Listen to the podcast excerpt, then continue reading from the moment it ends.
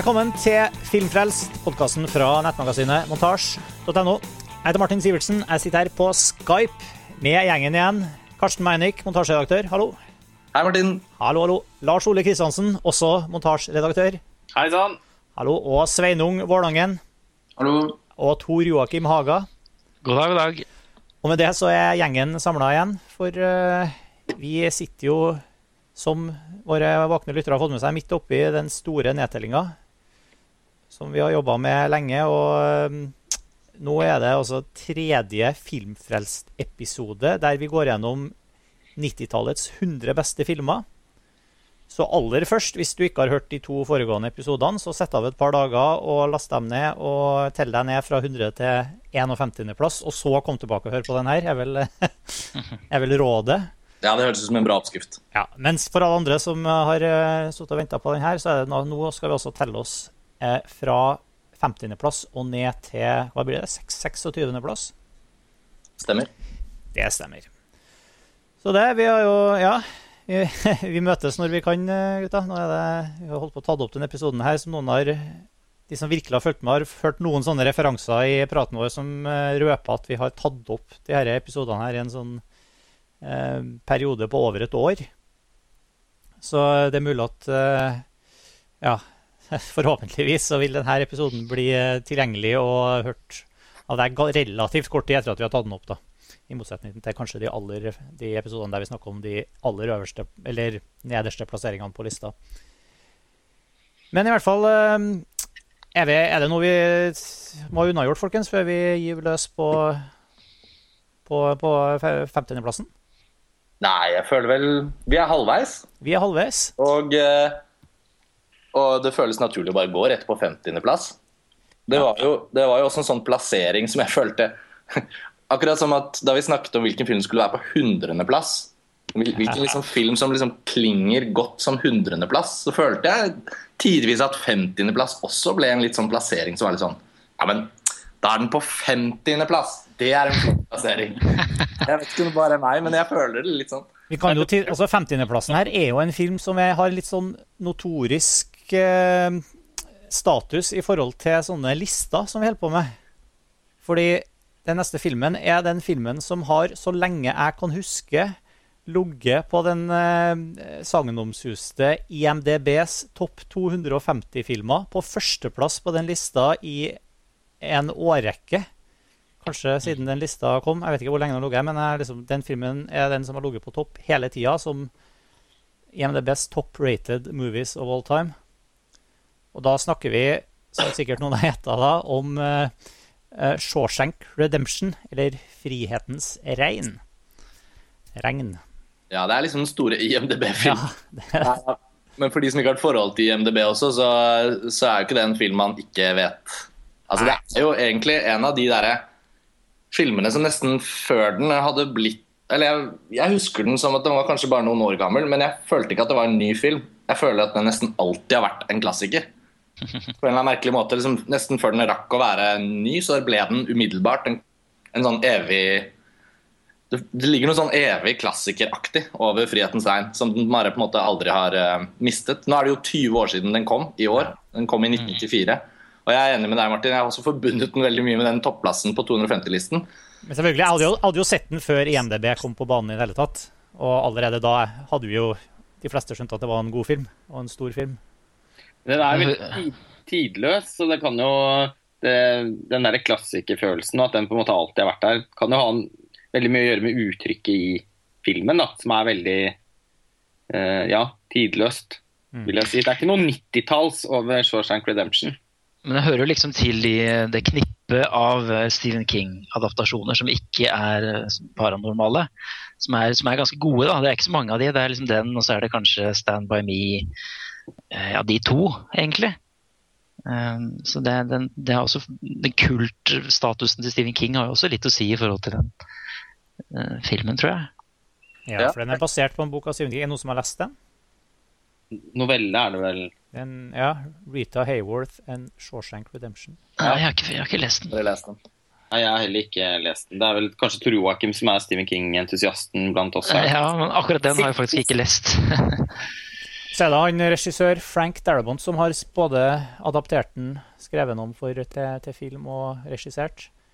Ja. Hva slags fyr er det, egentlig? Ja, nå er han jo mest kjent for uh, The Walking Dead.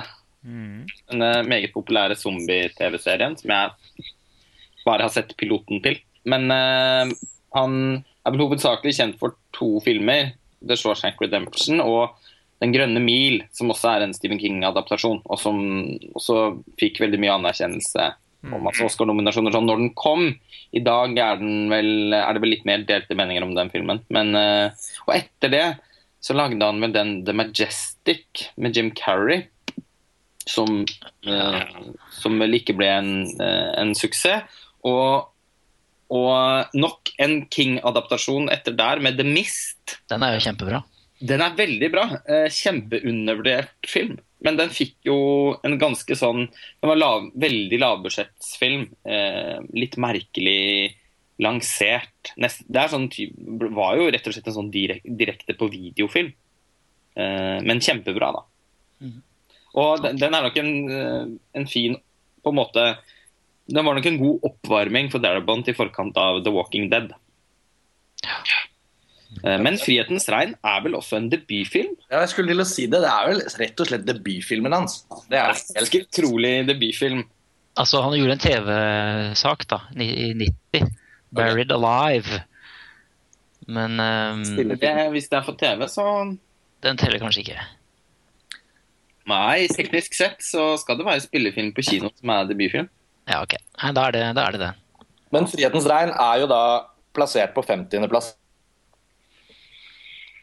Ja, det er jo oss som har da um, Jeg skulle til å si det er Morgan Freeman og Tim Robbins i, i hovedrollene. Det er jo en sånn um, På en måte er det jo en, en, sånn fengselsut... Great Escape-film. Men den er jo så mye mer enn det også.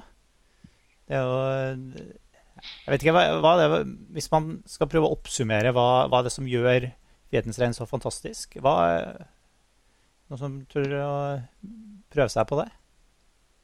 Jeg klarer det ikke. Jeg syns jo det er jo noe religiøst over hele filmen. Det er kanskje spesielt fordi Thomas Newmans eh, musikk, som jeg syns er den beste han har gjort, som har vel litt sånn religiøse undertoner hele tiden. Men, men det handler vel litt om det med valg og frihet og en del sånne ting. Ja, det er en veldig inspirerende historie. Liksom, og igjen veldig sånn klassisk med ja, holde på håpet og tro at det finnes en mulighet for, for en forbedring. Eh, og så ja, hele denne rømningshistorien som ligger til grunn. Jeg, jeg føler at det er liksom selve fortellinga der som har gjort at den har fått den statusen den har fått. da. Jeg er ganske enig i det. Jeg synes Den historien er jo helt utrolig rørende. Og, man, og når noen kjemper for rettferdighet, på en måte, når noen har blitt urettmessig dømt og sittet i fengsel år etter år og så får vi jo på en måte, I denne filmen så får vi jo liksom oppleve hvordan fengselet også blir livet hans, fordi han sitter der så lenge at til slutt så, så er det jo det som har vært egentlig en stor del av livet hans. da. Men så denne evige kampen for en rettferdighet og, og, og så liksom altså de siste 20 minuttene av Frihetens regn. Den payoffen som denne fortellingen gir, når vi har liksom vært med han Andy Dufresne gjennom hele den utrolige historien. Det, det er veldig få filmer som kan liksom levere et så perfekt sånn emos emosjonelt liksom, klimaks. Det, det er vel bare eh, den der tredje Ringenes herre-filmen som har like mange slutter som uh, Shawshank Redemption. ja. Eh, men altså Men jeg vil jo Jeg tenker jo Selvfølgelig, det er, det er selve historien. For den er jo Den har ganske mange sånn twister og sånn Det gjøres grep underveis som, som gjør at i hvert fall første gang man ser den, at den oppleves som veldig, egentlig veldig uforutsigbar. Uh, men jeg tenker vel at noe av kjernen i filmen er vel også skildringen av vennskapet mellom han Andrew Dufresne og han Red. Morgan Freeman sin karakter. Det er en veldig rørende skildring av eh, et vennskap som blir til under så forferdelige forhold over så mange år. Og det at, begge, at alle liksom gror seg fast i fengselet og og på en måte etter hvert aksepterer at, det, at, at begrensningene som fengselet gir, på en måte også skaper en form for trygghet. Og, og at de tilpasser seg på samme måte som et dyr som blir fanget, uh, som blir fanget i jungelen og som blir dratt til en dyrehage. Etter så, så mange år så venner, tilpasser dyret seg å bo i fangenskap. Og litt sånn er det med, med The Shawshank Redemption òg. Føler jeg at, at uh, at den viser hvordan fengselet kan Hvordan murene liksom kan Ja. Kan uh, forandre menneskene i såpass stor grad at de aldri nå, Nei, dette blir veldig banalt, da. Men eh, skjønner hvor jeg vil hen. Ja, ja, ja, altså, filmen diskuterer også dette her helt eksplisitt, så det er ikke en eller annen analytisk oppdagelse som jeg har gjort. Men eh, det er i hvert fall noe av det som jeg syns er mest gripende med filmen, er nettopp den skildringen av hvor, eh, hvor liksom hvor vans, hvor, altså at fengselet at, at, de aldri kan bli seg selv igjen. da, når de først, og Andy Dufresne, da, som også i tillegg er uskyldig, som sitter her inne i hvor mange år er det, uten å ha begått uh, den kriminelle handlingen som han er dømt for. At han, han kan aldri liksom få i utgangspunktet aldri få livet sitt tilbake. Men så er jo slutten på filmen antyder jo da heldigvis noe annet. Det går jo ikke så bra for han Brooks Nei. Den gamle mannen med den skjæra som Det er så mange rollefigurer som speiler hverandre. Du ser liksom mange versjoner av Andy Dufresnes skjebne gjenspeilet i mange av de andre rollefigurene. Og jeg kan godt se for meg at, at som en fortelling og som et manus, og liksom også hvordan det er løst filmatisk, så, så er jo på en måte 'Frihetens regn' et sånt erkeeksempel som på en måte alle burde lære. Og så se hva de gjorde. Uh, tenk på dette når du forteller din historie, liksom, eller et eller annet. I hvert fall i sånn klassisistisk eh, fortellertradisjon. da. Mm. Så 'Frihetens regn' Og det er en annen ting som jeg syns er så fint med den filmen, er jo at den er sånn helt universelt og unisont omfavnet. Jeg kjenner ikke, jeg har aldri støtt på et menneske som ikke liker 'Frihetens regn'. Jeg har støtt på noen som ikke liker det, men da er det litt sånn Da er det nesten så jeg føler at det er mest for å liksom markere en slags avstand til kommersiell film, eller Da blir det jo det blir jo nesten Det blir veldig vanskelig å ikke tenke at det er en viss form for posørvirksomhet gående. Noen som vil mislike Frihetens regn bare for å gjøre seg selv interessante for eksempel, i en samtale. eller et eller annet. Men jeg har aldri støtt på det. Ja, Det har jeg, men eh, jeg er helt enig i at det, det synes jeg faktisk blir veldig vanskelig å ta, ta seriøst. Det er ikke det alle skal få lov til å ha forskjellige meninger om, om alle filmer. Men akkurat å, å si liksom at 'Frihetens regn' er en dårlig film, det syns jeg blir eh, vanskelig fordi at uh, Rett og slett fordi også rent sånn Altså Håndverket er så utrolig bra, da. Det er jo Til å være en debutfilm, så er det jo helt, helt eksepsjonelt. Det er ikke mange debutfilmer som er som har den pondusen som 'Frihetens regn' har. Det virker jo som om Frank Darabont har laget film hele livet sitt. Ja.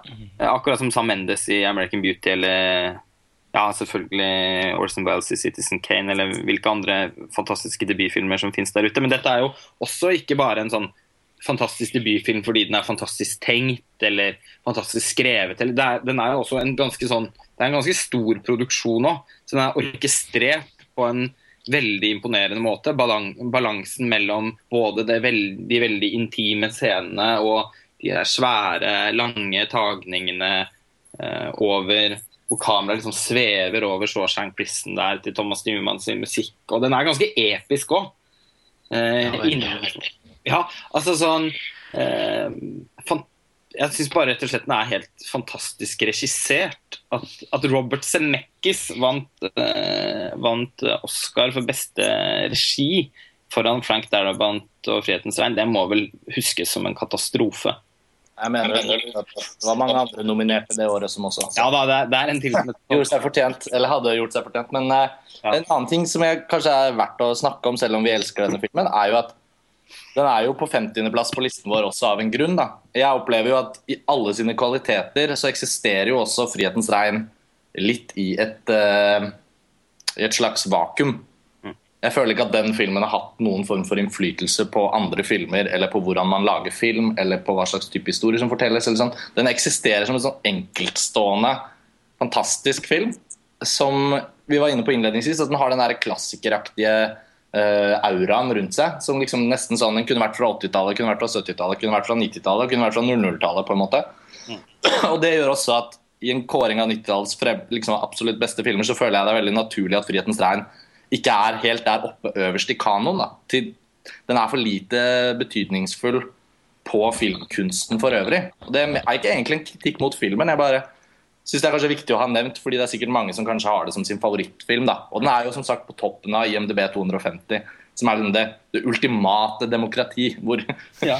hundretusenvis av filmfans har gitt den sine åttere, niere eller tiere på skalaen. Og så, og så det er det sikkert, ja, så er det sikkert da også mange som kanskje kan stusse når vi sitter og snakker om filmen i så eh, hyllende ordelag. Da. Det, nat altså, det har vi gjort på alle filmene på listen, på en måte, for det er en grunn til at vi er på listen. Eh, 50.-plass er jo kjempehøyt. Men ettersom denne filmen som du sier, er så universelt elsket, så, så kunne man jo også forestille seg at den skulle havne ganske enda mye høyere. Men jeg tror at eh, det handler på ingen måte om filmens kvalitet. Eh, eller liksom, den, den er bare helt Jeg syns den filmen er helt fantastisk. Eh, har sett den utallige ganger.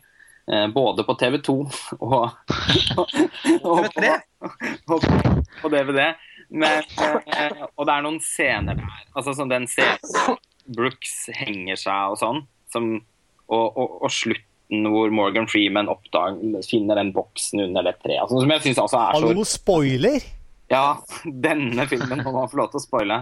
Eh, som er, jeg fortsatt egentlig tenker på som noen av de mest rørende filmsekvensene jeg vet om. Jeg, uh, Tårekranene skrus veldig lett på av den. Det er bare noe med den filmen som jeg syns er utrolig gripende. Og for min del så kunne den sikkert vært høyere på, på listen. Samtidig som jeg også vi hadde jo, Jeg tror mange følte det samme, men når vi satt og diskuterte, så så var det, og, så, og Grunnen til at den fikk nettopp denne 50.-plassen, den litt symbolske 50.-plassen, det handler jo om det at eh, både føles det ikke som en film som er viktig å liksom tre, løfte ytterligere fram, og eh, så har den rett og slett, som du var inne på da, Karsten, ikke noen Det er liksom ikke noe sånn ettermæle på den filmen. Frank Darabont har heller ikke blitt noen stor filmskaper. Eh, det er ikke noe spennende å se den i lys av noe Den er liksom bare helt for seg selv. Og det svekker jo ikke filmen som film, men øh, i det hele tatt. Men akkurat på en liste som den her, jeg føler at tonen i den listen vi har laget, akkurat ikke helt gir rom for at den er øh, helt i toppen, da. Bortsett fra den friheten, selve regnsekvensen, den er jo parodiert utallige ganger, hvis man skal trekke noen paralleller videre. Når de kommer ut av kloakkrørene der. Ja, og eh, hendene i været, og så er det kamera oppe i skyene. Ja, Det var vel PHS-coveret også back in the day, hvis ikke jeg husker feil. Ja, mulig det. Ja da. Det Den er jo Sim Simpsons og Family Guy, og den er jo overalt hele Ja, jeg skulle, jeg skulle akkurat til å nevne Simpsons. Det er jo ikke det at filmen ikke er parodert eller henvist til. Eller også til og med liksom i samtaler i andre filmer. og sånn, Det er jo Som et popkulturell referanse er jo filmen ubestridelig. Men, eh, men som Men den glir liksom veldig sånn glatt inn. Kanskje litt for glatt til å gli veldig langt opp på lista. ja. Nei, Det er bare noe med at kanskje Frank Darabont sitt avtrykk som filmskaper ikke har vist seg å være så betydningsfullt. Og det har vært en av de viktigste kriteriene våre når vi har vurdert filmer på listen. Og da har nok filmen eh, på en måte ja, fått denne 50.-plassen pga. det. Men eh, filmen er helt eh, Ja. Det er faktisk en av de filmene man kan si at den kan jeg se 100 ganger. Har du noe humor bak der nå? Ja, nei, Vi bare lo litt over å se den 100 ganger. Men eh, ja, nei, altså, hva skal man si? Jeg føler Jeg sa det som en sånn reklame... ja, Altså, sånn, det er jo en veldig den type film, er det ikke det? Jo, men oppsummeringsmessig sett nå, før vi går videre til neste film, så er det jo på en måte noe med at, at det er jo akkurat dette. Dette med at man Den føles liksom som en sånn pute på sofaen som har vært med i alle leilighetene du har bodd i. Ja. Så eh, all, honnør, all honnør til Frihetens regn. Men jeg føler ikke at det har vært noen stor uenighet oss imellom heller om den plasseringen. Selv om alle vi holder den veldig kjært, så har vi også følt at det har vært viktigere filmer å ha veldig høyt på listen. da. Det er jo en fin overgang fra denne til den neste, da. Ja, Som, som, dere, som dere er inne på nå. Ja. Det skjønner dere vel? En film som har satt kanskje enda Ja. dypere spor enn sånn film eh, eh, Sånn. historisk, kan vi si. Eller sånn filmfaglig, hva man skal si. Ja. Med, for på 49.-plass så har vi Quentin Tarantinos 'Reservoir Dogs'. For så vidt også en eh, debutfilm. Men her uh, har jo med en regissør som har liksom, ja, som kanskje har gjort det alt det, det vi nettopp, det nettopp inne på at Frank Darabont kanskje ikke hadde gjort. da. Og, og bare planta seg liksom som en sentral aktør og bare i, i, i filmhistorien og bare vokst og vokst og, og bygd liksom lagt lag på lag på sin egen legendariske status. Men, uh, men med 'Reservoir Dogs' så er jo den eh, eh, Det er i hvert fall den filmen som man oppdaga Tarantino med. Den første filmen hans som i hvert fall er fortsatt i dag liksom står igjen som den ultimate Tarantino-filmen.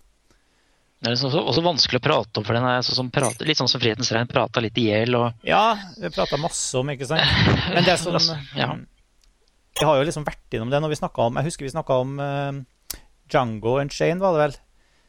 Da vi hadde den podkasten, så er det veldig sånn Det er flere generasjoner med, med, med Tarantino uh, opp, uh, Altså hvordan, hva slags forhold folk har til Tarantino. Da. Og jeg tror liksom aldri jeg kommer unna at det Um, Reservoir Dogs som liksom ligger, ligger helt på, på topp og liksom var det første møtet. og sånn, mens, mens, det er jo veldig mange som har uh, Kill Bill som, som, liksom den store ja, Vi trengte å gå inn på hele den diskusjonen igjen. Det er bare interessant å liksom jeg tror det veldig, har veldig mye med liksom, Det er generasjonsbestemt, eh, tror jeg. Mm. Jeg som jo da er den yngste her Eh, For meg kan jo liksom aldri noe toppe Kill Bill.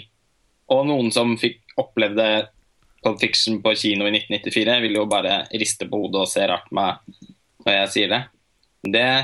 For meg er det liksom helt stor Jeg hadde sett Tarantino sine to De andre Tarantino-filmene før, før, de filmene kom på kino, men, men det var likevel Men det å se Kill Bill på kino, det var liksom helt ja, Kan aldri toppes, da.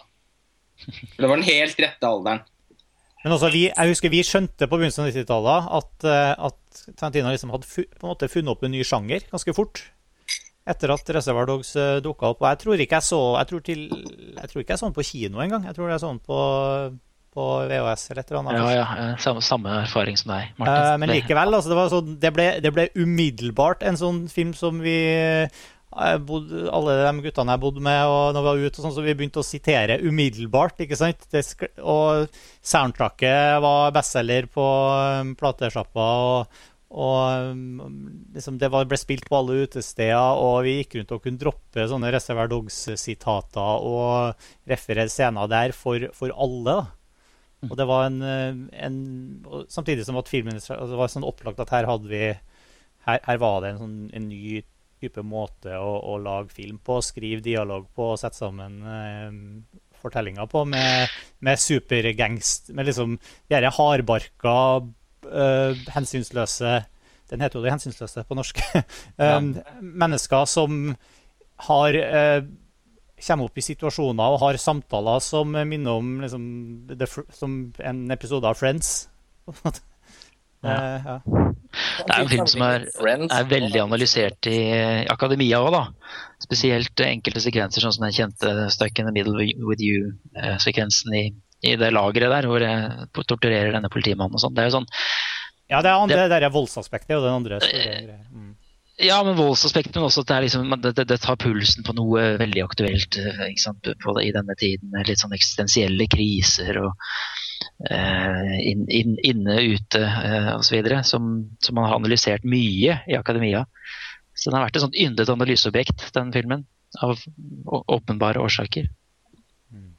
Jeg, er jo bare ett år eldre enn deg, da, Ole, men uh, Ja, altså vi er jo liksom i samme Ja, men jeg, jeg, for meg var det også veldig eh, stas når Kill Bill kom på kino, å se den se liksom, endelig en Tarantino-film på kino. Men faktisk så Reservoir Dogs den, det var også veldig lenge i hvert fall min sånn Tarantino-film. fordi det var faktisk den første Tarantino-filmen jeg så. Og det var også Jeg tror fortsatt det er den eneste filmen som jeg da når jeg så den på video Jeg satte den på på nytt rett etterpå. At jeg var ferdig med å se den.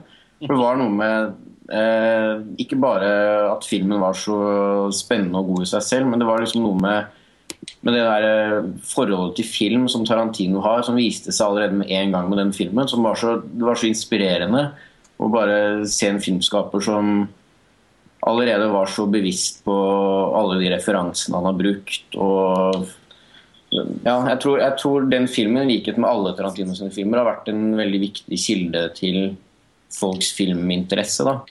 Um, den, ja, selv om den kanskje er, den kanskje ikke er like tydelig uh, i sine referanser som Kill Bill, så er det liksom Det er noe med bare den inngangen den filmen er. liksom så mye altså, eldre asiatiske filmer. Den er vel også mer eller mindre en kopi av en uh, asiatisk film uh, Hva heter den igjen? Husker jeg ikke navnet. Men ja. Men jeg synes det er ganske interessant, for at du trekker jo fram det her som at, at det, det, handler om uh, hans, Tarantinos enorme sånn, uh, leksikalske filmkunnskap og, må, og, måten å gi homasjer og referere og, og sånt. Men som, som, også, som, også, er liksom en helt Pandora, sånn annen måte å bli veldig rik på en sånn Tarantino-film på, når du ser det. Mens for jeg husker veldig godt at det var veldig lite det som gjorde at vi omfavna den filmen. Kanskje mest fordi at vi ikke er i stand til å plukke opp alle de referansene, men at den, den har jo en sånn definerende Altså den lager jo sitt eget referansemateriale samtidig, ikke sant? Den er så definerende i det den gjør som, som selvstendig ja, absolutt. Det... Um, verk òg. At den, liksom, den, har en sånn ubenektelig kulhet, da, som, som alle Tarantino-filmer selvfølgelig har. Selv om um, også på mennesker som ikke er i stand til å snappe opp en eneste referanse til uh, en uh, samurai-film eller til tidligere westernfilmer. eller ja, ja, men bare øh, for å svare på det, så Jeg tenker ikke på sånne direkte referanser. Jeg, for jeg hadde ikke sett så mye film når jeg så den, at jeg liksom kunne si at det er tatt fra den filmen, det er tatt fra den filmen. Men det er noe med hans sjangerbevissthet, og at man bare merker at det, det her Jeg vet ikke, jeg bare, jeg bare merka allerede når jeg så første gang at det her er en filmskaper som virkelig elsker film, og det reindyrka uttrykket hans. det handler også om at han har sett mange andre filmer og eh, Jeg vet ikke, jeg, jeg, jeg fikk liksom så lyst til å bare eh, lese mer om Tarantino, hva, hvilke filmer han hadde sett, og så åpna det seg liksom nye dører. Ja, jeg er veldig enig i akkurat det der med at Reservoir Dogs og Tarantinos liksom inntrykk i filmkulturen representerte en ekstrem kilde til inspirasjon for veldig mange bl.a. oss, da, vår generasjon. Mm. Dette var også den første Tarantino-filmen jeg så. Og jeg, og jeg, kjenner meg veldig igjen i det du sier med Sveinung. Med liksom, man setter seg ned og ser den filmen, og man kjenner bare at liksom, man får lyst til å bli interessert i film mer enn man var. Den har en sånn friskhet. og det, det, er ikke mange år siden jeg så den igjen. og Jeg har sett den så mye opp gjennom årene at jeg hadde ikke noe akutt behov for en sånn oppfriskende gjensyn. Det er sånn at Når jeg setter på den filmen, så føler jeg nesten jeg kan snakke med dialogen mens mm. jeg ser den, for jeg kjenner den så godt. Og det var liksom Det er veldig sjelden.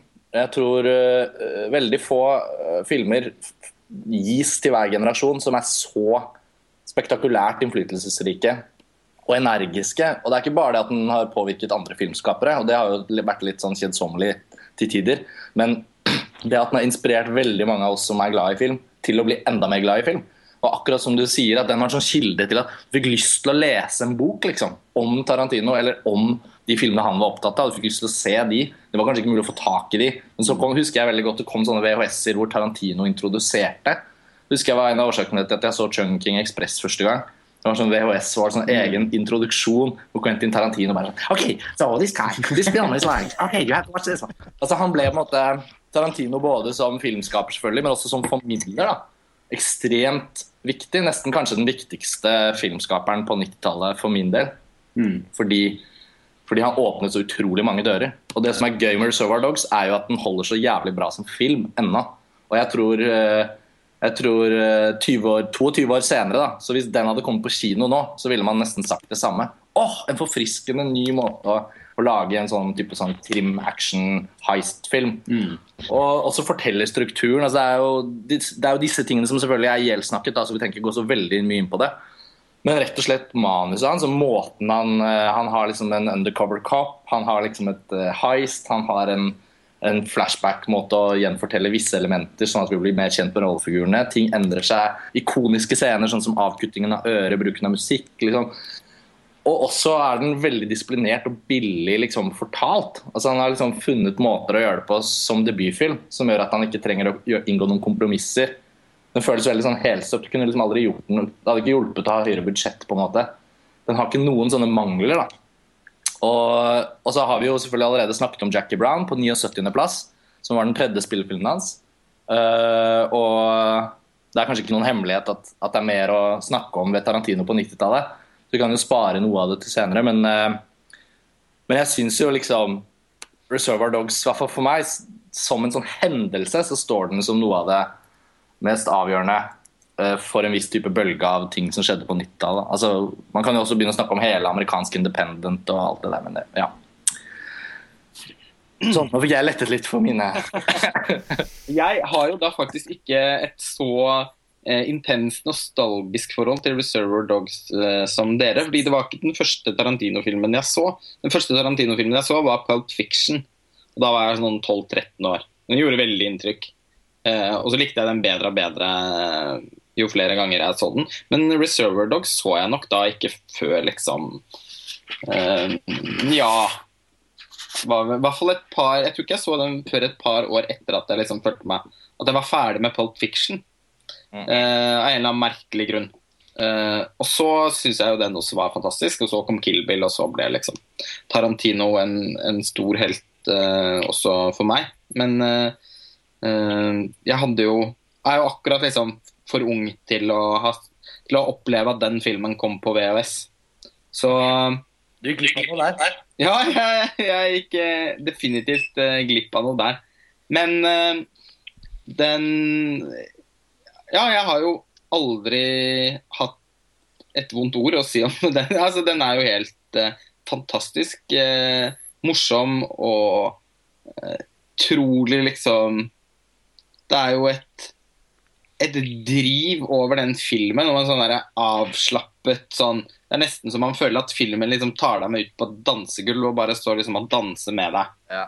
eh, i 90 minutter, eller hva den varer. Altså sånn Den er jo Den er jo helt fantastisk. Men den har aldri vært min nummer én Tarantino-favoritt, da. Sånn som jeg skjønner at den faktisk er for eh, en del andre rundt Ja, men jeg vet det virtuelle. Det om at folk den som nummer én per definisjon, men jeg tror den har vært den viktigste inngangen til Tarantino for veldig mange. da. Det er vel det Martin sier, og jeg sier litt her. Og Ja. kanskje du også sa Det er heller ikke min Tarantino-favoritt nå, men den var det Og det betyr ikke at jeg liksom nå tenker at nei, den er ikke så god, men, men den men, Den er mer sånn prototypisk.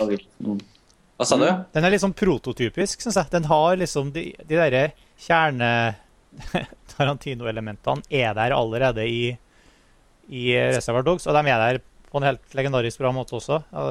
Klart, det, det, du har liksom ikke det, det som kanskje ikke er her, er de og, Altså, det er produksjonsbudsjettene og, alt- og den derre eh, kanskje eksessive scenografien og sånn som du får i en del sånne senere vekk, men den har alle de alle de, altså, kjernen i de her fortellertekniske grepene og de her rundbordssamtalene med og det, det som jeg selvfølgelig med å referere til at det er sånn Friends eller Seinfeld-episode, så det var selvfølgelig ikke måten de snakka på, men det de snakka om. Ja, nettopp at de snakker om, Ja, eh, om hverdagslige ting som, som og sånn. du ikke er vant til å se gangstere snakke om. på en måte. Og, Ja.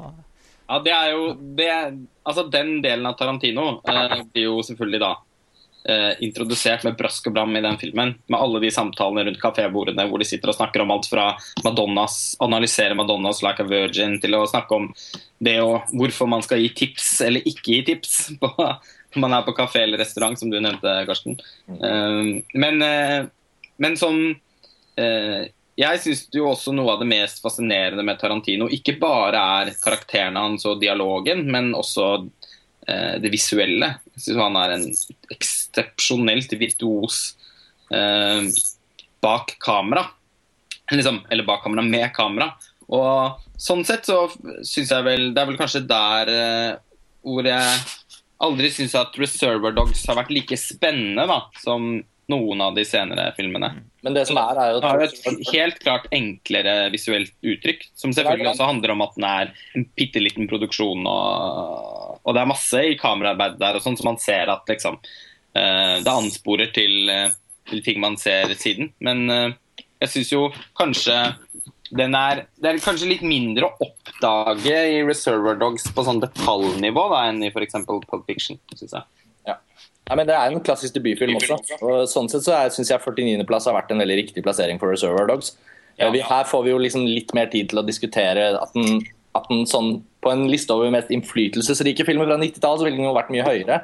Men, Ja. eh, men når vi nå ser eh, 90-tallet som en helhet, og vi også kjenner Tarantinos karriere, hvordan den har utviklet seg altså ja, Det er den perfekte debutfilm. på en måte. Den er liksom skrevet for å kunne bli lagd uten at noen må si nei, dette har vi ikke råd til, eller dette har vi ikke råd til.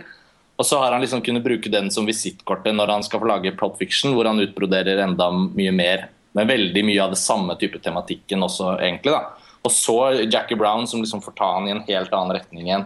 Uh, og, og nå selvfølgelig, når vi har vært inne på det, Kill Bill og alt som har skjedd siden da. Så det er jo liksom sånn, det er jo egentlig fantastisk fin progresjon i hvordan Tarantino liksom legger sten på sten med hver film, og får liksom både selvfølgelig friheten til å gjøre Nå har han jo full frihet til å gjøre som han vil, da. Ja. Men, men uh, Reservoir Dogs blir da nettopp det er, ingen, det er ingen av oss tror jeg, som setter den som nummer én av alle Tarantinos filmer. Og også sett i lys av andre filmer fra 90-tallet, så er den ikke helt enestående som gjør at den skal være liksom helt oppe i noe toppsjikt. Men i sin liksom både filmhistorisk sammenheng og sånn som den er i seg selv, at den er liksom helt perfekt som en sånn type heist-film, eh, så syns jeg den har funnet seg en veldig sånn fin eh, balanseplass på listen, da, hvis man skal oppsummere litt. Dette høres ut som samtalen vi hadde når vi plasserte den på 49.-plass. Ja. Så, Akkurat hakket viktigere enn Frihetens regn. ja, og, det er, og den, Det er, den jo. mer, den er jo viktigere og mer innflytelsesrik. Men, sånn, eh, men det er ikke noe tvil om heller at jeg føler jo faktisk ikke at det er en spoiler å si at det kommer en Tarantino-film til på listen. Nei, vi, vi, vi fortsetter Tarantino-praten når vi Og kommer. vi fortsetter Tarantino-praten da, og, og den filmen er vel kanskje totalt sett da enda mer sånn komplett som Tarantino-verk.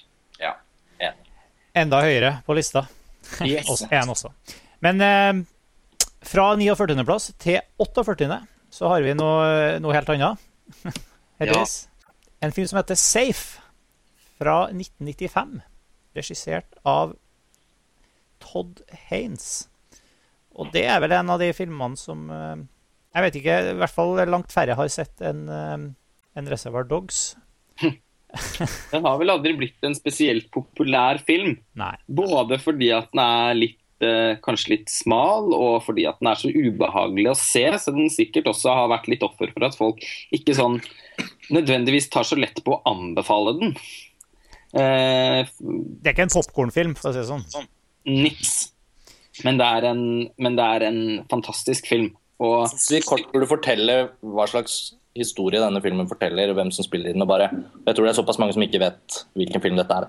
Ja, fordi den eh, Julian Moore spiller da hovedrollen som Carol White, som er en eh, sånn overklassefrue som tilbringer dagene sine hjemme i et sånn kjempestor, en kjempestor villa, hvor hun liksom danser aerobic til Madonna og går rundt i rosa tights og inn, hele tiden innreder den, dette kjempemessige huset med designmøbler og gjør en hel masse på en måte dypest sett tomme, meningsløse ting for å fylle eh, tiden sin.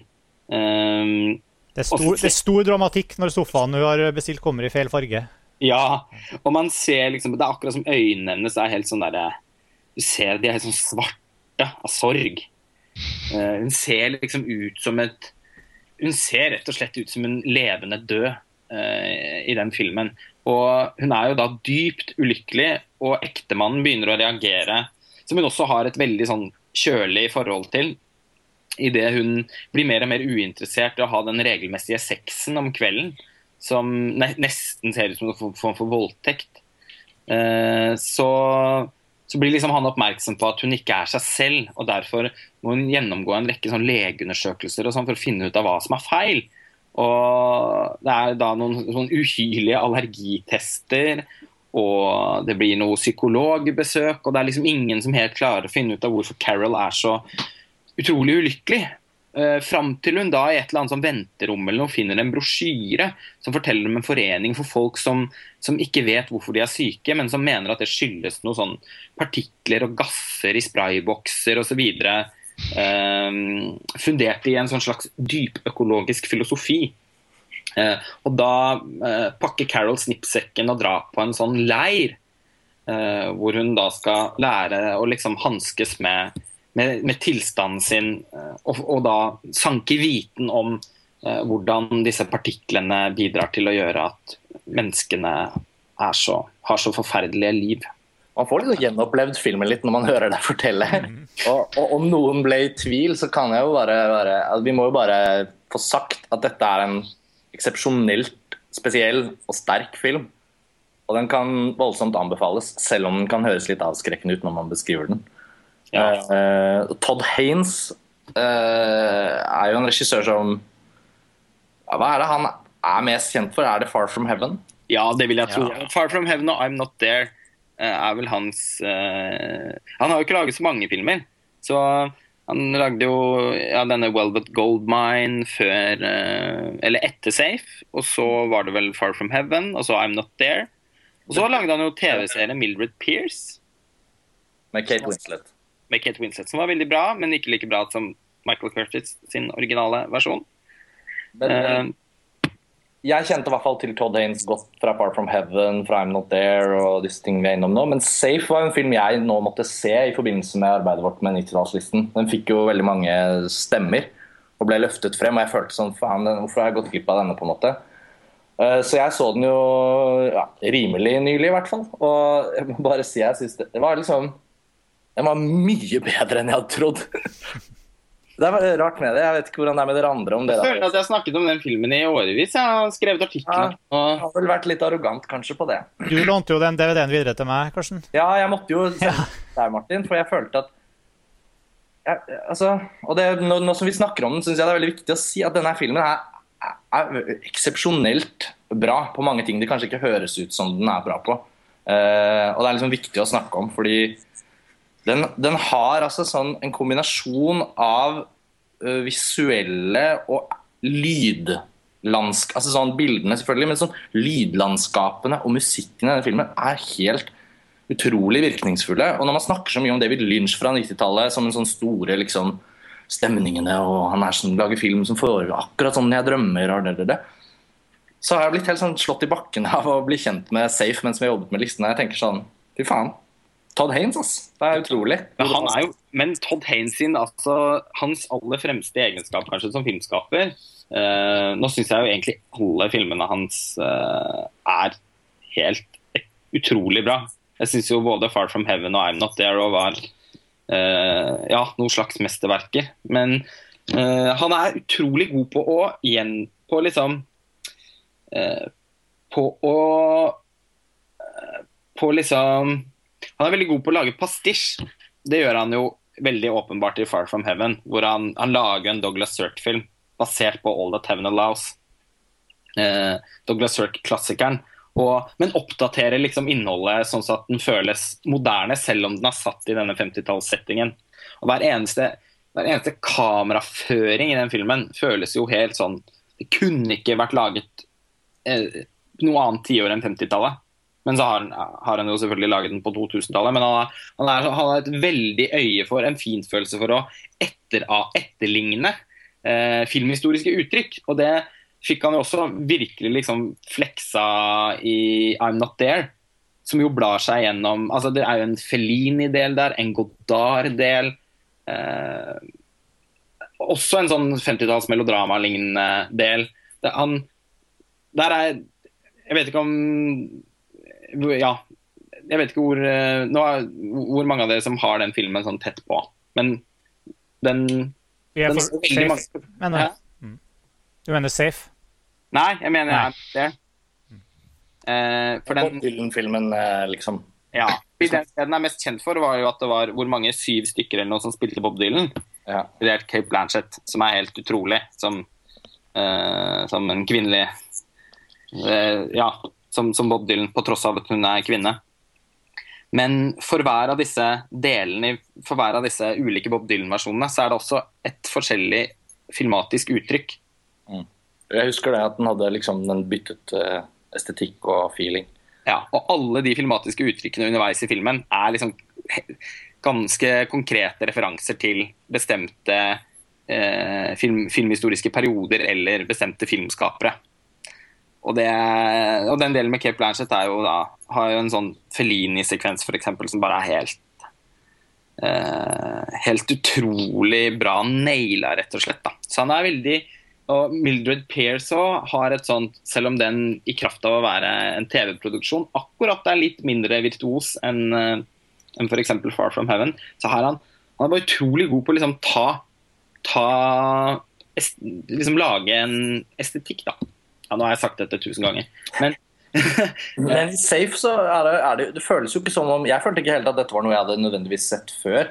Uh, er det bare jeg som har liksom sett den? Martin, du har også sett den nå for første gang? Ja, og det er kanskje som jeg kanskje reagerer aller mest på, som jeg syns gjorde den så utrolig god og sterk, er at den er veldig eh, spesiell da, i uttrykksformen. Og den setter deg i en slags sånn eh, ja, lynsjaktig eh, mottaksmodus for, for, liksom, for hva man vil få ut av filmen. Men, men, først og fremst er det jo en film som vekker veldig stort ubehag. Og litt sånn Ikke som en, først som en skrekkfilm, eller sånt, men en slags sånn eh, jeg synes Den har veldig mye å si. og Den liksom tvinger deg til å se veldig mye på, på mennesket som sådan. og den, Noe av det første jeg reagerte på da jeg fikk DVD-en, var jo hvordan den så ut som en 80-tallsfilm på, ja. På ba, bare fotoene og sånn. Den, den, trekker sammen alt det herre jappetida, konsumerismekritikken, New Age, psykoterapi, forskjellige former for uh,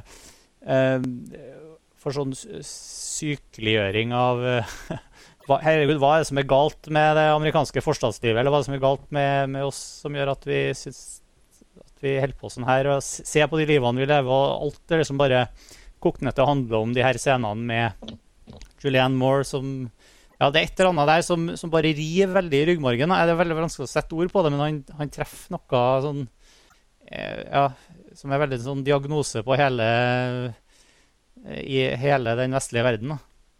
Nå sa jo du det jeg skulle fram til, som var veldig bra at du sa. Eh, at du fikk følelsen av 80-tallet når du ser filmen. Mm. Ja, og bare for å fullføre det poenget mitt med, eh, med Todd Haynes som, eh, som på en måte stilist, da.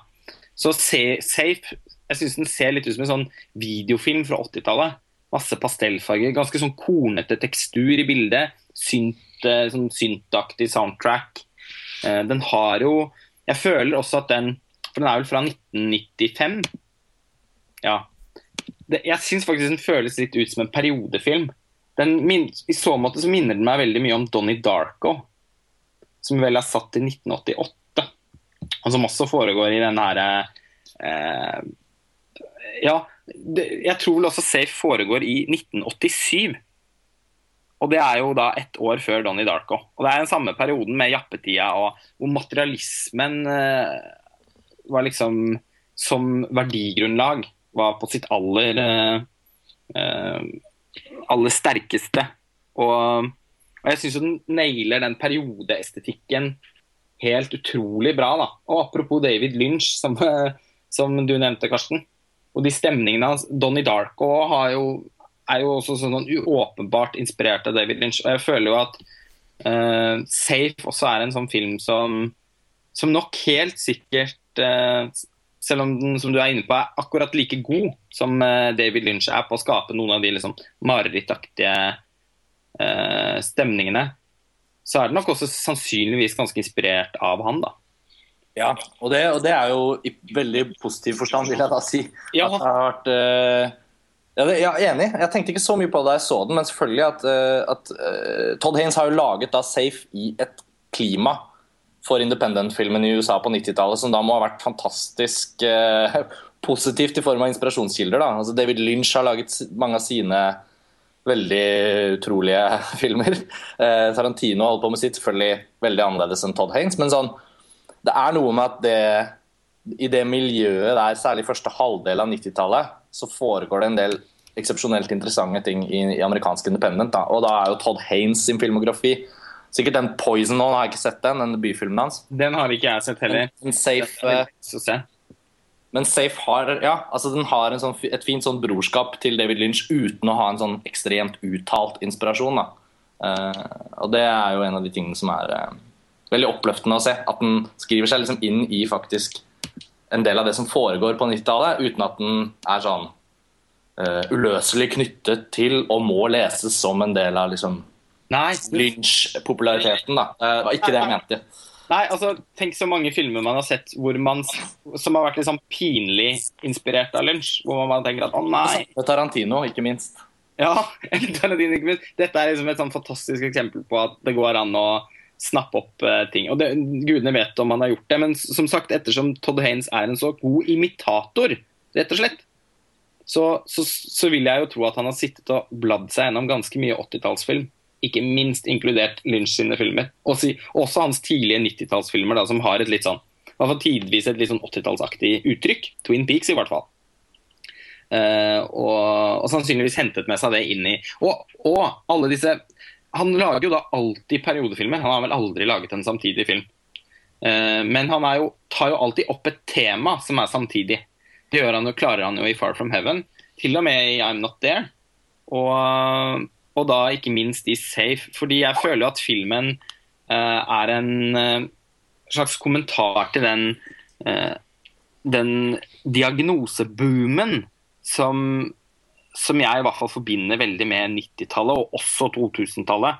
Eh, Det var liksom Jeg, husker at det var folk ble liksom Det, et- det oppsto et sånn allergi- og livsstilssykdomsvelde. Hvor liksom folk ble allergitesta for, for de merkeligste ting. og Barn fikk eh, astma og allergidiagnoser og ADHD-diagnoser litt sånn over en lav sko. Husker at det var eh, det, det er noe jeg forbinder med 90-tallet da jeg vokste opp og gikk på skole. At det var så utrolig mange som hadde, hadde sånne sykdommer som jeg aldri helt forsto hva var. Eh, og det har jo tatt helt av på 2000-tallet òg, hvor jeg føler at alle former for diagnoser uh, og allergier er uh, enda mer holdt på å si, i vinden enn før. Og nå mener jeg ikke å nedvurdere folk som altså, Jeg nedvurderer ikke det medisinske og det vitenskapelige som ligger i at, at, at disse diagnosene faktisk fins. Men det er vel også en tendens med at, at mange mennesker forsøker å sette ord på en eller annen ubestemmelig følelse. En, annen, uh, en følelse av å være ulykkelig eller usikker eller ikke helt finne seg til rette, som gir fysiske utslag. Uh, psykosomatiske utslag, rett og slett. Og som ved å feste de følelsene eller de fornemmelsene på, på noen diagnoser, så kan man enklere på en måte rasjonalisere og håndtere, og, og håndtere de følelsene, da. Er, hvis, hvis dere er med på Ja, veldig. Ja. Veldig, veldig. Det er jo det som jeg oppfatter også som mye av, mye av det filmen handler om, rett og slett. Så, men, men selvfølgelig da knytta til at her, det er et eller annet veldig rart med måten vi med, med de idealene vi setter for hvordan vi skal leve livet vårt. Mm. Um, og, altså, det er et eller annet som, som gjør kanskje mennesker syke, da. Som, som uh, ja. Eller som rett kanskje bare er del av den menneskelige tilstanden vår. Og så prøver vi å finne, finne ting som, uh, som skal på en måte forklare det, eller som skal forsvare leg Legitimere måten vi har det på for oss sjøl. ja. Det er liksom om nettopp det her eh, Og det er ubehagelig. Ja, det er veldig ubehagelig. Og det er den Fordi filmen Det er akkurat som du sier, at de, krav, de rammebetingelsene som vi setter for livene våre, og de kravene vi stiller til oss selv, de gjør at mennesket ofte er veldig sårbart for å, å føle seg utilstrekkelig. Eh, og at den følelsen eh, At, at det, det gir seg utslag eh, gjennom at vi reagerer med med å få fysiske også få fysiske plager. Da. Folk som er veldig eh, nervøse, f.eks. har veldig ofte mye vondt i magen. Eh, og, og, at, og at det også på en måte blir sånn at det avslører en utilstrekkelighet som, som da igjen eh, må, må forklares på en eller annen måte. Eller systematiseres som, som en faktisk lidelse som man liksom ikke kan gjøre noe med, men som man gjør grep for å håndtere. Og at det dermed er lettere å få aksept for Jeg føler jo at Julia Moore sin karakter i filmen søker etter aksept for måten hun føler seg på. Eh, og går da veien innom både da allergier og eh, depresjoner, samtaler med psykologer, og til slutt før hun havner på denne sinnssyke campen. da. Med hun dama fra Donnie Darko til alt overmål. Det er, det er en sånn temafilm. På en måte, det, det er safe for oss å liksom, snakke om og for å liksom eh, tenke på rent tematisk, er jo en av de store tingene den får til så bra. Eh, Derfor også naturlig å snakke om sånn som du gjør nå, Lars Ole. At, det, at det på en måte, når man snakker om safe, så får man lyst til å snakke om det den handler om. på en måte. Eh, Og jeg føler jo at i og med at jeg også selv har oppdaget filmen i forbindelse med dette arbeidet vi har holdt på med med 90-tallslisten, så føles den som en sånn veldig sånn her film man har lyst til å liksom anbefale. Den er det ikke så mange som har sett, tror jeg, og den føles sånn Den må dere se, på en måte. Uh, uh, og det er gøy med de filmene på listen som ikke er like altså 'Frihetens regn' er det jo liksom litt sånn Den føler jeg ikke at det er en anbefaling, på en måte, fordi den har alle sett. Men 'Safe' derimot er en film som, eh, som ja, ja, du har kjempet for den selvfølgelig i mange år, Lars Ole, men den har liksom ligget litt og vaket. eh. Men den fikk mange stemmer fra de som har vært med å stemme. Den gjorde faktisk det. Og den var veldig anerkjent på 90-tallet. Altså, den ble det, eh, Jeg har bl.a.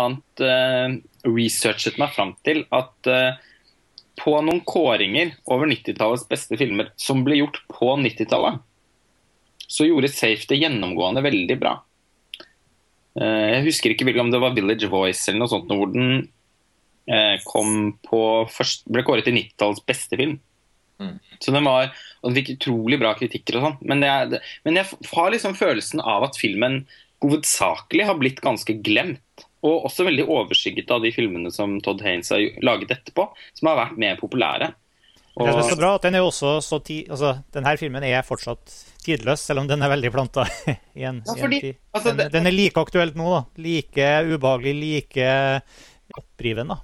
Den er like rammende nå, fordi i vår tid har veldig mange av de samme tendensene som man så på slutten av 80-tallet òg. Den sinnssyke formen, den sinnssyke materialismen og øh, den Fokus på kropp, ikke minst. Liksom, velbehage og helse. og liksom tenker Ja. Alle disse stakkars rosa-bloggerne rundt omkring i verden som er så opptatt av eh, De burde jo få en runde med Todd Haynes, Safe og Julianne Moore, kanskje de.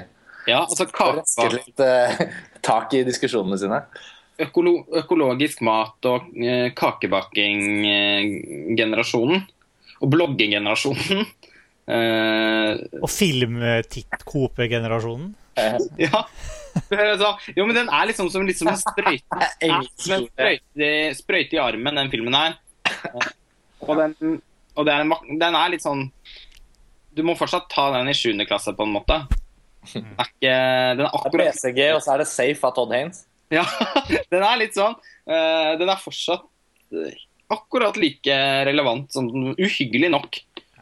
Og, og hvis det er noen som trenger en litt sånn hook eh, inn i liksom Fordi jeg tror nok fortsatt kanskje at filmen hovedsakelig kan høres ut som en ganske sånn tung og fæl film å se.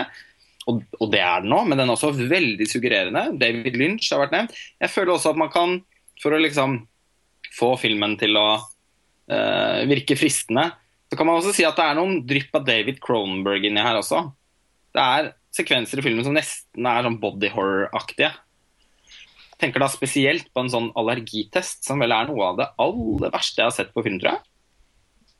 Og så er det vel også en veldig god eh, prestasjon av, eh, av Julianne Moore. Det er jo den første, også den første hovedrollen hennes. Det er jo de som er interessert i den, den vinklinga.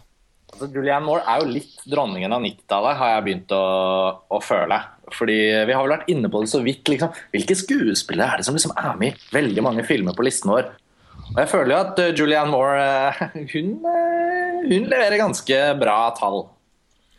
Ja, hun gjør kanskje det. er ikke det. Er hun med i Hun er i hvert fall med i to. Ja, Vi har ikke snakket om alle filmene hun er med i ennå, men vi har jo snakket om Shortcuts av Robert Altman. Som hun er med i. Og så nå snakker vi om Safe. Og om ikke så lenge så skal vi snakke om enda en film hun er med i. Og det kommer flere. Så, og Julianne Moore var jo på en måte også en litt sånn ikonisk eh, indie, amerikansk indie-skuespiller i, eh, i, seg selv. da. Uh, denne Julianne Moore-tråden er riktignok ikke noen god bro til neste film. Jeg men, men den her, å lage bro til neste film, men jeg klarer ikke helt Jo da, den her amerikanske indie Du snakker mye om hva de holder på med i USA. Ja. Vi holdt på med noe helt uh, annet vi på, i Skandinavia på midten av 90-tallet. Med Lars von Trier i spissen med det her dogme.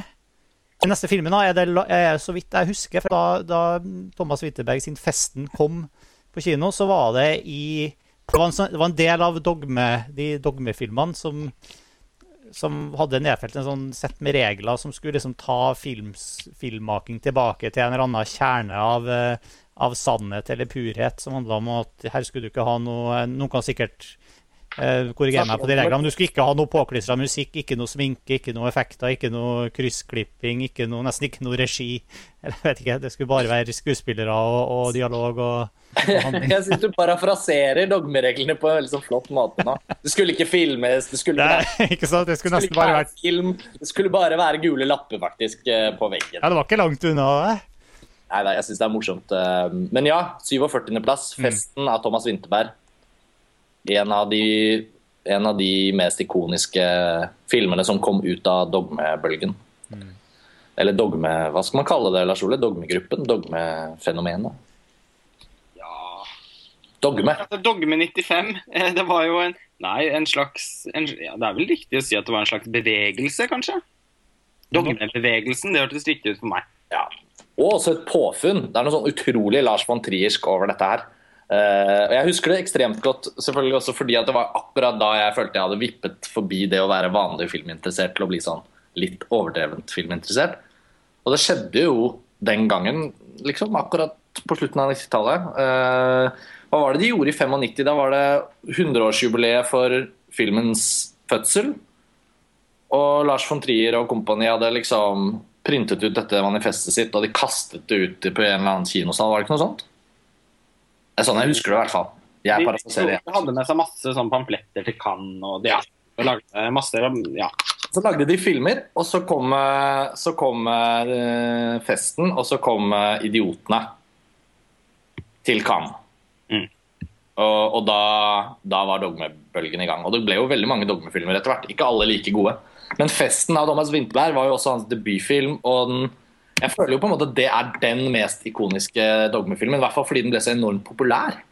Ja, den, altså dette er jo blockbusteren ja.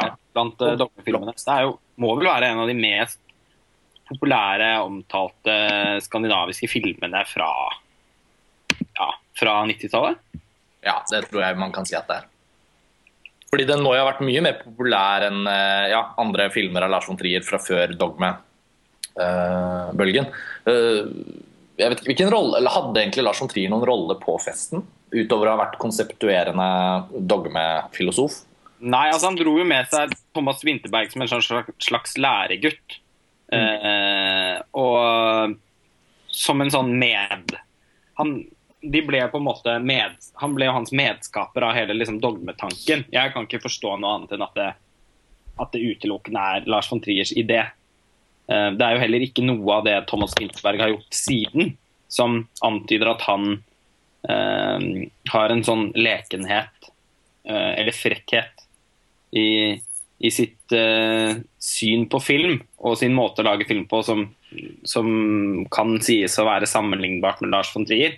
Så jeg har vel mest inntrykk av at, av at Lars von Trier hadde, hadde, lagt merke til Thomas Winterberg og dro han med seg på dette her som en slags Sikkert litt eh, for, for, å, for, å, ha en sparringspartner, da.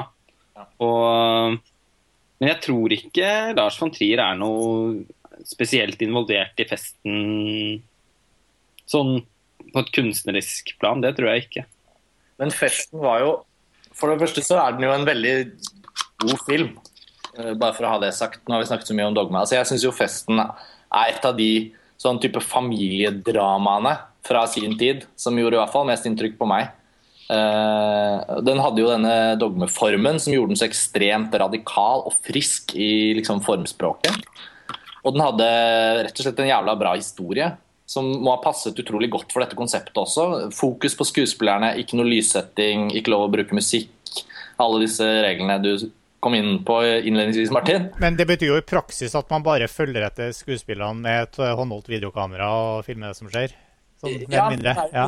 Det er jo et veldig, veldig åpenbart og veldig klassisk strukturert manus her. Så det er jo ikke noe sånn improvisert handling eller improvisert historie. Men det er jo på en måte utformingen av dialogen, hvordan, hvordan iscenesettelsen av de respektive scenene, ikke minst klippingen til Alice Oscarsdottir, som får en sånn helt egen energi nettopp fordi at filmen er filmet med håndholdte videokameraer. og det er liksom eh, Plasseringen av kamera har aldri stått i veien for hva en skuespiller kan gjøre med scenene i festen.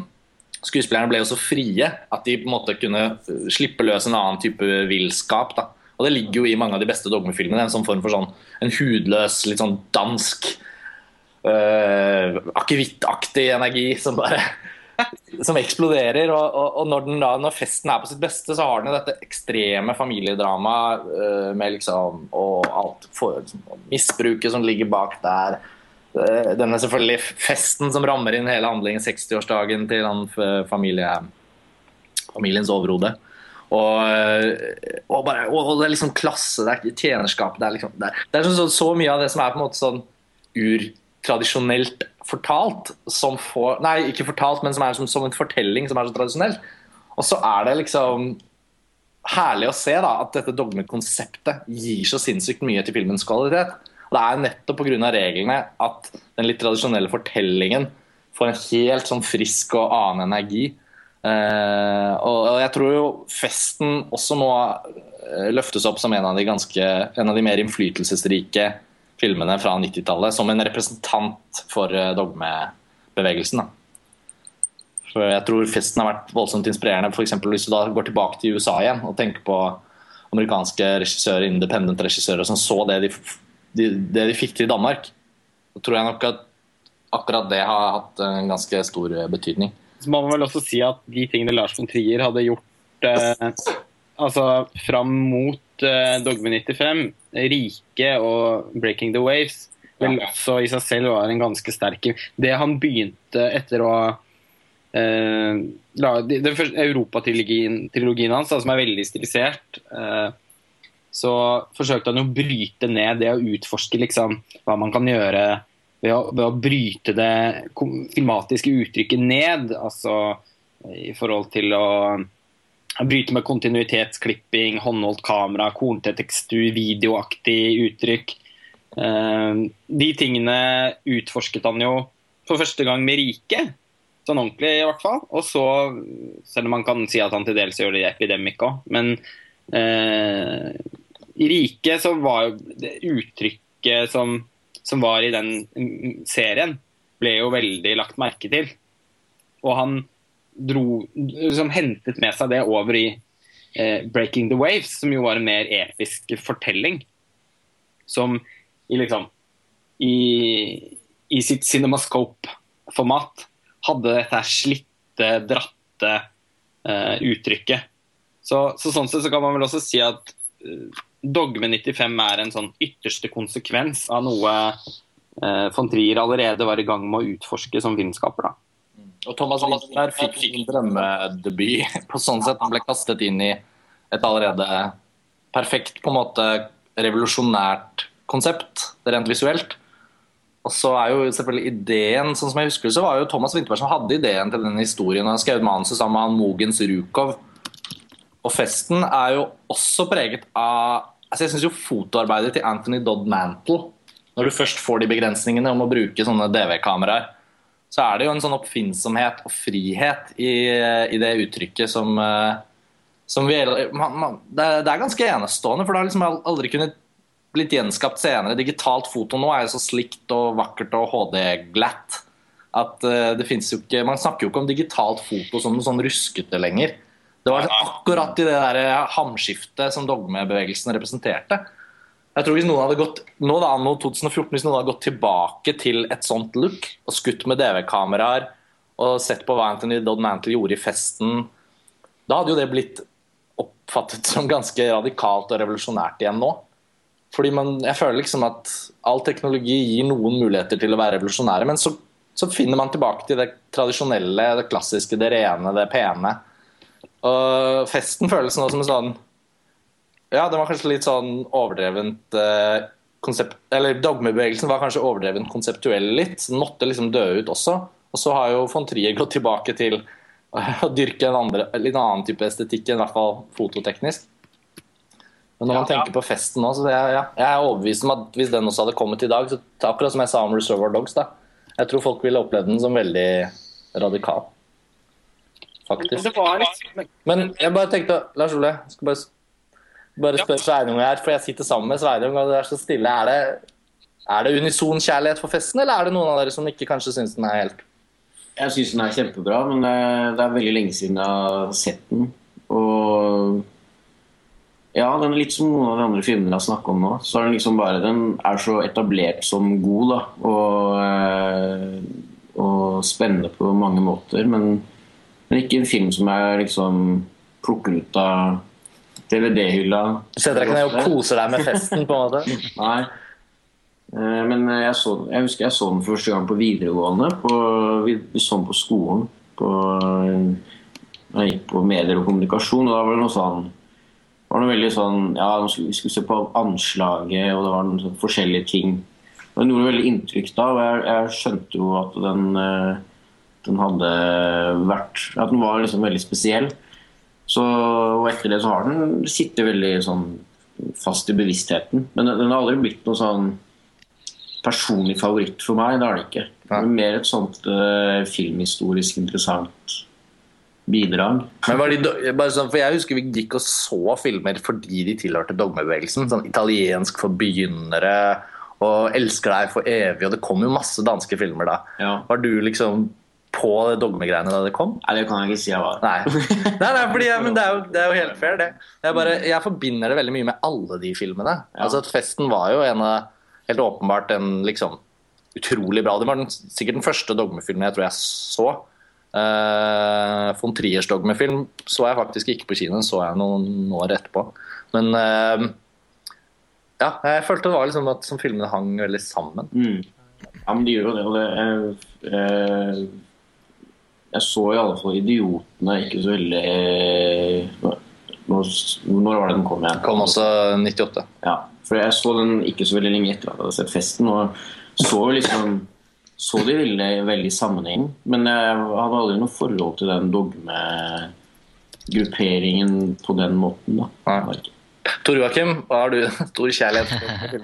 Nei, jeg, Oi, jeg har ikke snakka på en stund. Jeg mista stemmen.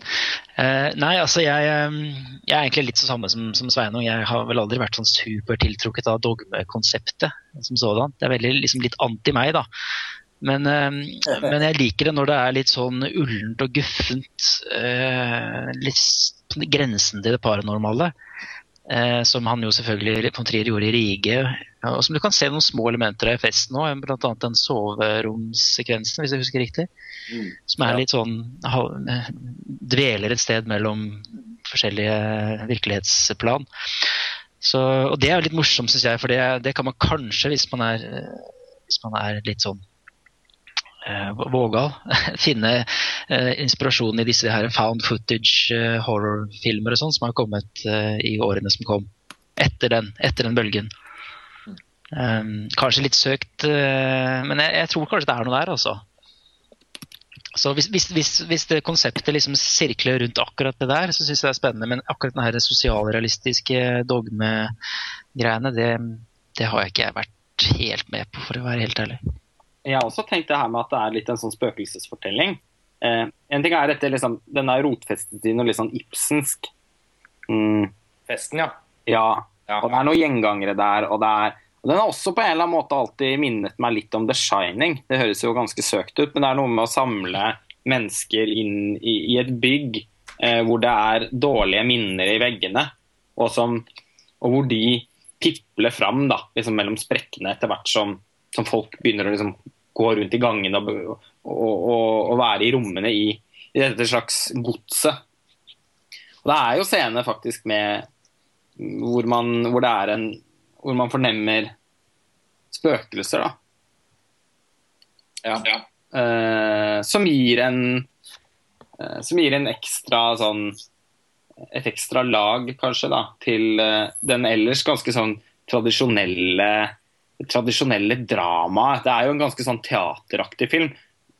nå har jo også, Festen har jo også blitt eh, satt opp som teaterstykke også i Norge flere ganger. Mm. Så den egner seg veldig sånn Den er litt sånn scenebundet. Og nettopp eh, dogmeformen og Anthony Dodd Mantle sitt foto som du var inne på i stad, Karsten, er jo, er jo det som løser opp og, eh, og liksom også intensiverer eh, dramaet, da.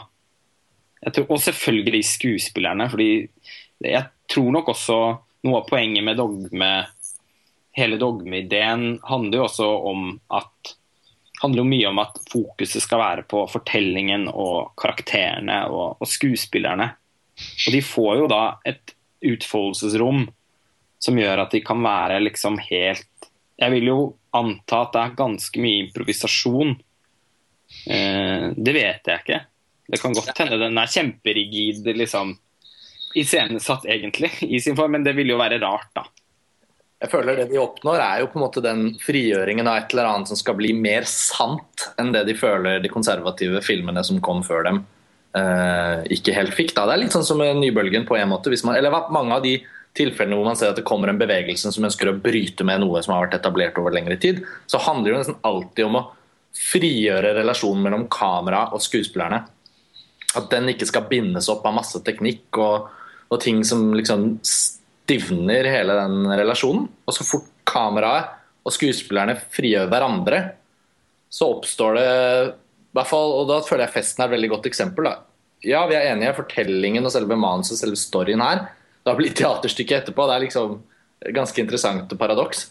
At det har liksom funnet sitt hjem på scenen, hvor det hvor det liksom uh, føles etter replikker og det spilles ut etter familiedrama. Men, men, i denne filmen så er det jo nettopp det at Anthony Dodd Mantles liksom, hans kamera, hvordan det beveger seg, og relasjon til skuespillerne, og friheten skuespillerne har fått til åpenbart, i hvert fall å improvisere dialog da, innenfor ja, manusets strukturer, det, det, skaper jo denne ekstreme uh, autentisitetsfølelsen i familiedrama, som gjør dramaet i seg selv veldig mye sterkere.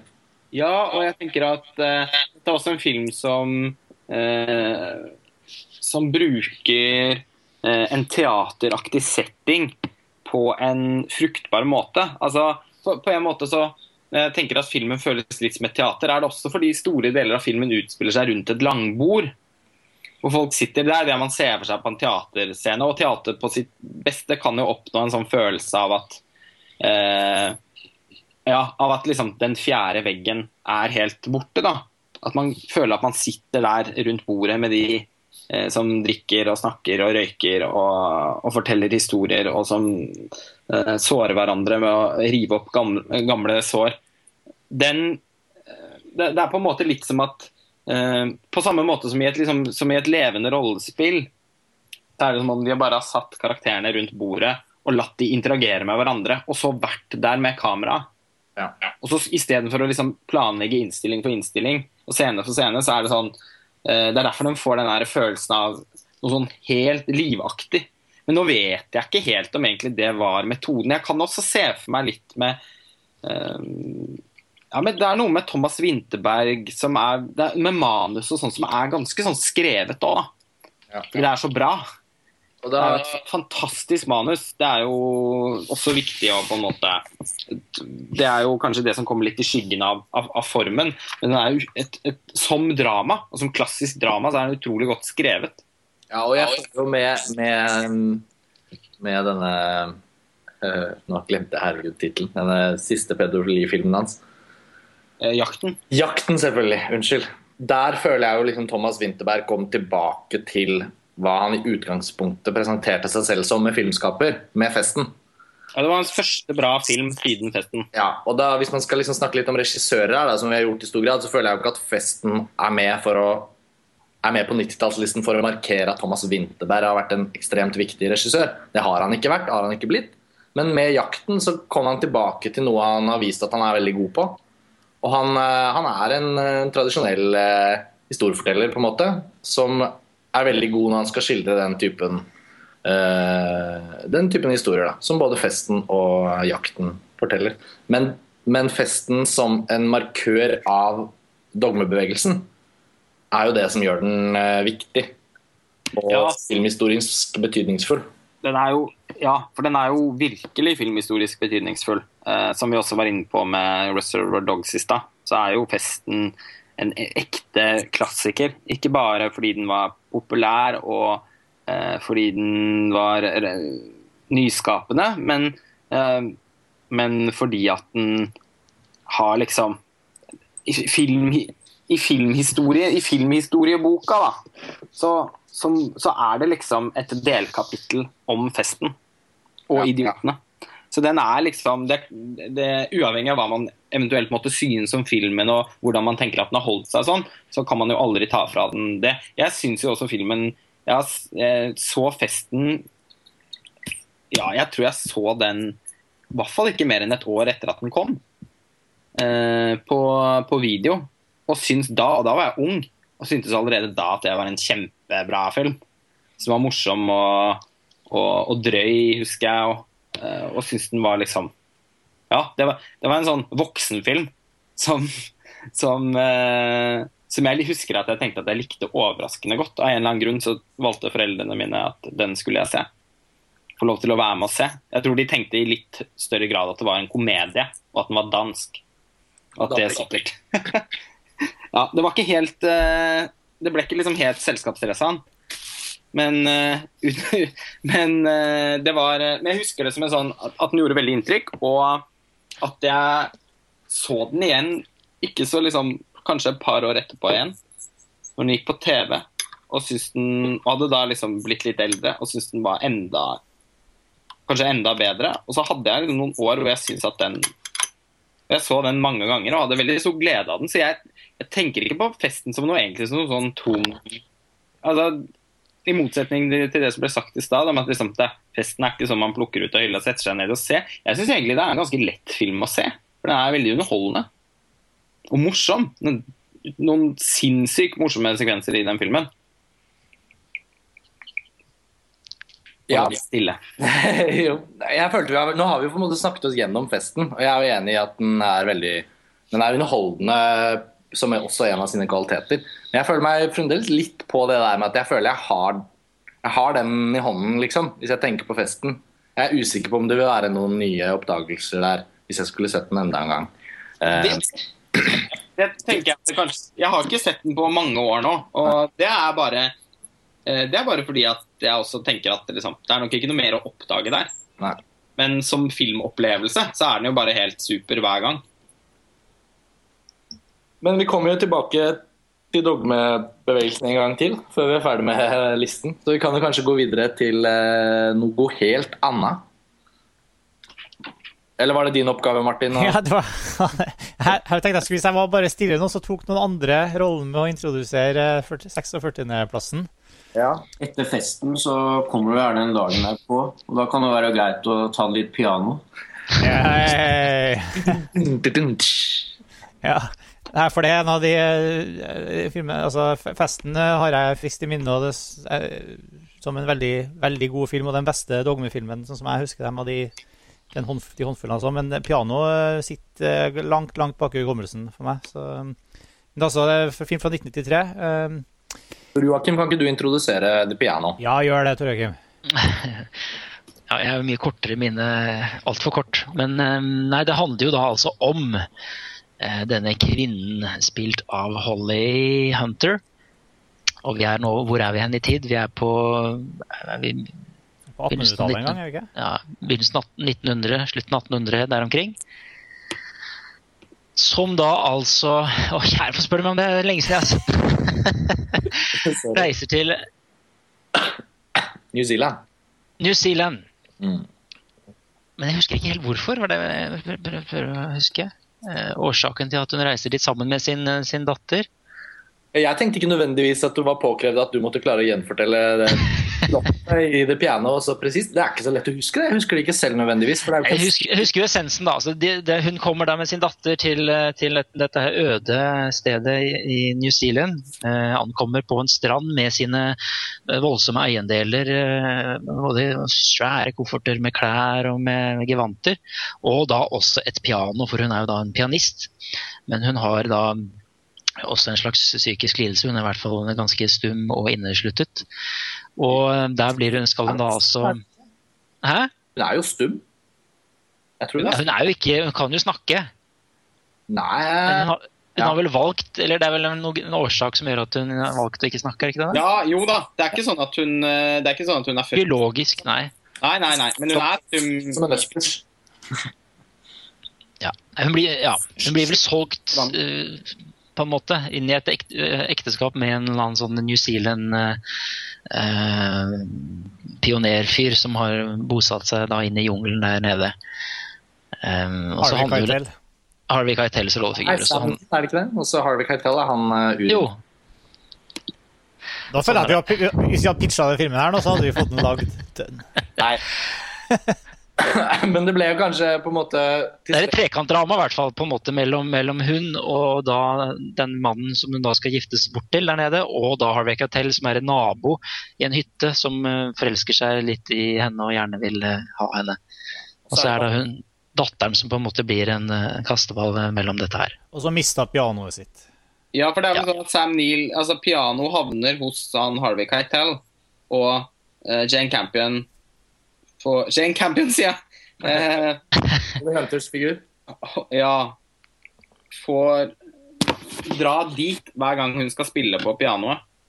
Ja, så er det noe med noe, en, en tangent per tjeneste. er et eller annet sånt. Jeg har, akkurat der står det litt, eh, litt stille, for å være helt ærlig. inn i en seksuell eh, Utvikler de en seksuell relasjon. Det Ja. litt sånn Sam Neill blir eh, åpenbart rasende når han til slutt finner ut av. Jeg synes det var litt morsomt og litt avslørende å ha en liten sånn synopsisaktig samtale. Eh, For dette er jo en film eh, jeg, opp- jeg føler at dette er en av de litt sånn opprivende, rørende uh, filmene fra 90-tallet som, som er litt i den kostymedramasjangeren for meg. Det er jo ikke en heldig sjanger nødvendigvis. Det er, ikke, det er ikke i seg selv en grunn til at jeg setter meg ned med en film. Men The Piano er også en film jeg nesten utelukkende har et veldig godt minne av.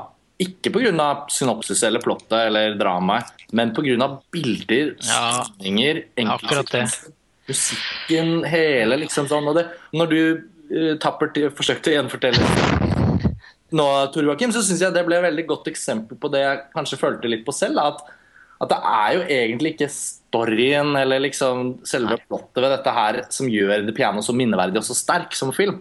Det er jo en av de eksemplene på, på at en filmskaper virkelig lykkes med å skape et helt eksepsjonelt sterkt liksom, visuelt og, og, og ikke minst med musikken, selvfølgelig, men hele den verdenen i den filmen syns jeg Det, er er jo, det føles som er litt sånn Jane, Jane Campion også. Hun, også. hun lager filmer som på en måte bølger litt frem og tilbake i sånne stemningstablåer. Det, det så vi jo helt nyl, nylig med den ganske nydelige serien Top of the Lake. Altså hun, hun er, som bare liksom tegner disse her langsomme bølger liksom sakte frem og tilbake. Og så er det intensitet også som, liksom, som, som vaier i takt med naturkreftene hele, hele tiden. Eh, og det er den her blålige skjæret, den her insisterende minimalistiske musikken til Michael Nyman og, eh, og det som sitter igjen, da, som, akkurat det samme som deg, eh, Karsten. Ja, og jeg, og, og jeg ganske, Nå har ikke jeg sett alle filmene til Jane Campion, men jeg er ganske overbevist om at The Piano er virkelig hennes beste film. Det er jo på en måte hennes mesterverk. Og den inneholder alt det hun forsøker å lage når hun lager en film, føler jeg. Jeg syns hun gjorde en veldig god film for noen år siden som heter Bright Star. Alle er ikke enige med meg om det, men da lagde hun en, et filmisk portrett av den britiske poeten Keats og hans eh, kjærlighetsforhold til en ung kvinne. Eh, og, og tidvis var den litt eh, kjedelig, men den var også veldig bra når den var bra på det hun er god på. Og i The Piano så føler jeg at Jane Campion klarer liksom å gjøre alt hun, klar, alt hun kan som filmskaper, får hun på en måte destillert inn i den filmen. Og hun vant jo Gullpalmen for den. Uh, var det tidenes første kvinnelige regissør som vinner Gullpalmen? Det var vel det. Eller var det noen kvinner som vant Gullpalmen før henne? Nei, er det ikke, Det er jo kanskje det. er det ikke fortsatt bare henne? Ja, inntil de to skuespillerne eh, vant for La Vida Del. Ja, ja, selvfølgelig. Men som regissør så tror jeg hun fortsatt er den eneste som har Ikke Agnes Varda? Nei, hun vant vel kanskje ikke. nå. Er Jane Campion som er den eneste. For det er, veldig, det er jo spesielt mannsdominert der nede på Kroasetten. Men det er jo så fortjent, og The Piano har på en måte Det er en sånn type film jeg føler vi har på listen som er en sånn, et sånn enkeltstående verk som i så stor grad er så vellykket. Og, og, jeg føler det liksom det er et sånt, sånt kunstverk. Uh, og, det, og da syns jeg det er illustrerende at historien i filmen er litt vanskelig å gjenfortelle. For det er på en måte det det handler om. Uh, jeg syns f.eks. hun datteren, da, spilt av Anna Paquin, Paquin, Paquin Uh, det husker jeg så godt. Jeg identifiserte meg med henne som barn. Da, at hun var barn. Jeg så denne filmen da den kom på VØS, og da var ikke jeg helt blitt voksen. Jeg syns den var ganske skummel og ekkel òg. Det er noe kutting av fingre og det er noe brutalitet. Ja, Samil kutter jo av fingeren hennes. Ja, og det, men hun lille jenta var, det, det var liksom så mange sånne elementer i filmen som var så minneverdige. Pianoet nede på stranden der. Ja, vel, Altså, man, fire. Ja. man husker. Hva, hva, hva sa du, Svein? Nei, jeg bare stemte i at det er veldig mange flotte øyeblikk i filmen som man uh, husker. Eh, så flott fotografert og eh, Ja. Ja, så- men samtidig så er jo filmen det, Ja, den er veldig flott å se på, og det er kostymer og sånn. Men den er jo samtidig, samtidig så tenker jeg man kan ikke redusere den til å liksom være sånn periodedrama, eller kostymedrama heller. Nei, Den det er jo- kan heve seg over det. på en måte. ekstremt uttrykksfull i sin visualitet, ikke bare i bildene, men også bruken av lyd. Og, altså de scenene hvor, Holly hvor som man ser fra hennes perspektiv, hvor hun holder hendene foran øynene. Og scenene nede på stranda Bare synet av det pianoet som liksom, ser ut som det er skylt inn på stranda der, mens de sitter i disse eh, kjolene fulle av lere ved siden av. Det er en veldig sånn taktil film. Du kjenner liksom at Den er mye mer skitten enn en gjennomsnittlig, et gjennomsnittlig kostymedrama. på alle mulige måter. Ja. Kostymene liksom spiller andrefiolin for Ja. naturkreftene og de seksuelle kreftene, da, på mange måter. Den er mer Terence Malick enn Ja. uh, en, enn, eh, fornuft og følelser. Ja.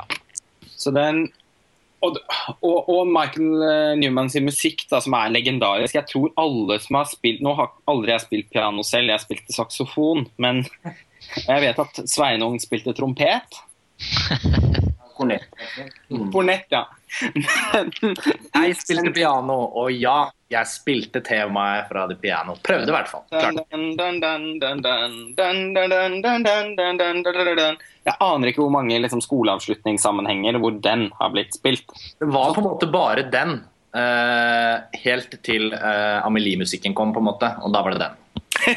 ja, da var det den. Men, eh, så på en eller annen måte, selvfølgelig, jeg husker når jeg så piano for første gang, som vel var på enten på slutten av ungdomsskolen eller tidlig på videregående. Da følte jeg at det var noe med den musikken som i all verdens land og rike. Hæ, er det her den er fra? Jeg husker at jeg nesten ikke kunne tro at det var sant. Jeg tenkte at dette må være en sånn klassisk komponist. Ja. Men det var det jo ikke, da. Og så ble jeg kjempe Peter Greenaway sin filmer, og så fikk jo Michael Newman nesten en ny dimensjon. Men, men samspillet mellom hans musikk, lyden som sagt, lyden av liksom vinden og havet som pisker, og været Det er en film med veldig veldig mye vær. Ja. Den, skog, den slags sånn mangroveaktige skogen som de bor i, hvor, hvor de liksom sliter seg gjennom myr og, uh, og, og lere og vann og dritt overalt. Den er, den er veldig sånn værbitt og øh, Furet. furet, rett og slett. Ja. Den øh, Over landet. Over vannet. Over vannet, landet, whatever. den har et utrolig sånn øh, Den har et uh, audiovisuelt øh, uttrykk som man aldri klarer å bli kvitt. Altså, sånn, når man først har sett den filmen, så bær, er det liksom stemningen i den filmen føler jeg at man alltid bærer med seg. Og jeg har, sett, har da sett piano noen ganger, men det har liksom aldri endt opp med å bli en film, selv om jeg syns den er helt fantastisk, så har det aldri endt opp med å bli en film som jeg har liksom sett igjen og igjen og igjen. Kanskje nettopp fordi at den gjør såpass sterkt inntrykk, inntrykk hver gang som en sånn uh, Bare som en sånn fø som en følelse, da. At, at man Det er ikke en sånn helt en film som man nødvendigvis trenger å utforske så veldig. Det er ikke en Jeg føler liksom at det er en, en film som man bare helt sånn intuitivt går i møte med da, når man ser den. Man, Ja, og, og, den sym symbolikken som ligger her, er jo også ganske åpenbar. liksom Med, med piano og kreativitet innen dette her ville landskapet som speiles av forholdet mellom Harvey Keitel og henne. altså Det er jo mye sånne ting som er såpass åpenbart at det, det krever Man trenger liksom ikke gjennomanalysere det, det nei. eh, føler jeg.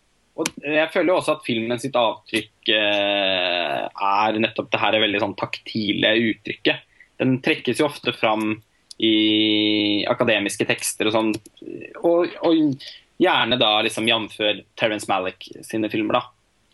Uh, og som jo åpenbart er en filmskaper som Jane Campion sin veldig sånn sensuelle estetikk har en del uh, til felles med.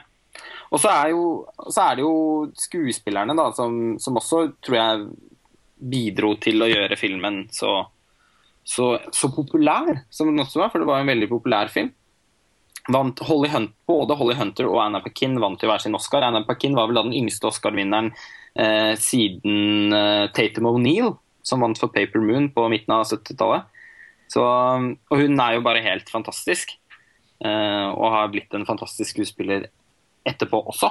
Mm. Eh, det vet jo alle som har sett Margaret og 25th Hour. Og, og True Blood, for den saks skyld. Og anerkjennelsen til The Piano var som du sier, den var jo umiddelbar. Gullpalmen, Oscar-priser osv.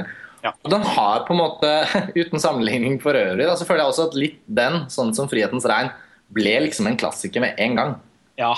Det, var, det, har aldri vært noen tvil om The Piano, og det er ikke noen tvil om The Piano. Det er en film eh, som eh, fortsatt holder en veldig sterk posisjon hos de fleste som har sett den. Og den er litt sånn den er ikke så Ja, kanskje Todd Haynes hadde klart det, men den er ikke så lett å etterape. Altså, Todd Haynes hadde nok klart det. Ja.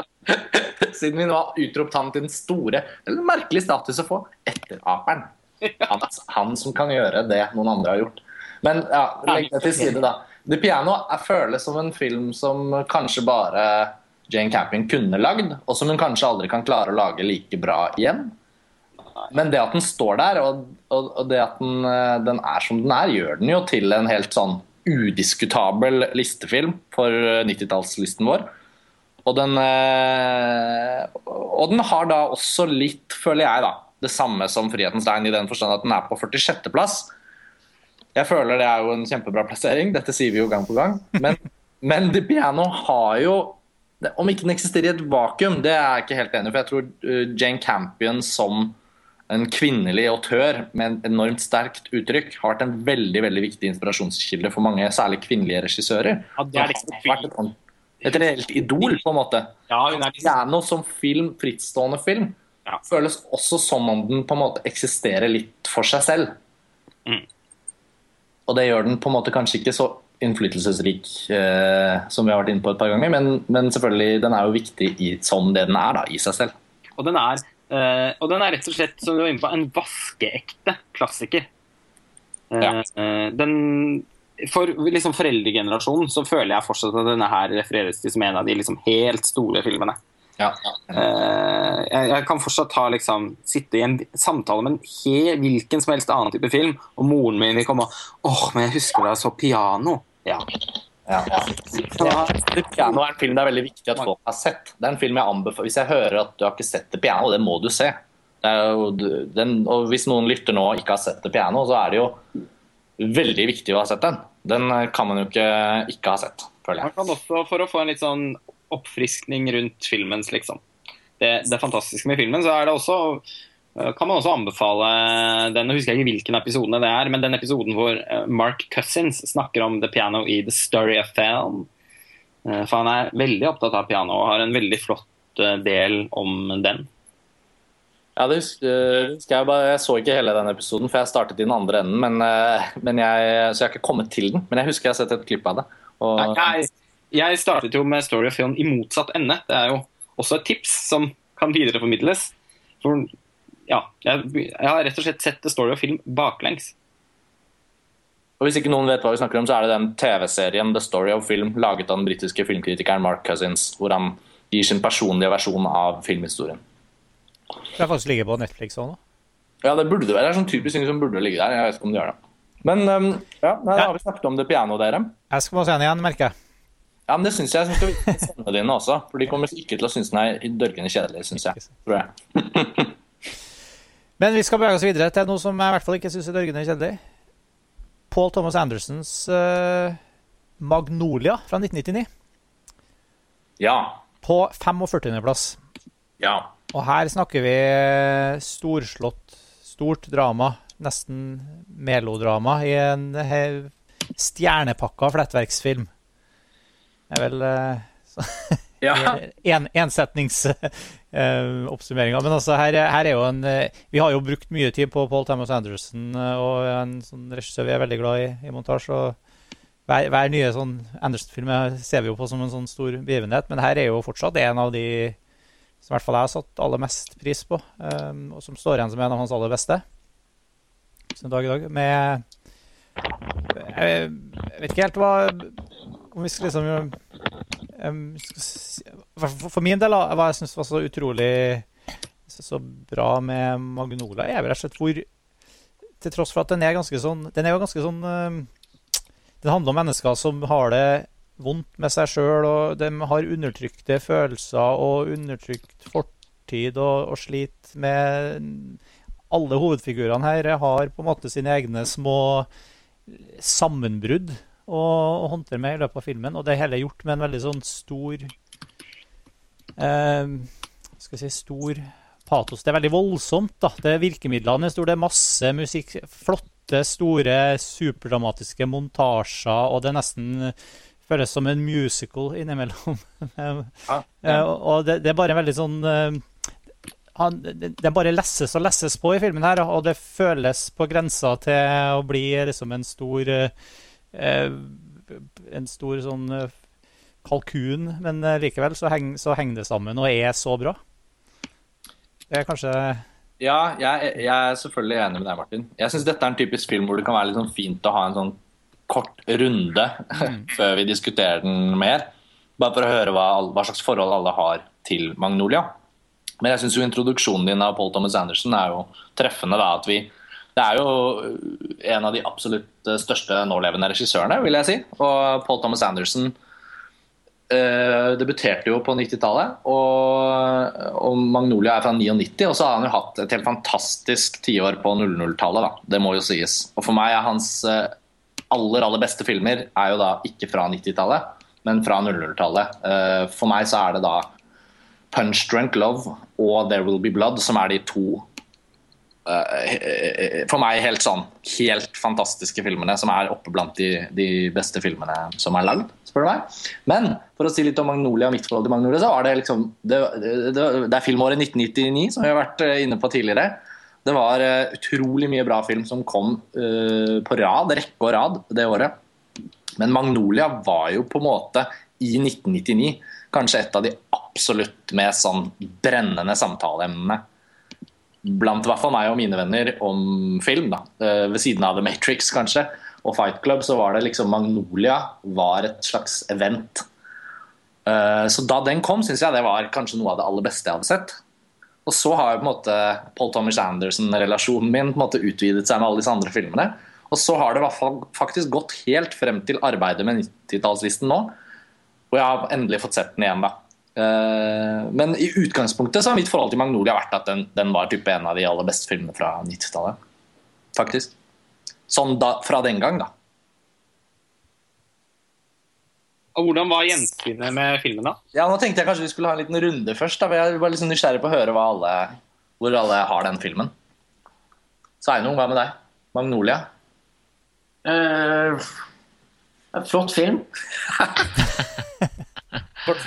Ja, ja uh, Tor Joakim? ja, jeg... Nei, det var bare Svein, det var ikke meninga. Nei, men, det, det, det, er ikke min på Thomas Andersen-favoritt heller, men uh, uh, Ja, hva skal man si? Det er, den, den har, det, er, det er, liksom så mange elementer i den filmen som er bra. Det er liksom skuespillerne, måten den er fortalt på, manus Det blir veldig sånn det jeg syns er bra, blir veldig sånn ja, Alle de grunnleggende elementene som gjør en film god. Da. Mm. Um, så det, Ja, men jeg føler ikke at jeg har så veldig mye mer å, å nei, nei, jeg tenker bare høre hva Tor Joakim sier, men jeg bare følte at den var også gjenstand for en del kritikk da den kom. Jeg, mm. var, jeg husker bare jeg hadde et helt sånt guddommelig øyeblikk med den filmen. Mm. Den fikk vel en ener av Harald Kolstad, tror jeg? Ja, i, i, i den gang Arbeiderbladet.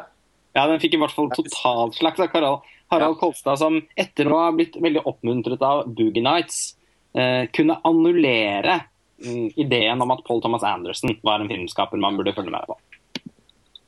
Men, nei, men sånn som for, for deg da, Tor Joakim, den har jo en veldig sånn eh, virtuositet som jeg ofte opplever at du for setter pris på, når, når noen virkelig klarer å bruke så mange filmatiske elementer. Jeg, jeg kalte jo nettopp en musical. Er, det, er du enig? Ja, opera. Nei, altså, Opera, både ja og nei vil jeg si egentlig litt til den, fordi at uh, altså, det, er, det, er jo, det er jo en flinkis flettverksfilm på alle mulige måter. Eh, Men, men min favorittdel av filmen er egentlig når det begynner å liksom Når, når andre ting utenom rollefigurene begynner å, å speile det som skjer med dem. Altså når det skjer regner frosker og, og når det blir litt sånn plutselige grep da, som kommer inn og, og som man ikke forventer i det hele tatt. Um, altså, da syns jeg det blir spennende sånn audiovisuelt og filmatisk, kanskje mer enn alle disse intrikate forbindelsene mellom de forskjellige historiene og rollefigurene som den jo har en hærskare av. Um, men jeg har ikke et sånn veldig nært forhold til, til filmen som deg, Karsten. Jeg må si det, altså, Selv om den kom midt også i, i min periode, for så vidt. Jeg har, har det litt på samme måte, faktisk. Selv om jeg alltid har syntes at 'Magnolia' var en fantastisk eh, bra film, så har ikke den liksom med årene blitt den Paul Thomas Anderson-filmen som jeg setter høyest. Jeg synes jo, er jo faktisk av den oppfatning at jeg syns at 'There Will Be Blood' er en hel virkelig en særstilling da, i filmografien hans. Um, og den syns jeg er rett og slett noe av det beste som er lagd. Eh, og, og helt klart den Paul Thomas Anderson-filmen jeg har sett flest ganger. Jeg syns også Punch Drunk Love er utrolig bra. Og, og, og også Magnolia, særlig pga. denne sekvensen Vi snakket jo om i den første episoden av podkasten om Martin Scorsese sin Casino, som jo eh, åpner med en montasje som aldri tar slutt. Den varer jo liksom over en time. Eh, med forskjellige eh, voiceovere og, eh, og, og liksom, Det er, en, det er klipperytmen tilsvarer en, en montasje da, i en time, som jo skaper en helt sånn fantastisk eh, filmatisk energi. Og det den, den har jo sin den, eh, Åpningen av Casino møter jo nesten sin overmann, på en måte, i Magnolia. Fordi midtveis i filmen igangsettes det en montasje i forbindelse med at den ene av hovedkarakterene, han gutten, skal delta i dette quiz-showet, Ja. som foregår i ja, nesten bortimot halvannen time, tror jeg. Magnolia er jo en kjempelang film, var over tre timer. Eh, som altså står som noe av det mest virtuose jeg har sett, tror jeg. Akkurat den sekvensen. Og den sekvensen er jo da ufattelig lang. Eh, filmen, sånn, filmens tematikk og eh, altså, måten disse rollefigurenes liv flettes sammen på, sånn, det er litt sekundært for meg, må jeg innrømme. Er, jeg syns det er bra, men det jeg setter, som jeg setter absolutt høyest med filmen, er eh, selve filmskapingen, rett og slett. da, Som når et helt sånn svimlende høydepunkt på midten der. Ja. Så Dette har jo vi snakket om mange ganger før, eh, vet jeg, Karsten. Så Ja, nei, vi, vi har jo det. det. jeg har sett den. Det er en stund siden jeg så Magnolia sist, må jeg innrømme. De en og en halv timene midt i filmen er best. Nei, de er ikke best, men de, det, det er jo en helt utrolig sek- eh, Som Lars Ola er inne på, det er jo en Ja, ja. Og som alle som lytter, som kjenner Magnolia godt, vil kunne nikke anerkjennende til, så er det jo helt eksepsjonelt høye ambisjoner på virtuositeten i den filmen her, og han lykkes jo. Det er egentlig ingen feilskjær. Eh, Han prøver på helt utrolige ting, og han får det til. Men eh, det jeg bare kanskje føler at vi må litt inn på nå, når vi snakker om Magnolia, er jo det faktum at Paul Thomas Anderson han lagde tre spillefilmer på 90-tallet, og vi har med én av dem på 90-tallslisten, og det er Magnolia. Og jeg føler at Paul Thomas Anderson han, øh, han, er, han må man på en måte diskutere litt, og det har vi gjort. Hvordan skal vi behandle Paul Thomas Anderson på 90-tallslisten når jeg føler at vi er alle enige om at han har gjort sine beste filmer på 00-tallet? Uh, debutfilmen hans Hard Eight, som også er kjent som Sydney, er en god debut, men den er ikke en så bra film. Så den, har, den fikk heller ingen stemmer, og den, den var ikke aktuell for 90-tallslisten. Boogie Nights derimot føler jeg er en film som det har vært ekstremt viktig å diskutere. Da. Den fikk stemmer, men den fikk ikke så mange stemmer. Den er, den er høyt elsket, men den er på en måte ikke helt høyt elsket nok. Og den har vært veldig på vippen. Og til slutt så havnet den på 101. plass blant veldig mange andre filmer. Det handlet også om en vurdering rundt eh, hvordan vi skulle vurdere Paul Thomas Anderson sitt nedslag eller hans innflytelse på 90-tallet kontra 2000-tallet. Ja, det syns jeg er veldig viktig å fastslå at Paul Thomas Anderson eh, utviklet seg på 90-tallet, men er viktig på 00-tallet. Og 'Magnolia' er etter mitt syn hans absolutt beste film fra 90-tallet.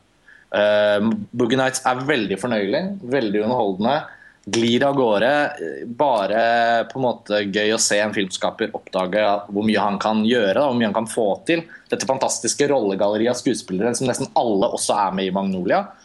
Men når alt kommer til alt i Boogie Nights, så er det en uh, rise and fall, en rise again-historie. Uh, uh, som har veldig mye sånn tidskoloritt som man kan fascinere seg av. Morsom musikk, fine sekvenser og alt. alt. Men den er ikke veldig spesielt innholdsrik på et tematisk plan. Og jeg syns, uh, syns heller ikke den, den representerer det filmspråklige, den filmspråklige egenarten som Paul Thomas Anderson etter hvert utvikler, og som man har mye på plass i, i Magnolia, og enda mer i Punch Drunk Love og, og There Will Be Blood. Og så i The Master, hans uh, ferskeste film uh, på det nåværende tidspunkt. Der går han jo helt videre med noen andre ting enn å eksperimentere med nye ting. Ikke alt like vellykket, men, men radikalt annerledes enn det som foregår. Men i Boogie Night så føler jeg på en måte han tar sine aller første skritt. Da, og det er en veldig god film. Men den er altså ikke med på listen. Og det er viktig å si. Og jeg har da altså sett Magnolia igjen nylig. Og jeg syns det var ekstremt oppløftende å se hvordan den filmen holder seg. Men den holdt seg på en annen måte enn det jeg hadde forutsett. For det jeg føler var mest fantastisk med den da jeg så den første gangen, var jo at den, den hadde en sånn sånn, øh, nesten sånn var som å gå i sirkus, liksom. Altså, du føler liksom du, du, får se løver og elefanter og, og liksom folk som hopper i trapes. Altså, sånn, det var ikke måte på hvordan steadycam-bevegelsen hans beveget seg. Og så flettverks, liksom flinkheten, da. Se her, her vi har ti rollefigurer, nå skal vi binde dem sammen. Og det føles ikke påklistret den gangen. Jeg syns bare det var utrolig. Mens nå føler jeg et helt ferskt gjensyn i filmen viste på en måte at den, den har en sånn emosjonell sårhet som nesten er druknet av virkemidler, men som ikke blir druknet av virkemidler. Når man først har sett filmen og kjenner den, og ser den igjen, så er det jo disse veldig veldig, veldig såre familierelasjonene. da. Brutte far-sønn-forhold som ikke lar seg sy sammen. Eh, mennesker på randen av døden som må prøve å forsone seg med at de har oppført seg som dårlige mennesker overfor de som er nærmest dem. Uh, den har egentlig veldig mye tematisk til felles med festen av Thomas Winterberg, som vi akkurat var inne på. Mens den formmessig har ekstremt lite til felles med festen. Men de to filmene kan, kan ses i lys av hverandre, og bør egentlig ses i lys av hverandre. I hvert fall om man ønsker å se på tematiske ting. da. Som unge sønner, eller voksne sønner som må ta et oppgjør med sine eldre hersk døende fedre. da. Og det er i Magnolia jeg må bare trekke fram, det er det en scene hvor Philip Seymour Hoffman og Jason Robarts eh, sitter i et rom. Begge er jo nå døde, dessverre.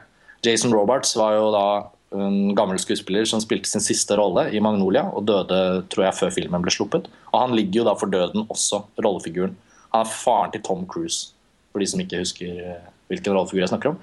Mens Philip Seymour Hoffman spiller hans unge eh, sykepleier og det som jeg ikke husket så godt, at de har nesten en, sånn, en scene som jeg tror nesten er en kvarter lang. Jeg, hvor det bare er de to som snakker sammen. Og den døende gamle mannen forteller om alt han har angret på i livet.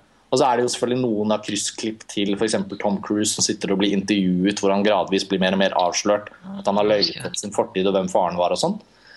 Og i løpet av den scenen så skjønte jeg at det man kanskje blir litt blind på ved Magnolia, er at den i sine stille og mer emosjonelle øyeblikk egentlig er et, et ganske sånn hjerterått og, og litt sånn kompromissløst menneskelig drama som ikke er, ser spesielt lyst på, på noen ting. Da. Den er mye mindre forløsende enn jeg følte at den var da jeg så den første gangen. For bruken av musikk og alle disse, disse emosjonelle tingene som strekkes opp og liksom, Det er jo sånn orkestralt over hele filmen. Mens det kom mye mer i bakgrunnen denne gangen.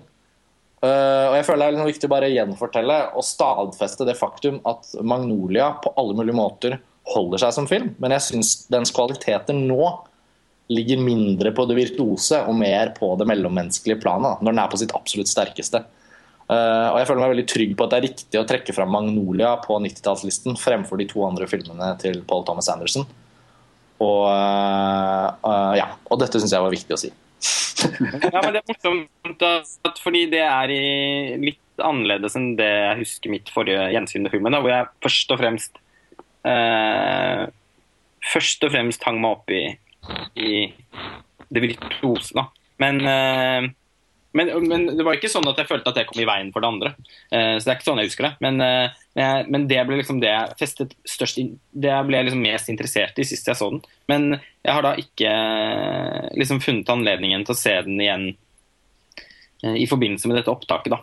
Som jeg skulle ønske at jeg hadde gjort. Så kunne jeg å se den igjen bare for gledens skyld. Jeg synes Ja, du, du, altså- du har et kjempegodt poeng, Karsten, i at den er så, så hard. da. Som, som på en måte Det går så nedover. Den er så, til tross for at den er så eh, stor og underholdende og, og, og flott, så er det jo en skikkelig eh, besk eh, fortelling, rett og slett. Ja, og så handler den om tapere. Altså ikke uttrykket tapere, men de menneskene som har tapt. Det er på en måte ingen vinnere i den fortellingen. Og, og det gjør den veldig gripende, faktisk. Og den var gripende nå på en helt annen måte enn jeg husket den som. Unnskyld, fordi, for du, men du hadde ikke sett filmen siden du så den i 99? Ja, Jeg så den to ganger på kino da den kom, og da var jeg jo bare helt beruset av hvor fantastisk den var. Og så i årene som har gått, så har jeg jo ikke liksom følt noe Jeg har vært så trygg på hvor jeg har hatt Magnolia, da. Ja. Eh, Men dette har vi jo vært inne på mange ganger. Dette arbeidet med 90-tallslisten har jo gitt oss alle anledning til å på en måte ettersøke noen av de filmene fra 90-tallet om igjen. eh, Se filmer man ikke hadde sett og sånn. Og for Magnolia for meg så har det nesten vært litt sånn at jeg har vegret meg for dette gjensynet. Jeg har vært så redd for å avsløre at filmen er noe annet enn det den var. Og så er den på en måte noe annet enn det den var, men jeg ble veldig glad for at det var noe veldig, veldig bra. Og det kan sikkert ha noe med meg å gjøre også, at jeg har blitt voksnere og, kan se filmen på en annen måte. og at man, man trenger ikke bare henge seg opp i at den er virtuos, da. Som den selvfølgelig er. Og det er jo ingen som lager filmer som på den måten nå. Så det er jo akkurat det samme at Magnolia ville vært et voldsomt friskt og spennende eh, filmverk på kino hvis den hadde kommet nå. Ja.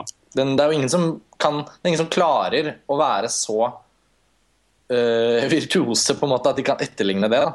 Nei, den er jo bare helt uh, altså den, det, det må jo, Nå er jo det blitt understreket veldig mange ganger, da, men eh, det, ja, det er jo virkelig ikke, det, ikke Du må ikke herske noe tvil om det. At det er en ganske enestående film. Eh, også innad i liksom, Paul Thomas Andersons filmografi. Så er denne, han har jo også hatt den evnen til å lage ganske forskjellige filmer hver gang. Selv om han har et veldig tydelig autøravtrykk. Så, så, og, og noen tematiske linjer som går gjennom alle. Altså, bare synet på menneskeheten, som du var inne på, Karsten. Ja. Det, det ser man jo også i både There Will Be Blood og The Master. Eh, men, eh, men den føles jo som et sånt helt enestående verk.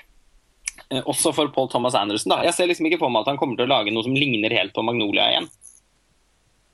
Eh, nei, det tror ikke jeg heller. Eh, absolutt ikke. Og så tror jeg også at han på et eller annet vis så var han jo i Han var liksom på et eller annet sted med mange samarbeidspartnerne sine også, som han kanskje ikke helt eh, kommer tilbake til, tror jeg da. Eller at han Det var noe som foregikk der som var en oppsummering av det han hadde holdt på med frem til da. Jeg har, alltid, jeg har alltid sett på Punch and Glove som en litt sånn merkelig motreaksjonsfilm også i hans eh, filmografi. Selv om han også fortsatte å jobbe med Robert Elswit og Dylan Tickner og, de, og John Bryan. og Det er jo mange av de samme, men det er som om liksom Magnolia oppsummerer alt han var opptatt av i starten av sin egen karriere. Og han gjorde seg ferdig med liksom Robert Altman. eh, som, uh, han, Robert Altman var jo en av hans viktigste, eller har jo vært en av hans viktigste påvirkningsfigurer. Uh, Så, Men ja. Nei, Vi kan godt oppsummere Magnolia nå. Vi har fått snakket ganske mye om det. men jeg, Paul Thomas Anderson er så viktig regissør at når vi først skulle inn på en av hans filmer på 90-tallslisten, syns jeg det var viktig å, å, å ta en skikkelig runde på det. Jeg tenker at Magnolia er den filmen man tenk, som representerer det man kanskje trodde at Paul Thomas Anderson skulle bli. Altså, når du sier med, med John Bryan-musikken, med, eh, eh, med Robert Elswit som fotograf, med Philip Samour Hoffmann, eh, som jo også gjorde inntrykk i Bugnard Altså, sånn, den har en sånn og, og, og Altman, den åpenbare Altman-inspirasjonen. Jeg husker jo at Var ikke også Paul Thomas Anderson inne som assisterende regissør på uh, Prairie Home Companion? Jo, siste Altman var som regissør for at filmen skulle få, finne, få forsikring. Sånn at Ja. Hvis Altmans hjerte skulle svikte, så hadde de Paul Thomas Anderson som sikkerhet. Ja, så sånn, altså sånn, det var så veldig Jeg følte at Ja, i de årene der så, så var, følte jeg liksom at Paul Thomas Anderson var satt litt i en slags bås. Og så blir det spennende å se hvordan, det, hvordan han skulle liksom fortsette å utvikle seg innenfor. Og så kom Punch Drunk Love, som du sier, som er noe helt annet, men som også er noe så annet at det litt sånn føles litt som en sånn eh, Ja, kanskje som en sånn pauseinnslag, på en måte, før han skulle tilbake og gjøre Selv om den er, helt, den er jo bare helt utrolig bra, den filmen. Men, men så kommer There Will Be Blood, og liksom, jeg følte at den nesten introduserte Paul Thomas Anderson på nytt igjen. Fordi Både fordi filmen umiddelbart faktisk nøt status som ja, sånn, som et filmhistorisk verk. Og, og som noe helt annet enn det han gjorde i de tidligere filmene sine. Og så er jo The Master mer på linje med det han gjør i There Will Be Blood igjen, selv om den er annerledes. Uh, han har i det hele tatt vært en veldig spennende filmskaper å følge. Og han er ikke ferdig. Han er ikke ferdig, og jeg tror ikke man helt har en idé om hva, hvordan filmografien hans vil se ut til slutt. Det er jeg oppriktig spent på. Um, og så er filmen med Julian Moore da, viktig å nevne. Ettersom Ja, det var det jeg skulle si. Det, var, var, det er i hvert fall tredje, og det blir flere. Skal vi ta en drink hver gang vi støtter bort til Julian Moore? ja. Hvis du har kommet hit til podkasten, så kan du ta en skål for Julian. Fordi hun har gjort en så god rolle i så mange filmer. Vi Ja. kommer helt sikkert tilbake til Thomas Anderson, selv om vi har røpa at vi ikke Det blir ikke på den lista her. Men det var helt veldig bra at vi fikk prate oss gjennom han. Derimot skal vi videre til en annen eh, veldig allsidig og eh, veldig eh, skal vi si, produktiv filmskaper. Werner Herzog sin 'Lessons of Darkness'. Sin infernalske film, bokstavelig talt. 'Lessons of Darkness' fra 1992. Vet ikke, Sveinung, har du lyst til å komme med noen introduserende ord om den? Ja, det kan du godt gjøre. Jeg, jeg syns den filmen der er helt, helt fantastisk. Eh, jeg er jo veldig fan av Herzog generelt. Um, men det er litt interessant fordi eh, 90-tallet var liksom ikke hans største tiår, men den filmen her er for meg liksom en av de aller fremste han har gjort. da. Det handler jo egentlig om eh, eh, ja, ødeleggelsene av eh, noen sånne olje, ja, oljefelt i Kuwait eh, under Golfkrigen. Han, han filmer vel også noen andre steder, tror jeg, men det er, det er særlig i Kuwait. Da, de ødeleggelsene som Irak hadde gjort der under Golfkrigen. Eh, og det er veldig lite man, man, altså det er veldig lite dialog. Det er, nesten, det er egentlig ikke noe dialog i filmen. Er, man ser ikke man, De menneskene man ser, ser man egentlig bare på avstand. Som veldig små elementer i liksom disse store ødeleggelsene. Det er noen, som voldsomme flammer og, og landskap og sånn. Det er noe litt sånn apokalyptisk over det hele. Eh, og kameraet svever mye ovenfra og, og filmer disse store feltene, da, mens man hører klassisk musikk på lydsporet. Um, så det er veldig dramatisk, og han Han snakker jo litt sjøl som vanlig, selvfølgelig. Uh, Ja, lite grann, men, uh, men ikke så mye. Um, men det blir på en måte han, eh, han liksom tar tak i noe som eh, var som prega media veldig mye på den tida filmen kom, men han han liksom viser hva, eh, hvordan film kan vise det her på en helt annen måte. Da. Og det er også litt, man kan også si at det er litt problematisk at han estetiserer de ødeleggelsene så veldig. Og visstnok noen av de menneskene som snakker, eh, har også blitt tildelt replikker av Herzog selv. Eh, så det er ikke så dokumentarisk som, som filmen gir seg ut for å være. Men det er liksom for meg er det, Sånn har det alltid vært med Werner Hausson. Så jeg syns ikke det, det, er så problematisk at han, han liksom flikker litt på sannheten og sånn. Men det er først og fremst de, de, bildene og den musikken som bare gjør det så utrolig sterkt. Og, og, det er noe sånn En måte å se menneskeheten utenfra på som, som blir så fatalistisk og voldsomt og ja, stort. Um, ja, så for meg et virkelig et høydepunkt både i Herzogs filmografi og, og fra 90-tallet. Jeg kan bare føye meg til det du forteller om. Altså, jeg ble jo da kjent med filmen i forbindelse med arbeidet på 90-tallslisten. Den kom inn i systemet, den ble trukket frem, det ble diskutert. Jeg visste ikke helt hva jeg satte meg ned med. på en måte. Jeg har også sett en del Herzog, men jeg har ikke et så nært forhold til Werner Herzogs filmografi. Mangler å ha sett mange av filmene hans, men jeg har også sett noen av dem. og synes jo Når han jobber med dokumentar eh, For han driter jo i Norea. Han følger jo aldri noen andre regler enn det han syns er viktig når han mm. lager en film. Så om det kalles en dokumentarfilm eller ikke, så jeg syns heller ikke det spiller noen rolle. på en måte. Han får gjøre som han vil. Han er Werner Herzog, liksom. Akkurat som med Grizzly Man hvor det helt åpenbart er dokumentariske videoopptak fra han gærningen som har levd ute med grizzlybjørnene. Men hvordan Werner, Werner Herzog tar de opptakene og gjør det til en film, det er jo på en måte Herzogs grep. Og om det måte er utelukkende dokumentarisk eller ikke, spiller ikke noen rolle. For han får frem et tema, i hvert fall. Ja. Og jeg syns uh, 'Lessons of Darkness' var For det første så er den en helt utrolig sterk visuell filmopplevelse. Uh, jeg så den på mitt eget hjemmekinolerret med høy lyd og fikk en veldig sånn kinosterk opplevelse av den. Uh, og, og, kan bare signere på det du sier, Sveinung. Syns den skiller seg veldig ut i forhold til En ting er dokumentarfilmer, men også i forhold til at den nesten, nesten er en slags naturdokumentar. Men den, jeg syns det portrettet av liksom, menneskets brudd med naturen gjennom å liksom, en ting er på en måte selve oljebrønnene i seg selv. Det er liksom som om menneskene har liksom stukket hull på, på jordens kropp, liksom. Og mm. blod liksom sprut, sort blod spruter ut og tar fyr. Og det, Måten denne filmen klarer liksom å uh, ta avfotografere det på, og så vri det om nesten Det, jo, det er jo som et dikt, hele filmen, mm. føler jeg. Mye mer lettere å ha glede av også når man forstår den som en slags sånn billedpoesi. Og det, ja, Den gjorde veldig inntrykk. Og Jeg har vært sånn nyhetsjunkie helt siden jeg var liten. Jeg så på Gulfkrigen på CNN, husker jeg. liksom Litt sånn over skulderen. Jeg var på besøk hos faren min som bodde i London. og sånn. Liksom, jeg husker Gulfkrigen brøt ut og var veldig mye snakk om Og disse brennende oljebrønnene har jeg liksom aldri glemt. Men det føltes veldig spesielt å få det gjengitt på ny i den filmen. da, Siden jeg så den nå mens vi har jobbet med listen. Mm. Uh, så så ikke jeg den uh, Jeg så ikke den da på 90-tallet. Men så er det jo liksom det som de tingene du bare har sett liksom glimt av i bakgrunnen på nyhets-Dagsrevyen-innslagene. Ja, det er det som liksom har hovedfokus i en time i denne filmen. her, Det er de her, altså de her flammende infernoene.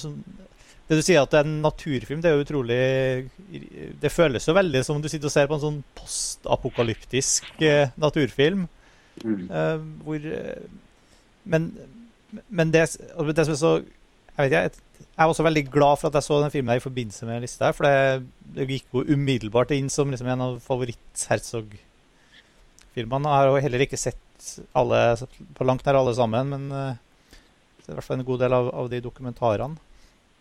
Men han, han, også, han, gjør jo veldig stort poeng av å tilføre en sånn bibelsk, sakral sånn helvetesdimensjon over det hele. Da. Veldig sånn han bruker mange sånne bibelsitater og snakker om liksom helvetes i eh, ilden som bob... Altså, du føler liksom at det er ondskap og flammer som bobler opp fra dypet her, og vi menneskene prøver så godt vi kan å legge lokk på det. og ja, som du sier, Stikke fingeren nedi hullet og liksom prøve å eh, Man viser oss alt det her nesten uten å vise oss eh, Altså, det er bare sånne enorme krefter. Og det er jo ikke det at det ikke er med mennesker i filmen, for det er jo det. Og noen, du ser jo noen ansikter til dem og sånt, men det, eh, det er veldig sånn Det er en helt unik måte å lage en slags eh, Det er jo like mye en, eh, en eh, Ja, hva skal vi si En uh, psykologisk eh, menneskedokumentar som det er en, en krigsdokumentar. da. Så, det slo meg når du sa det med, når du nevnte det med de bibelsitatene, at den, eh, den har jo egentlig en del til felles med, med fra 80-tallet. At den, den, viser liksom eh, Den bare viser eh, liksom menneskene som altså veldig sånn utenfra. Den setter en mye større sammenheng. da. Og så blir det, det blir liksom skummelt og, og litt skremmende på en måte, men samtidig det er liksom noe med de ødeleggelsene og de, de menneskelige inngrepene som, som, også fascinerer på en sånn Altså, det blir jo vakkert også. Så den, den Ja. Den, Ja. Så, men, men, så vet vi jo at alt det her, det her er flammene som velter opp, det er mørke, svarte gugger som kommer opp Den gallen, eder og gallen, liksom, som, vi ba, som bader og drukner oss. Liksom. Det, er jo, det er jo det vi vil ha også. Det er jo det vi slåss for. Liksom. Det er jo det vi ødelegger oss for. Og han viser oss noen sånne eh, I starten av filmen får du se liksom egentlig uten kommentar noe særlig, bare mm, noen torturrom og litt sånn Du skal skjønne altså du virkelig skal gni inn krigens, krigens grusomhet. Nei, men det er, det er jo den her oljen som, eh, som altså Det er ondskapen som vi på en måte både omfavner og ikke klarer å kontrollere.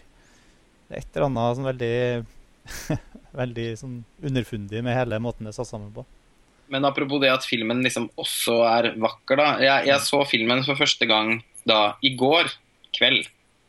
Som en forberedelse til denne podkasten. For det har vært en litt seig prosess for deg å få sett det. Ja, det har det vært. Eh, og jeg har sett ganske mange Herzog-filmer. Men har, eh, jeg har et nær, nærere, for ikke å si bedre, forhold til fiksjonsfilmene hans enn dokumentarfilmene hans. Jeg syns de tingene han gjorde med Klaus Kinski, uh, er helt uh, fantastisk. Og også en del av de andre snåle tingene han gjorde på, på 70-tallet, som uh, Heart of Glass og sånn, som jeg, jeg har hatt veldig stor Og Stråsekk og sånn som jeg har hatt veldig stor glede av. Men jeg har nok jeg har liksom falt litt av i Herzog-svingen de siste de, de siste årene, rett og slett. Da. Eh, selv om jeg eh, Den Ja, den Rescue Dawn som han gjorde med Christian Bale, den likte jeg veldig godt. Og det var jo da en fiksjonsfilm. Men så var jeg ikke så begeistret for den Bad Lieutenant-variasjonen hans. Eh, og så er det Grizzly Man og, og den her Death Row-dokumentaren som han gjorde nå for et par år siden. Og sånn. Det har ikke helt eh, Har ikke liksom helt uh, vært så begeistra for det, da. Så uh, Og jeg liksom følt at jeg, jeg liksom trengte en eller annen inngang for å komme inn i Herzogen. For jeg var mer opptatt av ham før enn det jeg er nå. Og det ble jo den perfekte inngangen, da, å se 'Lessons of Darkness', som jeg helt umiddelbart opplevde som et mesterverk. Uh, og som noe av det beste jeg har sett av han. Uh, Minna meg ganske mye om en tidlig dokumentarfilm han har laget, som heter 'Fata Morgana'. Bare at jeg syns at den her var veldig mye bedre. Jeg har ikke Og sett Fata Morgana. Men, øh, føl, men føler du at, har du sett noen andre av de tidlige dokumentarene hans? Er det liksom Er det litt tilbake til det han holdt på med da? Ja, den, altså, den her minner jo i mye større grad om fiksjonsfilmene hans. som han lagde da. Altså Agire, som jeg syns er kanskje hans beste film, har jo noe av den samme hemske men eh, hemske stemningen, men samtidig uhyre vakre naturpoesien som er i eh, som, som også er i 'Lessons of Darkness'.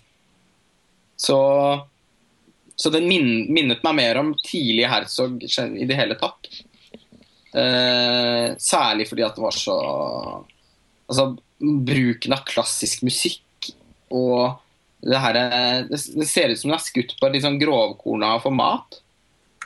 Kan ha vært skutt på vet ikke, Kanskje ikke 16 mm, men noe sånn Det er vel sammensatt av flere forskjellige opptak. Ja. det det Men det var noe sånn veldig sånn organisk over, over bildene i filmen. Og fantastisk bruk av klassisk musikk. Jeg minnet meg faktisk ganske mye om eh, skapelsessekvensen i The Tree of Life.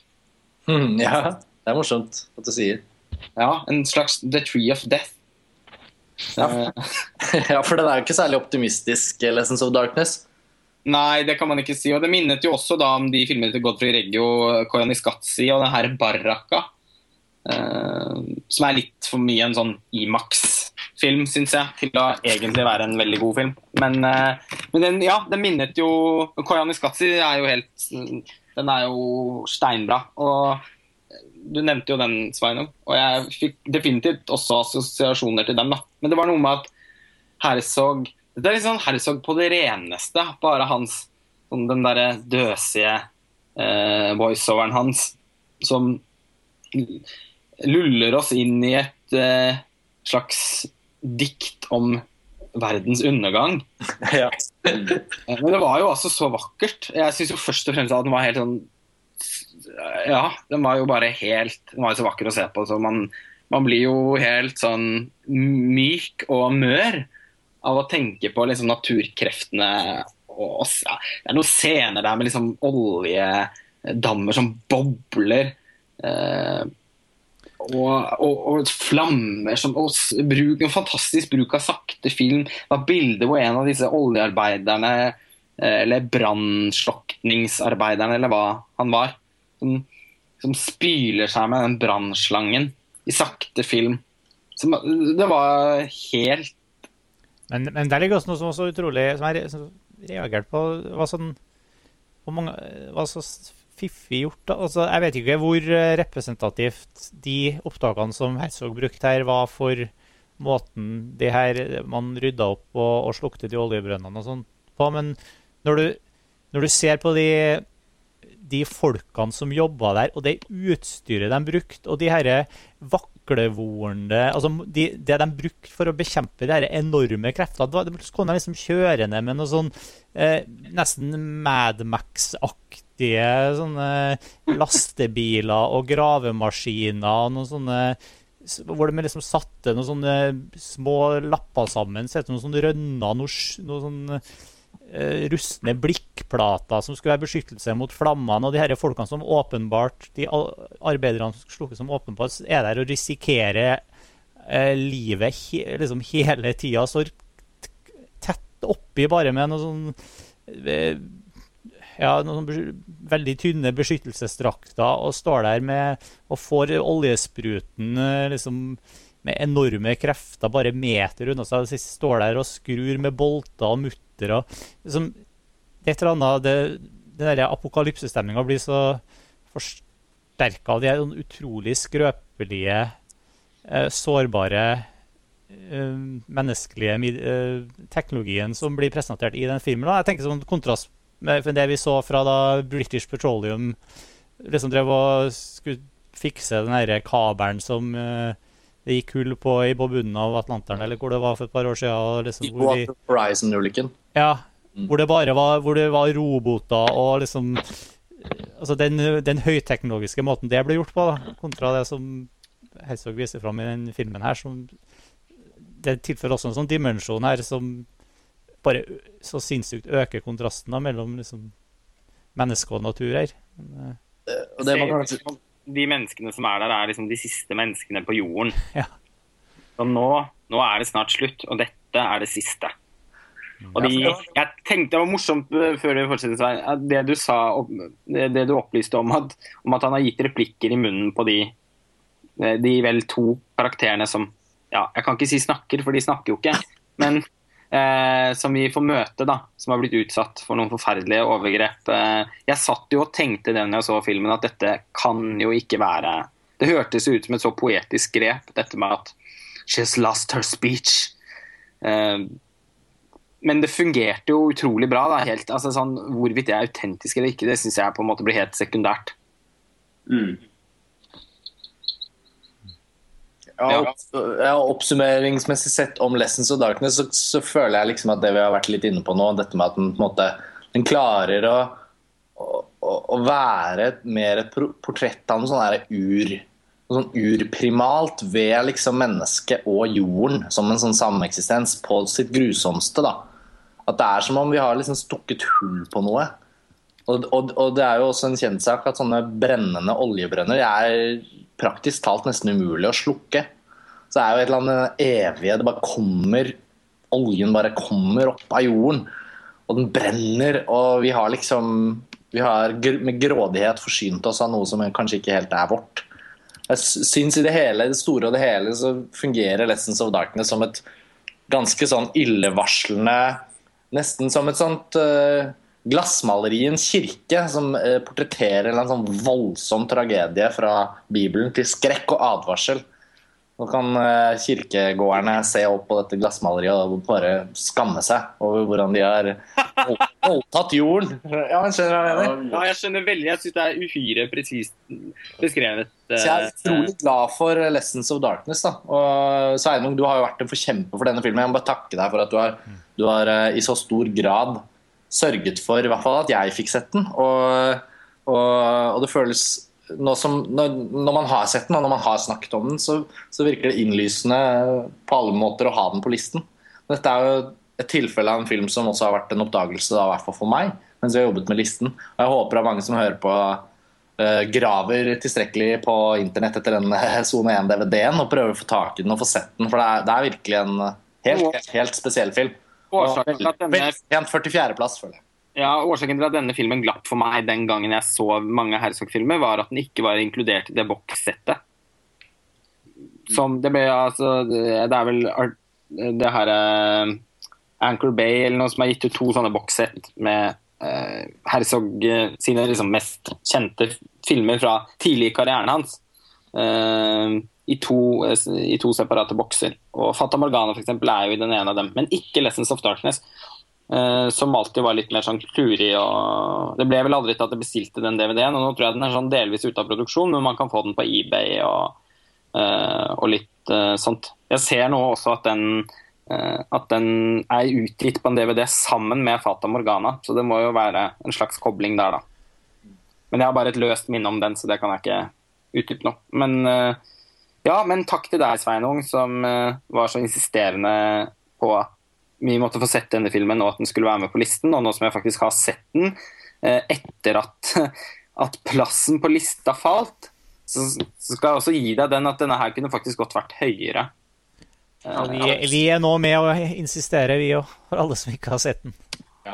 Eh, Men det, er, det gjelder jo mange filmer. da som, det, det gjelder på en måte sikkert også 'Reserver Dogs eller ja, mange vi har snakket om, men, men den var virkelig bare helt fantastisk. Og uh, ikke bare som en sånn gru, liksom som en sånn uh, skremmende eh, Ja, som et skremmende glassmaleri, som Karsten var inne på, men også som en helt sinnssykt vak Også som en påminnelse på hvor, vak hvor skremmende, men også hvor vakre naturkreftene våre er. da det er jo en ekstremt vakker film. og Jeg skjønte sånn at eh, le, måtte lese meg litt opp på filmen i, i natt.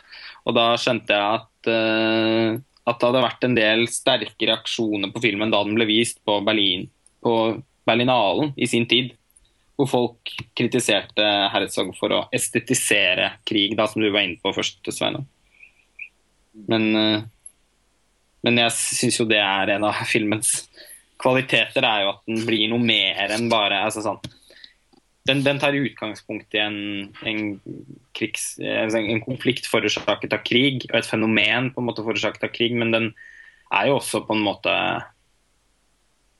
ja, Nei, jeg vet ikke. Den var bare helt fantastisk eh, flott å se på. Den kommer anbefalt. Varmt anbefalt til alle som lytter.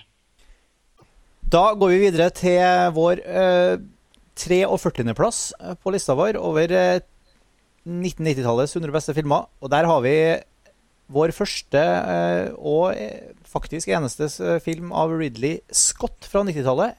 Og selvfølgelig må det da bli Thelma and Louise fra 1991. Den eh, Hva skal vi si?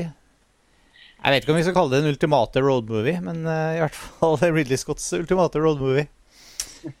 Um, hva, vi, vi var jo litt inne på det, vi har snakka om det flere ganger. Altså er det bare én uh, det, her er vår, det her er Ridley Scotts uh, representasjon på lista, og uh, Ja, hva er, Hvor vanskelig var det å finne den beste Ridley Scott-filmen på 90-tallet? Det var kanskje ikke så vanskelig? Det var ikke så vanskelig. Eh, vi har jo hatt en podkast tidligere på Filmpress hvor vi diskuterte Ridley Scotts eh, mest undervurderte filmer. Ja. For det er jo en regissør som faktisk har laget så mye bra at man nesten kan bli litt svimmel. Ja, og der er det Han er jo, vi har jo Og der etablerte vi vel at han er veldig sprikende.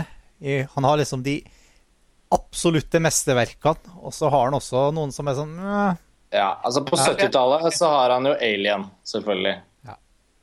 Og øh, på 80-tallet så har han Blade Runner med mer.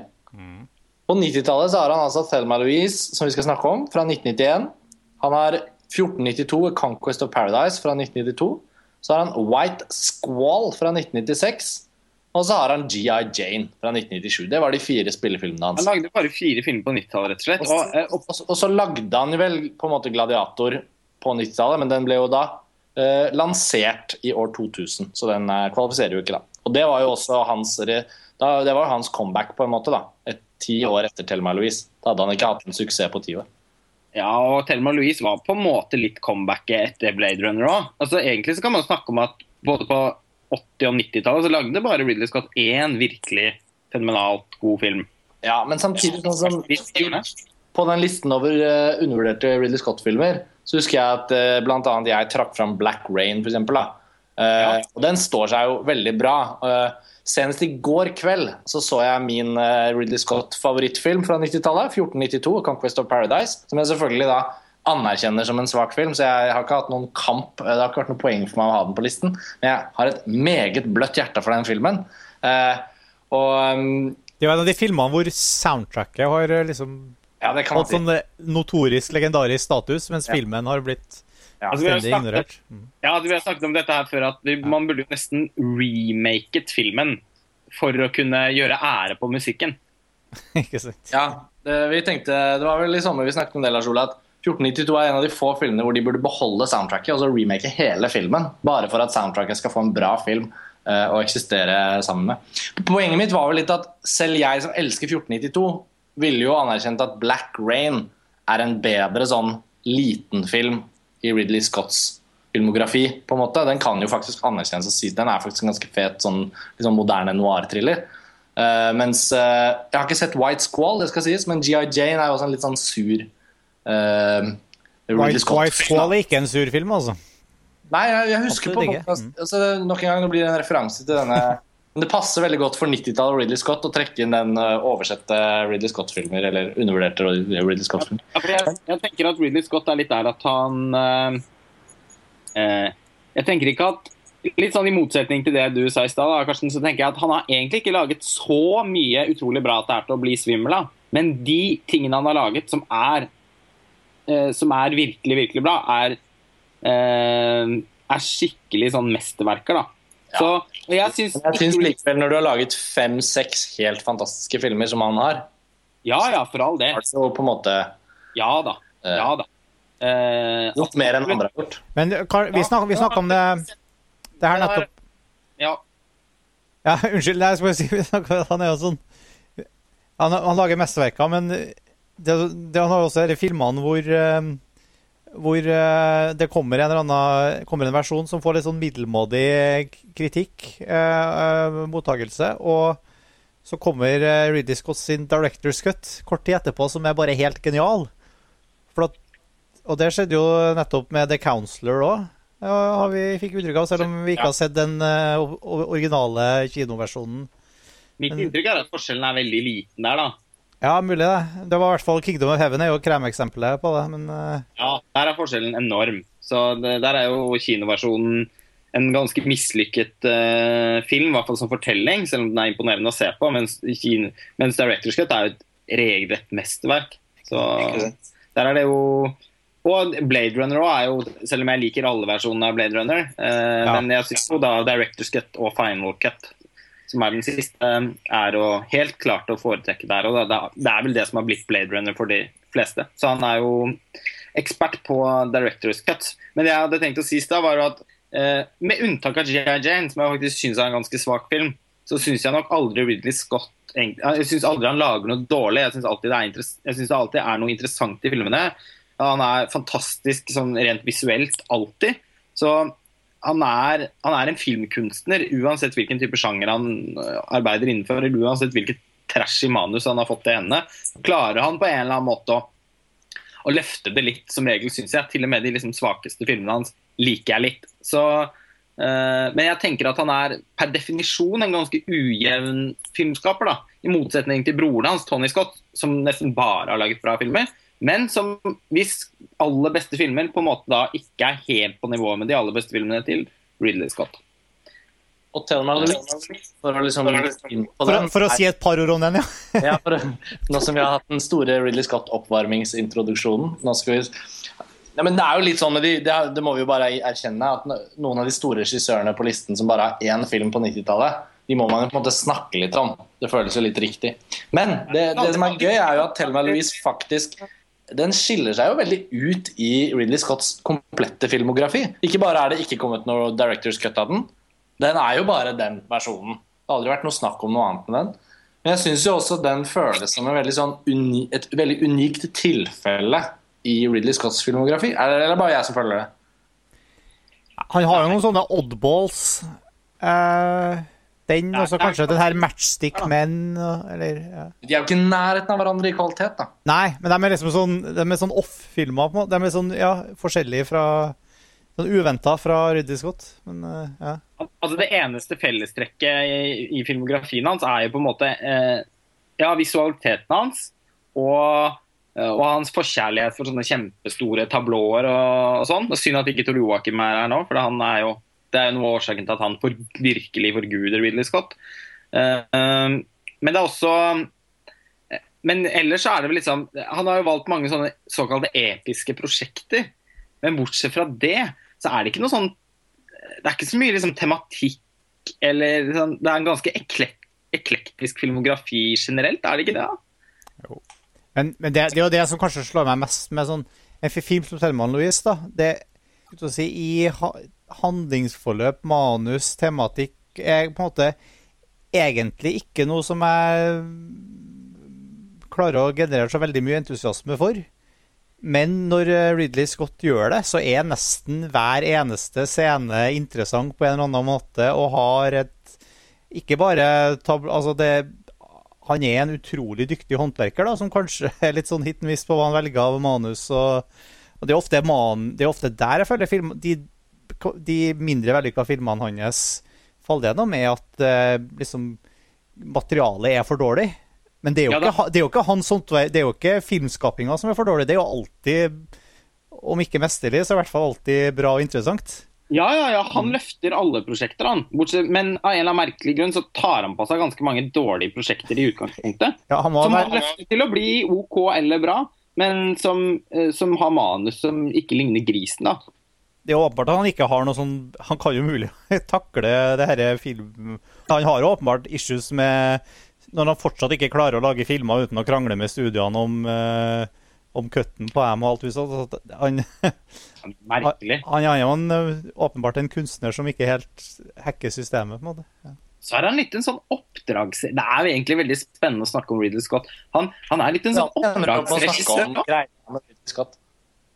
Ja, altså sånn han er litt Ja, men, men er sånn, Andre, sånn som Steven Spielberg og sånn, da, som, som han liksom han, ba, han, føler jeg nesten har kommet til et sted hvor han bare gjør sånne drømmeprosjekter.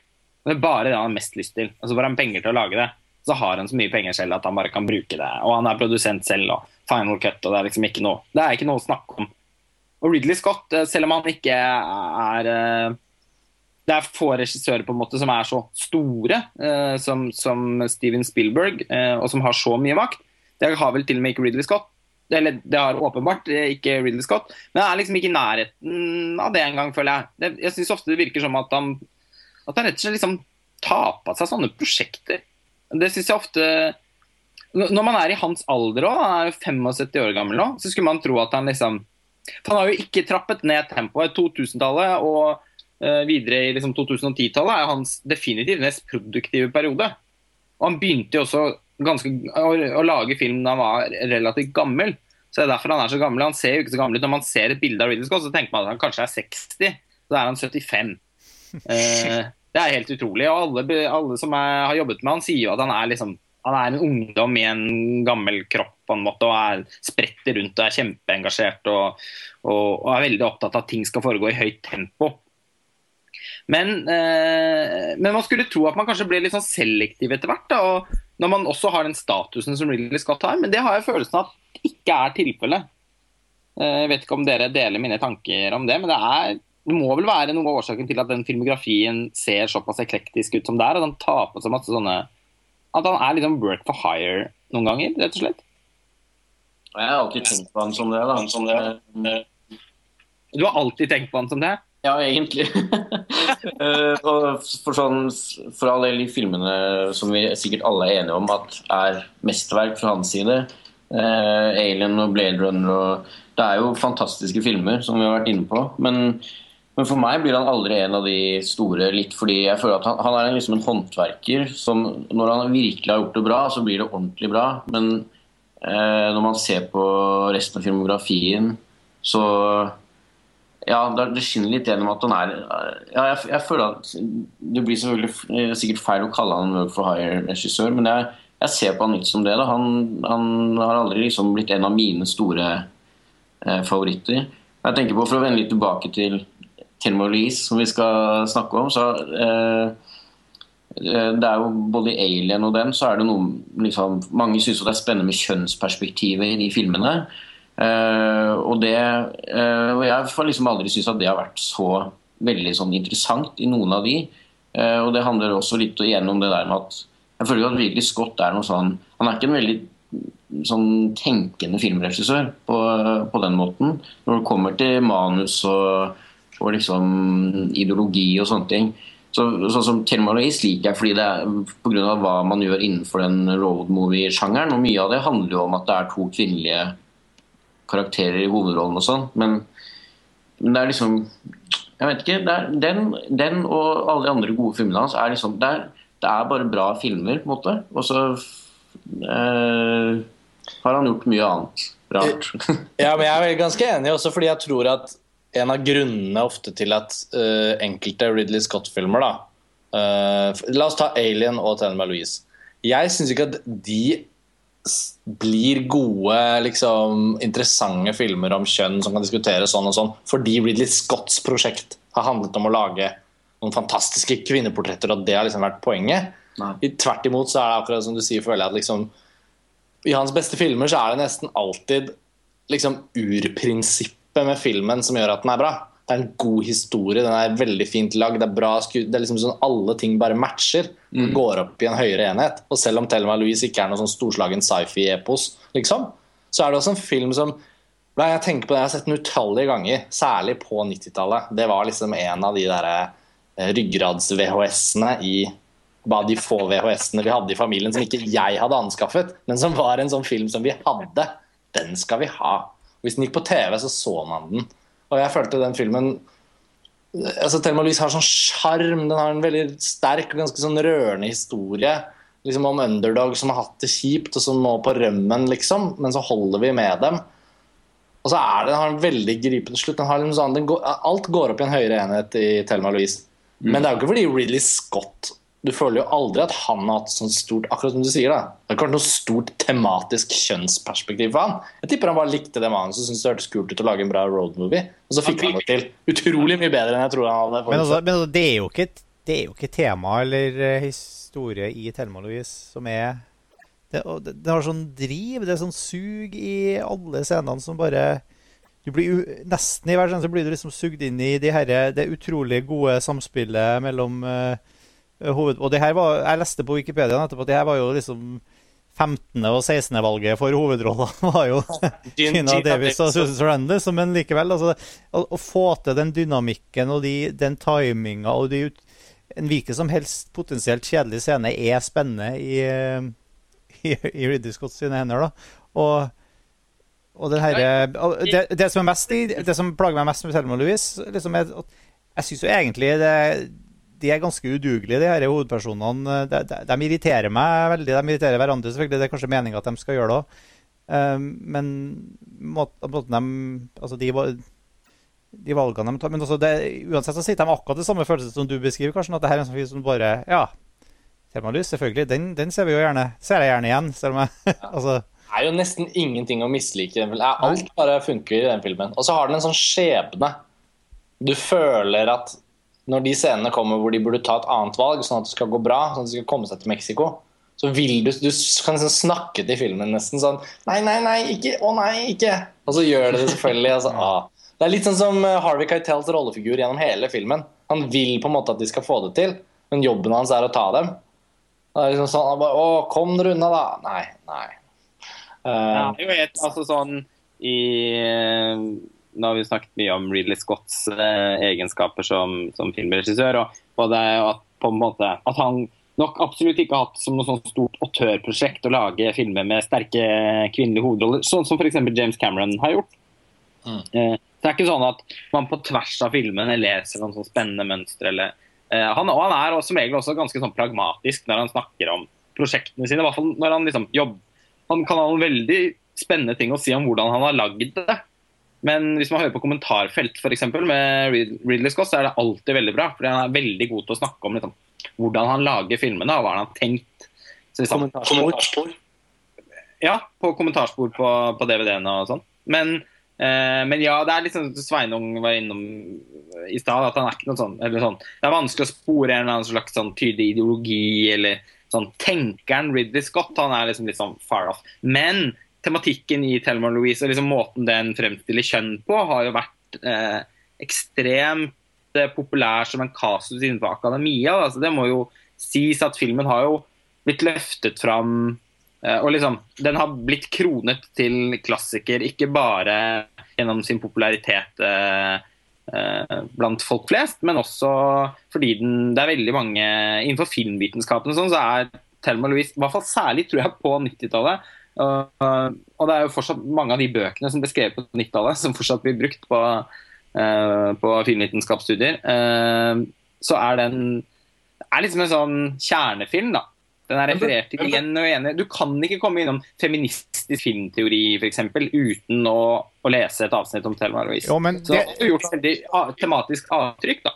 Men det er jo litt sånn som Blade Runner, som, som stadig er en referanse for uh, den her uh, uh, Altså menneskemaskin altså Uansett hva du kommer opp i av uh, den type teknologi kontra mennesker, så, så kommer du liksom borti Blade Runner. Men det er jo ikke Igjen så er det ikke Ridley Scott som er ansvarlig for det.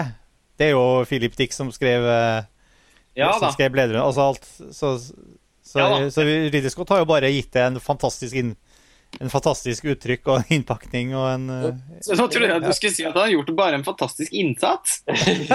Nei, han har jo Det er ikke et tema som han er mest opptatt av. Nei, og det, det mener Jeg at jeg, sier- jeg sier ikke nødvendigvis heller at vi her skal frarøve Ridley Scott enhver tanke om at filmene kan leses sånn eller sånn. Jeg tror ikke Ridley Scott er idiot heller. Det er jo ikke, det må liksom, men, men jeg føler man må kunne si at, at en film som Thelma Louise for eksempel, da, den har jo blitt en utrolig interessant film å, å lese i dette perspektivet og, og evige masteroppgaveemner på 90-tallet og sånn. Men det er jo ikke Det kan jo en film stige opp og bli Eh, også uavhengig av om måte regissøren hadde det som et stort prosjekt eller ikke. Jeg tror man i større grad må kunne se på manuset til hun Callie eh, hva heter hun, Curry, Callie Curry, som har skrevet Thelma Louise. Altså Som en fortelling, som, en, liksom, sånn, som et prosjekt fra hennes side. Liksom, dette er historien om disse to, og jeg, jeg liksom vil at de skal de gjennomlever disse forskjellige tingene, og sånn og sånn, og sånn så, så er det jo helt åpenbart et prosjekt der som er også portrettert i den endelige filmen. Eh, og, jeg, og jeg vil jo ikke si at liksom det på noen måte ikke er tenkt. Men i liksom selve Ridley Scotts prosjekt som film, altså hans regi, hans liksom visuelle utforming, hvordan han uh, får enkelte sekvenser som sikkert på papiret ikke virket så spennende, men som på filmen, fordi han strekker det ut og tøyer det med slow motion og vrir og gjør. liksom. Det er sekvenser i Thelma Louise som er mye bedre enn det filmen skulle tilsi at de var. på en måte. Eh, det, er et eller annet sånt, det er en sånn motsetning mellom to sider av den filmen, hvor han på en måte både har blitt et sånn eh, kjønnsrolleikon, nesten. Fordi det er jo veldig få filmer som har så sterke og tydelige kvinnefortellinger, og som også er så utrolig populære rent mainstream-messig.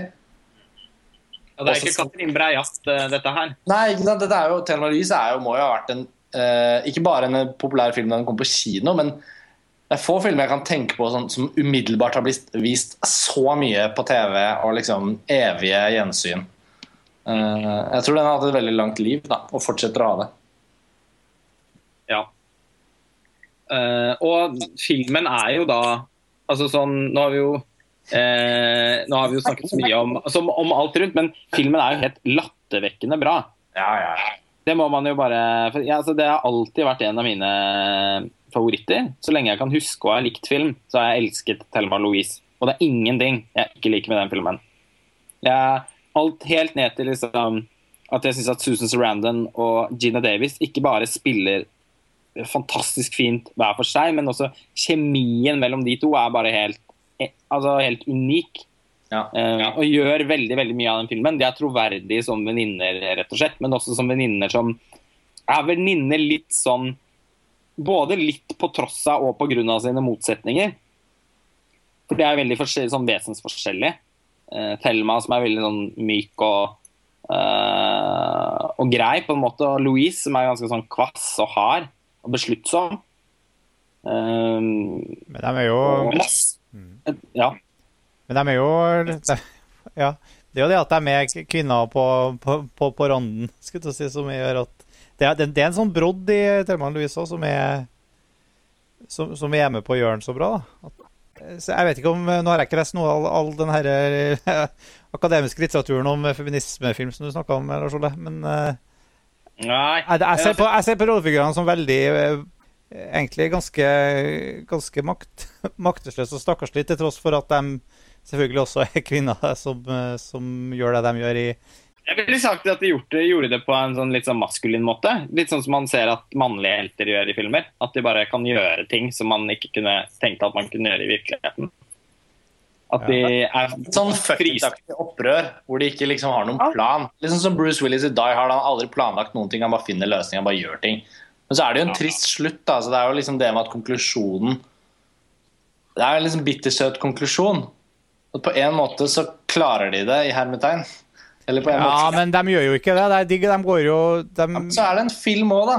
De fryser, Ja. Ja. de friser men, men, men hele det grunnlaget for at de gjør, går ut på den her altså De er jo på en måte stuck i den situasjonen de er før filmen begynner, og så bryter de ut av det. Altså fra det her hver, hverdagslivet deres som de eh, føles Så de må ut av på en eller annen måte, og så går de ut av det på den måten her og legitimerer for seg sjøl hvorfor de gjør det. Men det er jo De hadde jo kanskje hatt andre alternativ. Altså de, de, de ja, hele handlingsforløpet her er jo veldig sånn eh, Det, det er jo for så vidt, for så vidt interessant og fascinerende, det òg. Hvorfor det skrevet på, hvorfor de, de figurene tar de valgene de gjør. Men Louise, eh, når hun skyter han eh, voldtektsmannen som jeg ikke husker hva heter Men det er både villa og ikke villa samtidig, og det er på en måte hele den forklaringa med at ingen vil tro dem at eh, fordi de var fulle og to damer og folk så dem danse, og derfor så må vi bare flykte fra politiet og kjøre utfor en skrent til slutt og gå mer og mer ut i viddene og gjøre eh, mer og mer eh, Ja, men det høres, det høres ut som en film, tenker jeg. Ja, det er en film, absolutt. Bare- Du har problemer med at det er på en måte et drama. Litt. Så at Hvis de bare hadde droppet det og det, så hadde det ikke blitt så ille. Da, men da er det jo liksom ikke noe drama heller. da. Den minner jo ganske mye om Easy Rider på en måte òg. Ja, er, skjeden, ja. ja, på- at liksom Man er på jakt etter friheten og en slags amerikansk drøm. Eller, men det, var, det, det jeg prøvde å si, da, at jeg er litt usikker på hva som ligger i det, at er sånne, at, eh, hvor de har plassert seg i feminisme-filmdebatter. Hva, hva det egentlig betyr at, de er, at det her er et så viktig verk der. Men for meg så er det ikke spesielt sterke kvinnefigurer. Men det, er, det er ikke det at det, er ganske delte meninger om filmen, sånn, altså sånn, om kjønnsframstillingen og sånn. Så det er ikke sånn at det er udelt eh, som en sånn bejublet eh, feministisk verk. Eh, det er ikke det. Det er noen som mener det helt motsatte òg. Men at det er handle, altså handlekraftige kvinneskikkelser som gjør ting som kanskje ikke er tradisjonelt forbundet med kvinner på film, det er det jo ikke noe tvil om. Det er jo Eh, bare det som du sier, måten du beskriver det på, da, at på en måte filmen bare er liksom som en sånn rekke av hendelser hvor de eh, agerer impulsivt i forhold til de situasjonene som de havner i, det er på en måte ofte Det er noe jeg forbinder i hvert fall med en sånn klassisk sånn der, eh, mannlig ja, identitetsreise, eller bare en Hvis det er en film med en viss kompleksitet, eller Eh, eller bare en klassisk sånn derre Ja, hvilken som helst type action action-thriller, liksom. Hvor folk havner i den ene situasjonen etter den andre, og noen må skytes, og så blir det et bankran, og så må, det, så må de kjøre videre. Altså, Roadmovie-formelen generelt da, da, er jo på en måte en sjanger som man kanskje forbinder mer med mannlige hovedkarakterer enn enn kvinner. da. Så det er vel noe med sjang...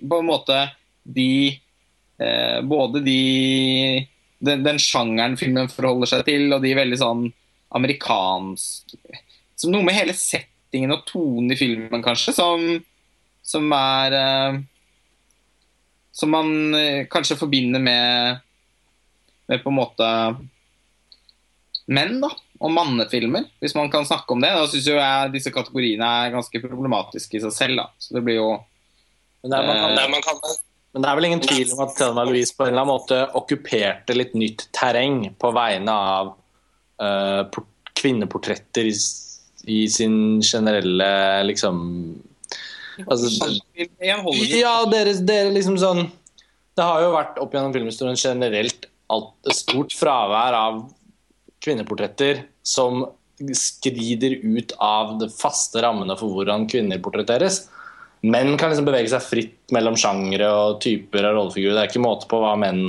kan gjøre på film. Og jeg tror du er veldig inne på et veldig viktig poeng med at Thelma Louise kanskje særlig også har vist seg å ha en sånn tidløs kvalitet fordi det fremdeles, da, 23 år senere, føles uvant og litt radikalt at de to kvinnene leder an i en sånn type fortelling i en sånn sjanger. Og vi føler fortsatt behov for å tenke, jo, tenke, tenke noe om det og reagere på det på en eller annen måte. Ja, jeg tror det ligger noe der, da. Uh, altså er det også en film som er populær hos et mannlig publikum. Det er jo en ja. ting er, det er ikke det at det mangler kvinnelige hovedkarakterer på film. Det finnes et utall romantiske komedier ja, det med hovedroller. Men, men, som en sjanger, klassisk, typisk sånn sjangerfilm uh, og med en type Hollywood-konvensjoner som man gjerne forbinder med filmer med mannlige helter, så var Thelma Louise eh, et, et friskt pust.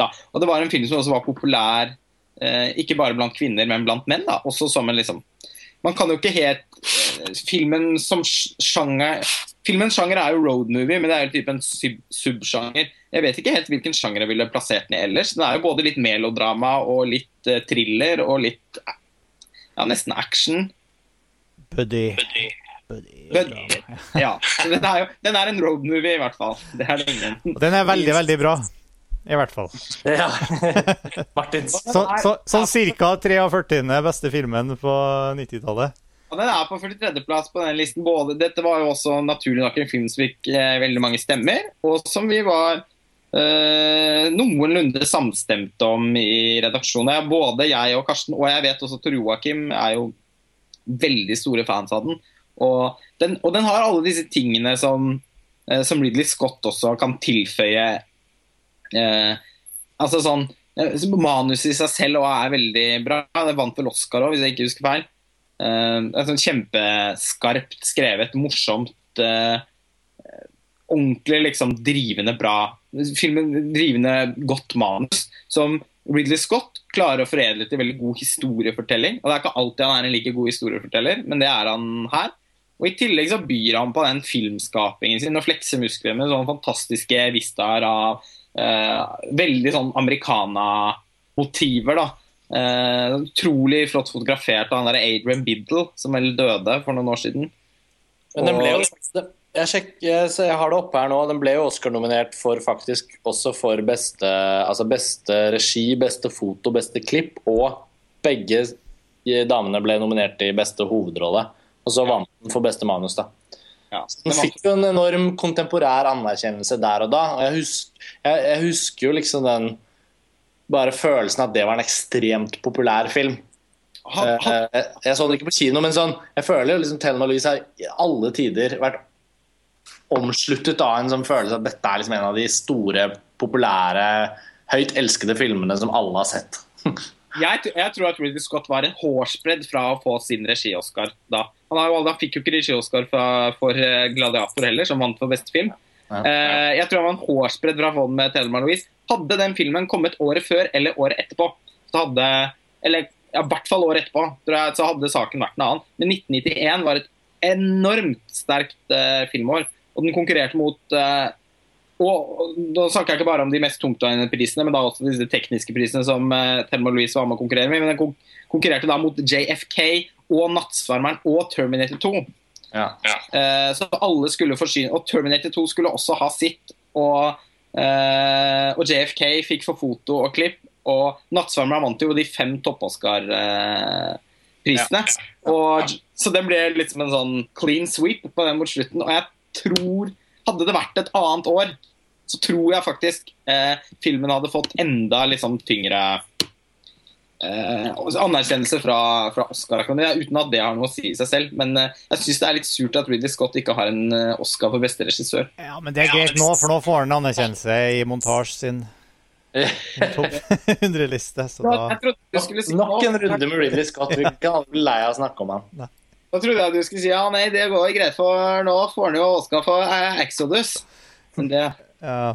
Mm. det var ikke det du sa. Ja, men Bibeladaptasjon, du aldri si aldri. Ikke det at han får regi-Oscar i år, det er ikke det, men sånn Det er jo ikke en dum sanger. Nei, altså jeg gleder meg jo ekstremt uh, til den filmen. Bare så det er sagt. Jeg syns den ser helt super ut, jeg. Ja. Men, uh, eh, men det ser nok ikke ut som en umiddelbar Oscar-favoritt. Nei, det gjør jeg sikkert. Nei, eller ikke sånn som jeg ser det, i hvert fall. Men til helt Jeg, jeg lukter en egen podkast. Kom, kom med der. Ja, Vi blir jo aldri ferdig, men det må jo også nevnes da. Eh, og det er ikke det vi trenger å gå gjennom absolutt alle elementer i absolutt alle filmer, selv om det egentlig basically er det vi ender opp med å gjøre hele tiden. Men eh, Hans Zimmer sin musikk til Thelma Louise er altså så utrolig bra. Og fortsatt eh, syns jeg noe av det aller beste Hans Zimmer har gjort. Og ettersom Hans Zimmer er eh, en av mine absolutte favorittkomponister. Eh, og som vi snakker om vi, vi laget en, Jeg og Karsten og Sveinung laget en spesialepisode av Celluloid Tunes. Eh, Troakim sin filmmusikkpodkast for noen uker siden. Eh, hvor vi både snakket om eh, om Ridley Scott eh, sin, eh, sine filmer, fordi at Vangelis sine soundtracks for henholdsvis Blade Runner og 1492 var bla, blant eh, dukket opp eh, som noen av våre favorittsoundtracks.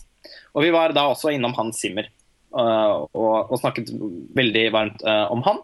Og Thelma Louise syns jeg altså virkelig er noe av det aller, aller, aller beste han har gjort. Musikken i Thelma Louise er gjør også Jeg syns den bidrar veldig til å gi filmen den der suggererende tonen den har. Og det, jeg syns musikken også er helt Sånn er det jo litt i alle filmer, da, fordi musikk forsterker følelser. Men jeg syns virkelig at Thelma Louise blir mer rørende av Hans Simmers musikk. Fordi han kliner til med det her Thunderbird-temaet sånn eh, På sånn akkurat Sånn akkurat finner de der rette øyeblikkene hvor han kan kline til litt med den musikken.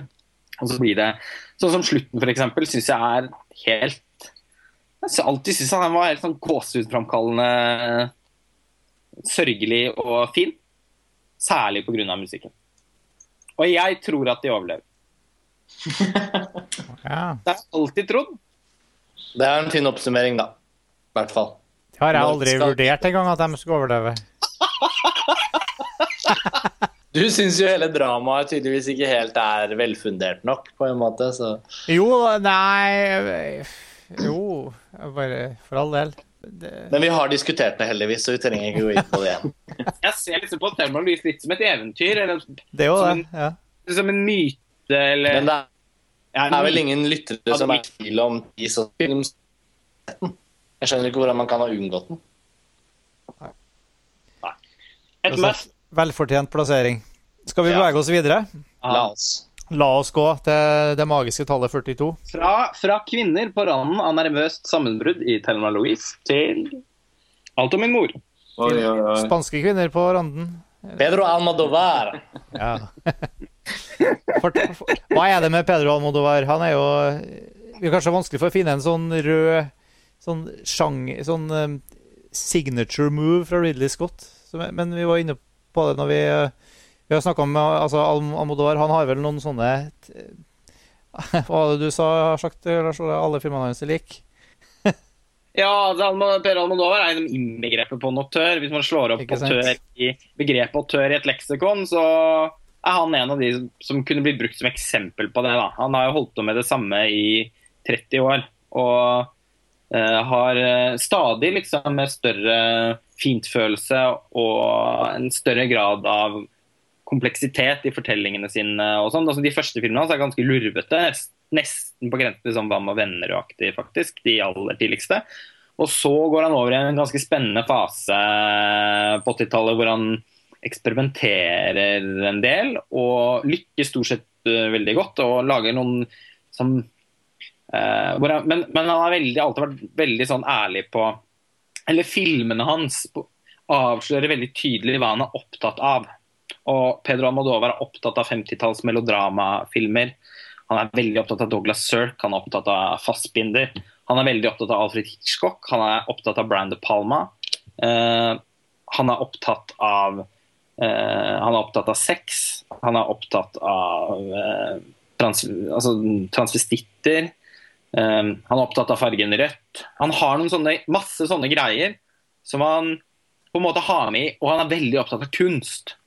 Og, og film og, og, og, kunstnere og liksom eh, hvordan eh, Han er, han er han, I nesten alle filmene hans så er det en samtale om kunstverk. Altså Enten om en bok eller om et teaterstykke eller om en, om en dans eller om en film. Eller, så han er veldig sånn Han har masse sånne greier. Eh, masse eh, Det er liksom som han har en koffert som han pakker med seg hver gang han lager film. Og så har han blitt hatt en veldig sånn tydelig utvikling som filmskaper. Det er jo noen som begynner på toppen, og som på en måte enten holder seg der eller faller, eller sånn, men som mer eller mindre er er liksom i samme modus hele karrieren. Men jeg føler at Pedro Almodovar virkelig liksom har nesten sånn, Han gikk jo ikke på filmskole heller. Så han har jo, Det er akkurat som han har lært mer og mer og mer, og mer for hver film han har lagd. Og hans mest anerkjente filmer er jo de som er laget på slutten av 90-tallet og litt utover på 2000-tallet. Så ganske sent i karrieren. da. Og det er ikke så vanlig. Mange de, de, Det er i hvert fall veldig mange regissører som eh, som taper seg litt etter hvert, eller som mister gnisten eller, eller stagnerer litt. Men for Pedro Rodova har det nesten vært helt motsatt. Da. Og eh, de to eller de tre kanskje da, aller mest anerkjente filmene hans er vel den perleraden med 'Alt om min mor' og 'Snakk til henne' og 'Volver'. Nå var det en film som ble laget mellom 'Snakk til henne' og 'Volver', og som heter 'Dårlig oppdragelse', som også er veldig bra, men som, ikke, som det er litt mer delte meninger om. Men uh, Alt min mor, snakk til henne og Volver er i hvert fall det som de, de fleste tror jeg tenker på som hans uh, det var hans, hans mest uh, bredt anerkjente filmer. da, Og de er jo fra De er jo ikke så, så gamle, rett og slett. Og, det er jo en perler av akkurat de, de, du nevner der. Uh, var i sin senit uh, da, føler jeg. Ja, også, også, hvis man ser på 90-tallet og Pedro Almodovar, så er jo også 'Alt om min mor' Den er jo fra 1999, den også. Og og den eh, er jo også oppsummeringen av mange ting som har pågått. Den kommer jo liksom på et tidspunkt hvor, hvor det virker jo også som at Amodovar finner, finner liksom et, eller annen, et, eller annet form av destillat, selv om man lager de samme filmene om og om igjen, sier man i hermetegn. Jeg, hva slags forhold har liksom dere alle her til Almodovar, egentlig? For jeg, jeg opplevde det veldig sånn at så fort jeg begynte å se noe Almodovar, skjønte jeg med en gang at jeg likte det. Og så har jeg på sett og vis egentlig likt alle filmene hans jeg har sett. Jeg har ikke sett alt han har laget. Og jeg syns ikke alt er like bra. Jeg syns alt om min mor er en helt utro... Jeg husker bare at den var helt sånn hjerteskjærende, rørende og sterk og, og, og, nydelig. Det samme med 'Snakk til henne' og 'Volver' og liksom. Men, men, men, han er jo litt sånn man må ha et forhold til, føler jeg. Det går jo også an å falle av vogna, og det er ikke så rart at folk også også ikke helt kobler på. For Filmene er jo veldig like. Det er sånn en greie. Han er litt sånn at man bør helst se så mange av filmene hans som mulig, og så se de han får først. å få glede av det, på en måte. Ja, og, altså, og hvis man liksom er i gang med Hvis man begynner med Almodovar, så bør man først prøve liksom å se så mange filmer som mulig, og så begynne å se de man så til å begynne med, på nytt igjen. Fordi de vil berikes av at man har sett Altså, det går veldig sånn i sirkel. Jo flere Almodovar-filmer man ser, og jo flere ganger man ser dem, jo mer eh, Hvis man liker det, da, på en måte. Hvis man, en, hvis man, har det i seg til å kunne like det, så liker man det som regel bedre og bedre. Jeg tror aldri jeg har truffet noen som har likt Almodovar dårligere jo mer de har sett, eller jo flere ganger de har sett enkelte av filmene hans. Men han er jo ikke all, absolutt alle sin kopp med te. Det, det har jeg forstått på, én en måte forståelse for, og på en annen måte så har jeg egentlig ikke noe forståelse for det. Men Martin, da? Nei, ikke. Jeg håper du ikke skulle. Nei, du, jeg har veldig um, ureflektert forhold til Almodovar. Uh, så, så, for meg så er nest, det, det, er nesten sånn at jeg har, jeg har sett en håndfull Sikkert en tre-fire Almodovar-filmer, og de sklir litt det, det, er litt sånn svevende for meg. Var, for meg er det en stor grøt av Almodovar. Så det har stort forbedringspotensial? Jeg har stor, enormt forbedringspotensial der, så der hadde jeg håpa du ikke skulle rette uh, søkelyset mot meg i det hele tatt. For jeg, nei, jeg har aldri helt det er interessant. Jeg tror mange av lytterne sikkert også kjenner seg inn i den følelsen. Veldig ofte så snakkes jo Almodovar om med en sånn selvsagthet. For veldig mange som er glad i film, er også litt glad i Almodovar og dyrker det litt og syns det er litt herlig at filmene bare gjentar seg selv. og Jeg kan huske scener fra Almodovar-filmer som jeg ikke klarer å plassere i filmene. Det kan jeg erkjenne. Det er ikke så veldig vanskelig å erkjenne det. Jeg har et godt forhold til han, men jeg har ikke dyrket han i så stor grad. Jeg vet ikke med deg, Sveinung, om du liksom Jeg har heller ikke dyrket han eh, på en måte som jeg har gjort med andre veldig stiliserte eh, filmskapere. Men det er noe av det som gjør at jeg syns det fortsatt er litt spennende med Almodovar. At jeg føler meg ikke helt Han er liksom, han er ikke blitt helt klok på han ennå. Og jeg, og jeg har alltid likt eh, Jeg har likt liksom filmene jeg har sett av han tidligere. Og så har jeg fått et slags sånn nytt forhold til han nå, egentlig bare de siste årene. Jeg har sett opp igjen filmer, bl.a. Eh, 'Alt om min mor', da, som jeg bare har liksom ligget litt sånn langt bak i minnet. Og også sett eh, noen av hans nyere filmer. Da. Så jeg, og jeg er helt enig med, med det som eh, Lars Ole sa i stad. at Jo, jo mer man ser, jo flere av filmene hans man ser på nytt, så jo, jo liksom klare bildet danner seg av at Almodovar er, er virkelig en autør å, å regne med og elske. da. Um, og jeg syns Altså for meg Jeg liker jo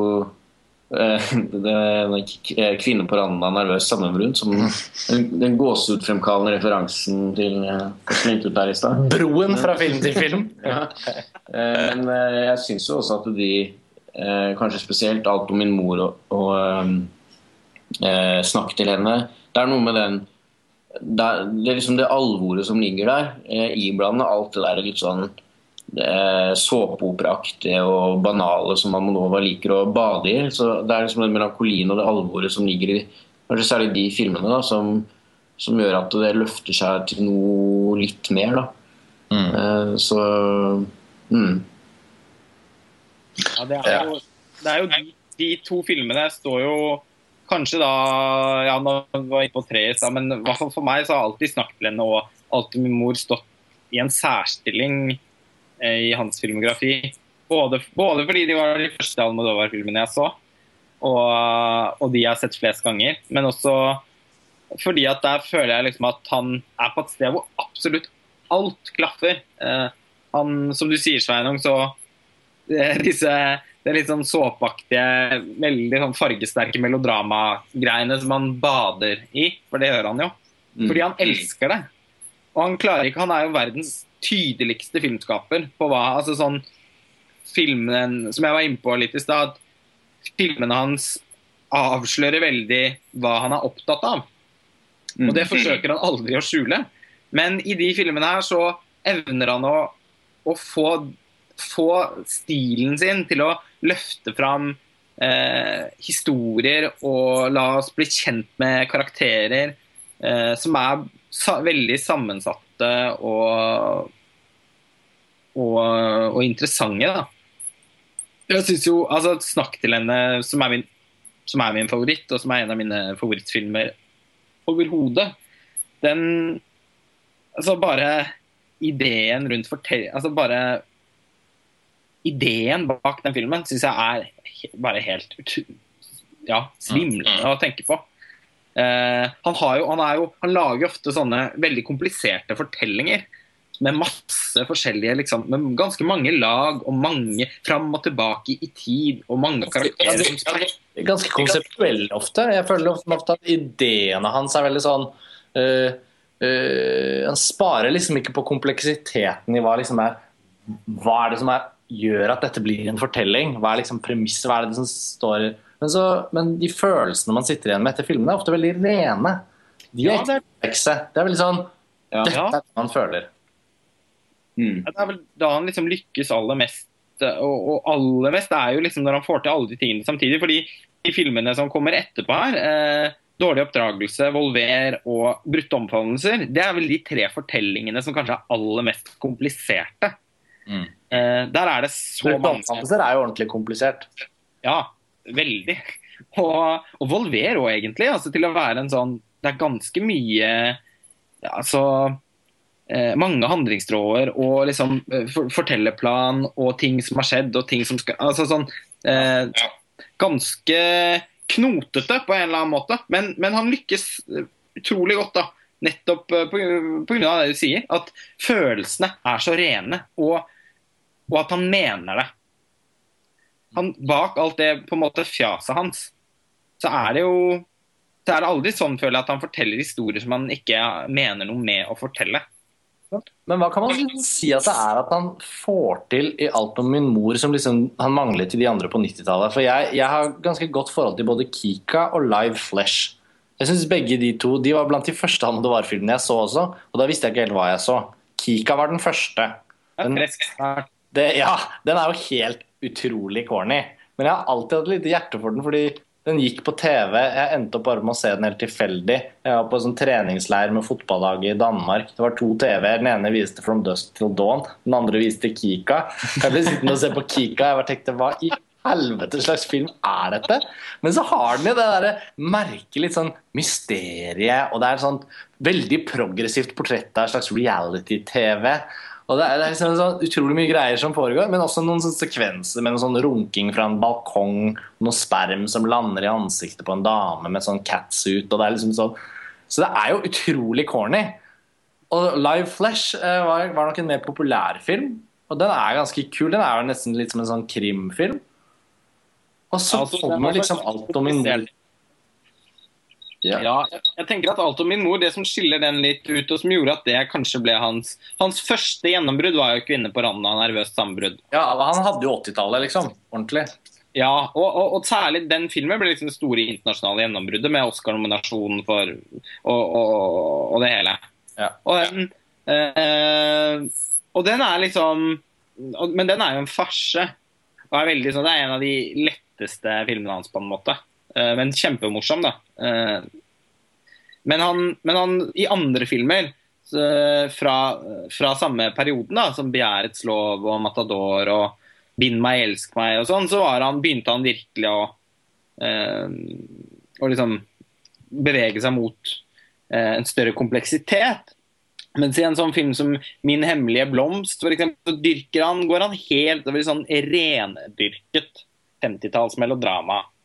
Uh, kjempefin film, det òg, men ikke så veldig kompleks igjen.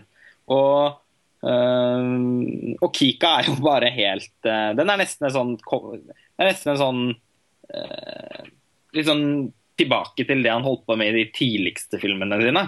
Altså, jeg tror han har se, jeg tror basically han har sett Bitter Moon og tenkt kan jeg skrive noe for Peter Coyote? Og så fant ja. han en løsning på det. på en måte. Ja, det tror jeg òg. jeg elsker Kika litt. Jeg må si Den filmen har litt plass i mitt hjerte. Men alt om min mor, eh, som jeg ikke har sett like nylig som dere to. da. Eh, og Martin tydeligvis føler jo at han har et eh, litt mer distant forhold til Almodovar. Så, så jeg husker jo den først og fremst som en sånn vanvittig rørende og sterk fortelling den står jo ikke som en Almodovar-film med de store crazy ideene og bildene. I hvert fall ikke sånn som jeg husker den. Hvordan er den liksom å sette liksom sånn, Nå er det jo 15 år siden den filmen kom. Hvordan har det vært å se den igjen, egentlig? Er, den jeg synes Noe av det som har holdt seg godt med den filmen, er at uh, Almodovar er fortsatt opptatt av de samme tingene som før. Men han er litt ferdig med den der uh, veldig provokative Eh, det veldig sånn provokative behovet. Han liksom, nå har han bare med noen transvestitter, og det er, liksom, det er litt mer avslappa. Eh, De kan bare være der, på en måte? ja. Og det, og det, blir en slags sånn ja, Det blir rart å kalle det tidløst, da, men, men, det er liksom en slags sånn tidløshet i det. At liksom Eh, de blir bare en, en, del av hele dette et slags eventyr, omtrent. Sånn, det er noe litt sånn eventyraktig over den filmen for meg, i hvert fall. Mm. Og det, det, det, er liksom bare Alle de Almodovar-elementene er mer eh, ja, nedtona på én måte, men, men, det gjør også at de løftes opp til en, til en høyere enhet. da og det, ja, jeg, jeg husker, når jeg så det nå igjen, så huska jeg egentlig bare Jeg huska liksom enkeltsekvenser og litt sånn grovt hva det handla om. Så, og gjensynet var utrolig bra. da. Um, og, ja, det, jeg må si som, altså, Jeg tenker ikke på det som en 90-tallsfilm på den måten, egentlig. Den, Nei, der er også, føler jeg også Almodovar er litt sånn som hever seg litt over ti år. Mm. Ja, og hvis, og hvis, man skulle hektet uh, alt om min mor på en periode i Almodovars filmografi, så er det jo 00-tallsperioden hans. Det er litt sånn det er litt sånn, det vi har snakket om, ja, Ja, så det er litt sånn at å, den kom akkurat ikke med på 2000 Men den hører jo med til den serien der som, som mange da ser på som den sterkeste fasen i, i karrieren hans. Og, uh, men jeg tror nettopp det der med at uh, For Alt om min mor er ganske sånn rendyrket melodrama, men den er ikke, men den er ikke banal. Og den er ikke Den er ganske tung på en eller annen måte òg. Og den har en distanse også, som, som, til liksom det eh, Ja. Alt Ja, fordi- Det er liksom en merkelig blanding av veldig sånn emosjonelt og melodramatisk og en sånn der distanse som opprettholdes hele veien, syns jeg. Ja, jeg er helt enig. Og den har øh, Og det jeg mener med at den er tung, er liksom, det er ikke så mye tung å se, for den er ekstremt underholdende, som alle Almodovar sine filmer. Men den er, det, er liksom, det er noe ordentlig sånn vondt i filmen nå, syns jeg. Eh, og, og apropos disse transene og sånn, da.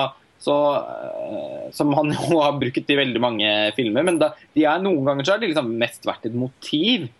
Eh, og et visuelt motiv som han syns er spennende. Men i den filmen her så går han også da inn i en av altså Her utforsker han jo et av sine urmotiver, da. Transpersonen. Som, som får en helt annen uh, som, som blir, te, Det temaet blir jo diskutert på en helt annen måte i 'Alt om min mor' da, enn i, i tidligere Almodovar-filmer. Og blir um, Ja. Så sånn sett så, så er, og, og filmen er jo liksom også en miljøskildring i større grad, føler jeg, enn en mange tidligere Almodovar-filmer. Den er ikke så kondensert til å liksom bare utspille seg i et sånt Almodovar-univers. Den er liksom også et, et portrett av Barcelona og av uh, horemiljøet i Barcelona og, og teatermiljøet, ikke minst. Mm. Og Det er jo det du snakket litt om innledningsvis også, at Almodovar har vært utrolig opptatt av å portrettere kunstnere og uh, Ikke kunstnere, men liksom hele det, ja, hvilken rolle kunsten uh, har i de forskjellige menneskenes liv, da, som er en del av filmen. Det, det føles ut som veldig sånn sterkt sånn, sånn, sånn bidragsytende motiv, nesten, kan man si, underveis i filmografien hans. Ja, og i Altenmor så handler det også om Det er noe med de der eh, skiftene mellom identiteter med når man er en skuespiller, men også å spille roller. Og så er det de der ja, hvordan, hvordan man som person glir over i de rollefuglene man spiller, og hele den der skuespilleridentiteten mer generelt. Eh, det, ja, det er også et sånn spennende tema i den Ja, og, og hun Manuela som også gjennomgår et identitetsskifte idet hun ikke lenger er mor. Ja. Eh, og for så å bli mor igjen på slutten. Mm. Eh, den er, det, identitetstematikken er veldig tydelig. Altså, det er jo, og nå har vi jo på en måte ikke engang begynt å snakke om altså sånn, det, eh, alle de sånn, spesifikke tingene med filmen som gjør den så god. Den er jo ut, utrolig bra spilt. Eh, hun Cecilia Roth, eller Roth, eller Jeg har aldri helt skjønt hvordan man skal uttale hennes navn. Nei, man får bare prøve seg, tenker jeg. Hun har vært med i veldig mange av filmene hans. Ja, og hun er fantastisk bra. Hun, eh, hun Marisa Paredes, som jo er litt sånn På en måte syns jeg Almodovars urskuespiller. Bare fordi oppsynet, utseendet hennes er så genuint Almodovar-aktig. Mm. Eh, hun uh, syns jeg er fantastisk bra i den filmen. Eh, og han har Altså, når man begynner, når man setter seg ned og ser en Almodovar-film, så føler jeg alltid at man er sånn, og særlig i de senere filmene hans, så føler jeg at man er i sånn utrolig gode hender. Det er sånn eh, Det er akkurat som jeg det tar bare noen sekunder før jeg liksom påminnes om både hvor godt jeg liker filmene hans, og liksom hvor, hvor stor en filmskaper han er. Et, en, bare fortekstene i 'Alt om min mor' er liksom bare helt fantastisk bra. Han er jo en Måten han bruker mise en scène på og sånn fantastisk Bare filmspråket til Almodovar er eh, noe av det beste jeg vet om. Eh, jeg synes at han Det er ikke mange jeg syns er på hans nivå i sånn der klassisk Han har på en måte en veldig klassisk stil.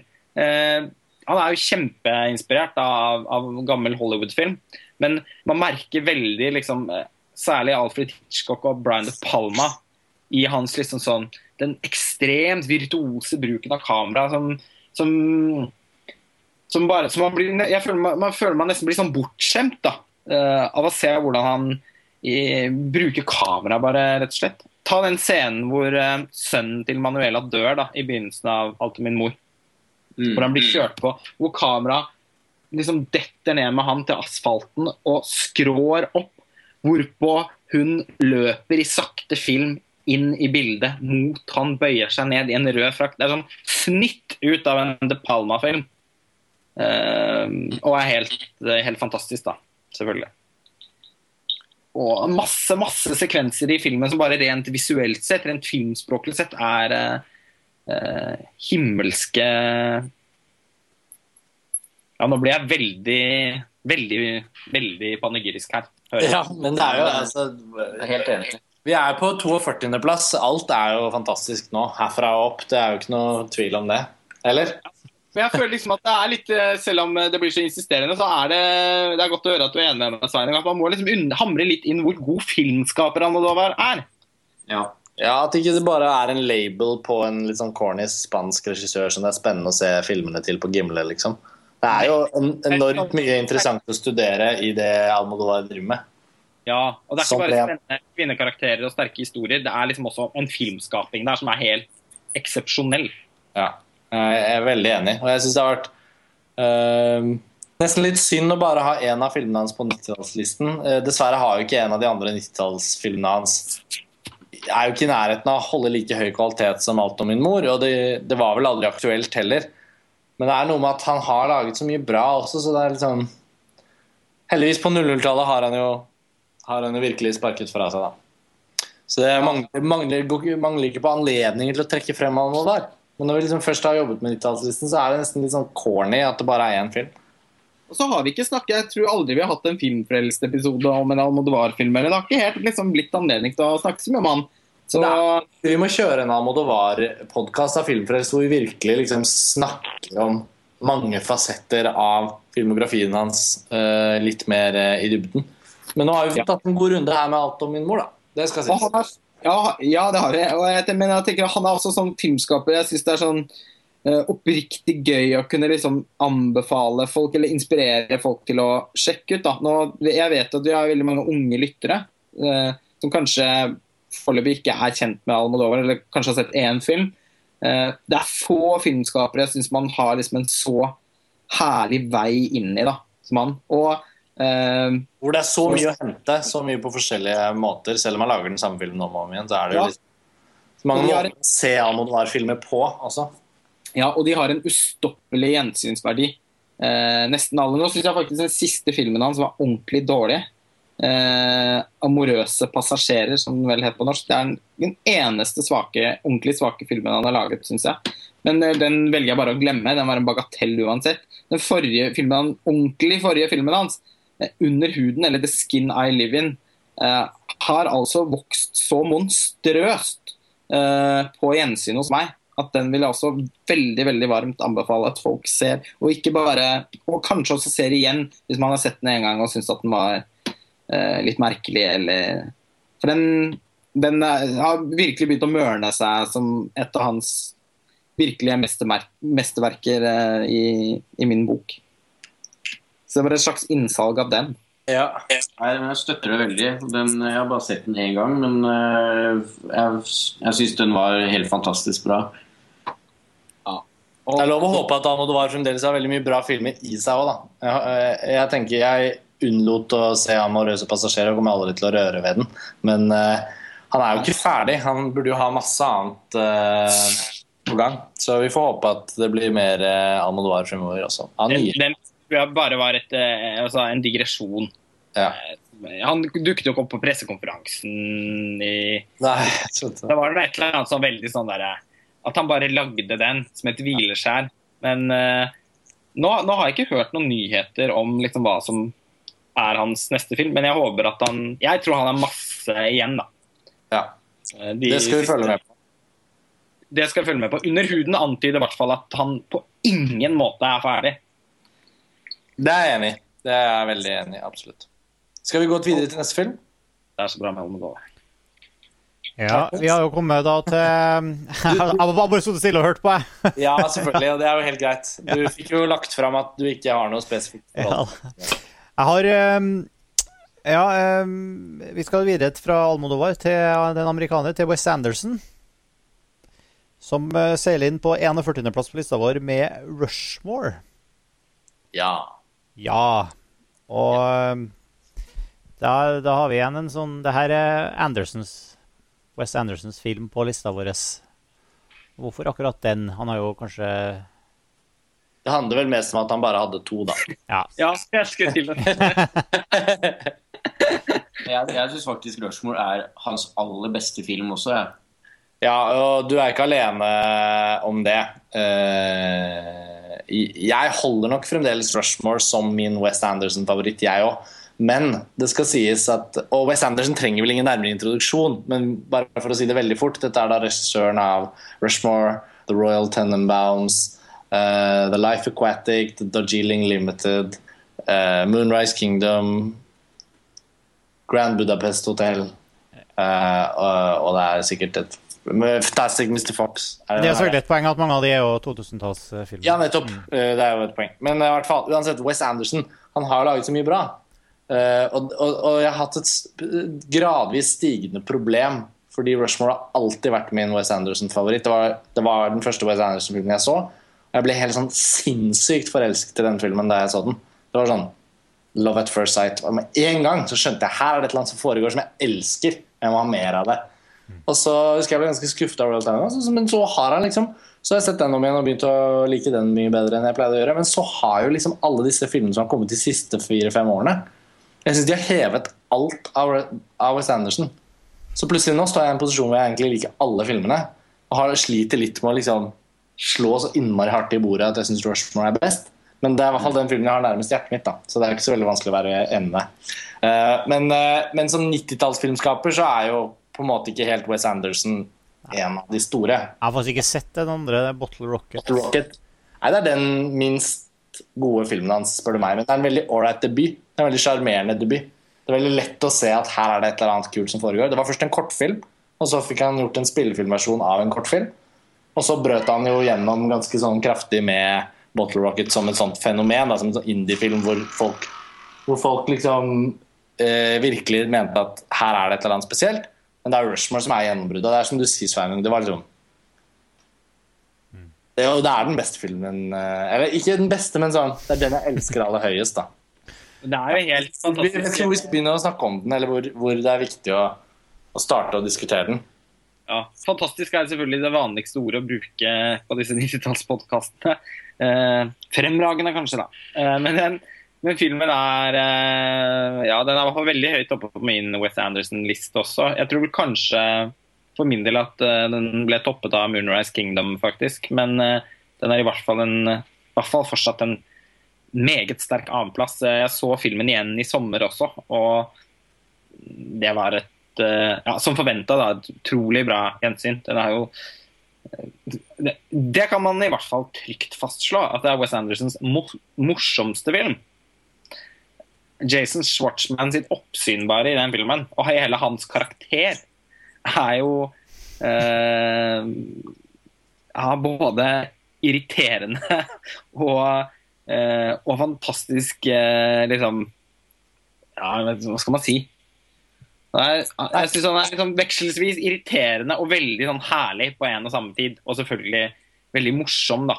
Alle situasjoner rundt han og hvordan han er, den er, Han som er liksom en sånn evighetsstudent, som hele tiden forsøker å liksom lage unnskyldninger for å ikke fortsette livet sitt. Det, det som på en måte en slags Både en, en tragikomisk idé syns jeg er veldig god.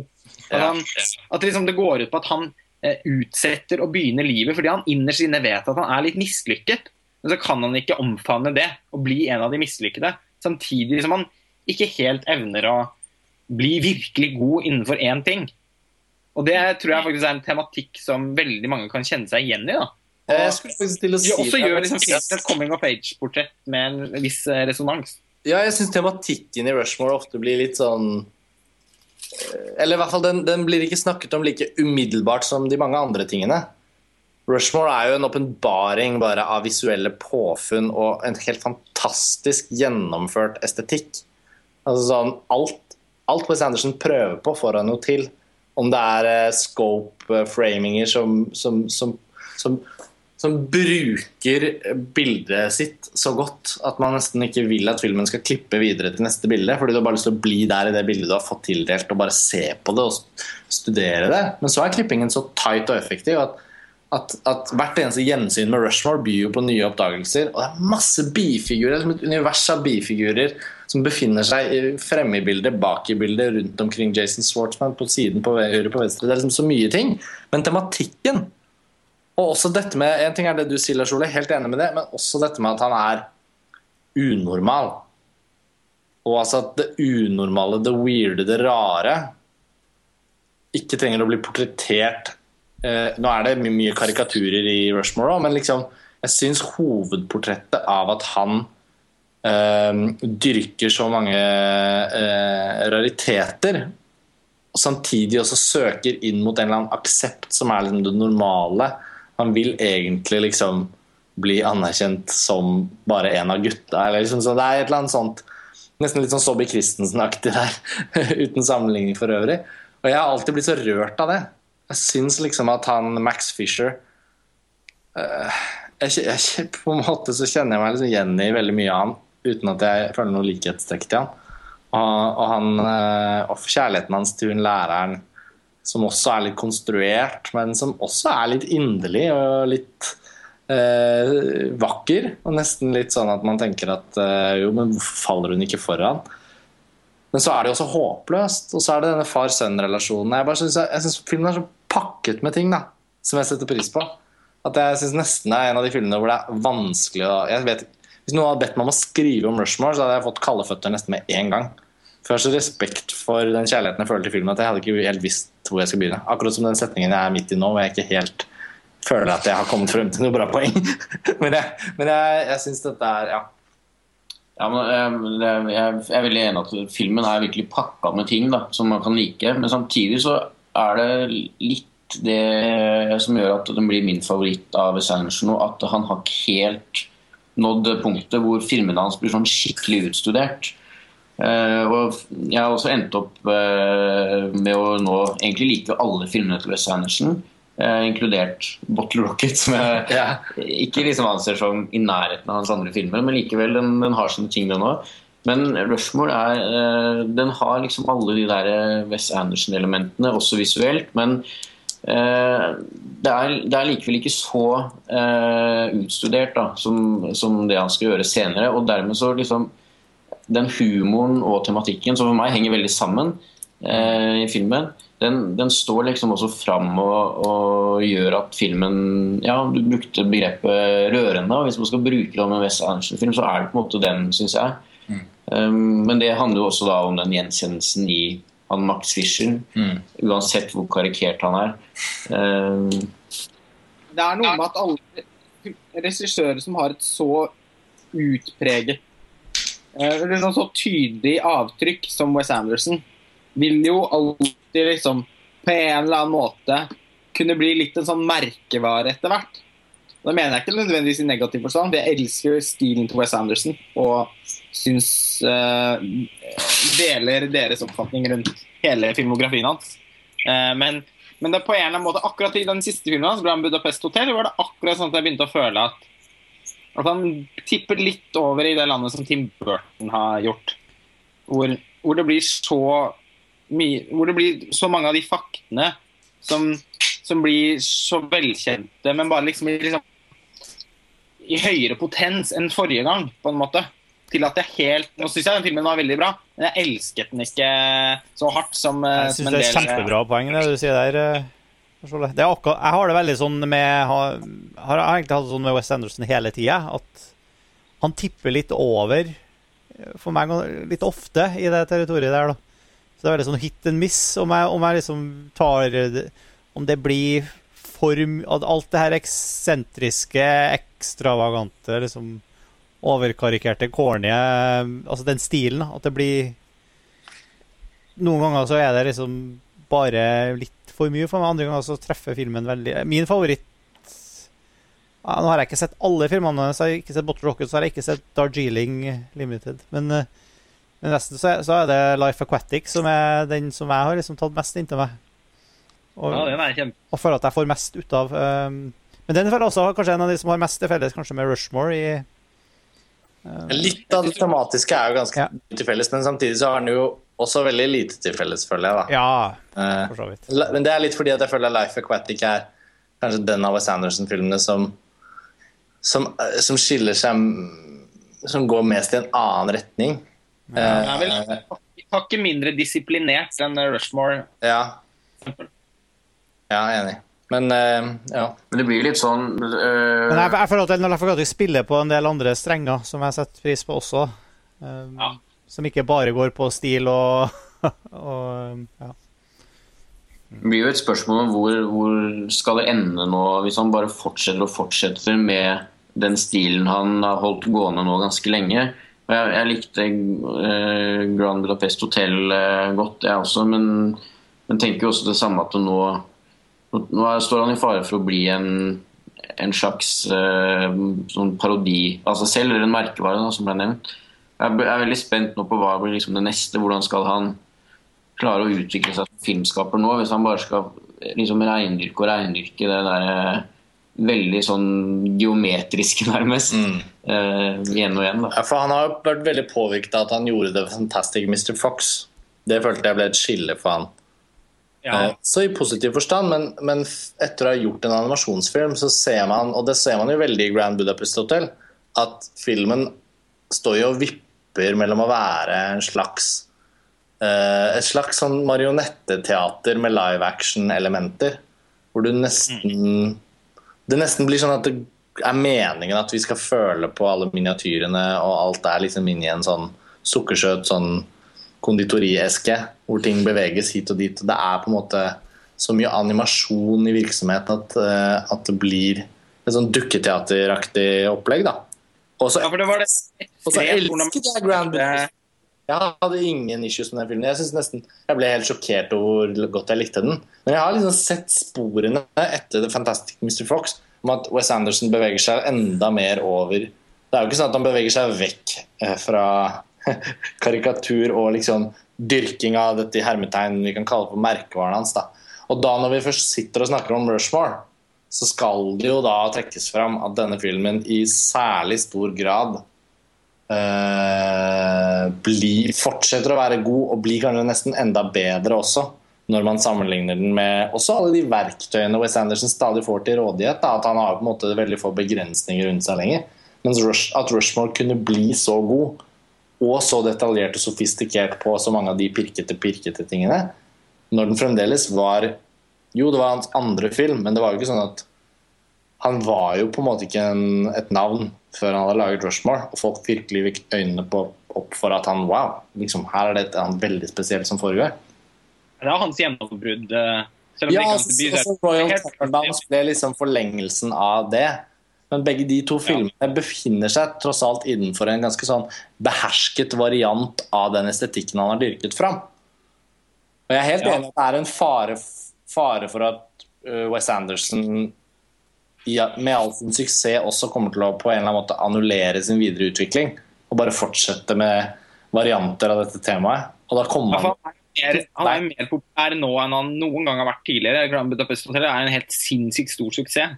Det er egentlig helt utrolig. Eh, og, og gledelig. selvfølgelig. Er jo nesten helt utrolig. Ja, ja. Det er et mirakel. Eh, men, men det er noe etter at eh, ta liksom den, de her, Sånn som den slalåmsekvensen sånn i den Grand Budapest Hotel.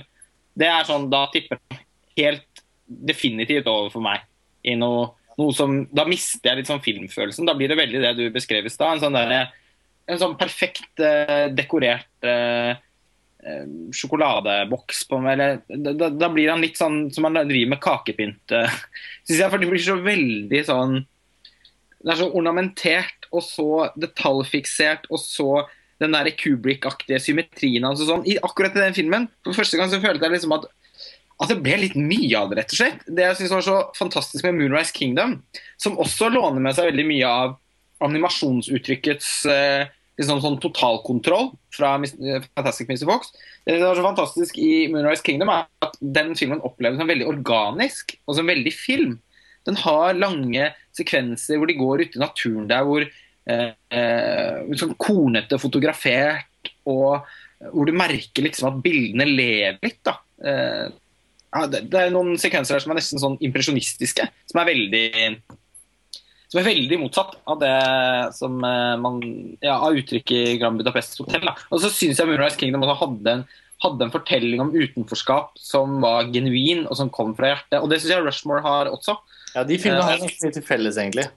Ja, det er sikkert derfor jeg liker de to best. Fordi de på en eller annen måte er mest like hverandre. Begge er også sånn uhyre disiplinerte. For jeg er veldig fan av det med Wes Anderson. At det er sånn kompakt. Eh, begge filmene er sånne 90-minuttersverker. Som er sånn ikke én frame som ikke skal være der. Og det er jo- Det er jo så forbløffende med Rushmore også.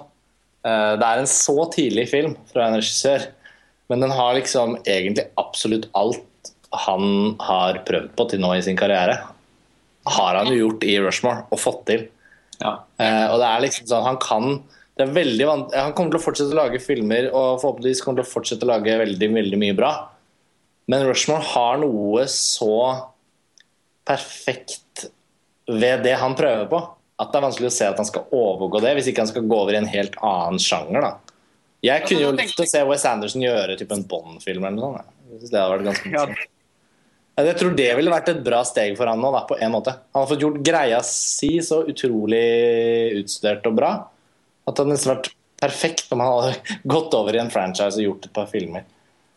Jeg vet ikke om det har vært bra for Bond-serien, men det har vært bra for Wes Anderson.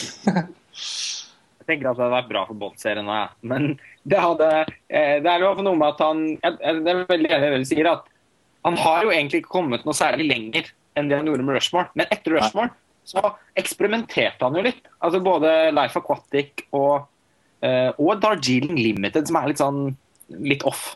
Ja. Liker den filmen kjempegodt. Uh, Ja, den har jeg sett igjen ganske nylig, og den, var ut, den, den, er, den er veldig bra. Den er Ja, kanskje minst anerkjente film i forhold til Ordbladet. Den har jeg da bare sett én gang, men eh, jeg likte den da faktisk veldig godt eh, når jeg så den. Det var vel da den, da den kom. Men Uh, også, Jo, også, men han, liksom, han har eksperimentert litt da, med Life Aquatic, med den, med, med Fantastic, med Fantastic Mr. Fox, det å lage en animasjon. Men med Moonrise Kingdom så følte jeg at han egentlig kom litt tilbake til Rushmore. Akkurat som han hadde vært gjennom masse. Og så kunne han lage en sånn superdisiplinert, perfekt film igjen. Med de erfaringene han hadde tatt med seg på veien. Og så ble det liksom mesterverk nummer to for meg. Og, eh, og så ja, og så syns jeg jo da Grand Budapest Hotel ble litt sånn konditoraktig. Men, jeg, men, men det kan nok godt hende at han måtte liksom få ut det òg. Så eh, det blir veldig spennende med liksom, som Sveinung, som du var inne på i stad, Sveinung, hva, hva, liksom, hva, hva som blir neste steg nå. Det er ganske viktig. Er det, det er vel kanskje kommet dit hen at han må prøve på noe litt nytt? Ja, det er vel det. Vi får se. Jeg har ikke inntrykk av at det er det han eh, Jeg er i veldig tvil om det er det han kommer til å gjøre. Det er veldig hans tid nå. nå er han, ja, Han har bevist alt. Ja, og nå er det liksom alle de som hører på indie-rock, og alle hipsterne liksom bare elsker det han holder på med. Går og ser de rare filmene hans på kino. Ja. Det, altså, alt ligger jo egentlig til rette for at han skal kunne fortsette å gjøre sin greie. Ja, det absolutt. Og dette, ja, som du var inne på i stad, Lars Ole, Grand Budapest Hotel var jo en box office kanonhit. Altså, Ja, ja. det- er jo nesten helt utrolig hvor mye penger det er. Spilt inn en milliard kroner eller noe sånt. Det er jo helt sinnssykt. Eh, Men morsomt. Fordi den er jo ikke noe mindre weird. Den er jo helt corny, den òg. Men Rushmore, da, bare, bare for å komme tilbake Vi må måtte, holde oss noenlunde på Rushmore, i hvert fall når vi begynner å oppsummere litt. Den filmen er for meg eh, egentlig eh, Jeg må jo innrømme at jeg syns den i hjertet mitt er litt høyere enn 41.-plass. Det må jeg jo bare ha sagt. Ja. Eh, For det sier vi jo innimellom her. Eh, Jeg er jo enig med det vi har kommet frem til, og det er ikke noe problem for meg at den er på 41.-plass. Men jeg må jo faktisk si at Rushmore er en såpass spesiell film for meg at den hører til litt av en sånn helt der oppe, da. Ja. Eh, og det har jo helt garantert kommet frem i løpet av disse podkastene til nå, og på listearbeidet for øvrig, at selvfølgelig 90-tallet betyr veldig mye for oss. Det er et veldig viktig tid, og det er spesielt. Og, og Rushmore var en, en, for, for meg, bare for å, for å også trekke inn det personlige her, da, det var en film som kom på et tidspunkt hvor det var helt perfekt at den kom. Jeg husker så ekstremt godt at jeg så den filmen første gangen og liksom bare følte at det skjedde noe nytt. Uh, og jeg Det er mange som har etterlignet Wes Anderson også, eller det er mange indie-filmskapere som dyrker en form for sånn quirky estetikk som liksom skal være noe eget og smart og corny og sånn, men sannheten er for meg at, at Wes Anderson ikke har noen eh, Han har ingen som ligner. da, Det er ingen andre som holder på med det. og det, Heller ikke den gangen så følte jeg at jeg følte ikke heller på 90-tallet at det eksisterer noen andre type filmskapere som oppfyller akkurat det der. da. Den der litt sånn Truffaut-aktige oppveksttristessen med et hjerte som gjør at man faktisk også blir veldig revet med og berørt. Kanskje man ikke blir like berørt av de andre senere Wes Anderson-filmene blir liksom overestetiserte. kanskje. Jeg liker dem jo dritgodt, men man blir ikke berørt på den samme måten. Og De hadde dog, det, er, det er faktisk den filmen Når du nevner Truffaut, da og jeg husker Ja. jeg vi, om, eh, vi så den sammen første gang. Ja. Eh, så var Truffaut en felles referanse hos oss begge når vi snakket om filmen etterpå. husker jeg veldig godt.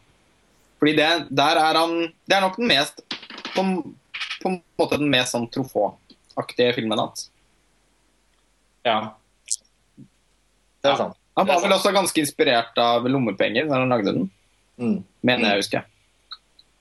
Og jeg synes også at for eksempel Rushmore har jo noe av det samme på en veldig annen måte, da. Selvfølgelig. Men det 400 Blows liksom litt får til, den, den, den følelsen at vi forstår hans utenforskap i forhold til skolesystemet, i forhold til foreldrene, i forhold til kjærligheten og i forhold til Det er ikke liksom det er ikke noe stort drama, hverken i Det er det jo selvfølgelig litt, da, eh, særlig i 400 Blows, men på en eller annen måte så er det noe med at det er denne gutten som bare må finne ut av det litt.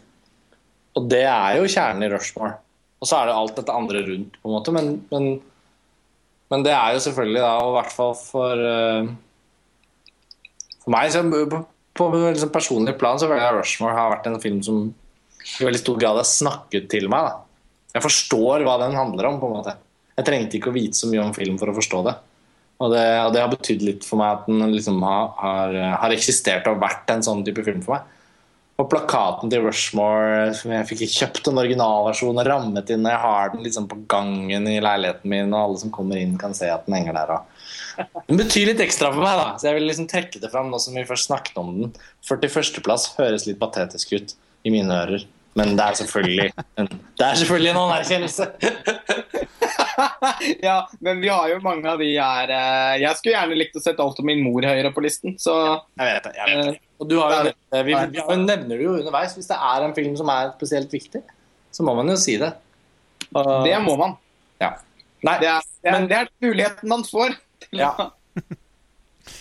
okay, men jeg har gutta. sagt mitt om Rushmore, eh, merker jeg. Jeg syns vi skal gå fra uh, Wes Andersons trofåaktige oppveksttristesse til Til Michael Bays trofåaktige Ja, nettopp. til eksplosjoner, biljakter, jagerfly, maskingevær og, og alt det som hører med en Michael Bay-film. Og vi skal selvfølgelig til 40-plassen på lista vår, som er Michael Bays beste film, selvfølgelig. The Rock. Ja, Jeg tenker er- Broen er, apropos Karsten Meinicks absolutte favorittfilmer gjennom tidene. Ja, nå, nå, nå havnet vi plutselig på en sånn skikkelig sånn Jeg eh, her.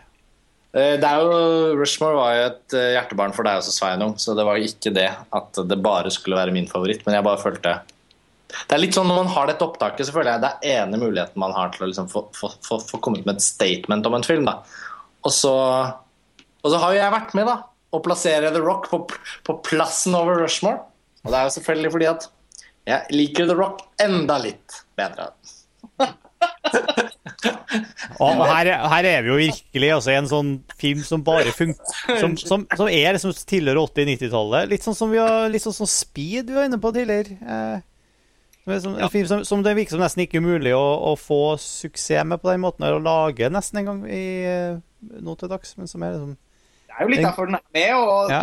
at den ligger så høyt, er jo at den fremstår som ganske eh, unik sett med dagens øyne.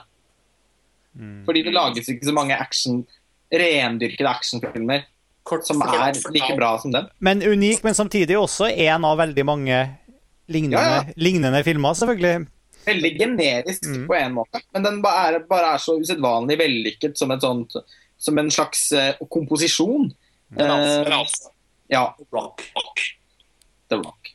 Det er jo eh, tross alt eh, en av de beste actionfilmene som er laget. Ja, det er det. Og det, da mener jeg da en av de beste actionfilmene som ikke er noe annet enn en actionfilm. For vi har filmer høyere på listen som er actionfilmer, men som er sånn helt ekstraordinært fantastiske filmer fordi de bare kom, de liksom kombinerer vidunderlige eksistensielle spørsmål med urban, er, liksom det er utrolig mye som skjer i de beste filmene. Og The Rock er jo en helt fantastisk film, spør du meg. Men det som jeg spesifikt syns er viktig å si, er at den er en actionfilm. At den er det i liksom hele sitt vesen. Det er ingen tvil. Det er det den er. Og den typen filmer som The Rock representerer, og som den er helt, helt, helt en av de beste av, det er jo det med å være så rendyrket og så vellykket som sjangerfilm. Uh, og jeg syns actionfilmsjangeren, når den er så god som den er i The Rock, så er det nesten ingenting som er bedre. Det er noe litt Die Hard-aktig, nesten. Over, Ja, over- altså, Die Hard er jo også helt der oppe, men den er fra 80-tallet. Så sånn sett så kan man liksom den, fjerne er, den er høyere oppe. ja, Men de to kan man fjerne fra hverandre når vi snakker om 90-tallslisten. Fordi The Rock, Die Hard har ingenting med 90-tallet å gjøre.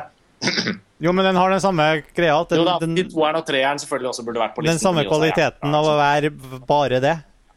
Renskåret. Ja, men altså, ja, ja, på en måte, fordi begge har jo Die Hard er vel litt mer på samme måte som Speed. Det er en rendyrket high concept-film. Ja. Én mann, én bygning, eh, på en måte. Men, men, men det er jo en, del high concept over eh, over eh, The Rock også. Den er jo Absolutt. dette med at de drar ut til Gisler på Alcatraz. Ja. Bare én mann som har rømt derfra noensinne. Ja.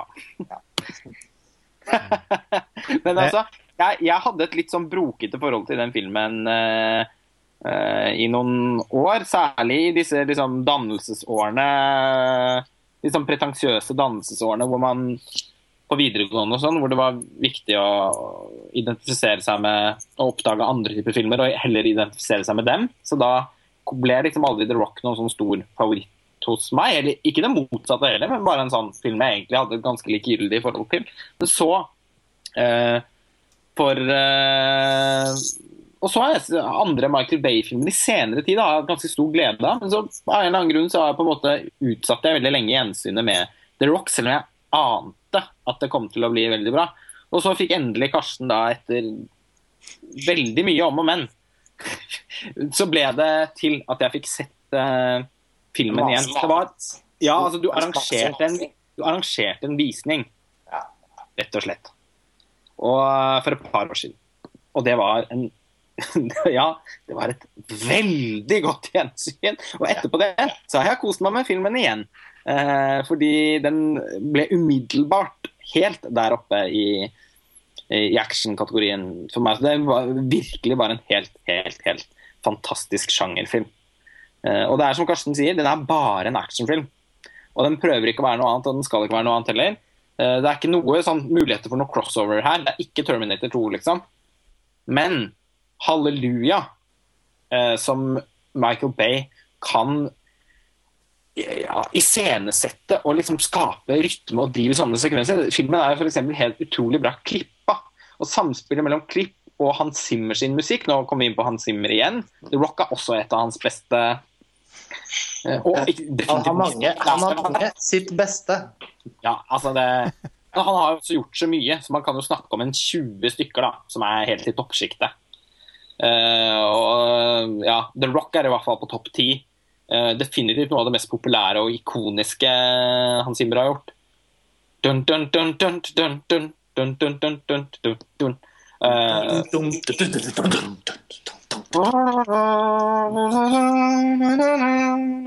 ja, altså, det er tema på tema i den filmen. Som,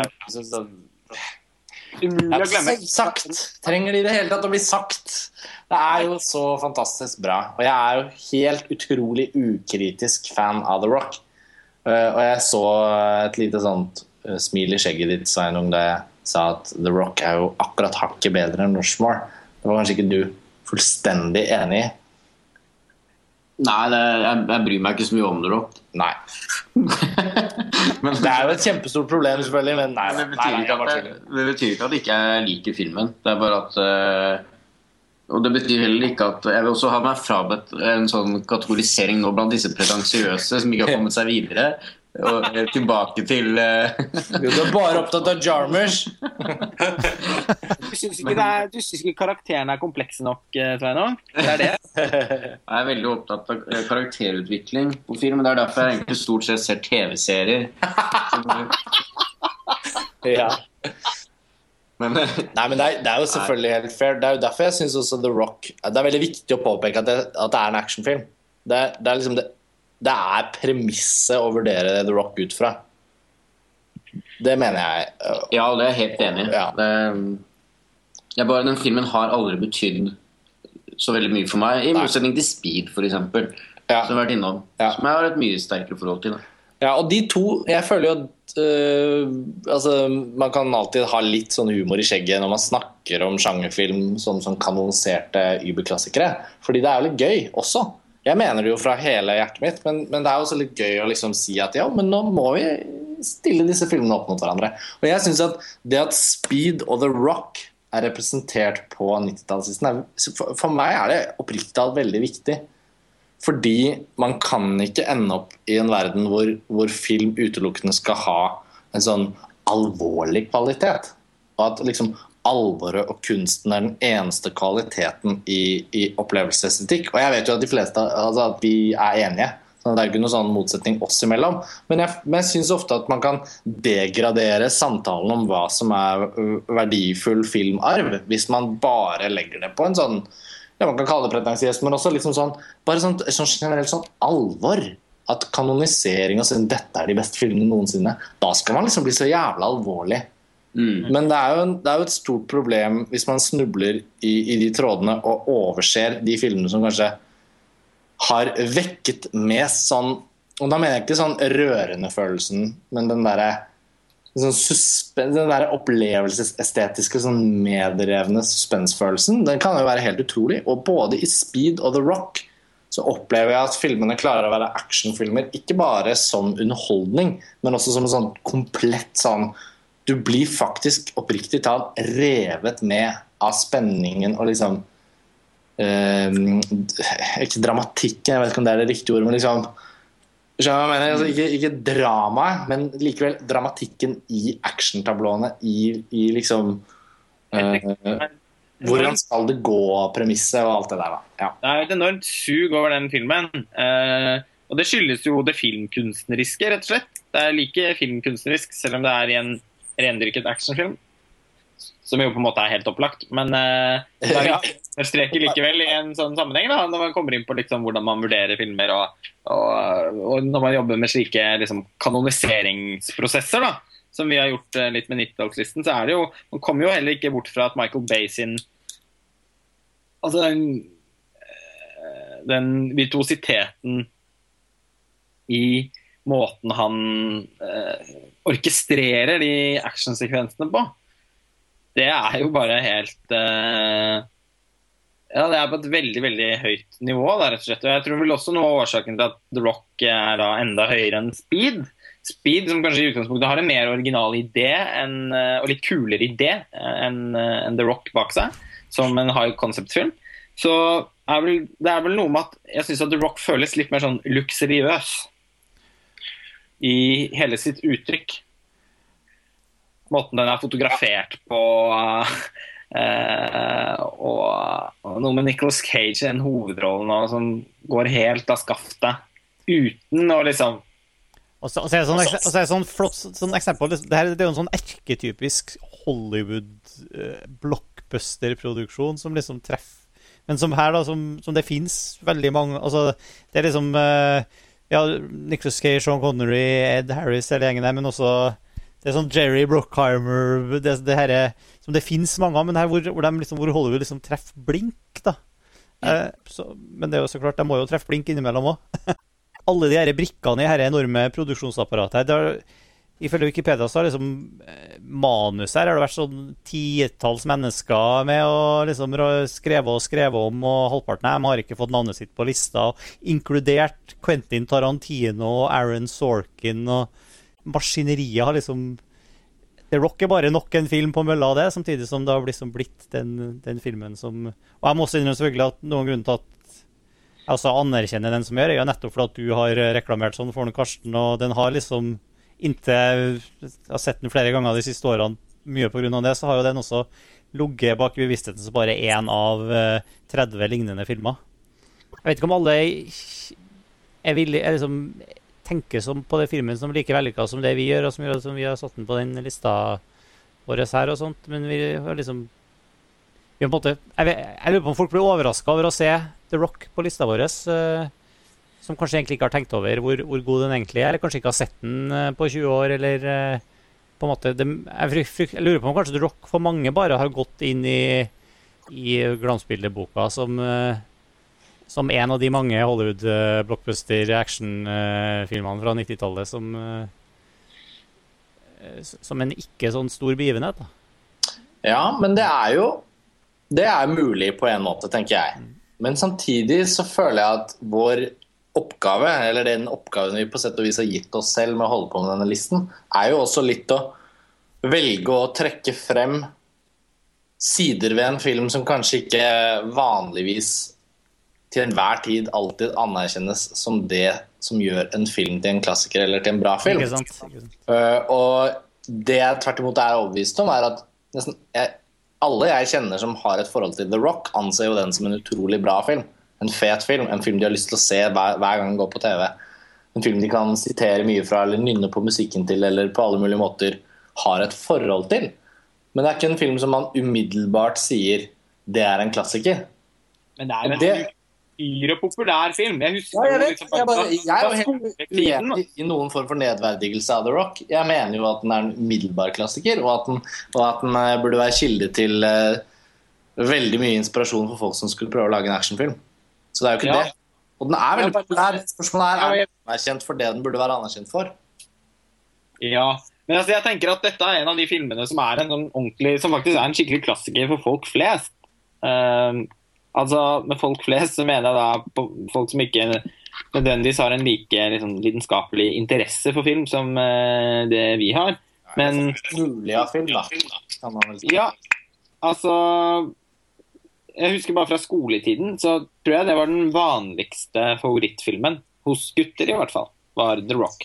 Ja. Uh, det var sikkert noe av årsaken til at jeg også følte et behov for å Ta, ta. men, eh, men det biter seg selv i halen, da. Eh, fordi eh, Ja, de hadde jo helt rett, alle sammen, at den var så bra. Men den, eh, jeg tenker at det er veldig, veldig mange Og jeg vet jo at vi har en ganske variert Mitt inntrykk er i hvert fall at vi har en ganske variert lytterskare på Filmfrelst òg. Så jeg er sikker på at det er ganske mange som hører på, som har et som betrakter The Rock som en sånn skikkelig sånn god, gammeldags favoritt. Ikke nødvendigvis som nummer én favorittfilm, men liksom, det er en av de filmene som man har et forhold til. Mitt inntrykk er i hvert fall at veldig mange har et kjært, ordentlig kjært forhold til den filmen. Har sett den mange ganger og hørt sykt masse på soundtracket. Det er, det, er, veldig kult at vi har eksempel The Rock her, ikke, eller The Rock på 40. plass, og ikke for Altså, vi kunne f.eks. hatt Altså, Basert på det du sa nå, vi, altså, vi kunne hatt Forest Gump, eksempel. Eller noe sånt. Ja, Ikke sant? og den, Som jeg også elska og kjært, og som mange anser som en klassiker. eh, Men eh, kanskje flere, langt flere enn som gjør det med The Rock, tenker jeg. Men eh, The Rock har jo helt åpenbart eh, potensial i seg til et langt lengre liv filmhistorisk sett enn mange filmer man kan sammenligne den med. Her kommer, på, her kommer påstandene mine igjen. Nei, men jeg føler den, liksom, den, den har en sånn utslettelig god sjangerutførelse. altså helt sånn, helt på toppnivå. Og, så, og det er en misforståelse å tro at liksom film, uh, altså sånn digital teknologi, effekter, ting og tang som har skjedd siden 1996, har tatt, har tatt actionfilmen videre i noen grad. Tvert imot så har jo digitale effekter gjort at actionfilm ikke nærhet, er i nærheten av å få noen som helst form for virkelighetsfølelse. Tyngdekraften er forsvunnet helt. Stunts er liksom ikke det det en gang var. Actionfilmer ligger nede for telling. Eh, og, og det forrige tiåret hvor man fikk det til, det var på 90-tallet. Og ja, mange av filmene var veldig konseptuelle, og man kan si ditt og datt om det og det og det. Men, men de filmene som virkelig var gode, og som hever seg opp, sånn som The Rock, da, de har jo sånn eksepsjonelt godt gjennomført action. Og når man tar, liksom det Det er- ligger jo som sånn åpenbart underholdningsmessig og overflatiskmessig sånn utgangspunkt for å si at det er en god film. Men så er det så veldig mange andre ting som også gjør The Rock veldig bra. Den har en, eh, en utrolig gjennomført struktur av balansen mellom bad guyens motiver og prinsipper og det som den amerikanske staten forsvarer når den forsøker å redde de gislene. Ja, det er masse tåpelig komikk der, og Nicholas Cage har en slags sånn merkelig sånn eh, varmhjertet, eh, humoraktig rollefigur. Men Sean Connerys uh, nesten litt sånn postmoderne James Bond-aktige referansefigur, en britisk spesialagent som ble satt i fengsel, som er den eneste som har rømt fra Alcatraz, og som ble tatt til fange igjen, og som egentlig hentes ut av sånn iso- et isolat han har vært på i alle år. Hvordan den amerikanske staten har operert. Det er masse referanser til hemmeligheter og ting. Balansepunkter mellom stat, frihet, militære, anerkjennelse. Det er jo ikke sånn at filmen er helt tomhodet heller. Og hvis man måler The Rock opp mot dagens actionfilmer, så fremstår den jo ikke bare som en utrolig bra film. Den blir jo et helt sånn kanon, superkanonmesterverk. Og jeg mener ikke at den nødvendigvis er det per definisjon, selv om den er Michael Bays beste film. Og han har, blitt, han har gjort seg selv til å bli en autør ved å holde på en sånn merkelig sånn actionestetikk. og sånn. Men det skal sies om The Rock at selv om jeg proklamerer den først og fremst som en actionfilm, og at den er utrolig bra på det og det og det, hvis man først liksom stopper opp og ser på strukturen i fortellingen, hvor han balanserer tematikk under, den er understilt actioneffekten, understilt det at den er en actionfilm, men likevel så har den jo veldig mange ting på hjertet, tross alt. Den har de tingene som gjør at man blir engasjert i fortellingen. er engasjert. Man bryr seg om bad guy, man vil jo ikke at bad guy skal gå dårlig for bad guy engang. Nei, altså, Ed, Ed Harris er den jeg føler absolutt mest med i hele filmen. Ja, Også selvfølgelig fordi det er Ed Harris som er så fantastisk. Cast Rock er jo helt utrolig bra. Alle mulige varianter av rollefigurer er jo vellykket i den filmen. Men, men jeg tenker også at eh, filmen eh, kontra liksom som, som du sier, at det er eh, Michael Bays helt klart Michael Bays beste film. På ingen måte hans eneste gode film. Eh, synes filmene hans jevnt over nesten alltid er veldig interessante å se. Var veldig begeistret for Pain Gain, som kom i fjor, f.eks. Eh, og den første Transformers-filmen syns jeg er kjempebra. Så um, det er masse spennende med Og jeg liker mye med hans liksom Det er mye med Bay sitt formspråk som jeg både syns er litt lættis, og som jeg liker ordentlig godt. Eh, men The Rock er vel den filmen hans som ligger tettest opp mot det Tony Scott holdt på med i omtrent samme periode. Altså Rødt hav. eh, Rødt hav og The Rock har jo utrolig mye til felles. ja, og det er jo Det er sorg å erkjenne at Rødt hav ikke er på denne listen. Det er en sorg å erkjenne, faktisk. Og at det bare ble plass til en, en Tony Scott-film, det Ja, det har vi blitt bakfull på mange ganger. Men du har eh, fremdeles spareritt om den avgjørelsen. Ja. eh, men men så, sånn, ble det, sånn ble det, rett og slett. Eh, selv om det var vel ikke en av de avgjørelsene som jeg var mest enig i, tror jeg. Men nå var det, nå, nå var det uansett sånn, da. Jeg var, i hvert fall, det, Enemy of the State er på listen. Nå skal vi ikke begynne å snakke om den igjen.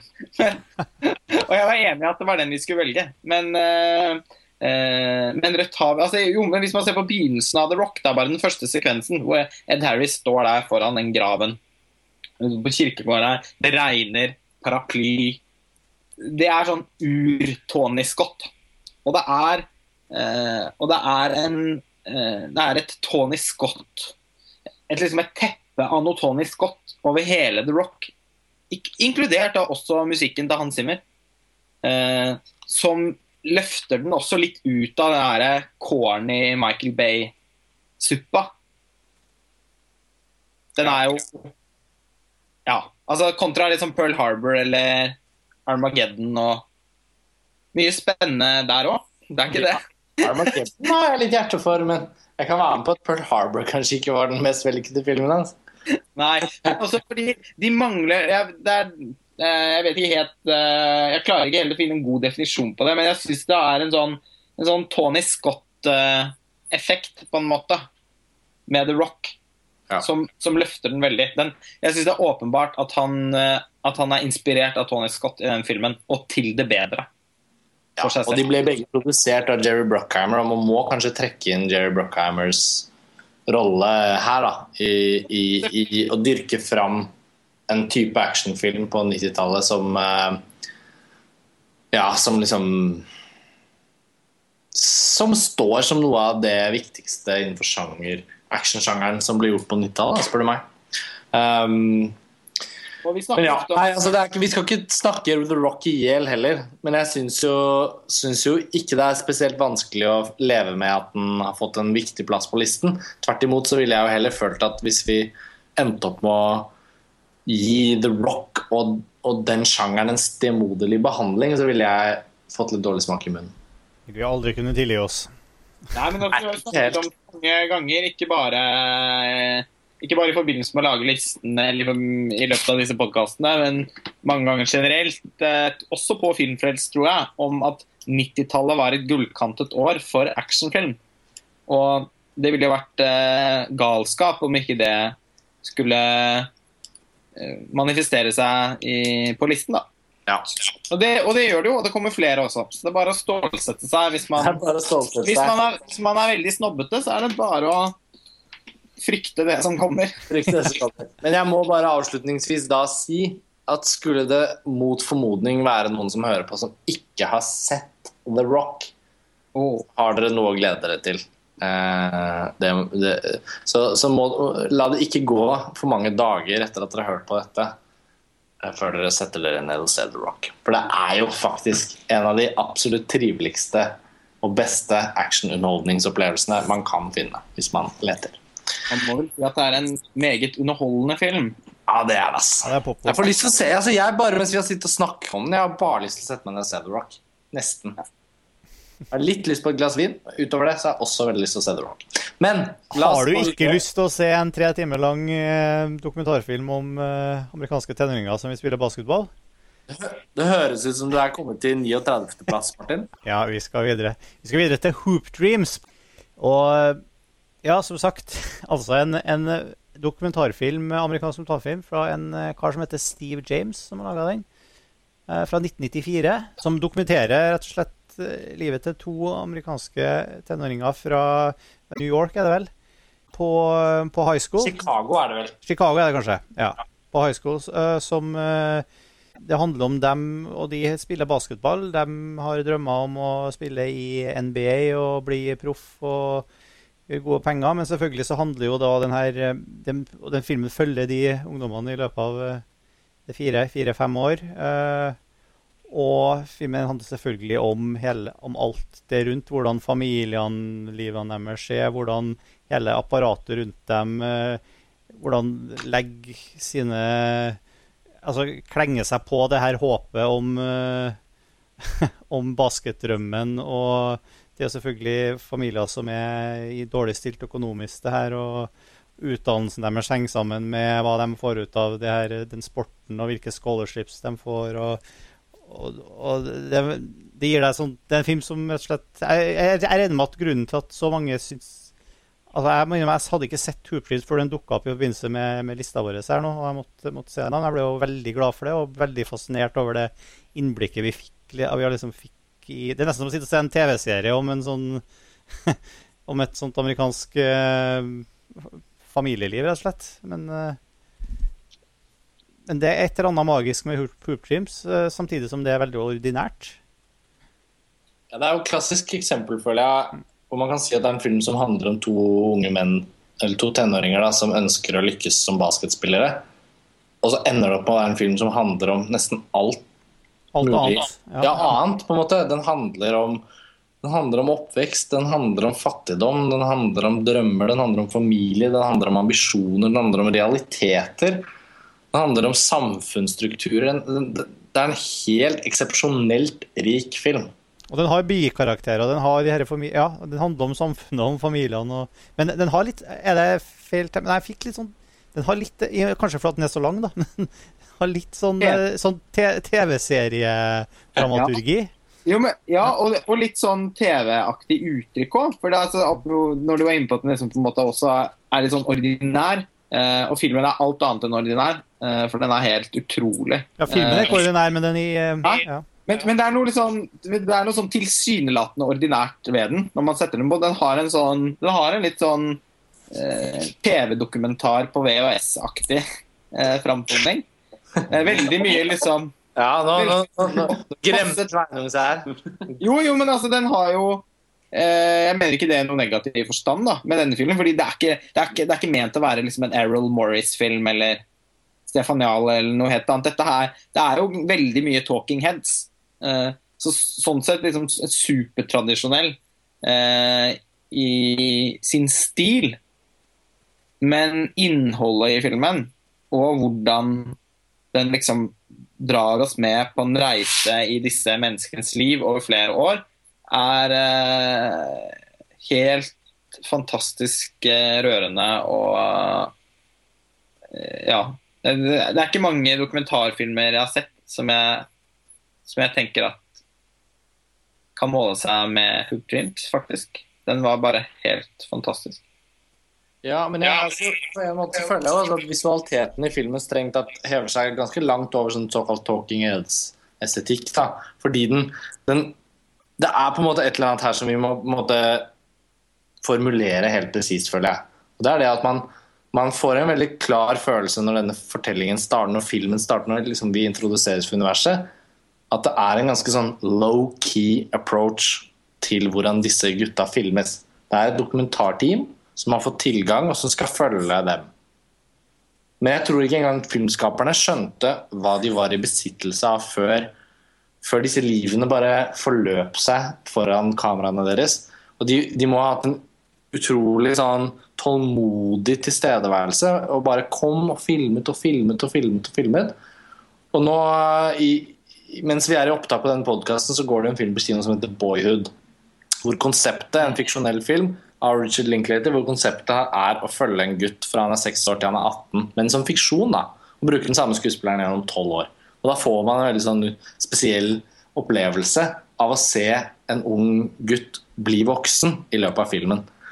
Men i Hoop Dreams i 1994 så, så, så, så, oppnår man jo biter av den samme effekten, fordi at man begynner å se filmen, så skjønner man sakte, men sikkert at her har faktisk dokumentarfilmskaperne vært til stede. Det føles som om de har vært der hver dag av de guttas liv. da. Det føles ikke som et eneste øyeblikk er gått glipp av. Og sakte, men sikkert skjønner man at det går jo flere år. Og vi får se hvordan de liksom de, de, de møter en del realiteter som også så gjør dem ganske mye mer sånn nedslåtte i forhold til sine egne ambisjoner enn det de opprinnelig var. Og visualiteten i filmen er riktignok veldig sånn hands on. De følger på de gutta. Men det er et sånt nærvær som er noe helt annet enn de klassiske Talking Heads-dokumentarene. Og etter hvert som de årene går og fortellingen brettes ut og blir større og større, så vokser jo filmen Sånn at når man har sett den, når man har sett hele filmen, så, så, så er man jo ikke i nærheten av å føle at den har noe av det der litt sånn eh, hverdags-TV-aktige. da.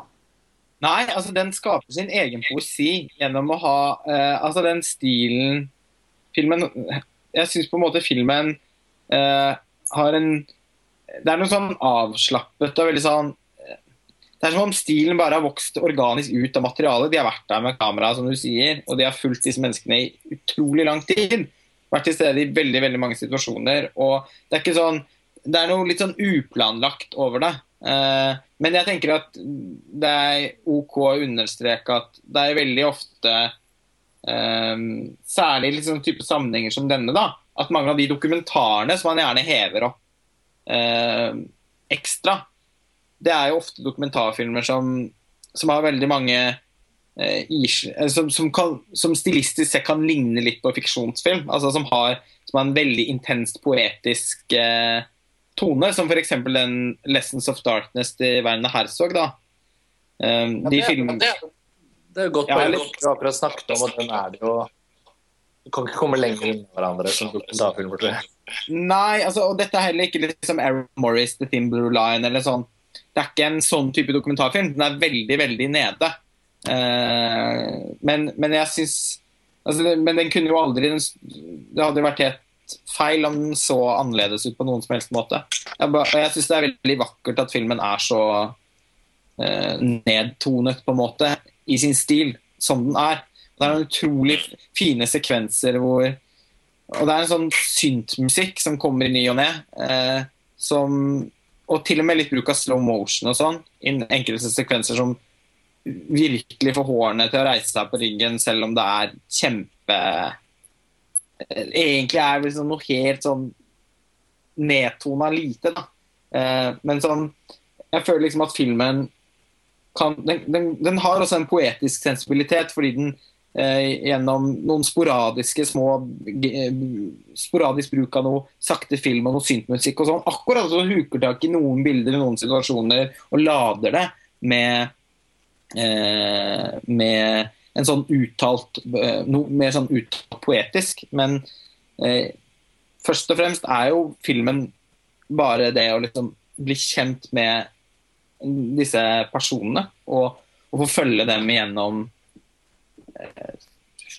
noen ganske Viktige år av livet deres. ja, viktige år av livene deres, og hvor de også blir utsatt for eh, veldig mange vanskelige situasjoner. Som Det er så mange Altså, feilmarginen på en måte er så stor, da. Mm. Det er så mye som man føler hele Og det syns jeg var er, Det er liksom det er noe Når man ser den filmen, så sitter man hele tiden og tenker at man, man sitter ikke med en følelse av at man vet om dette her kommer til å gå bra. Fordi man hele tiden føler at det er, så, det er så mye som kan gå galt, på en måte, og det skjer så mye underveis som man liksom tenker at nei. Men det går jo galt, det gjør jo det, og det, det er fortsatt Vi er fortsatt i gang, vi har fortsatt historien gående, og ting går jo galt. Så Ja, og den slutter den er liksom, Det er som om den bare liksom fortsetter og fortsetter. Hele Og så er det ikke bare de to, og så liksom plutselig så begynner man å bli fascinert av han herre liksom, De her trenerne og faren i familien. Du liksom, det dukker opp flere sånne B-characters etter hvert fordi den er så lang. ikke sant? At du begynner å, å følge, og, og det er sånne alternative plotlines, på en måte. Og, og du Ja. Det, Det var interessant å sammenligne den med Boyhood, syns jeg. Mm. Det, fordi Boyhood får så mye oppmerksomhet nå nettopp fordi at man liksom Den følelsen av tid, da. Eh, jeg syns jo da Ja, så satt opp mot den, så syns jeg jo da Hoop Dreams er en veldig mye sterkere film enn en Boyhood. Og Roger, Roger, du må si at Ebert er jo en av de som var en veldig veldig forkjemper for Hoop Dreams back in the day. Han syns det er 90-tall. Nesten sånn at han bidro Ja, han bidro jo veldig aktivt til at den filmen fikk et større publikum. Da. For det må også sies om Hoop Dreams at dette var en av de kinodokumentarene som ble nesten et fenomen i sin tid. Ja. Men som vel ikke vant vel ikke Oscar for Var det noe et eller annet på at den ikke ble nominert engang? De beste dokumentarene vinner vel nesten aldri Oscar. Nei, Men- men var, jeg lurer på om den ikke ble nominert engang. Ja, ble kanskje ikke Så da, Men, men George Roger Hva? Nominert for klipping! Ja. Ikke for Det dokumentarfilm. Ja, veldig fortjent. Men eh, ja, for det, jeg husker det er noe greier rundt det òg. vet ikke om, det på, om de snakker om det på ekstramaterialet på den Criterion-DVD-en eller ja. Men Roger Ebert hadde i hvert fall en sånn, kamp, en sånn kampanje for den filmen, og det har han vel aldri slutt, den sluttet han vel aldri å ha. Uh, han, han snakket jo om Hoop Dreams så ofte han kunne. Det er vel også Det er vel også Altså Er det han Steven James som har laget den filmen om Roger Ebert? ja, det stemmer. Det er det. Life Itself. Ja. Life Itself. Ja. Så de var jo åpenbart De ble, det ble vel et uh, vennskap der, det regner jeg med. på en eller annen måte. vel rett og slett med å stå hverandre nære. Litt sånn som Roger Ebert og Martin Scorsese.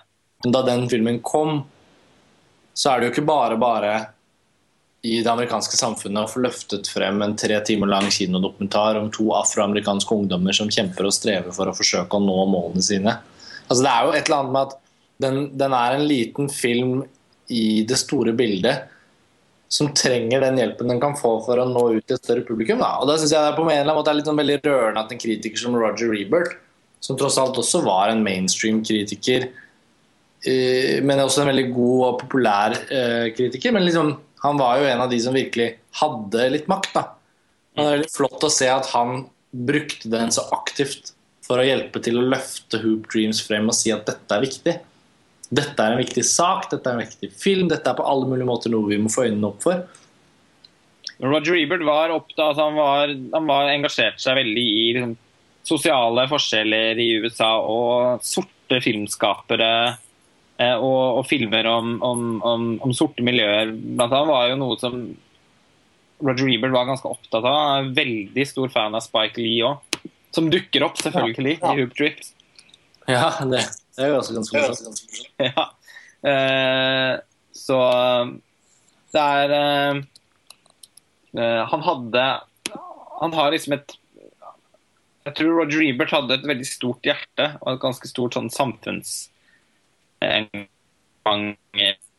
Eh, rett og slett. Og det miljøet Nå er ikke Steven James en sort filmskaper, da, men eh, det miljøet som, eh, som, som filmen utforsker, var nok sannsynligvis også noe han lot seg engasjere veldig. Sveinung, du må jo nesten ta over stafettpinnen litt, for dette er jo virkelig liksom en av dine store filmer, vet jeg. Ja, det er det. Og nå føler jeg Det meste har liksom blitt sagt om den filmen nå. Jeg, jeg støtter bare veldig opp under alt som eh, har blitt sagt. Eh, jeg sier ikke det noe med sånn bitterhet i stemmen, for jeg syns eh, dere har satt ord på hva som gjør den filmen så spesiell.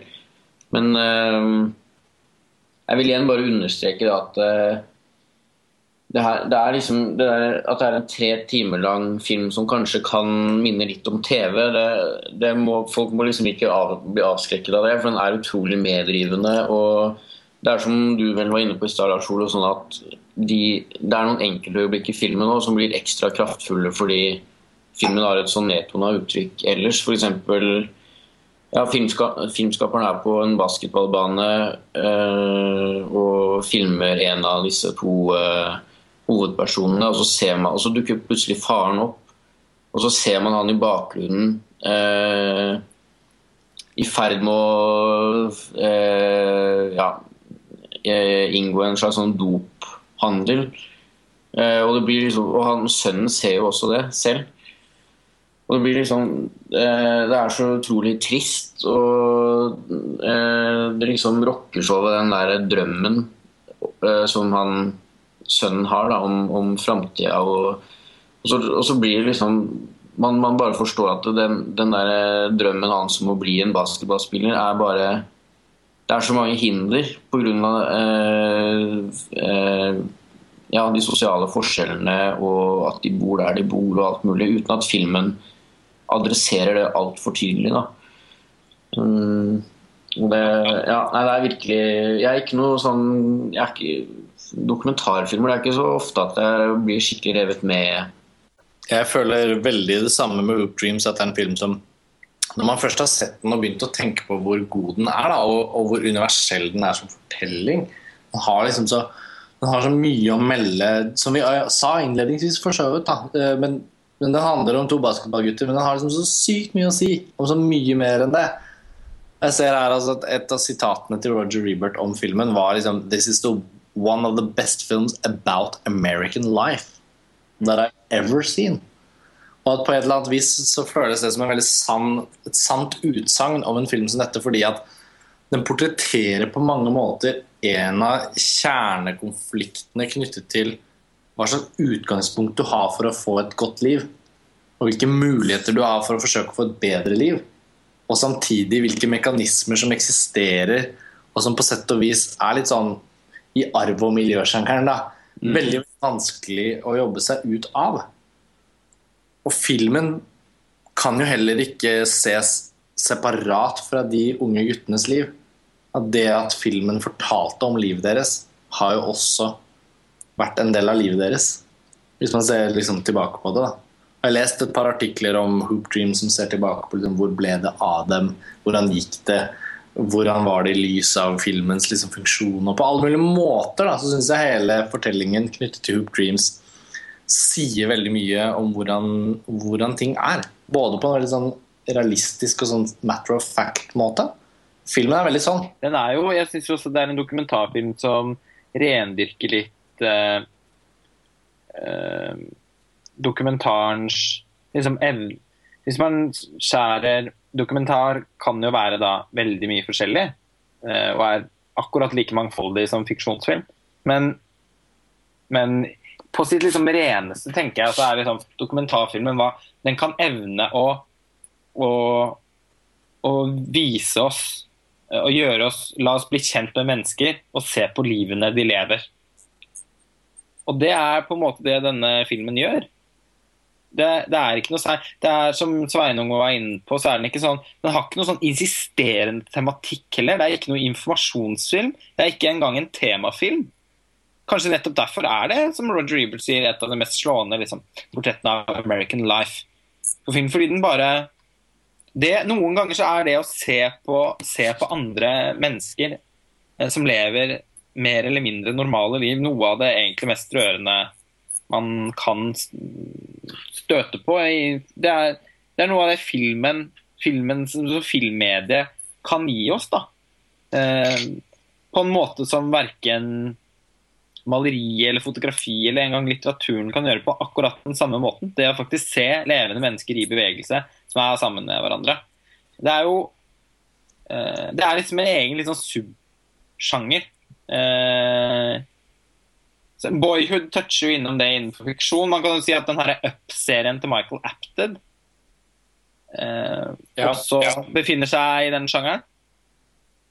Eh, den har jo faktisk samme konsept som Boyhood, eh, men som dokumentar. at den har fulgt, eh, Det har vel vært femte år han har truffet disse karakterene. Ekstra, nå har jeg, ikke, jeg har ikke sett alle filmene, men jeg har, sett, har vel sett en tre-fire av dem, tror jeg. Ehm, og der, han, samlet jo en, eh, noen, noen barn først, som han intervjuet og snakket med, og som snakker om livene de lever. Og så har han intervjuet dem, tror jeg det har vært femte år, et, i alle år etterpå. Det er en, et fascinerende prosjekt. Og det er ikke det at og, og Boyhood, som ligner veldig på Boyhood. da, Uh, og det er ikke det at Troop Dreams liksom, den har, ikke, den har jo ikke en sånn konseptuell, overhengende konseptuell idé om å følge noens liv. Den bare ender med å gjøre det. Og derfor, nettopp derfor føles den jo også enda mer eh, Ja, enda sterkere på, på mange måter. At den bare Det var en film som endte opp med å bli den filmen den ble. Bare fordi liv eh, Ja. Nei, nå vet jeg ikke helt hva jeg roter meg inn i. Men Jo, Men det var flott du skulle si et eller annet at livet er som det er. ja, det er liksom. Ja, og filmen har liksom Den har blitt som den har blitt fordi livet til uh, hovedkarakterene har, har blitt som det har blitt. Og det er filmen. Og det er liksom verken mer eller mindre òg. Nei, men jeg synes jo det er Det må man kunne si. Selv om det høres så selvfølgelig ut, så er det nå engang sånn at det å fange inn det Ja, og for det hørtes litt selvfølgelig ut. eh, Jo, men- det å i det hele tatt klare å portrettere i en film at det er et par liv som går som det går, på en måte, eh, men som likevel ikke bare er to liv, men som også er representanter for mekanismer og klassesystemer og ting som gjør at man virkelig kan se livene deres i lys av en hel, en hel større enhet som, som er viktig og komplisert å forstå. Og som ikke er så lett å, for en fiksjonsfilm å skrive per definisjon, og bare liksom finne på en historie som er så treffende for så mye. Det er ikke bare bare. Så Hoop Dreams i det store og hele syns jeg, synes jeg har en sånn episk nesten kvalitet. At den, at den har noe sånn noe større som, som eksisterer rundt den. Uh, og det har vi nå fått sagt Vi har vel kanskje repetert det et par ganger, men det er nå engang en film som overfladisk sett bare handler om en liten ting, men som som film ender opp med å handle om veldig veldig, veldig mye mer. Og Det er jo en av de største kvalitetene ved den. Så jeg er veldig glad vi kan kunne trekke den fram på listen, men det føles som en selvfølgelighet. Når man har sett den filmen, så er det nesten helt utenkelig å ikke, å ikke, å ikke trekke den frem og gi den en prominent plassering når man kårer 90-tallets beste filmer. Det spiller ingen rolle at det er en dokumentarfilm. Selvfølgelig. Og til alle som ikke har sett den, og som velger å sjekke den ut, så vil jeg si at det tar selv fordi den varer jo så lenge som den gjør òg. Og det er jo noen filmer altså sånn, Man kan jo litt se for seg at, at, den, kan liksom, at den er en av de filmene som er, blir ekstremt engasjerende etter hvert. men som er sånn, litt sånn tung å komme inn i. Eller, og det er ikke tilfellet, for jeg syns den var veldig Altså, den er eh, Det er en Det er et Det er et bilde tidlig, ganske tidlig i filmen, hvor han ene av de vi følger, hopper opp mot en sånn basketballnett. Er det det man kaller det? En kurv. En kurv med et nett på. Ja, eh, det- man spiller jo kurvball. Ja. Og Kai satt så hopper opp til basketballkurven i sakte film. Og den første sånn En sånn synt som ligner litt sånn, litt sånn lignende den som er i bakgrunnen i den åpningsmonolog Eller den åpningssekvensen i Oslo 31. august med alle de som snakker om hvordan de har hatt det i Oslo. Litt sånn som Nå blir det veldig søkte referanser. Veldig spesifikke og veldig søkte referanser. Men det er, sånn, det er litt sånn samme type stemning eh, som musikken der, som er veldig sånn, lignende, fremkaller den samme type stemningen. At når han velger å liksom fryse det øyeblikket hvor han tar sats opp mot denne basketballkurven, og den synten kommer, så følte jeg umiddelbart at denne filmen kom til å være en stor liksom, At den hadde en tyngde. At dette her det, at det, var, det, det, det var akkurat som om det var noe sånn skjebnesvangert og voldsomt som kom med en gang. For det er veldig tidlig i filmen. Og det det er overhodet ikke noe vanskelig film å komme seg gjennom og se og bli fenga av, i hvert fall. Nei. Hvis noen Det, skulle lure på om de, om de, om de gidder det her. ja, men lett, liksom, lett det, det, det prøver å rote meg fram til å si, er at jeg syns den, den Jeg syns den smeller ganske hardt uh, veldig tidlig. da. Mm, helt enig. Og holder det momentumet oppe gjennom hele filmen. Da er det tid for 38.-plassen på lista vår. The Last Days of Disco fra Whit Stillman. Eh, 1998. Det er en film som var Ja, i hvert fall for min del var sånn, litt sånn nyopp Som jeg ikke hadde noe sånn forhold til før den dukka opp i listesammenhengen her. Hvem, kan vi bare si et par ord om liksom, hvem er Whit Stillman, og hvor kommer den filmen her fra, egentlig? Eh, Dette er eh, den siste filmen i en trilogi som eh, Whit Stillman laget på byen helt på, fra liksom, som han begynte med helt på begynnelsen av 90-tallet, med Metropolitan. Og så fortsatte han den med en film som heter Barcelona. Og så The Last Days of Disco, som den siste filmen. eh, I denne Han kaller den vel, eh, vel Doomed Bourgeois in Love Series. Hmm. Som er en, det er en slags sånn tematisk trilogi. må man si. De filmene handler om unge, unge søkende mennesker som, eh, som alle går rundt og bærer på et, eh, et bekreftelsesbehov. Og som eh, finner liksom ulike veier eh, til å oppnå en eh, liksom følelse av at de betyr noe, og at de kan bety noe for andre. Og Det være seg gjennom, og, gjennom relasjoner, både vennskapelige og, og øh, mer og, kjæresteforhold og samboerskap og, og sånn, hvor de liksom forsøker å de er på en sånn, Det å finne den rette livspartneren, eller det å komme inn på den feteste klubben, om det så bare er for én kveld.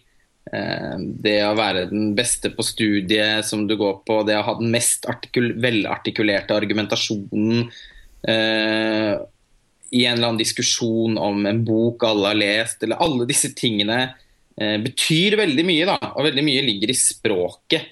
For Whit Stillman er jo Han slekter ganske mye på Woody Allen. Eh, I dag så kan man jo også se at Lena Dunham, eh, som jo har gjort kjempesuksess med TV-serien Girls, åpenbart eh, henter en del fra Whit Stillman. Så han har liksom også eh, Det er også en arv etter han. Han kan også på en måte minne litt om Brett Easton Ellis, selv om han ikke har den kynismen og uh, og den, det lynnet til Brett Easton Ellis er veldig annerledes, men eh, kan, kan være Vekker i hvert fall noen assosiasjoner hos meg. Da ikke American Psycho, men mer uh... Vi er jo stort sett i leilighetene til de personene, og selvfølgelig den her svære nattklubben. Ja. som er sånn Og det er vel særlig det Sex og Disco hvor det er noe litt sånn uh, Bret Easton Ellis-aktig i, i hvordan de snakker med hverandre. Men jeg er enig i det. American Psycho er vel kanskje den første boka Bret Easton Ellis folk tenker på, men det er ikke den Nei, da blir det mer sånn Less Than Zero eller uh, ja Rules of Attraction, for den saks uh, skyld. Ja. Selv om Whit Stillman er jo litt sånn bluferdig, da, Det er ikke så mye, ikke så mye overskridelser. Uh, ikke så mye sex. Eller, og det er veldig sånn elegant. Det er kontrollert i alle ledd. Ja, og det er jo litt Woody Allen. mener sånn Sex og vold er kanskje ikke akkurat det første man forbinder med. Men, de, men, de, men, men samtalene dreier seg jo rundt veldig mange av de tingene hvor andre går til det liksom eksplisitte for å uttrykke det. da.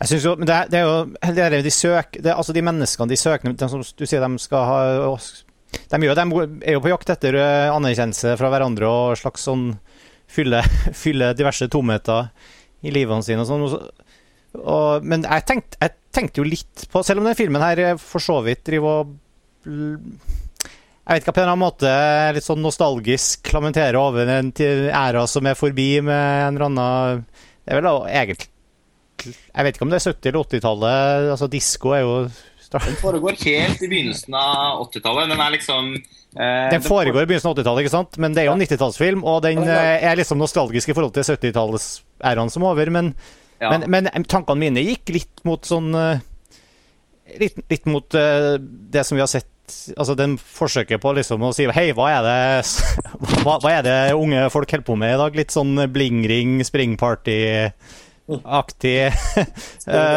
du? bare for det tid, altså fordi, for en annen tid, da, for en annen generasjon. Men, eh, vet ikke om eh, noen andre tenkte i de, i den retningen i hele tatt. Men jeg så, den, jeg så den filmen ganske nylig nå for første gang, så um, Men det er noe med at selv om den er den, Jeg mener å huske at filmen starter med Det står liksom en tekst eh, at, at det skjer i de early 80s, eller den er liksom litt sånn lite spesifikk. Og selv om den skal foregå på det tidspunktet, og det er en slags sånn et tidsbilde, da, så, så er det ikke noe altså det, det er ikke veldig påtrengende at liksom det er da det skjer. Jeg, eh, jeg ser på den tida og det miljøet Midtsilmen har valgt, mer som noe som nettopp skaper litt eh, ja, den nostalgien som du snakker om. da. At man, man får veldig et inntrykk av at her er det unge voksne som eh, De er liksom i en, i en æra som snart er over, den diskoperioden. Og samtidig så er de på slutten av sitt eget ungdomsliv også. da. De er på vei ut i voksennivå. Det er akkurat som om vi som publikum kan se det litt utenfra, ser ting som de kanskje ikke helt oppdager selv, nettopp fordi at filmen er laget på 90-tallet og eh, at det her er forbi. da. Um, Det er i hvert fall noe som jeg alltid har tenkt på som en kvalitet ved den filmen, og som vekker en slags følelse eh, hos meg selv om alt er så utrolig stilisert og kontrollert. Da. Nesten litt teateraktig. det er veldig teateraktig. Jeg føler jo veldig sånn stor Jeg blir jo litt sånn distansert i forhold til For jeg kjøper jo ikke noe av dialogen som react. Altså, den er jo veldig sånn eh, Ja, det er ikke noe naturlig, eh, autentisk dialog, føler jeg, for. Og det er veldig mye dialog som er veldig mer sånn eh, teatralsk og, og litterær. Ja, jeg føler at, eh, men jeg føler at man kan si at eh, filmen på en ytterst kontrollert og gjennomført og helhetlig måte setter en sånn tone i dialog og univers som er unikt for den selv. Altså at Den prøver ikke nødvendigvis å gjengi vår realistiske virkelighet, men på sett og vis så er den, skriver den seg liksom inn i Whit Stillmans versjon av virkeligheten, eller hans filmiske virkelighet. Jeg tenkte på det med 'Damsel in Distress', også den siste filmen hans. Eh, der er det også Dialogen er på en måte lever liksom som om den er i sitt eget univers. Og Måten de snakker med hverandre på, er noe man må nesten venne seg til, og så heller liksom tappe inn på det. da. Men jeg er veldig enig i det du sa innledningsvis, om at det føles som at veldig mye av teksten i seg selv har på en måte en sånn meningsbærende funksjon. da. Altså i selve liksom ikke, Sånn språkestetisk så kan man forstå forstå dem ut fra det, og hvordan de retorisk kan beherske eller ikke kan beherske en Mm. situasjon. Ja, for alle, er, alle karakterene er veldig opptatt av språk, og språk er både liksom, det er en markør for eh, ikke ba, Det er liksom en markør for hvor du kommer fra, hvilken intellektuell kapasitet du har, eh, osv. Så, videre. så det, eh, jeg syns jo måten Selv om måten de snakker på kanskje er litt kunstig, så syns jeg den blir et uttrykk for karakterenes Både for karakterenes usikkerhet og for eh, deres liksom innstendige streben etter å bli akseptert og etter å passe inn. Og etter å få, få den anerkjennelsen som de drømmer om. Og Dette kan høres sånn voldsomt ut. Eh, det er ikke noe stort drama her. Det er egentlig bare veldig veldig små situasjoner. Og eh, eh, jeg syns at eh, Whit Stillman har, som Sveinung var litt eh, inne på i stad, at eh, eh, film, selv om filmen tematiserer jo denne perioden som, som, eh, som, som er i en overgangsfase, da. Eh, 70-talls disko skal snart bli 80-talls eh, pop. 80-talls synthpop.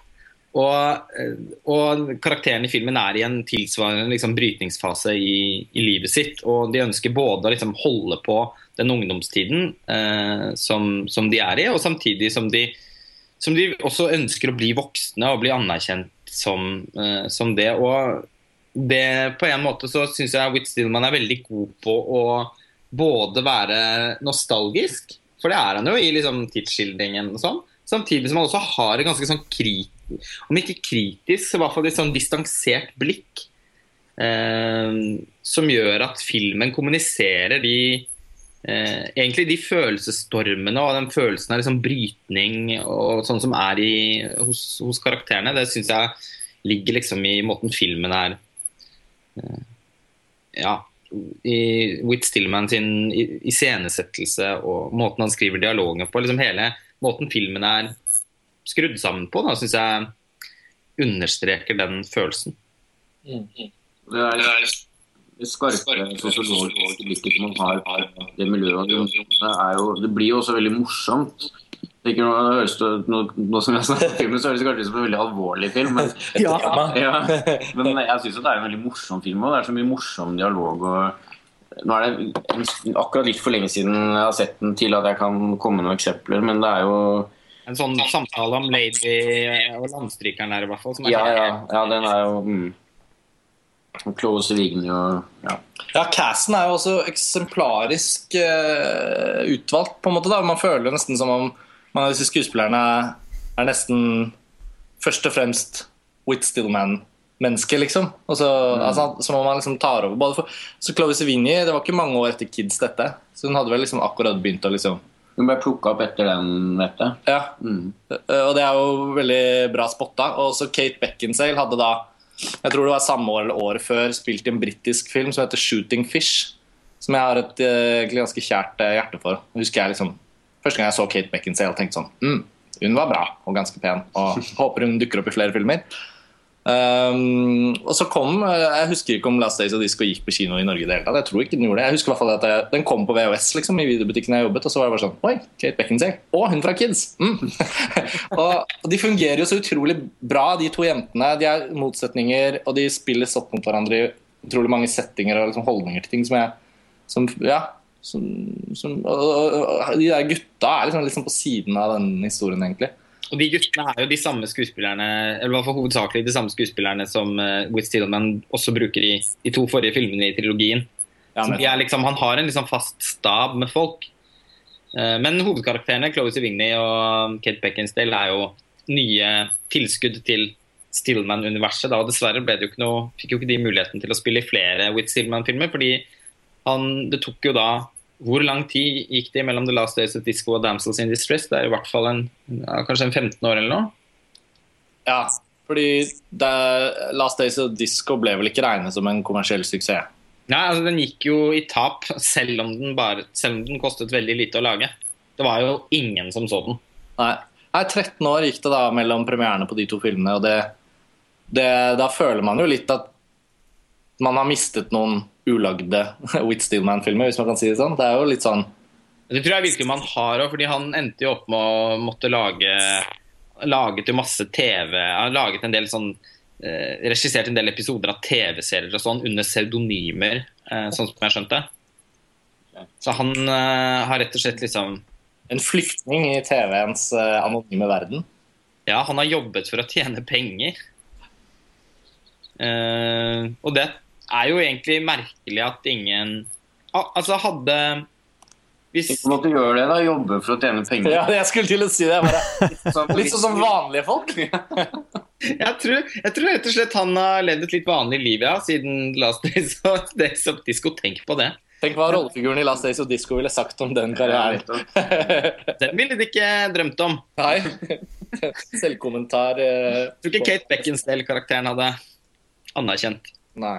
Nei, Men det, er sikkert mange, men det er sikkert mange av lytterne som virkelig ikke i det hele tatt har denne filmen på radaren. Ja, det Ja. tror jeg er riktig. Tror jeg. ja.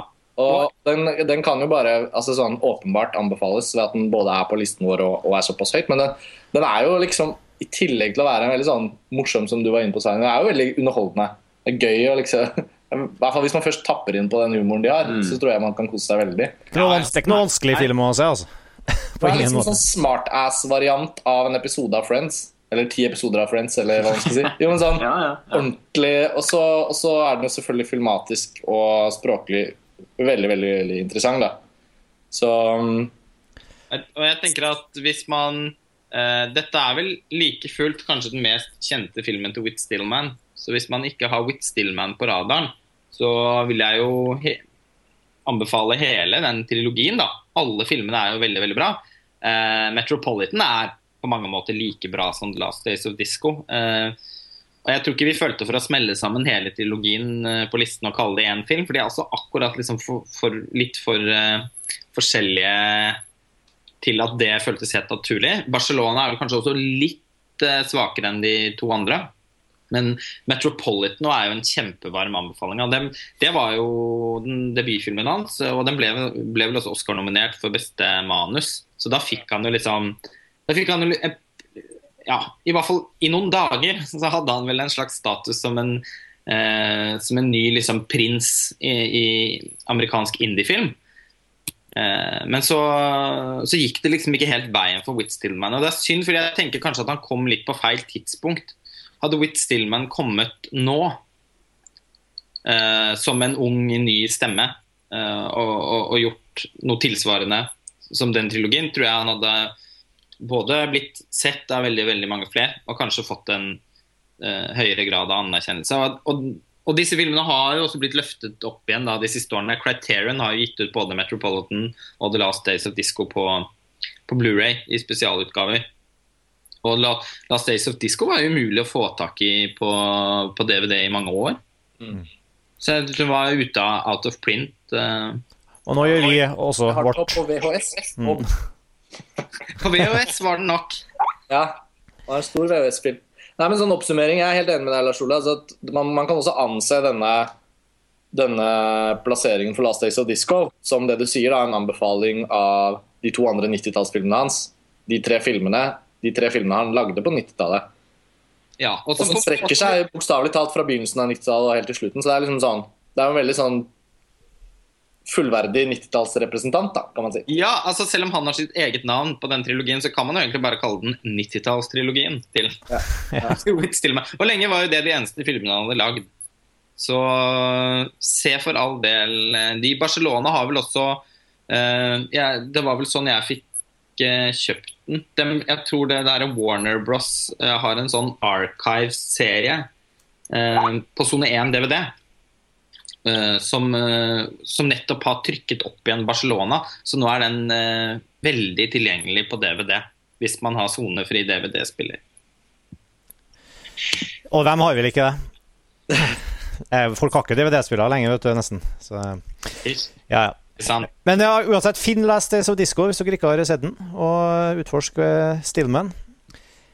Jeg er fryktelig eh, Vi har en rosin. Jeg er fryktelig spent på neste film på lista vår. For det, tror jeg er en av de filmene som kommer til å bli litt, eh, litt eh, omtale om. Litt diskusjon om i kommentarfeltene. sånn. Vi har på 37.-plass over lista vår på lista vår over 90-tallets 100 beste filmer har vi Paul Verhovens eh, 'Showgirls'.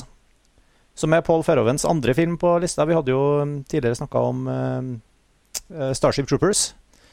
Nå er det altså eh, Showgirls med Elisabeth Elizabeth Berk Berkeley og Kyle McLachlan i og Gina Gershon i hovedrollene. Som uh, Hvor Verhoeven tar oss med til Las Vegas.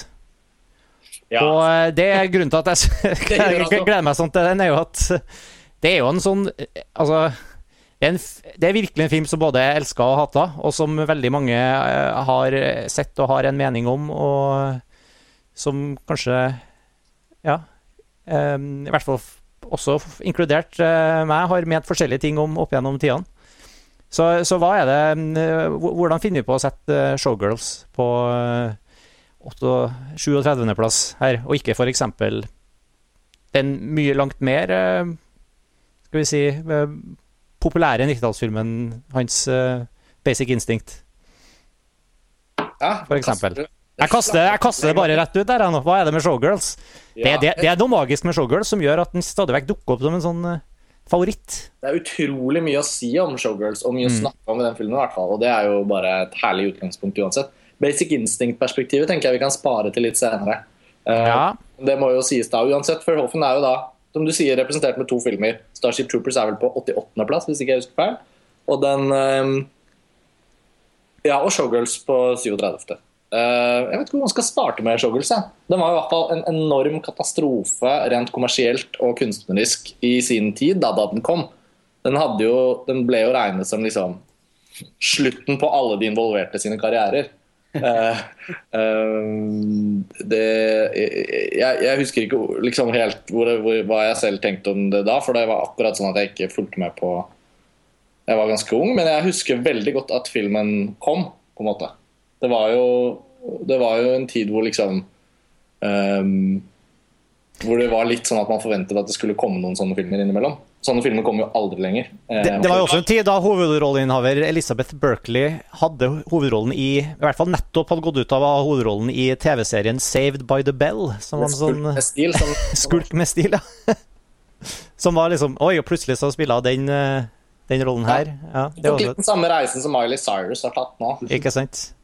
Men, eh, nei, men Showgirls har jo ganske, eh, ganske kort tid etter, da, hvis man kan si det sånn, ikke så mange år etter, så begynte det jo så begynte jo å liksom starte Det var jo egentlig ganske mange som satte pris på Showgirls.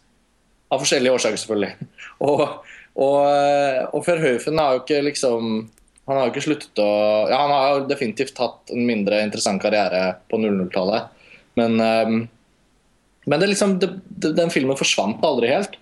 Og så liksom, i løpet av de siste fem-ti årene så har det jo virkelig liksom oppstått veldig mange interessante samtaler om Showgirl, som, som, som har ledet til nye gjensyn og nye vurderinger av filmen. Og det, og det er jo litt Det er jo ikke bare sånn at vi med et knips føler at filmen er verdifull og slenger den inn på listen vår. Det, det er jo et resultat av, av en lang samtale. Eh, jeg vet ikke helt hvor vi skal liksom begynne med den, men eh, men eh, jeg må jo bare si at jeg personlig har alltid likt filmen veldig godt. Jeg syns den er veldig morsom, og jeg synes den er Den er jo så far out, og den er visuelt veldig fascinerende. Er jo, sånn- det er jo Las Vegas på 200 Hvis liksom Scorseses Casino er liksom Las Vegas i 110% så er liksom Showgirls 200 Uh, så, så for meg var det naturlig å, å, å ha den seriøst inn i listediskusjonen fra begynnelsen av, da. Bare fordi jeg synes jeg har veldig sansen for den. Ja, der tror jeg vi møttes, uh, og tonen eh, blant egentlig de fleste av oss som diskuterte listen, var jo at alle likte Showgirls. Og at man hadde eh, i løpet av liksom, de siste årene fått noen litt sånn, litt sånn ulikartede opplevelser med filmen. Eh, men at den, den, den, den hengte seg liksom fast. Og som du var inne på, Martin, når vi skulle velge Ferhø, hvilke Ferhøfen-filmer vi skulle ha med, Eh, Basic Instinct var jo en veldig åpenbar kandidat, den også, fordi det er en utrolig god film. Og, men den, eh, dens liksom sånn eh, sjanger Det er litt sånn sjangeruniverset som den er fanget i, og den, den, den er jo litt som en pastisj på, eh, på Hitchcock og Brian De Palma, og utrolig bra gjennomført som det. Og vekket jo til live hele den erotiske erotisk thriller-sjangeren på, på 90-tallet. Sikkert også litt eh, Det gjorde vel også Fatal Attraction på 80-tallet med Michael Douglas. Og Michael Douglas spiller jo da i Basic Instinct, og spilte vel nesten alle erotiske thrillerne på 90-tallet. Så, så sånn sett kan man også si at Basic Instinct har noe sånn, sånn klassikeraktig ved seg. Men eh, vi kom vel fram til etter hvert at Basic Instinct ikke var like spennende å snakke om. Det var kanskje ikke like mye å oppdage i den filmen som i Showgirls og Starship Troopers, da, som var de to som vi valgte å ha med. Og som kanskje på hver sin måte er eh, er viktigere enn 90-tallsfilmer, eh, rett og slett. Fordi jeg syns det blir litt viktig å understreke med Paul Verhoeven nå, at selv om det er veldig mye LOL med han, og man aldri kan liksom Man kan ikke ha en samtale om han og filmene hans uten å le litt. Men han er jo faktisk også en, en Som satiriker så er han jo ganske enestående. Og en veldig virtuos filmskaper, ikke minst. Showgirls er jo det er mye, Man kan si veldig mye rart om Showgirls, og alt der på en måte vil være riktig. Men at filmen er utrolig vellaget og veldig sånn eh, imponerende som filmhåndverk. altså Bare bruken av steadycam og måten den er klippet på, og hele den rytmen og driven i filmen, produksjonsdesignet eh, Ja, kostymene blir kanskje litt vanskelig å snakke om, men eh, jo, men det, jo, altså det, er jo helt innlysende for enhver person som setter seg ned med den filmen og tar den på alvor og bare OK, hva er dette? Og så ser man det. Uh, og jeg har sett den jeg har sett den mange ganger opp gjennom årene, men jeg har også sett den nå på Blu-ray veldig nylig. Mm.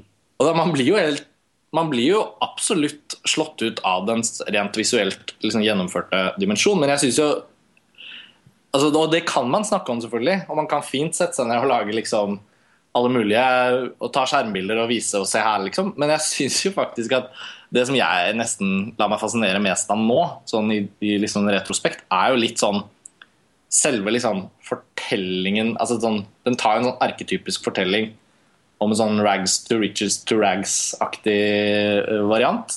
Pluss at den har en sånn det tenkte jeg på sånn, Den har nesten en sånn westernfilmaktig struktur. Mm. Altså, hun er liksom, hun er liksom langs landeveien. Hun, er, hun haiker. Hun kommer til en by hvor hun liksom finner en saloon og får seg jobb og har ambisjoner og klatrer opp. Og så når hun haiker seg videre, så, hun, så er det sånn, det siste bildet på skiltet til Los Angeles er liksom Jeg vet ikke, jeg syns den der eh, innpakningen og strukturen i liksom filmen er helt totalt undervurdert. Særlig av folk som er kritiske til showgirls. Da. De kan jo ikke i det hele tatt se hva slags liksom, fortelling det faktisk er. De henger seg bare opp i at liksom, den har en sånn B-filmaktig look, og at den ikke har realistisk eller troverdig skuespill, som jeg selvfølgelig er helt enig i. Men der er jo så mye av humoren. Og så må man liksom definere hva, hva er liksom verdien til en film. Ja, mye av satiren til, til Verhoeven. Altså, hvis filmen ikke hadde vært skrevet og spilt på den måten, så hadde den jo ikke kommunisert den, den, den vul forferdelige, vulgære popkulturen uh, som filmen er uh, Som filmen rett og slett kaster et blikk på. Ja. Et kritisk blikk på også.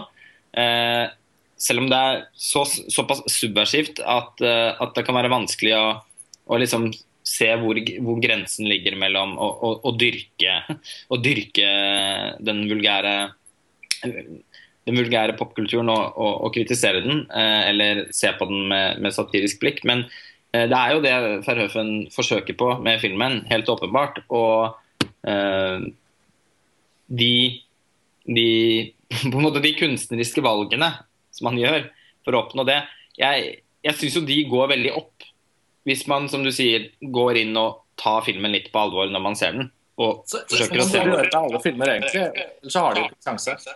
Nei, fordi Showgirls har, det er det jeg føler at folk som syns da at det er helt hårreisende at denne filmen er på listen. Og det har jo allerede vist seg i kommentarfeltet osv. Uh, jeg føler at det er hovedsakelig da er folk som har sett som så filmen for 15 år siden, og som husker den som verdens dårligste film og som tenker at åh, nå tror montasje at de er veldig kule fordi de tar en sykt dårlig film på listen bare for å skape diskusjon. Og det er faktisk ikke tilfellet.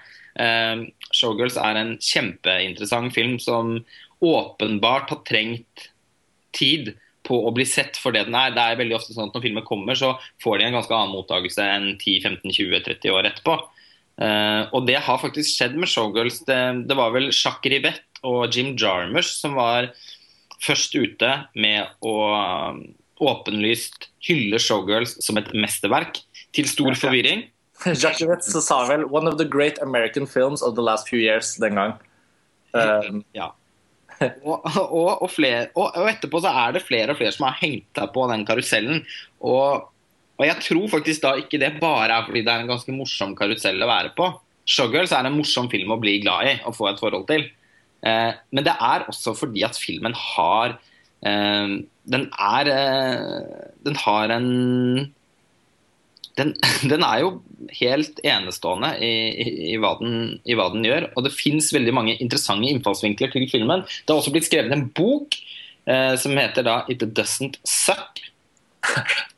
Som er en, eh, en analytisk gjennomgang av, av showgirls. Og da en, en, tematisk Hovedsakelig liksom en, en tematisk analyse av, av, den filmen, men som også tar for seg filmens tilblivelsesprosess og mottagelsen eh, på, i 1995. Og, og, den har, og det, og, det, er også en bok med ganske mye humor som, som, ikke på en måte ignorerer det faktum at filmen fortsatt på en måte har status som en kalkun, eh, men som virkelig innstendig forsøker å, å, å, å kaste, kaste et et annet lys på filmen. og, og det, er, det, er, veldig veldig anbefalt uh, lesning. da. Så alle som har lyst til, som kjenner at de får lyst til å nå gå inn i Showgirls, bør, bør lese den uh, boken. Ja, jeg, jeg synes jo, med, tanke på den tittelen på boka, jeg syns det er mange grunner til at den filmen ikke suger. Det er jo, som vi har vært inne på, både det at det er liksom helt tydelig helt fra åpningen i filmen hvor liksom kamera følger eh, hun eh, Naomi eh, bakfra. At liksom, her er det en filmskaper som vet hva han driver med. Og den er liksom Det er jo Man må liksom huske på at uh, Verhoeven og alle involverte har liksom De har jobba for å lage en film her, og det, det syns så godt. da, på, Med kulisser, eh, lyssetting, kostymer. altså når, når du var inne på det, Rashford. Altså, det, er mye, det er mye fine kostymer her òg. det, er, det er også veldig ikke, ofte noen ganger ikke så mye kostymer. ja, det stemmer. Men, eh, men det, liksom, det, er, det, er, veldig lett, synes, for meg i hvert fall, liksom bare gå helt sånn eh, strategisk til verks og liksom se på alle de bestanddelene en film har, og liksom se på hva, hva Showgirls har å tilby i en sånn håndverksmessig. Jeg synes, Da blir det veldig vanskelig å si at det er en dårlig film. Uh, når det gjelder det satireaspektet, så syns jeg, jeg synes det er en kvalitet ved filmen sammenligna med Starship Troopers at den ikke er så Den er ikke så tydelig som Starship Troopers på det. Det blir, det blir mer å jobbe med. da. Men jeg, men jeg syns jo kanskje også at det det blir vanskelig til tider å se akkurat som du var inne på hvor den grensa går. da. Ja, Den er veldig, veldig uklar. Og det er jo noe av årsaken til at filmen har den, den er jo, den, Det er litt mer tyggemotstand i Showgirls enn i Starship Troopers. Og Starship Troopers også fikk jo ganske mye forferdelig mottakelse når den kom. Men der tok det veldig kort tid før altså, eh, den vanlige nerden i gata klarte å plukke opp den satiren ganske raskt. Mm. Og, og, få snudd den terningkast én som den fikk av Jon Selås i VG, til å bli mm. terningkast seks. Um, så den nettopp som du sier, for den er jo egentlig bare veldig veldig tydelig. Man skal være ganske blind for å ikke oppfatte satiren i den. Men Showgirls, der, det, der må man grave litt, da. Ja, og jeg, jeg syns eh, på at den varer for lenge òg. Den er jo litt over to timer. Så syns jeg vel kanskje at Jeg vet ikke. Jeg, for meg blir Jeg har litt større problemer med å plassere den så høyt blant 90-tallets beste filmer, selv om jeg syns den har mange kvaliteter. For jeg syns det den, den, den, blir, den, er jo veldig irriterende også. Det er liksom Både hun eh, hovedkarakteren og, og, alle replikkene. Alt, alt, som gjør den veldig morsom, er jo også veldig irriterende. Og, så sånn, For min del så er det liksom Ja, den tyggemotstanden uh, setter jeg pris på, men uh, det er ikke alt jeg svelger, da, for å si det på den måten. Spytter du ut igjen? Ja. It doesn't suck, but it doesn't swallow. men, men uh, Nei, men altså det, Jeg mener jo også at Både i forhold til innspill i kommentarfeltet og i forhold til dine innsigelser, Sveinung, og for øvrig. En av de store oppløftende elementene ved Showgirls er at det er en film som har blitt snakket så mye om, jevnt og trutt. Jeg har mye mer interesse av å ta en prat om Showgirls enn uh, Starship Troopers for min del. Og Basic Instinct. Uh, og det var jo det som var sørgelig med Basic Instinct, da vi virkelig begynte å diskutere 90-tallslisten og tenke Ferøfen. Hva, hva, hvilke filmer, på hvilken balanse, hvilken måte, hvor mange filmer, alt det der. Det er bare å erkjenne at Basic Instinct er en 101.-plass. Det er en dritbra thriller som, uh, har, som har ikonisk status og på alle mulige måter er verdt å anerkjenne. Men det er jo ingen veier videre inn eller videre ut av den filmen utover den litt sånn enkle det enkle å forholde seg til med Basic Instinct. Og med, med Starship Troopers så Dette har vi jo allerede diskutert da, tidligere i podkasten, og vi har jo også en spesialpodkast om Paul Verhoeven fra før av. Sånn at jeg føler at man, mye av dette er jo sagt, men kan bare referere til det at, at den, den har vi jo på en måte anerkjent. Jeg syns likevel at Starship Troopers i mindre grad har holdt seg interessant for, min, for, for meg personlig enn Showgirls. Og, og jeg liker at folk ikke liker Showgirls òg. Mm. Jeg syns ikke det hadde blitt noe gøy med Showgirls hvis det nå var sånn unison anerkjennelse, Criterion Collection og sånn. Eh, helst ikke. Mm. For jeg tror at den, eh, den lever veldig bra som en sånn merke, et merkelig lite udyr eh, som noen, eh, noen inviterer inn, og andre ikke. da.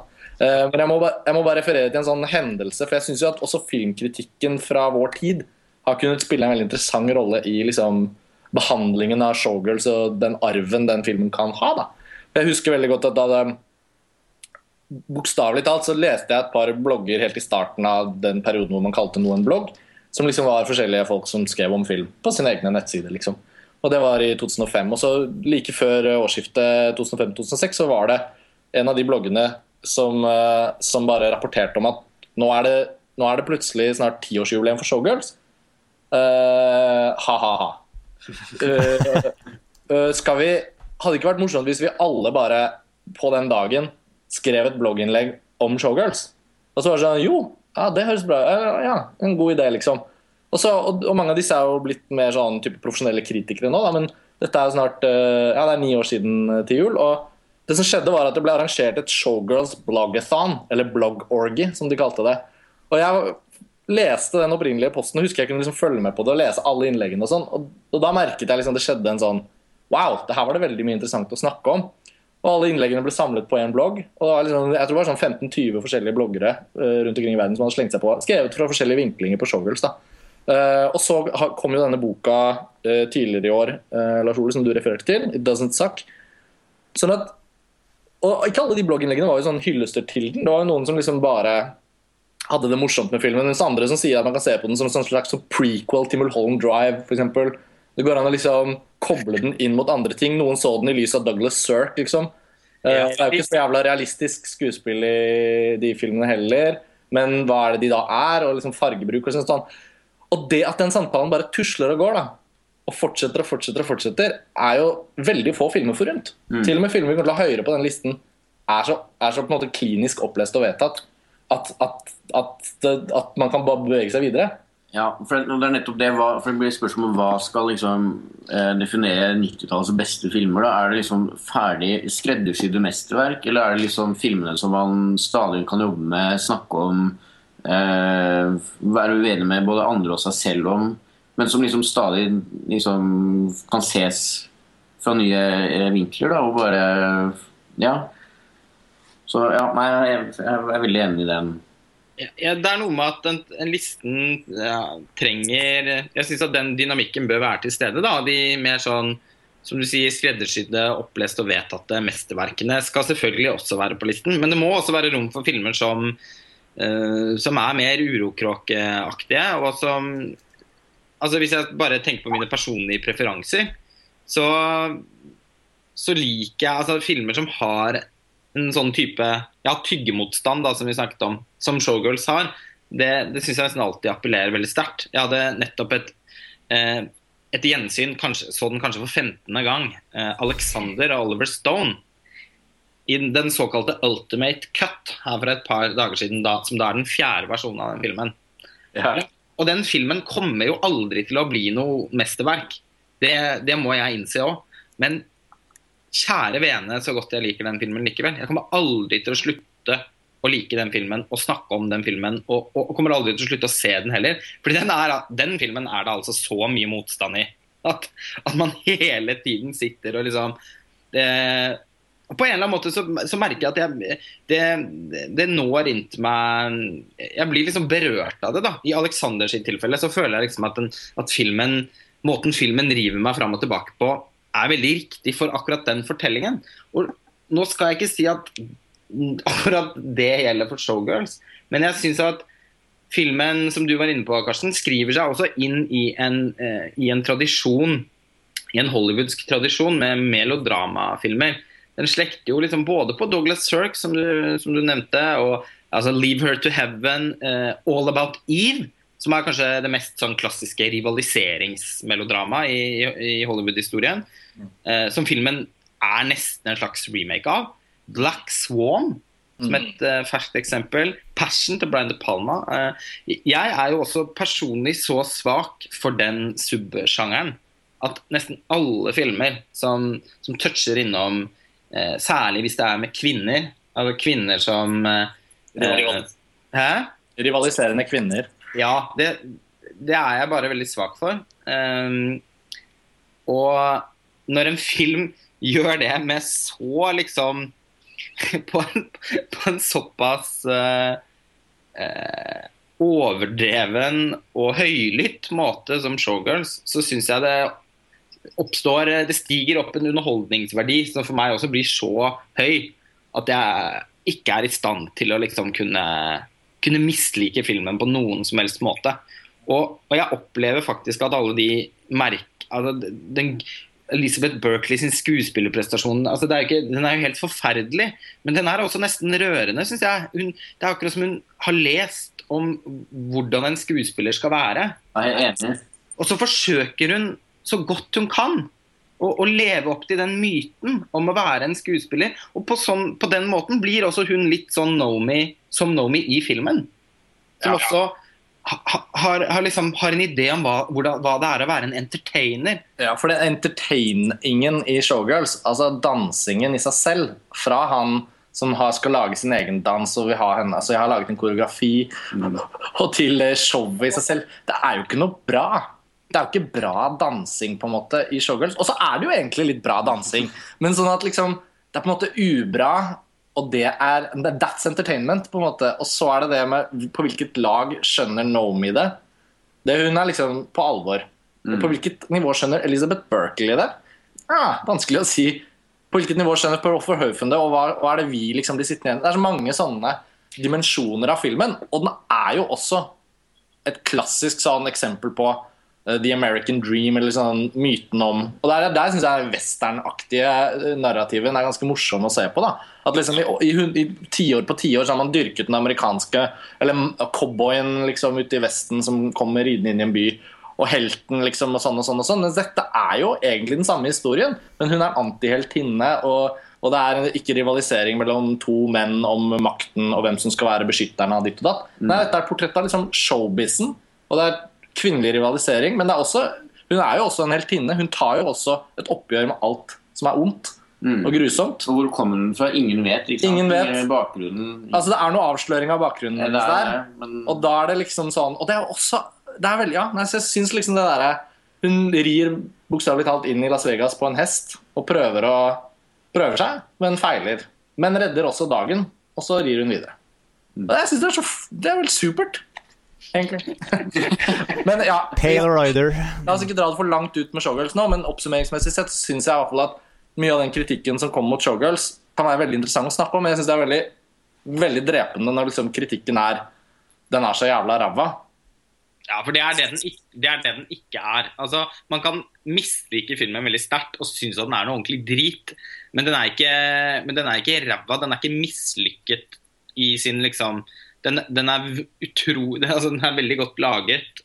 Og den eh, får faktisk til veldig mye av det den forsøker på. Man må bare liksom Man må grave litt for å, for å konkretisere overfor seg selv hva det er filmen forsøker på. Og det er også en interessant diskusjon, fordi det finnes mange ulike oppfatninger eh, om det. Men at Paul Verhoeven forsøker å si noe om om eh, i hvert fall om, en, om et aspekt ved den amerikanske populærkulturen på 90-tallet. Det tror jeg ikke det kan være noen tvil om. Og jeg husker jo også, ettersom jeg var barn på 90-tallet og vokste opp ikke så altfor langt unna Svinesund, så husker jeg liksom disse pornobutikkene og noen strippebuler inne i skogen som het Kattan. Som var veldig sånn som, som, som, som eldre ungdommer Strippebule inne i skogen? Ja, Høres ut som sånn One-Eyed Jackset. ja, ja, det var helt Twin Peaks.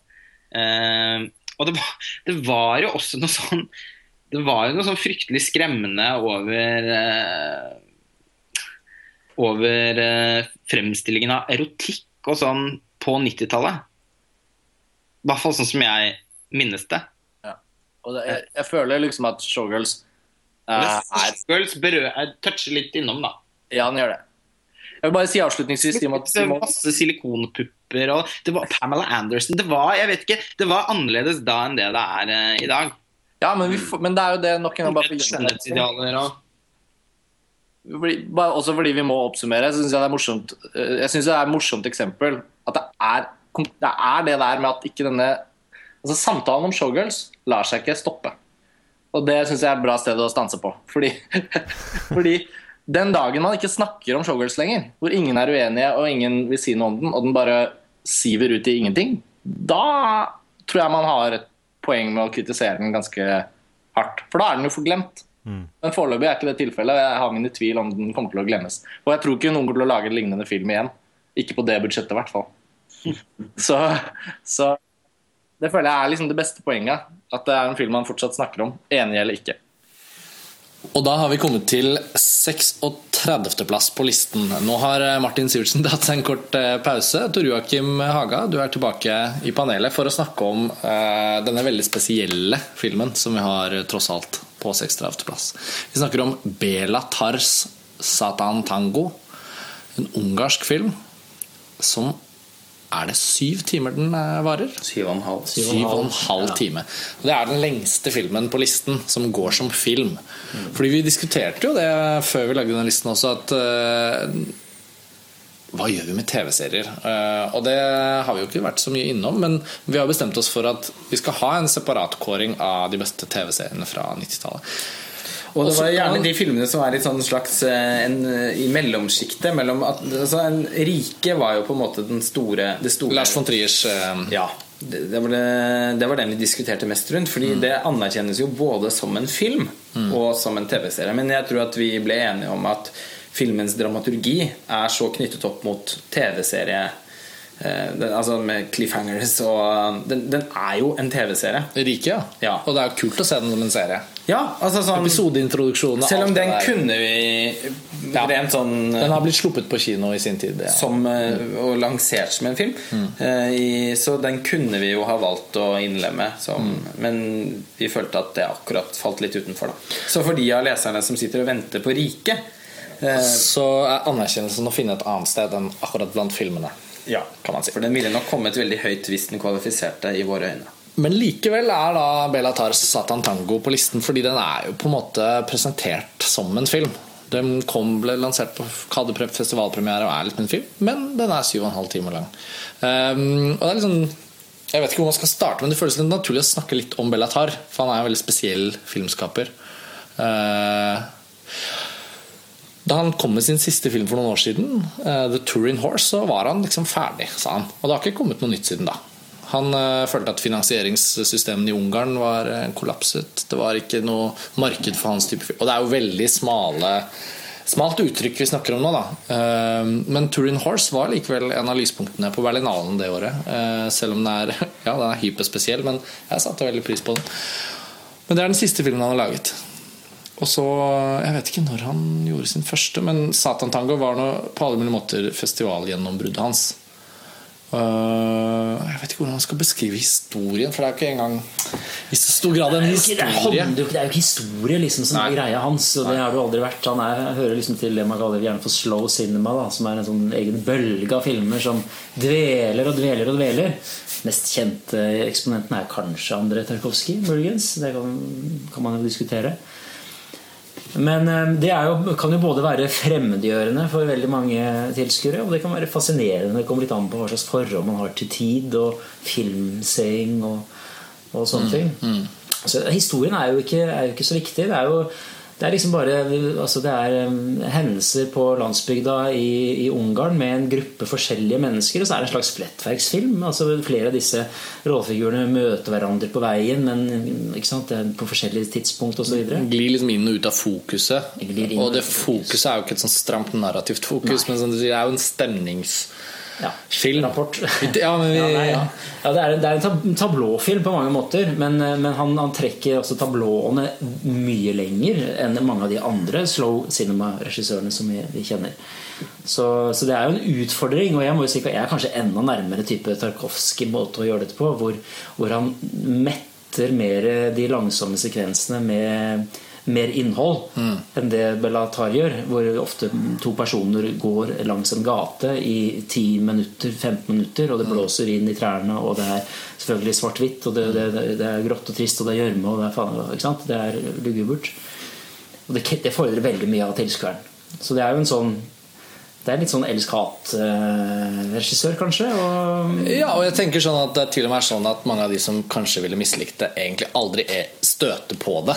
Men, men klisjeen om på en måte ja, slow cinema og ikke minst en art cinema kan jo nesten liksom være parodisk nær sitt liksom absolutte beste eksempler i Bellatar. Da. Det er svart-hvitt, det er i Ungarn, det er alvor. Og når det er morsomt, så er det sånn superøsteuropeisk humor. Sånn du føler sånn hm, Og så ler man. Ja.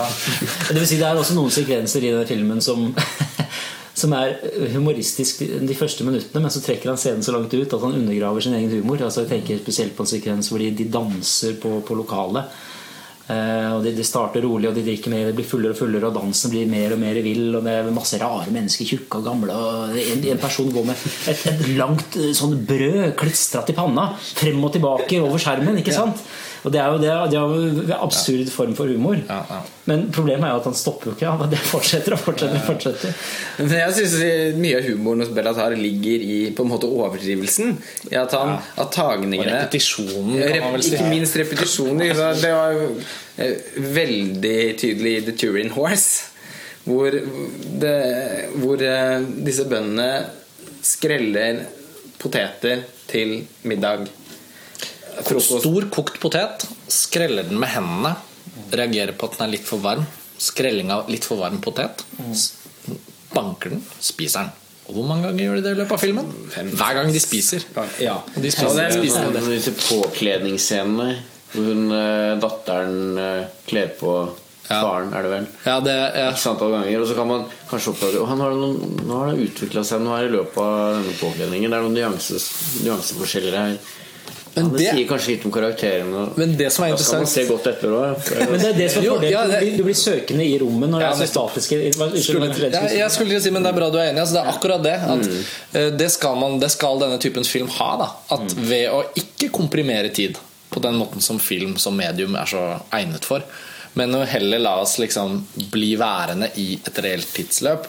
Eh, samtidig som det ikke alltid fungerer som sånn long take, sånn som man ofte dyrker når man snakker om å det er så fet long take i 'Children of Men' eller hos Brian De Palma. Det er en annen type long take. Dette er mer sånn ikke se etter den narrative liksom, presentasjonen av dørt, dørt, og bevegelsen gjennom rommet og sånn, men kanskje som du var inne på nå, Sveinung, om enn litt ufrivillig, da, at kvaliteten ligger i at man endrer blikket sitt. Da. Man endrer måten å se på filmen på. Altså, ja, Man søker innad i bilderammen. ja, ja. Blikket fly, får anledning til å flytte seg mye mer fordi det ikke er så styrt. Og man tillegger innhold til ting som kanskje egentlig ikke har det. En katt som går forbi der og, og som snuser litt på en rekk kran. Å ja, hva betyr det? Hva betyr det? Hva betyr det? Ja. Så begynner man å tenke litt Og det er eh, noe av hele poenget med opplevelsen. Da tenker jeg at man At han utfordrer tilskuerblikket på en såpass kompromissløs måte at man Enten så kan man bare liksom avvise det og, og, og ikke få noe ut av det i det hele tatt. Men samtidig er jo også hans Altså, Bildene i filmene hans er jo såpass fantastiske da, at man, det er jo mye å se på i mm, Absolutt. Og um, på en eller annen merkelig måte er jo filmene hans veldig suggererende. Og i The, The Turian Horse, det ultimate eksempelet fra den, syns jeg. Eh, potetene på den eh, repetisjonshumoren, fordi den syvende gangen eller noe de skrev den poteten, så brøt jeg ut i latter. Eh, er første gang jeg så den filmen. Men eh, når den sekvensen hvor de drar den kjerra opp en ås og man tenker å, skal de endelig komme seg Da er det en lang ås. ja, ja, det tar flere minutter. Ja. Eh, skal de endelig liksom forlate gården? Skal vi få se noe mer? Hvorpå de da Å nei, de snur igjen! Og så går de tilbake hele veien. Kameraet Ja. står på samme sted hele tiden. Ja. Og man ser de forsvinne nesten bak Eller de forsvinner vel bak åsen, men så kommer de Ja, tilbake. så kommer de tilbake. Og det er jo faktisk veldig morsomt. Ja. Eh, samtidig som det også i den filmen da eh, forsterker det sånn hemske ved dette stedet hvor de bor. Hvorfor de er så fanget i denne slags Det er akkurat som det det er litt sånn som sonen i Tarkovskijs uh, 'Stalker'. Hvor, hvor på, Ja, nei, tror jeg ikke. Jo, men altså mest kjente, Den mest kjente sekvensen i Satan Tango handler jo litt om det du sier, Lars Ole. Det, er, det handler om litt, litt av dette her med hvordan eh, tid og rom kan utnyttes for å også skape litt ubehag. Og da snakker jeg selvfølgelig om sekvensen hvor en ung jente eh, terroriserer en katt. En veldig kontroversiell sekvens. Man spurte om dette var en virkelig sekvens hvor man terroriserte en virkelig katt osv. Men jeg syns faktisk at den beste sekvensen i hele filmen er en observasjonsscene hvor man altså følger livet til en litt overvektig doktor som har lukket seg inn i sitt eget hjem. Og han sitter ved skrivebordet og han ser på livet utenfor. Litt sånn rear window-aktig. ikke sant? Og noterer i boka hva som skjer. Det skjer jo ingenting. Men altså, han noterer hva som skjer. En hund som går forbi, og der går hun ut av huset. Her kommer humoren tilbake, føler jeg. Ja, det er litt, men det er litt humor også. Og, han og så drikk, drikker han masse. Heter, så Det er liksom et godt eksempel på en person som ikke har noe liv. Men du blir fascinert av alle de ritualene og alle de tingene. Det er, liksom, det er så mye innhold i det likevel. Innen, innenfor dette rommet. Så det er jo det er de beste sekvensene i, i Satan Tango, syns jeg. Jeg, jeg syns kanskje ikke det fungerer så bra, alle disse lange spaserturene og sånn. øh, I samme grad. Da. Det er, det er mer den derre avstandsobservasjonen av elementer som skjer i, i rammen. Da. Men det er fascinerende også anerkjennelsen av denne filmen. Vi, jo, vi startet jo hele kåringen av 90-tallets beste filmer med en avstemning blant størsteparten av våre bidragsytere. Og Satan Tango kom jo voldsomt høyt. da Altså 36-plass er jo en ganske sånn stor ære for en såpass sjelden og rar film. Men der, der syns jeg også at filmen skal ha det med den Den er jo helt i særklasse unik som det prosjektet den er. Dette er også en film fra 1994, et år som vi har returnert til så mange ganger. Om det handler om Pulp Fiction, eller om det handler om ja, nå tenkte jeg Nå har jeg tenkt litt på Jim Carrey det siste, men det er jo ikke filmer som er på listen. da Men, men 1994 som et sånt filmår, da 'Frihetens regn' og sånn Det var så sinnssykt mye som skjedde. Det var, Lion King. Ja, jo, men sånn, King Express. ja, men så 1994 er liksom Og vi har en egen episode om 1994 og sånn. Altså, liksom, og så er det Satan-tango. Ja. Liksom Midt på 90-tallet. Og det ble jo naturligvis en sånn eh, filmklubbfavoritt. En Cinematek-favoritt. Og Ja. Satan-tango. Og hos den generasjonen som gikk på filmklubber på 90-tallet. Ja, eh, som liksom som da var- av oss Nei, da var vi er- barn. Ja. Til og med Tor Joakim. Ja, tenåring. Ja, tenåring. Eh, så, så, er, så har jo denne filmen en ekstremt høy status.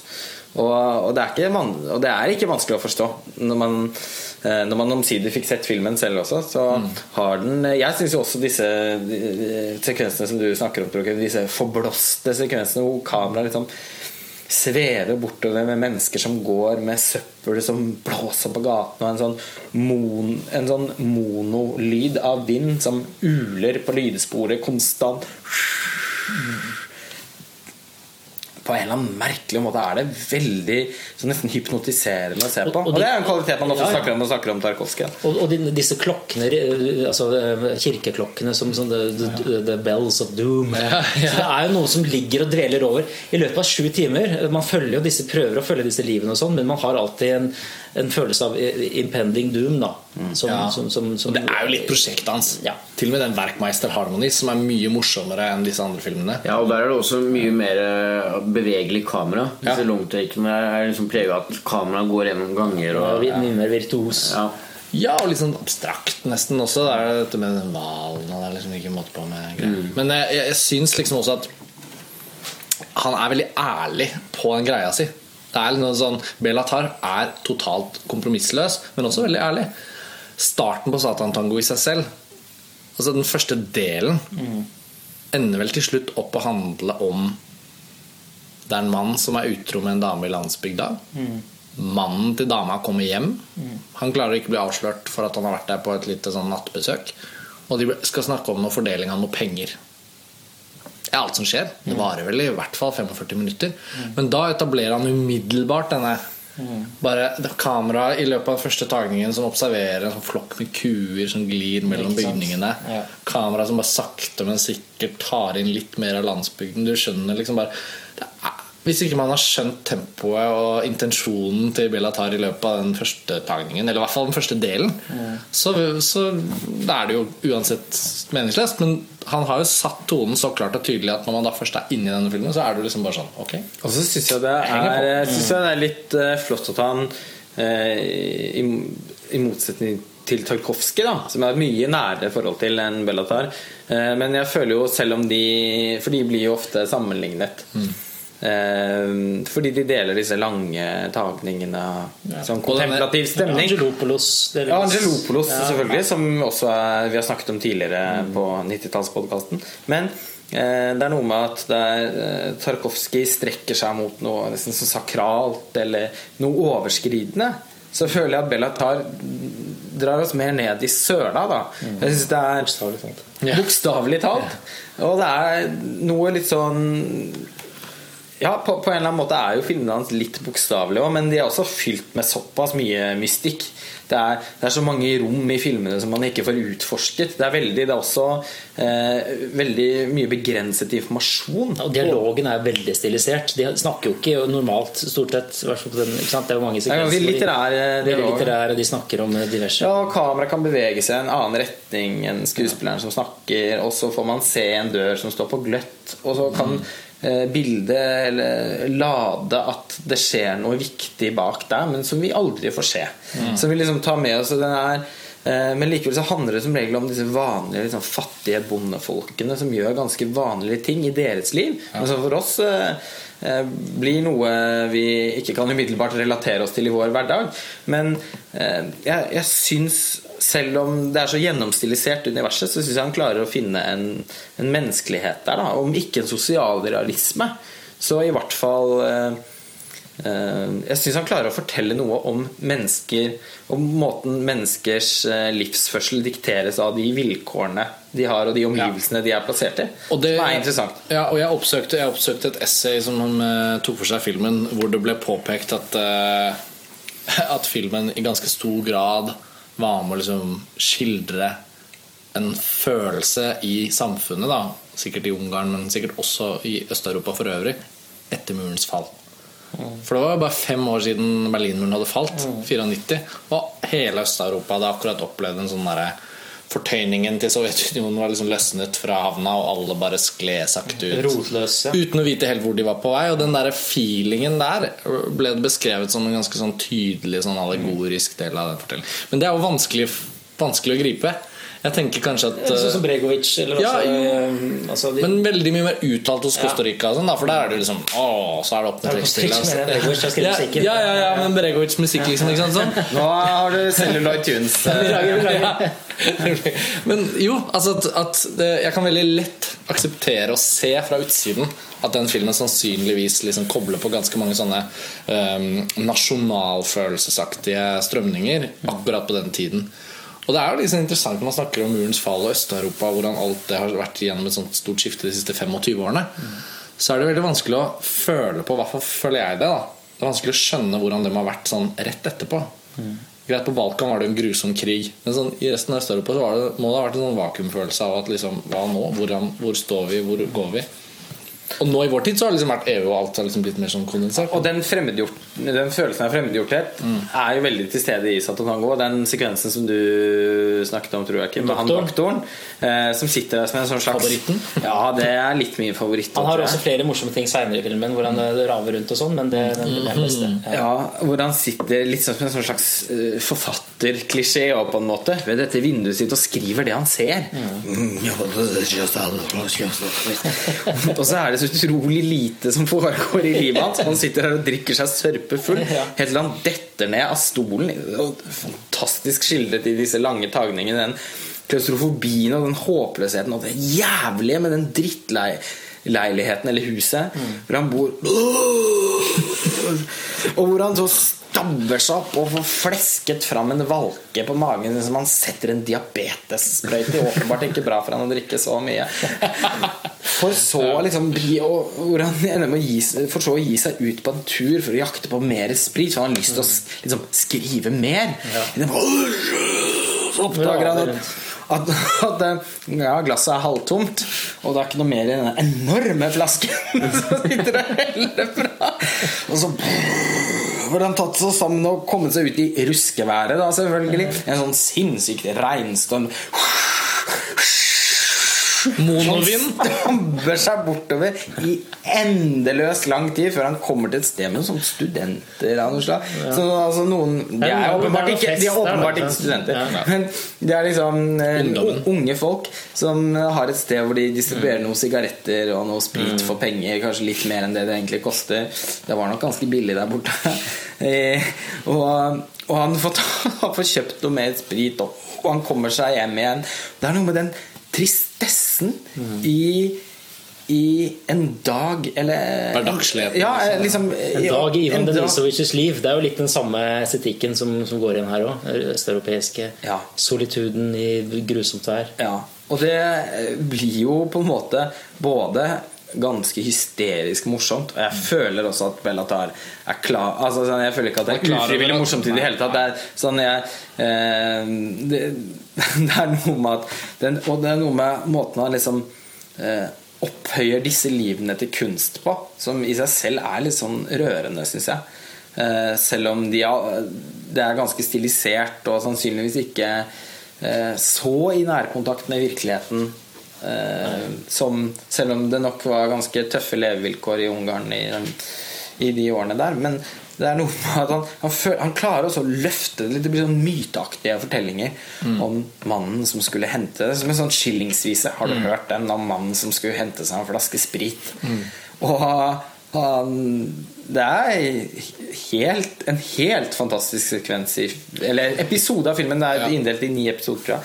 Og den eh, som du snakket om i stad, med den katten også, med jenta-katten, hvor hun sitter og mishandler denne katten og irettesetter katten. Og man sitter jo og tenker at det er sånn hun har blitt irettesatt. Av sine altså, Katten er den eneste hun kan være en autoritetsfigur overfor. Som hun kan irettesette, og hvor hun kan stå i et makthavende forhold til et annet vesen. da Blir denne katten som får gjennomgå. Eh, det er jo noe dypt tragisk over Og, og, og de Ja. Men det står, litt unikt da på, på 90-tallslisten vår, syns Ja, jeg. ja, den skiller seg veldig ut. Og det, og det, og det er jo liksom en eh, Ja, Om det er en varm anbefaling, vet jeg ikke, men en vindblåst anbefaling kan man vel si at den er. Men det er jo, Jo, ikke bare bare virkelig en varm anbefaling. Ja, men det er jo ikke bare jo- bare å ta fatt på. Nei, Du må vite hva du går inn i, altså. Ellers så blir du forbanna. Ja. Ja, for det er sikkert men veldig mange lyttere som ikke har noe forhold til Bellatar. Og uh, det er ikke sikkert at Satan Tango er stedet å starte. Men som en episodisk fortalt spillefilm på 7,5 time i en tid hvor TV-seriene er mer populære enn noensinne, så kan man vel si at kanskje Satan Tango hadde gjort seg fortjent til litt sånn Netflix- Netflix-tilgjengelighet. så kunne man tatt det som en serie. HBOs Satan. Jeg så, jeg så Satan Tango på sånn Jeg så hele jeg, eller på helgen. Rått. Jeg klarte ikke å slutte etter første episode. Jeg bare måtte se resten. Og det gjør man ikke helt heller, fordi den er veldig meddrivende hvis man setter seg ned og liksom bare dykker inn i den og drikker filmen litt. Så øh, ja, og- ja, man sitter ikke igjen bakfull. Om ikke opplyst, så på en eller annen måte fylt av eh, en Det er som å drikke et spann svart olje. Og Deilig gjørmebad. Eller jakten på den gode metaforen En som bøtte oppsummerer med gjørme. Eller, eller en flaske sprit. Vi kan i hvert fall si med trygghet at vi kommer ikke til å bli bakfulle på den eh, 36. plass plasseringen Absolutt av ikke. Satan Tango av Bella Tar. Et betydelig verk. Vi, vi skal over til en eh, universalt elska film. På 35.-plass har vi Cohen, Joel og Ethan Cohens andre film på lista vår, eh, 'Fargo', som kom i 1996. Et eh, Ja, et, rett og slett et slags krim, eh, krimdrama på utspilles i eh, Minnesota og North Dakota. Og ja, alle likte Fargo, og alle liker fortsatt Fargo. Eller tar jeg helt feil? Er det, er det, det er en sånn det, For meg så står det som en sånt, sånt, sånn film som helt siden den kom eh, Alle som så filmen, elska den. Eh, I etterkant så driver vi stadig og sier sånne ting som at 'Å ja, det der er jo som snytt ut av nesa på Fargo', eller 'det der er helt i Altså, det, det er på mange måter en film som, eh, som ikke gjør så veldig mye Altså, den prøver ikke å være noe episk på noen som helst måte, men den har bare stått som en sånn den perfekte uh, amerikanske Sånn som er på det. Ja, men den er jo også noe helt annet enn altså fra, fra Satan Tango til Fargo. Det er ikke, det er ikke det er altså sånn, Den er jo, den er jo uh, en klassiker uh, på sitt vis, men anerkjennelsen av Fargo er jo på et veldig veldig folkelig plan også. Ja, Altså, det er den er elska. Ja, ikke sant? Altså, det, er en sånn der, det er en sånn folkets favoritt, merkelig nok. Fordi den er jo egentlig veldig spesiell. Jeg husker innmari godt at Fargo kom, og jeg følte liksom den, den var jo nesten sånn at ryktet om voldsscenene og ryktet om liksom hvor drøyt ting var i Fargo, var jo nesten mer enn i Tarantino-filmene. Jeg opplevde liksom Fargo som en sånn film som hadde Den gangen at den hadde liksom en sånn her, det var noe sånn uggent og skummelt, men filmen er jo veldig morsom. Er jo en komedie. Jeg opplever den og også med et ferskt gjensyn så føler jeg liksom at det først og fremst en komedie, egentlig. En slags eh, tragikomisk eh, krimfortelling som, som ikke har noe mysterium, men som bare er en sånn Ja, sånn uh, Ja, Ja, den er jo komedie fordi at alle på den måten som alle Cohen-filmer er ko komisk, fordi at de har de her quirky figurene som, som snakker ofte litt uh, spesielt og har sine fakta og nykker og, og liksom er, De lager sine egne stereotyper i sine egne universer som, liksom, som er morsomme, da. Men eh, ja, jeg husker også, den vold, Det som ga det voldstempelet, var vel særlig det ene, den ene øh, scenen med den øh, flis... øh, flismaskina, eller den øh, tre... Hva heter det for noe? Tretreskeren, eller hva det heter for noe? Ja, altså den eh, maskinen på slutten hvor han Ja. eh, ene blir, eh, blir malt til Da, da er det mye blod. farget skum. Ja. Så, sånn- menneskeflis. Menneskeflis. Menneskeflis, ja. Men Jo, øh, ja. Nei, men, men det, jeg vet, det var også et eller annet med sånn Det å ta altså Litt med sånn Også veldig mye med de folkene som er så forbaska hverdagslige, på en måte. I et sånt øh, en sånn setting og en, øh, et miljø som man ikke ser så mye av. da. Eh, I hvert fall ikke gjorde det da. Men Ja, og så føler jeg liksom kanskje med, det, akkurat det med volden, der føler jeg jo liksom at eh, Nå er jo det alle, Nå skjer jo det i filmer og TV-serier over en lav sko, så er jo ikke det at det er så veldig spesielt lenger. Men det var nå en gang sånn at når det kom filmer, sånn som jeg husker det, som, hvor, hvor det var en brutal vold helt uten å se ut til å ha noen form for motivasjon. Sånn som i Fargo så er det jo liksom den der ene scenen langs landeveien der i mørket. Det kommer en annen bil som tilfeldigvis ser dem, og så liksom så er det liksom bare å skyte og drepe. da. Og nå høres det, banalt, det høres jo banalt ut, fordi det er jo så mye av denne typen vold på film at når man har et trent blikk, så lar man det jo ikke liksom Man tenker jo ikke så mye over det nødvendigvis. Men likevel så Jeg husker i hvert fall Fargo i den da den kom, og i forbindelse med liksom det opprinnelige liksom, type ryktet om Fargo. Så var det der med volden var ganske sånn der, stilt opp mot hverdagsligheten. da. Og det er jo det hun, eh, hovedpersonen også til slutt reagerer veldig på den siste scenen. liksom bare sånn dette er jo helt forferdelig, det dere holder på Liksom sånn, Ja, for- Hvorfor? Ja, for det er det som er eh, tenker når man, eh, Spesielt når man har sett de siste Cohen-filmene som har kommet nå, at det blir mer og mer tydelig at de eh, Jeg vet ikke, de har en litt sånn der, en nesten litt sånn verdikonservativ holdning overfor eh, det de lager film om Da. At de, de er ikke moraliserende, men de, de retter liksom et blikk mot eh, den der ledelse og, og liksom hvordan samfunnet utvikler seg og sånn. Og når man ser tilbake på Fargo nå, så syns jeg det er litt tydeligere sånn eh, sammenligna med de filmene de har laget nå i ettertid òg. Selv om jeg også husker det når den kom. Jeg, jeg husker jeg gikk forbi Saga kino og så en, en plakat for Fargo.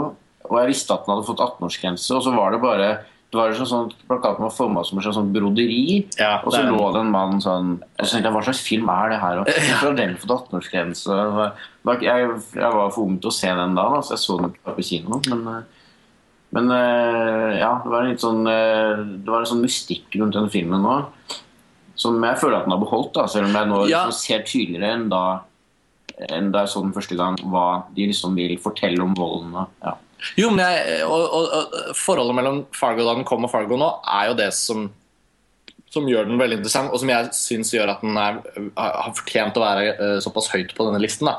Jeg syns jo at eh, en av de utfordringene med Cohens filmografi de siste fem-ti årene har jo vært liksom at de, altså de, de spiller så veldig på den samme strengen i flesteparten av filmene sine.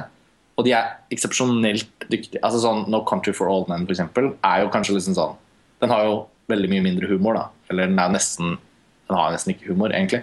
Men den er jo, den er jo også et sånt Ja, et perfekt sånn nedkoking av en sånn essens av hvordan de portretterer vold, da, og amerikansk kultur og forholdet til vold, egentlig. Og den er jo også litt eksempel på sitt eget problem, kan man si. da. Men uansett at Coen-brødrenes liksom, humoristiske side har jo ofte endt opp med å være ganske repetitiv. Og jeg syns jo noen av filmene faller litt igjennom. Og, og som nok en gang som vi har vært inne på tidligere når vi diskuterer film på den listen, altså hvilke filmer er det man fortsetter å uh, ha et forhold til? Og, og Fargo er liksom, jeg nesten vært litt sånn bekymret. Særlig i forbindelse med listen, så er det jo, da hadde det gått noen år siden jeg hadde sett den igjen. Og nå som jeg fikk sett den igjen mens vi har diskutert dette, og sånt, så var det veldig oppløftende å føle at den filmen den har så veldig mange uh, innganger til det den er. Da. Altså, den, som en komedie syns jeg både den fortsetter å fungere, men også som et, sånt, som en sånn, et blikk på meningsløsheten knyttet til den, både meningsløse livet i den delen av Amerika og meningsløsheten i vold og, og desperasjonen til han Jerry Lundergaard, som liksom er så håp... Altså sånn Dumskap i seg selv. Liksom. Det er så mange sider ved Fargo som, som hever den opp. da. Ja, og det, jeg, jeg veldig syns dere har sagt uh, veldig mye bra om eh, filmen nå, så jeg har ikke egentlig så veldig mye å tilføye. Bortsett fra at jeg også syn, liker filmen ekstremt godt. og ha, Den har på en måte alltid vært, vært min Cohen-favoritt. Og, og, jeg, er ganske sikker på at den kommer til å fortsette å være det. Eh, jeg har også et litt, egentlig på en måte litt blandet forhold til Coen-brødrene. I hvert fall litt mer blandet enn det som kanskje er vanlig blant folk som er veldig interessert i film. Det er, sånn, det er, det er flere av filmene deres som jeg har som jeg rett og slett ikke liker eh, spesielt godt. Men Fargo, altså.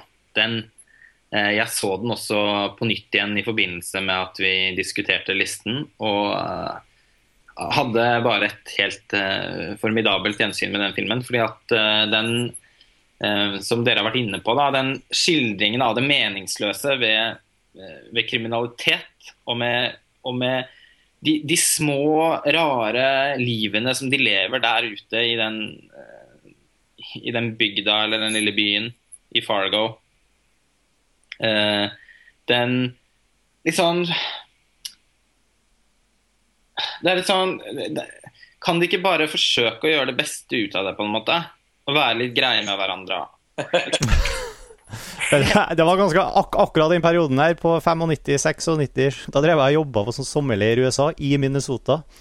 Så ble jeg ganske godt kjent med de byene hvor de Altså de Brainerd og Paul Bunyan og det miljøet som Fargo foregår i. Så det var veldig sånn spesielt å se liksom det som i, i, på vinterstid, riktignok, som jeg var der stort sett på sommeren, som en sånn setting for, det, for den, den fantastiske filmen med, med det innholdet. Det Du har jobbet som leder for ungdomsklubb i USA. Jeg leir, sånn uh, summercamp. Det er jo helt fantastisk. Yes. Jeg, jeg kjente jo han veldig mange ting fra, fra veien eh, på filmen i Fargo som jeg liksom Å ja, der, ja, der har jeg vært der. Nettopp vært og spist eh, der. Å ja, har de stoppa dem der? Og det er noe med Marge Gunderson Altså hennes ja. skuffel... altså, Hun er fantastisk Frances McDormand. Og hennes litt sånn sorg og skuffelse over at folk ikke kan være greie med hverandre. Og at hun på en måte har, har blitt politikonstabel for å sørge for at På, på en litt sånn Kardemommeby-aktig eh, grunnlag. Hun vil at folk skal være greie med hverandre, og hun håper alltid på det beste. Men så kommer det, så kommer det akkurat som en sånn bølge med drit og, og skyller over ja, bygda. Det er jo ikke en bygd, men jeg må bare kalle det en bygd. Eh, fordi veldig mye av, veien, eh, veldig mye av filmen foregår ute på disse sånn øde landeveiene. Ja, Man kan også se den hvite snøen som et uh, symbol på det uskyldige. Ja. Mm. Og den blodspruten. blodspruten liker å legge ut sånne Ja. eh, Blodspruten som skiller inn. Ja, jo da. Nei, men, men jeg syns at Phil eh, Først og fremst så er den, som dere har vært inne på, da, veldig veldig morsom. Eh, og bare utgangspunktet for, eh, for eh, konflikten i filmen, med at han drømmer om å lage en parker... Altså han Jerry Lindegård drømmer om å lage en parkeringsplass. det er i seg selv utrolig morsomt. Og de og, og, og hva han liksom Hva han er i stand til å, å, å gjøre for å få den drømmen til å gå opp i oppfyllelse. Uh, og som, som da går til helvete. Og, disse, det blir jo bare noe fryktelig rot, alt, alt sammen. Og måten filmen er skrevet på, ikke minst da den dialekten som, som er en sånn halvnorsk. Eh, det, er eller det er noe spor av norsk der i den dialekten. Så de sier jo 'ja' hele tiden. Jeg aner ikke hvor mange ganger de sier 'ja' i den filmen. Ganske ofte. Ja, Man kunne, kunne nok hatt en ganske sånn Jeg tror den drikkeleken som hadde vært én shot for hver gang noen sa ja, den hadde blitt avsluttet etter 20 minutter, tror jeg. Altså, man, kunne, man kunne hatt ett lag som drikker når de sier ja, og et annet når noen blir drept, og så er alle fulle til slutt. Ja, så alle kjempefulle. Jeg tror nok de likevel den ja-gjengen ville Ja, ja. Ja. Er Litt mer drita. Jeg tror det. Og det er noe med den repetisjonshumoren i filmen òg. Det er faktisk enda morsommere for hver gang de sier ja. ja. Så den har liksom Og den har så nydelig liksom bare, Det er også en sånn nydelig film. Jeg, den, er, den er jo ganske rørende. Mye pga. Frances McDormand, som Og William Macy, som er jo helt Eller er ikke rørende program, men han er jo så tragisk mor- bra. Han er også... Det er, ingen, det er få ting som er så rørende når det først er sånne litt sånn dumme rollefigurer. Når de har sånne ansikt som William Macys ansikt. det er helt fantastisk. Han spiller jo også en, Jeg syns han er veldig rørende i Magnolia. Han har jo, jeg har snakket om den, men når han spiller han derre Quiz Kid Danny, eller hva han heter. Ja. Eh, akkurat den samme effekten av det ansiktet hans. Det er- Det er jo litt interessant at nå er jo Fargo har jo en slags renewal, eller hva heter det, re revival nå, fordi det går jo en TV-serie på HBO basert, satt i, i Fargo med hvor han eh, han hobbiten, skal vi si, Martin Freeman spiller rollen til Macy. Ja, har, du, har du sett noe av den serien? Jeg har sett litt på den, og Erik har eh, sett litt på den. vet jeg. Ingen av oss eh, syns det fenger oss så bra at vi har fortsatt å se på det. Men den får veldig god omtale, og jeg har den blitt fornya for en ny sesong og sånt. Så, men eh, det er altså det, han kan ikke sammenligne Altså, det er en helt uh, underlegen greie med Martin Freeman i forhold til det han Macy gjør, og det er mye, selvfølgelig mye pga. ansiktsuttrykkene hans, men uh, ja, Ja, og Ja. Dialekten hans også. Jeg tenker vel litt at når, når historien er fortalt i en film så god som Fargo, så er det ikke noe vits i å gå tilbake til det. Nei, og det, det, Det tenker jeg, som utgangspunkt. det er egentlig ikke nok der, eh, virker det som, til å holde en sånn serie gående. Men eh, den går bra, den serien, så Ja, jeg får bra del. Mm. Jeg kan bare si oppsummeringsmessig om Fargo at, uh, at den er jo Coen-brødrenes beste film på 90-tallet, etter mitt syn. Og, og, den, og den blir jo også Desto flere filmer de lager, desto tydeligere er det jo også at noe av det de fikk til i Fargo, har de på en måte også forlatt litt. Selv om de repeterer mange av sine egne motiver og, liksom, og den humoristiske tonen. og det er mange sånne ting, så føler jeg liksom at Coen-brødrene er liksom også liksom blitt såpass gamle nå at nå er de, liksom, nå er de over på noe annet. Uh, og Derfor syns jeg det er gøy å tenke på at Fargo litt har også blitt stående. Uten å, uten å være så godt eh, kopiert eller etterlignet. Eller, den, den står liksom for seg selv litt, den. Og den er selvskreven, det er Ja, 90-tallslista vår, og også på en så høy plassering som vi har som, som vi, har, vi, har, den på. Vi, vi skal videre til, fra 35.-plass til naturlig nok til 34. Der har vi um, John Woo representert på lista med uh, Hard Boiled. Som Og John Woo har jo uh, mange filmer på 90-tallet, og jeg føler jo faktisk at flere av dem eh, kunne også, Vi har vel vurdert flere kanskje for lista, men skal man først trekke fram én som virkelig har liksom mange folk vil Som det går an å enes om, så må det være, være Hard Boil, som er en, kanskje en av de mest karakteristiske, uh, minneverdige, spesielle John Woo-filmene. En ultimate actionfilm, vil noen kanskje si. I hvert fall uh, av type Hongkong-action. Ja. Vi, vi, vi, så jo Hardboil sammen, husker jeg, Karsten og Lars Ole, hjemme hos ja. meg for et par år siden. Ja. Og det var, det var sist gang jeg så den, i hvert fall. Vet ikke om dere har sett den nylig igjen i forbindelse med, med lista? Eh, jeg har faktisk sett den flere ganger i etterkant. fordi ja. jeg hadde den, jeg satte den opp på Da jeg var emneleder i filmanalyse på Høgskolen i Lillehammer, så satte jeg den opp på pensum. Eh, og vi hadde noe seminar eh, tilknyttet Eh, tilknyttet eh, hardboiled, hvor man skulle analysere hardboiled som en sjangerfilm. Sjangeren var da action, hvis det skulle være noe tvil om det. det er vel en av de absolutt reneste action-eksemplene. Ja, det var derfor jeg valgte den. Eh, og da endte jeg faktisk opp med å se filmen vel ja, både to og tre ganger til. Så, uh, så, den, så den, sitter relativt, den er relativt frisk i minnet. John Woo var jo ofte en som ble trukket fram som en av de som holdt på med litt sånn eh, Ofte i forbindelse med sånn voldsdebatter og sånn. Og sånn holdt på med, med sånn voldsopera, nesten. Sånn actionballett. Altså virkelig sånn, sånn virkelig stil, sånn, over, sånn stilisert, superkoreografert action. Med både det her og det her Hardboil er vel den som liksom gjorde mest, har gjort mest inntrykk på folk. Eh, men den kommer jo sammen med de her The Killer og Once a Thief og det er flere av de andre filmene som ligger litt i samme leie. The Killer er mer sånn melodrama igjen.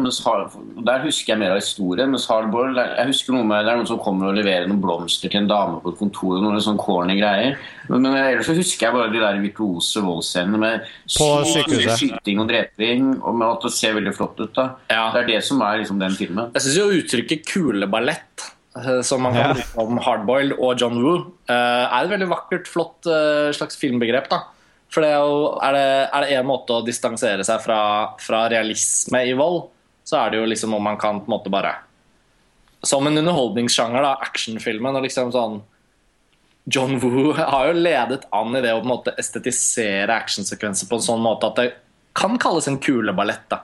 Fråtse i tomhylser og i sånn staffasje inventaret som går i oppløsning, og partikler overalt. Og, ja. ja. og jeg mener den estetikken som basically John Woo, ikke helt alene selvfølgelig, men sånn, som kom fra Hongkong gjennom populariteten til mange av disse filmene, med Hard Boil som en av de absolutt fremste, den, den har jo virkelig satt sine spor, da.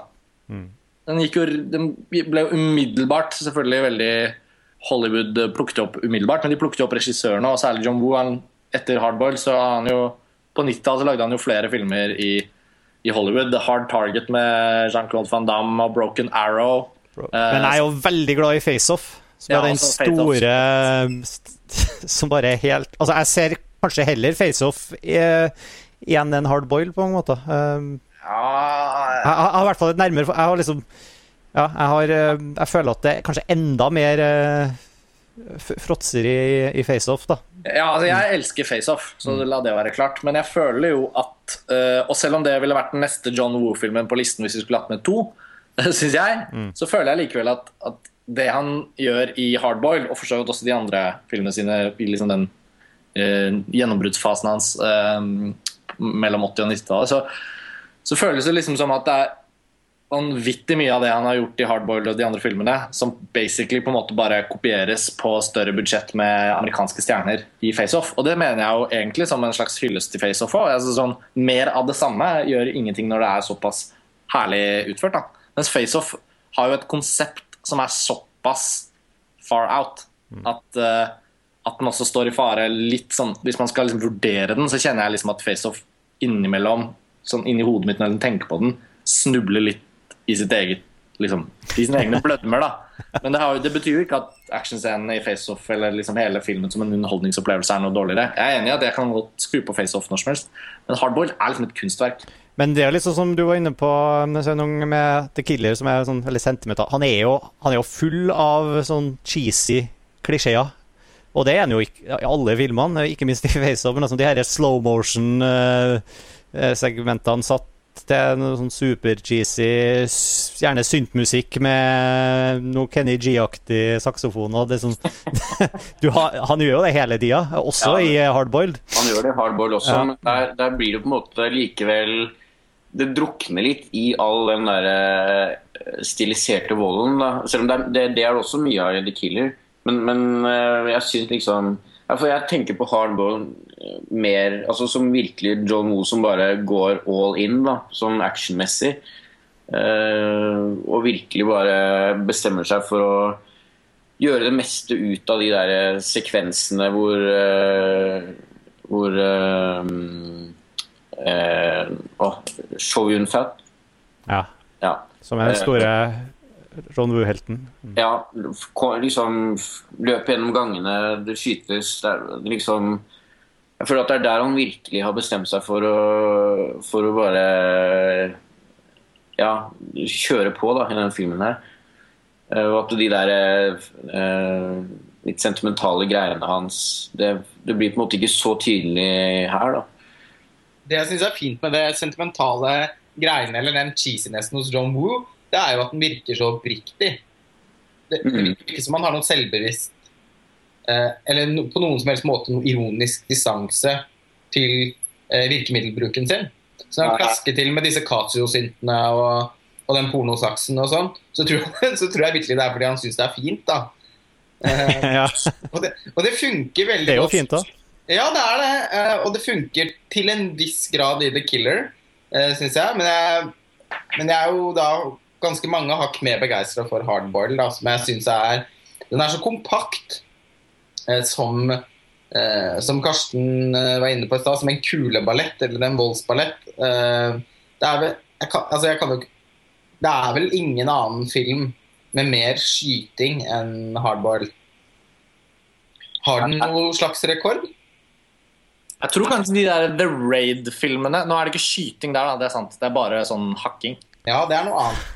Nei, men eh, det som hardboil det er jo særlig En ting er at det er sikkert mye Du kan sikkert telle antall uh, skudd og tomhylser og antall folk som går ned og sånn, men det er jo også det her eh, veldig sånn kjent for det her lange, tilsynelatende Ja, det er jo noen one take-segmenter liksom, hvor de liksom ikke går inn i heisen, inn i en etasje.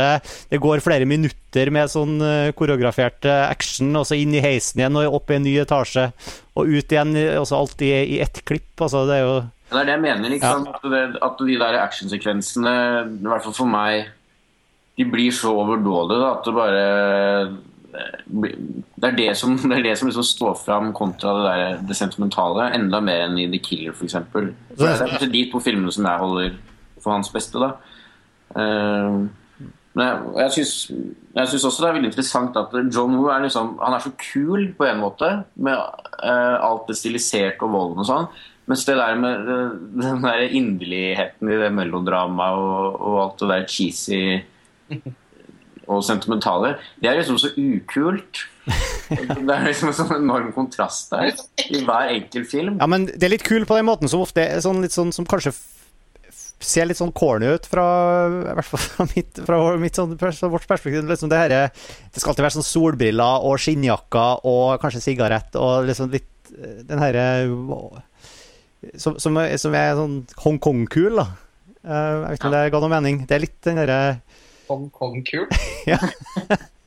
som, som, jeg i hvert fall syns bare virker litt corny noen ganger, men som kanskje er veldig kult, egentlig. Jeg vet ikke. Ja. Det er i hvert fall litt sånn ekte ukult, da, syns mm. jeg. Og det gir også filmen Hardboil, da, som, for å ta den som eksempel, ettersom vi snakker om den, så er jo den De elementene der gjør også filmen litt sånn videofilmaktig. Uh, og den, den pass, den kler liksom Dette er jo litt også en film man kan se på VHS i fire til tre uh, i en kjellerstue uten å på en måte egentlig miste sensen. Mm. Den har jo også noe litt sånn Den har noe litt sånn grovt og uh, Ja, på, på en måte litt sånn Ja, noe litt sånn rufsete over seg.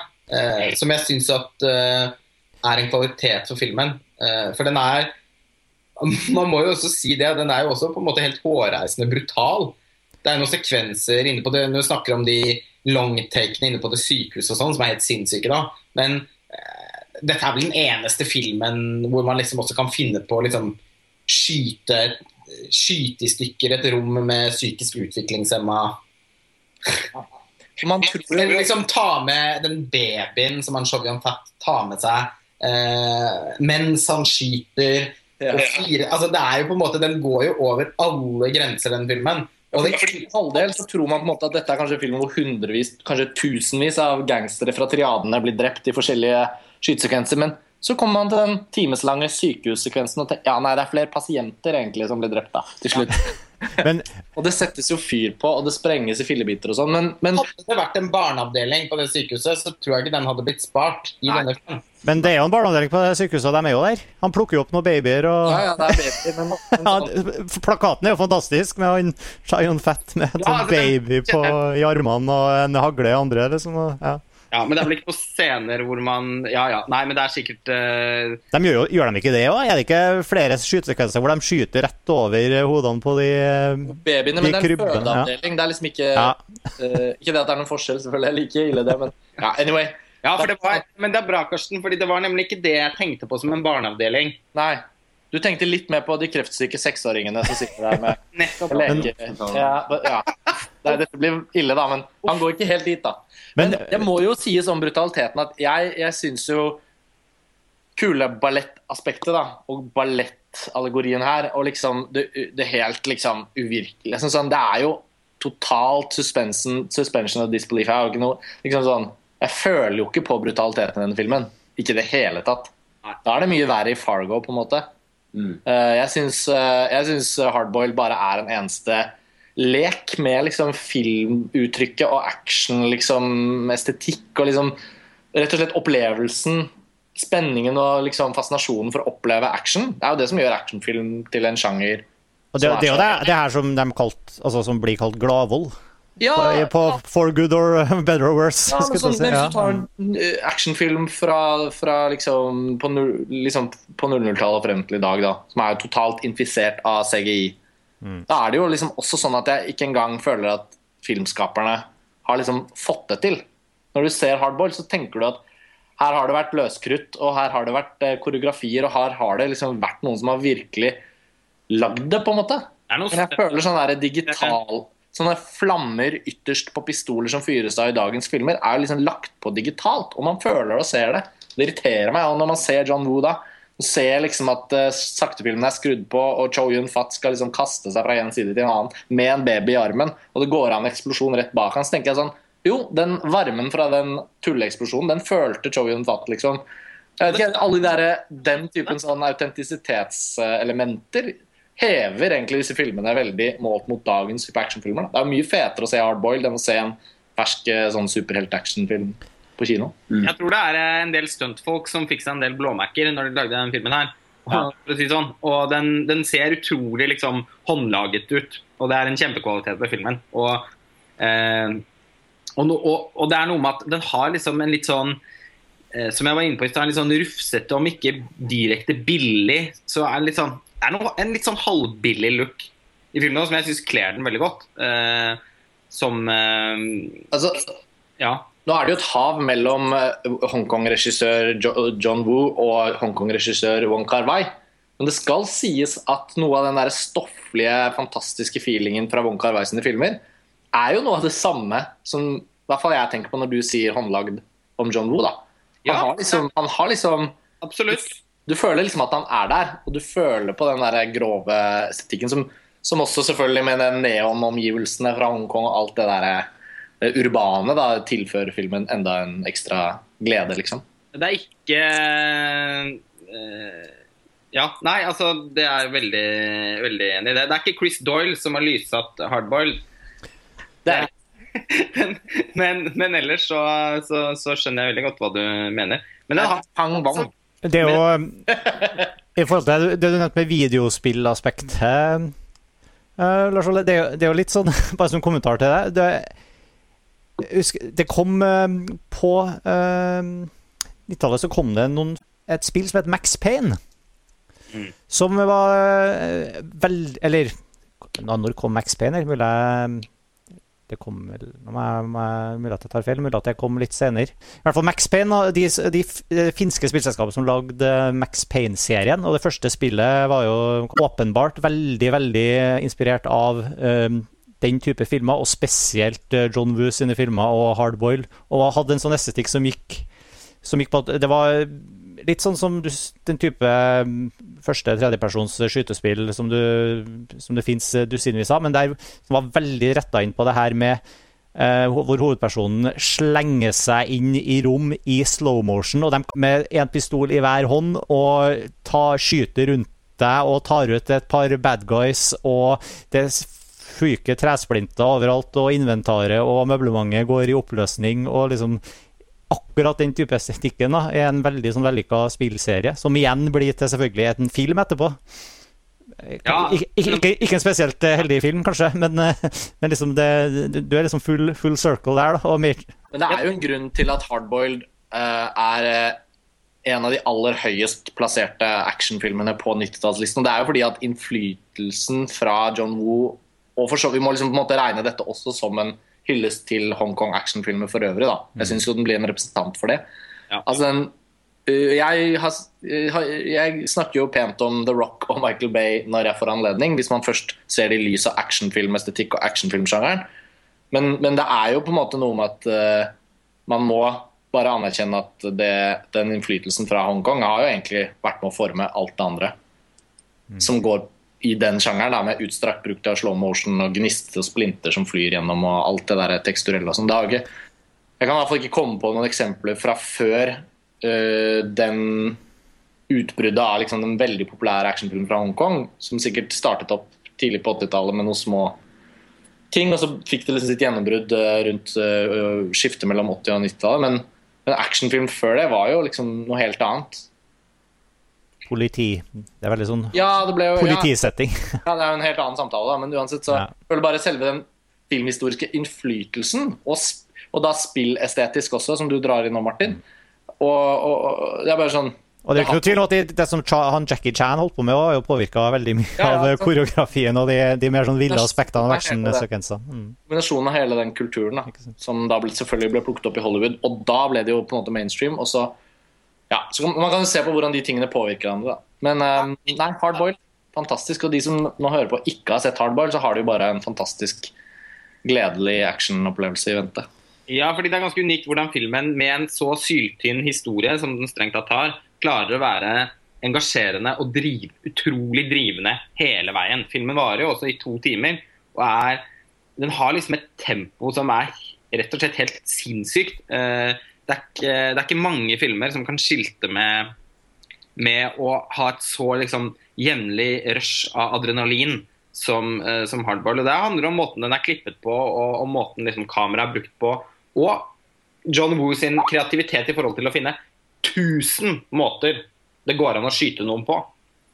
Jeg synes den er også uhyre kreativt løst som actionfilm. Altså, den er så eh, Den er så fantasifullt iscenesatt eh, at man bare sitter og gleder seg til hver eneste scene i filmen hele tiden. Og det er ikke så mange filmer man kan si det om. Så at Hardboiled er på 34.-plass, er ikke bare en sånn eh, Det er selvfølgelig litt også en sånn gutteromsfilm, fordi den er så sinnssykt tøff. Eh, Men den er også virkelig et, et kunstverk i sin sjanger. På 33. plass har vi JFK fra Oliver Stone, 1991. Den store sannheten om hvem som drepte JFK. Ja, det er sant. Ikke sant? Nei, men en veldig stor, lang, eh, kontroversiell, omdiskutert eh, film eh, som som eh, har satt dype spor, skulle jeg si. Hvor, hvor mye vi får egentlig vite om, om JFK og, og det som skjedde der, er jo diskutabelt, men at eh, at det i hvert fall er en, eh, ja, en av de, de Oliver Stones mest stor, store verk, er jo ikke til å komme unna. Og her er altså med en av også de store 90-tallsheltene, egentlig. Kevin Costner i hovedrollen, ikke minst. Ja, det Det må vel si. Ja. Han, Eide, han eide på mange måter siste halvdel av 80-tallet og mye av 90-tallet. ikke sant? Jeg føler litt at han fylte den funksjonen som kanskje Tom Hanks har fylt litt i, i senere, uh, senere tiår. Liksom har spilt i, i så mange eh, store uh, blockbuster-filmer. Ja. Kanskje George Clooney og Matt Damon og litt den gjengen der også. Ja, Med litt den her litt sånn politiske vrien på en del av det. Litt sånn, ja. Ja, den liksom bare den, den sympatiske helten, rett og slett. Jeg, enorm Jeg husker jo, jeg husker jo liksom da jeg var For jeg var jo ganske liten når Kevin Costner var på sitt største. Men jeg husker på en måte at det navnet ble nevnt utrolig mange ganger eh, i stua av mamma og pappa. som, Åh, det er en film med Kevin Costner. Den må vi se. Han var liksom en sånn Den, sto, den liksom helt store stjernen. Eh, og Og jeg, mener, jeg føler også den der, at, han har, at han kan være en- enhver films liksom moralske hjerte. Etter liksom de ubestikkelige rollene som Elliot Ness i Brian De Palmas film. Er det 87 den kom? Så liksom, når man først har sett han i en sånn rolle, så har han på en måte tilegnet seg vår, vår respekt. Og så, så lenge han holder seg Og der, der føler jeg altså JFK er nesten som en slags sånn spirituell oppfølger. Den rollen i JFK. Og liksom, man har så, man, Jeg har så tiltro til, til, til den Kevin Costner som vi ser i de filmene. Og han tar med seg Han er jo en veldig god skuespiller, det er altså undervurdert. Men uh, det er han, var han. Uh, og det, fas, det fascinerer meg litt sånn hvor, hvor mye han tilfører bare som en sånn herre ja, sånn moralsk tilstedeværelse. Da. Når det er denne type film vi snakker om. JFK er jo en sånn etterforskningsthrillersjangeren og historisk og konspiratorisk. Liksom. Den, den har så jævlig mange sånne tråder som er spent, sånn strikker som er spent til liksom det absolutte bristepunkt rent dramatisk.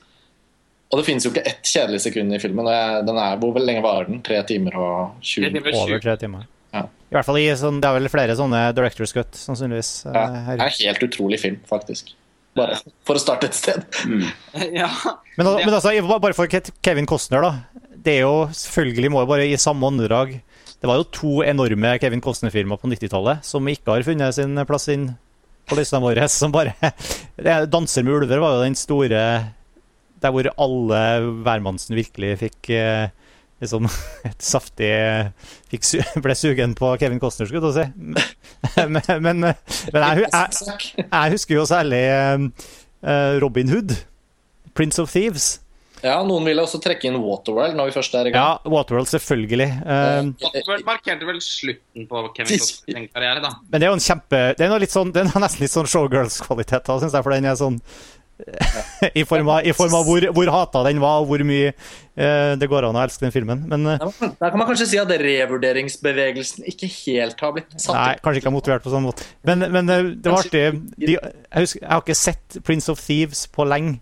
Men jeg så den jo mange ganger. husker jeg. Det var bare artig. at De AV Club kjørte en sånn artikkelserie med sånn uselige filmer fra 90-tallet. Det var liksom eh, Den Prince of eh, Robin Hood-filmen til Kevin Costner var da trukket fram som sånn Den er helt forferdelig.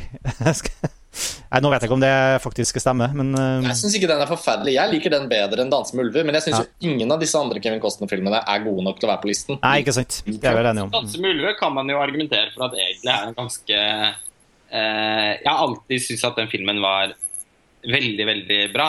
Den vant, altså den vant jo så mange, altfor mange Oscar-priser for sitt eget beste, og Kevin Costner vant prisen for beste regissør foran Martin Scorsese for 'Goodfellas' og sånn, eh, som jo er eh, hårreisende. Og det har vel liksom laget en skygge over den filmen hos hos, eh, hos eh, feinschmeckere. Eh, som kanskje er litt synd, fordi som, eh, som en veldig sånn melodramatisk, klassisk western, så er jo 'Danse med ulver' en kjempeengasjerende og veldig flott laget film. da. Mm. Utrolig bra musikk og Nå er det mange år siden jeg har sett den, da, så jeg skal ikke Men vi må huske at. Dans, Dans med ulver kom før JFK. Kom vel året før eller to år før. Nei. Kom vel 1990 står det her på Ja. mm. Så Det er jo interessant også å tenke på at hvis du, tenker, hvis du prøver å spole tilbake til akkurat den tiden, så er jeg sikker på at suksessen til 'Danser med ulver' på mange måter løftet Kevin Costner også opp på et sånt plan hvor prosjekter som kanskje ikke er de letteste å få Jeg er sikker på at JFK må ha vært rimelig, liksom. Jeg tror ikke det var en billig film. Altså, det er liksom, kan jo også lese det litt sånn at Kevin Costner har nok brukt litt av sin gravitas til å, til å liksom løfte den filmen også, da. Ifølge Wikipedia hadde JFK et budsjett på 20 millioner og Ikke mer? hadde en slow box office start. Ok. Tre millioner på den filmen, det går jo. Dollar, selvfølgelig. Ja, ja. Ja. Og den gangen med altså 20 millioner dollar, da var jo ganske mye mer enn det er nå, men eh, det hørtes likevel helt sinnssykt lite ut. Men, men, men før vi, hvis vi skal gå inn på JFK, så bare for å avslutte det med Kevin Costner spesifikt, så syns jeg også man må nevne jeg, jeg, jeg må jo si at The Bodyguard med Whitney Houston var en ganske Ja, selvfølgelig. Det hadde vi jo helt glemt. i sin tid. Og jeg syns også A Perfect World Ja, og der er man, får man noe virkelig hjerte fra. Ja, den, den er egentlig liksom min personlige sånn sentimentale favoritt knyttet til Kevin Costner. Samme Og det er, eh, det er jo ikke far-sønn, men den far-sønn-aktige relasjonen i den filmen. Den rører meg veldig. Den synes jeg er, eh, ja. Så det er en, og det er en helt glemt film. I hvert fall sånn. Det er det jo ingen som snakker om. Um, Jeg har aldri sett den filmen, men alle sier jo at den er eh, et av de beste filmene Clint Eastwood har laget. Ja, så det er- ja, fordi jeg er jo ikke så veldig opptatt av Clint Eastwoods regikarriere. Men jeg har alltid følt at ja, men A Perfect World, den er jo fantastisk. Så, så bare før vi avslutter Kevin Costner-hyllesten, i og med at dette er anledningen vår, så syns jeg den må, må få trekkes fram. Og, og det tar jo slutt etter Waterworld, man kan vel si det. Uh, the Postman og Message in the Bottle og sånn var vel ikke noe stor suksess. 13 Days var vel en Ja, men det er 00-tallet igjen. Ja, ikke sant. Ja, han var jo i, gjorde en veldig flott rolle i Man of Steel i fjor, så Jo, men også Kevin, det er ikke litt over for Kevin Costner. Han, eh, han, ja, Man of Steel og liksom sånn Nå, skal jo han, nå, blir jo han, nå går jo han over i sånn bestefar-type rollefigurer. Ja, det kler han. altså Den der tause autoriteten og varme utstrålingen til Kevin Costner Den egner seg jo veldig godt for, eh, for den type roller. Han har, jo også, han har jo også litt alltid vært en gammel mann, syns jeg. Ja, litt. Men det er jo noe med disse to, altså sånn, disse to superheltene hans da, i Untouchables og JFK. Sånne fantastiske moralske påler, uh, ryggrader, hva vi skal kalle det. Som liksom Som kan bære publikums følelse av liksom sånn Vi følger hans vei, da, og stoler på hans moralske liksom, stemme og, og, og, og hans holdninger og liksom Han har en slags autorit... Han utstråler litt autoritet. Ja, men også en sånn, ung, ja. ung sånn idealisme og energi. Og den kan du ikke gjengi på samme måten når du er eldre. Nei, men liksom eh, i The Untouchables da, da er han vel sånn 34 år eller noe sånt nå. Uh, han, han har Det er akkurat som han Han ser ikke nødvendigvis noe, noe eldre ut, men utstrålingen hans den formidler veldig at han har levd et langt liv og har kunnskap om nesten alt. Og er i stand til å kunne Ja, det er som du sier, da, kanskje han er en sånn moralsk ryggrad. Det er på en måte Kevin Costner sitt, uh, sitt varemerke som skuespiller. Ja, ja. Mm. Men la oss snakke om Oliver Stone da, og JFK. Det er jo ikke først og fremst Kevin Costner Nei. som er det som virkelig gjør at den filmen Men det virker som Martin hadde behov for å ta den lille Kevin Jeg hadde litt behov for å ta, det. Bare en liten korreks. Det var, ifølge Wikipedia så er budsjettet på 40 millioner. dollar. Eh, Det var 20 millioner som eh, Oliver Stone fikk til å til fikk go på da, da, han fikk, da filmen ble Men uansett, uansett budsjett så syns jeg alt det der hørtes lavt ut i forhold til hvor mye penger de bruker for å lage en film i nå til dags. I forhold til hva JFK får til.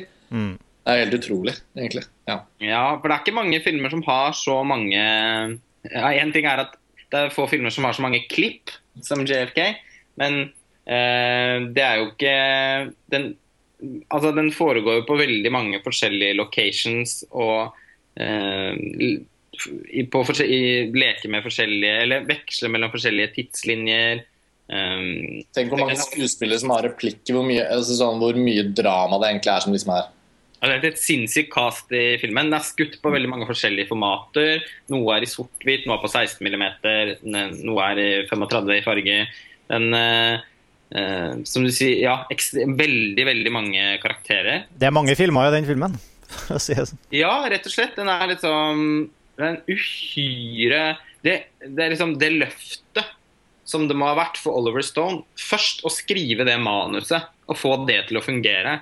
Og både få det til å være en film som kan være opplysende for folk som ikke vet så mye om JFK og hva som skjedde. eh, klare liksom få til den eksposisjonen der på en effektiv måte uten å dra det ut. Få det til å bli en personlig fortelling for han Jim Garrison, som han heter, Kevin Costner sin karakter. Eh, og han som en sånn på samme måte som Jake Gyllenhaal i Zodiac, som blir obsessed med å finne ut av hvem som drepte JFK, og som eh, står i fare for å måtte ofre familien sin eh, for en eh, relasjon til kona og barna sine. Det er liksom også med i filmen uten at det dras for langt ut. Dernest skal den jo også være en thriller. Eh, hvor vi sitter og liksom En politisk, slags politisk thriller hvor vi eh, som, skal, som skal gjøre at vi faktisk blir like eh, Blir like obsessed som, eh, som Garrison. eh, i, I forhold til å finne ut da hvem, eh, hvem som har drept, drept JFK. Og så den siste timen så, så er jo filmen da en slags rettssak eh, rettssaksdrama. Eh, hvor, hvor liksom den rent sånn Hvor rett filmens Hvor Jim Garrison sin retoriske presentasjon av hvordan drapet på JFK må ha foregått Uh, er, det, det ligner jo på en måte på en som, Det er som en undervisningstime. Altså, altså kraften i det altså, også, og, og også dimensjonen med at denne filmen for amerikanere er jo også på en måte i scenen liksom sånn, Det er jo dette bildet mange amerikanere nå har av, av den saken. Og, og som en historisk hendelse så er det jo nesten Det er jo en av de liksom, mest betydningsfulle sånne politiske tragediene i den amerikanske historien på, etter andre verdenskrig. Ja, for Den har vært formende for amerikansk identitet. eh, rett. Altså, JFK er jo fortsatt et, eh, et, et, et veldig sånn sterkt eh, symbol fra Ja. mange amerikanere. og, og Kevin Costner som Jim Garrison som forklarer hva som må ha skjedd. Den sekvensen i seg selv er jo faktisk nå liksom bildet på konspirasjonen i seg selv. Det det man, og det er det man kan kalle liksom en sånn powerpoint with power. Eh, bare måten den sekvensen er klippet Hadde PowerPoint bare vært så bra som Oliver Stone og klipperen og fotografen, så hadde jo det programmet ikke hatt så dårlig rykte. Nei, altså, for, for det er jo den siste altså, Det er i hvert fall en halvtime inne der som er som en forelesning. da Og bare I positiv forstand. I veldig veldig positiv forstand. Eh, men det jo Men det hadde ikke trengt å ha vært det. Det kunne vært blitt veldig sånn informasjonstungt og eh, litt sånn drepende for filmen. At, at, at den ender der. Men bare måten den er liksom klippet på, er så de, de klarer å få det til å være sånn neglebitende De klarer å skape neglebitende spenning ut av en bebrillet Kevin Costner som peker på en tavle med en pekestokk. Og det er jo i seg selv en bragd. Eh, og bare en av veldig mange bragder som man kan snakke om med denne filmen. Klippingen i det hele tatt, da. Pietro Scalia, åpenbart en av verdens beste klippere, jobbet, jobbet også fast med eh, Ridley Scott. Eh, og, har, eh, og har også jobbet flere ganger med, med Oliver Stone. Og han, han vant jo Oscar. For jeg lurer på om de var to klippere, faktisk. Ja, Joe Hutching heter den andre. Ja. Kanskje ikke like kjent. Men de vant, vant jo Oscar. For, altså, jeg tenker på at eh, Du, Karsten, som selv jobber som filmklipper. Jeg tenker at denne filmen må vel være noe av det absolutt mest imponerende eh, Ja, altså, som jeg har sett. Det som uh, hvert klipp rent teknisk selvfølgelig er jo på en måte bare et klipp i hermetegn, men JFK, hvis, hvis man har sett den filmen, tenker på hva filmen forteller, og tenker på kompleksiteten i både historien og den politiske ting, liksom elementet, og etterforskningsdriven og underholdningsverdien og presisjonen i hvor mange forskjellige ting publikum skal føle at de forstår og har kontroll på til enhver tid, sånn at ikke fortellingen blir forvirrende. For uansett hvor lynklart det må ha vært for Oliver Stone svarene, liksom altså alle tingene må ha vært åpenbart for han. Og selv i et åpenbart manus så er det jo ikke sikkert at alt henger sammen. Så sånn sett så føler jeg jo liksom at filmens kompleksitetsnivå krever så mye av øh, liksom, kombinasjonen av foto og klipp. Da. Dynamikken.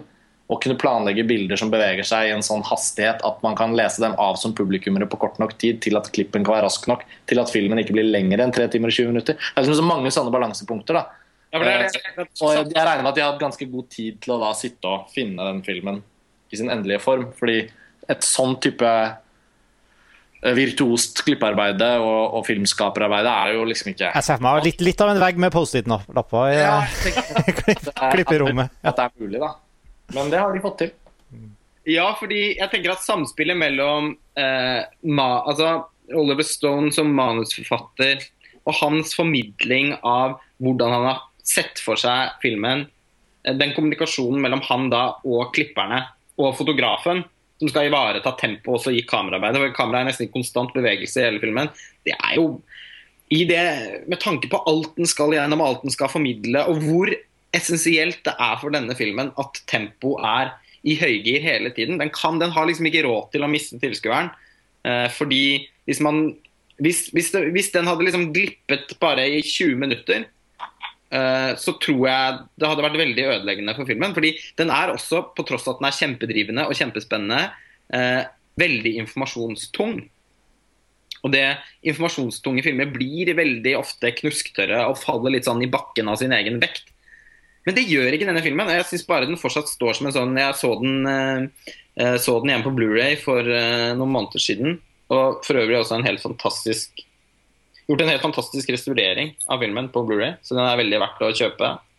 Um, men, men det slo meg jo på en måte at, at filmen fortsatt står seg som et sånt helt uh, egenartet uh, Jeg, jeg, jeg syns den er imponerende på en, på en helt spesiell måte. Og den er vel så Den, den representerer vel på en måte Oliver Stones absolutte senit.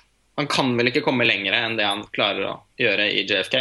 Og det er så veldig egenartet. Kjærlighet for den Alexander, men eh, Selvfølgelig. Den Jeg syns jo den, ja, altså JFK er jo ja. Nei, men Oliver Stone har jo laget veldig mye bra. det Eh, Sånn at man må ikke glemme Nei, Natural Born Killers eh, ligger på 101.-plass. Den var veldig nære og Den var jo faktisk inne på listen en periode. Ja, Natural Born Killers har vi jo hatt oppe og danset rundt med veldig stor grad. Den, den endte på 101.-plass, ja. Men, uh, Det er en utrolig interessant eh, film. Veldig viktig som men, også, men også liksom Nå har ikke jeg sett den, men nå slenger jeg den bare inn her fordi jeg vet at den er veldig anerkjent. Altså den Nixon. Ja, den har... Det er mange som setter veldig pris på. ja. Jeg syns jo den eh, The Doors-filmen hans også er ganske bra. jeg. Det er Ja, ikke så verst, eh, er ikke så verst den. Men Platoon er jo et mesterverk. Ja, det er jo på 80-tallet, da. Ja. Men, men Heaven and Earth er også en sånn undervurdert Den er veldig tragisk. Det er litt sånn trist å tenke på. Hvem da? Er også bra. Hvem, hvem da? Heaven and Earth. Ja, den, ja. Men, også, men til og med også U-Turn og Any Given Sunday på slutten av 90-tallet. så jeg synes De er fete. jeg. Ja, det er i hvert fall det er en, det er en temperatur eh, i nesten alle filmene til Oliver Stone som gjør at han nesten alltid Jeg syns nesten alltid filmene hans er interessante å se. Den eneste filmen jeg, jeg virkelig ikke har likt, det var den World Trade Center.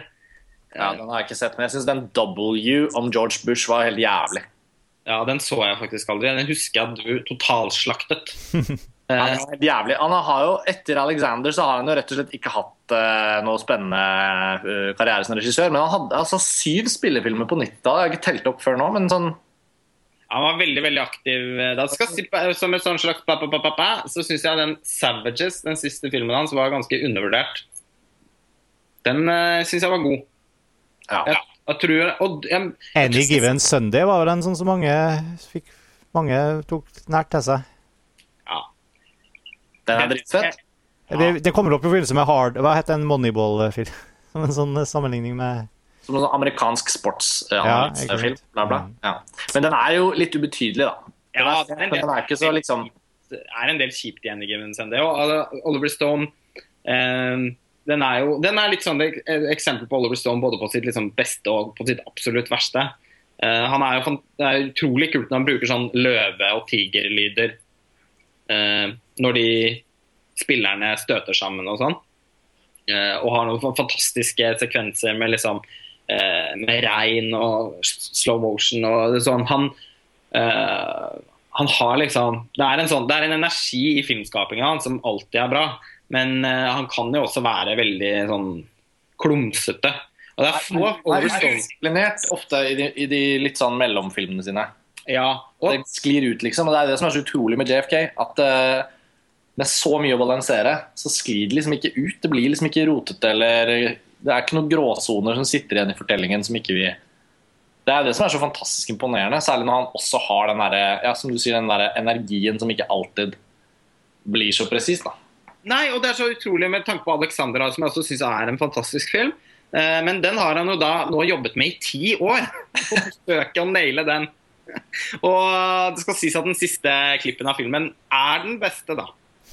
Eh, Det var jo bare det var jo bare helt utrolig gøy å, å, å se. Og måten han liksom, for det er en film med ganske mange tilsvarende utfordringer. eh, Og det er den filmen han har laget som er mest lik JFK, merkelig nok. Eh, Men den har jo også et slags teppe av konspirasjonsteorier og historisk og, og tid. altså Hopp fram og tilbake i tid og endeløst mange karakterer. og Alt skal liksom sveises sammen. Ehm, så sånn sett så er Alexander kanskje den filmen er, Jeg synes jo det er helt sånn uten sidestykke den mest interessante, i hvert fall Oliver Stone-filmen i nyere tid. Og, og, og kanskje nettopp fordi at den slekter såpass mye på, på JFK, da, uten å dra den sammenligningen for langt. Jeg tenker mer om liksom lynnet i filmen. Um, men JFK, når man ser det nå, er eh, en annen ting som jeg også syns er Imponerende blir liksom stikkordet når vi snakker om den. Fordi En annen ting som jeg synes er veldig imponerende med filmen, er at den er så tidløs. Jeg så den og tenkte at Denne filmen kunne vært laget når som helst. Den kunne vært laget i går. Den har liksom, Særlig med denne nye Blu-ray-en, som så helt sånn spektakulært bra ut. Um, så det, det var liksom Det var ikke noe nitt- det var, var ikke noe 90-talls over filmen i det hele tatt. Merkelig nok, fordi at han, og de, mange av de greiene til Oliver Stone, med liksom bruken av litt sånn sort-hvitt eh, innimellom, og sånn kornete tekstur og håndholdt kamera Alt det der som på en måte var noe han var med på å eh, skape liksom, den trenden. Han var liksom en litt en trendsetter med en del av de virkemidlene i sin tid. Men, men når man ser det i dag, så er det fortsatt liksom Syns det ser helt, eh, helt eh, tidløst ut. Ja, det er vel også derfor JFK kanskje kommer til å bli stående som hans, eh, hans beste film. Hmm. Det må man nesten kunne si, eller? Ja, det, det, det Kjente det nå at det føltes riktig å si at JFK er liksom Eller hva sier du, Sveinung? Det er jo liksom hans beste film. Er det ikke det? Jo, jeg syns i hvert fall det. Uh, nå er jeg, jeg er lidenskapelig opptatt av Kennedy-familien og alle de der konspirasjonsteoriene eh, rundt det drapet og alt. Så jeg syns den filmen er veldig interessant som en del av den mytologien også. Mm. Uh, og det er noe med det at man ser at en så Altså En filmskaper som dere var inne, inne på, som Oliver Stone, som kan være så udisiplinert, klarer å lage en så frenetisk og forrykende film, samtidig som det er så tydelig at han har behov for å fortelle det han vil fortelle, på en måte som liksom eh, folk får med seg. og altså jo, Denne filmen er jo helt tydelig en besettelse for han også. At han, han vil Han har veldig behov for å, for å lage en film eh, som ja, de, dekker over alt det han vil fortelle, men samtidig har det der voldsomme uttrykket. da.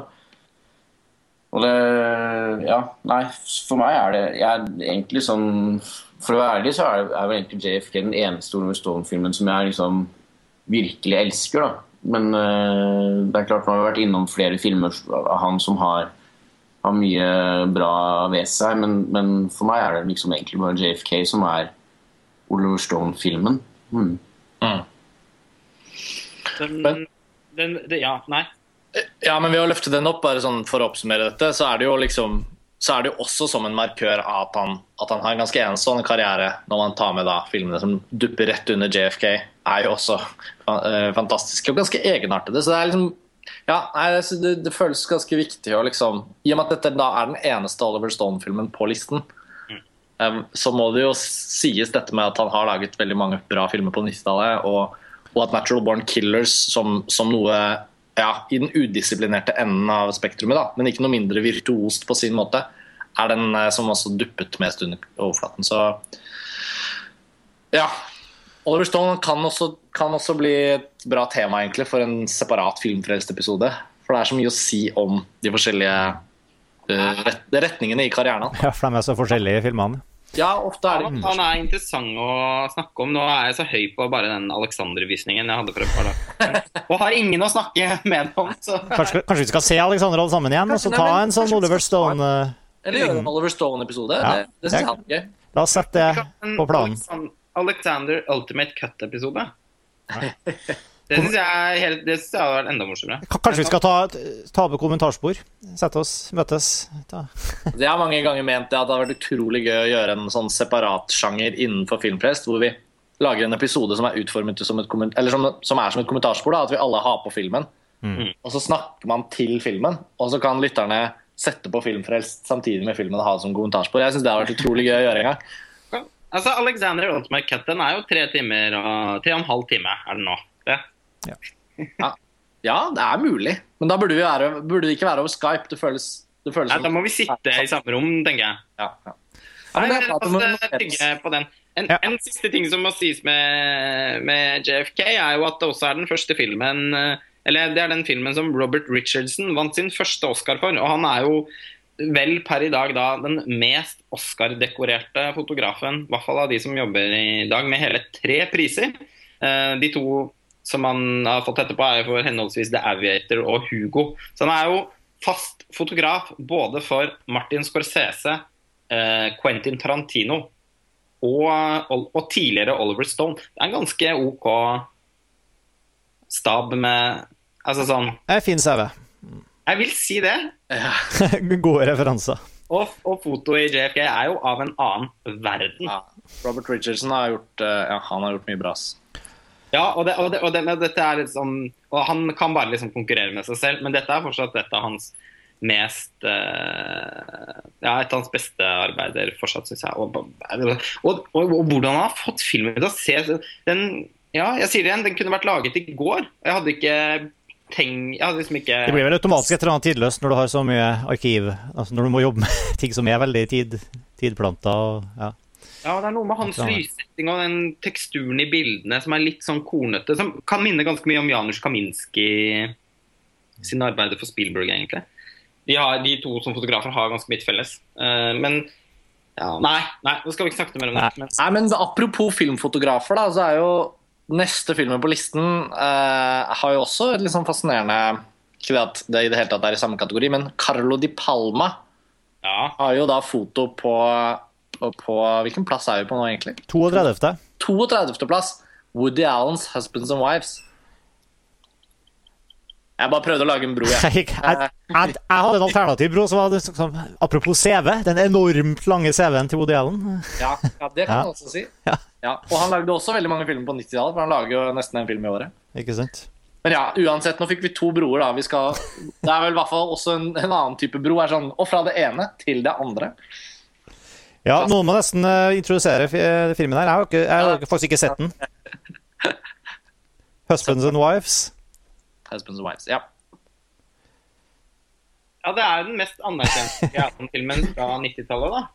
Eh, hvis man er glad i Woody Allen, så er det jo faktisk ganske mye å velge mellom. Selv om slutten av 70- og hele 80-tallet liksom er Woody Allens eh, gullalder som filmskaper, så, så lagde han også flere fantastiske filmer på 90-tallet. 'Manhattan Murder Mystery', som for meg gjerne kunne vært på listen.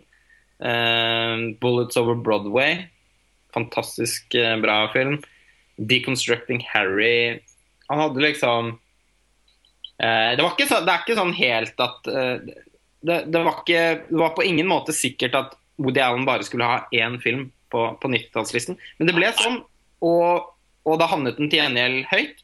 Og det er 'Husbands and Wives' som i min bok er uh, veldig liksom, høyt oppe på listen over Woody Allens filmer i det, i det hele tatt. Den markerer jo litt et uh, Ettersom du nevnte Carlo Di Palma da, i denne broen din, eh, Karsten, så, så, så, så, så tar jeg skrittet og går over den broen nå. Uh, fordi det er jo litt interessant med Carlo Di Palma, fordi fram de begynte å samarbeide på Hand and Her Sisters, og fram til det så hadde jo Gordon Willis vært eh, Woody Allens faste fotograf. Og eh, det virker liksom som at det var nokså uaktuelt for, for, for, for De Palma. Og sikkert også De Palma, sier jeg. Ja, De Palma. Nå tenker jeg bare på Brian De Palma. eh, Carlo de Palma.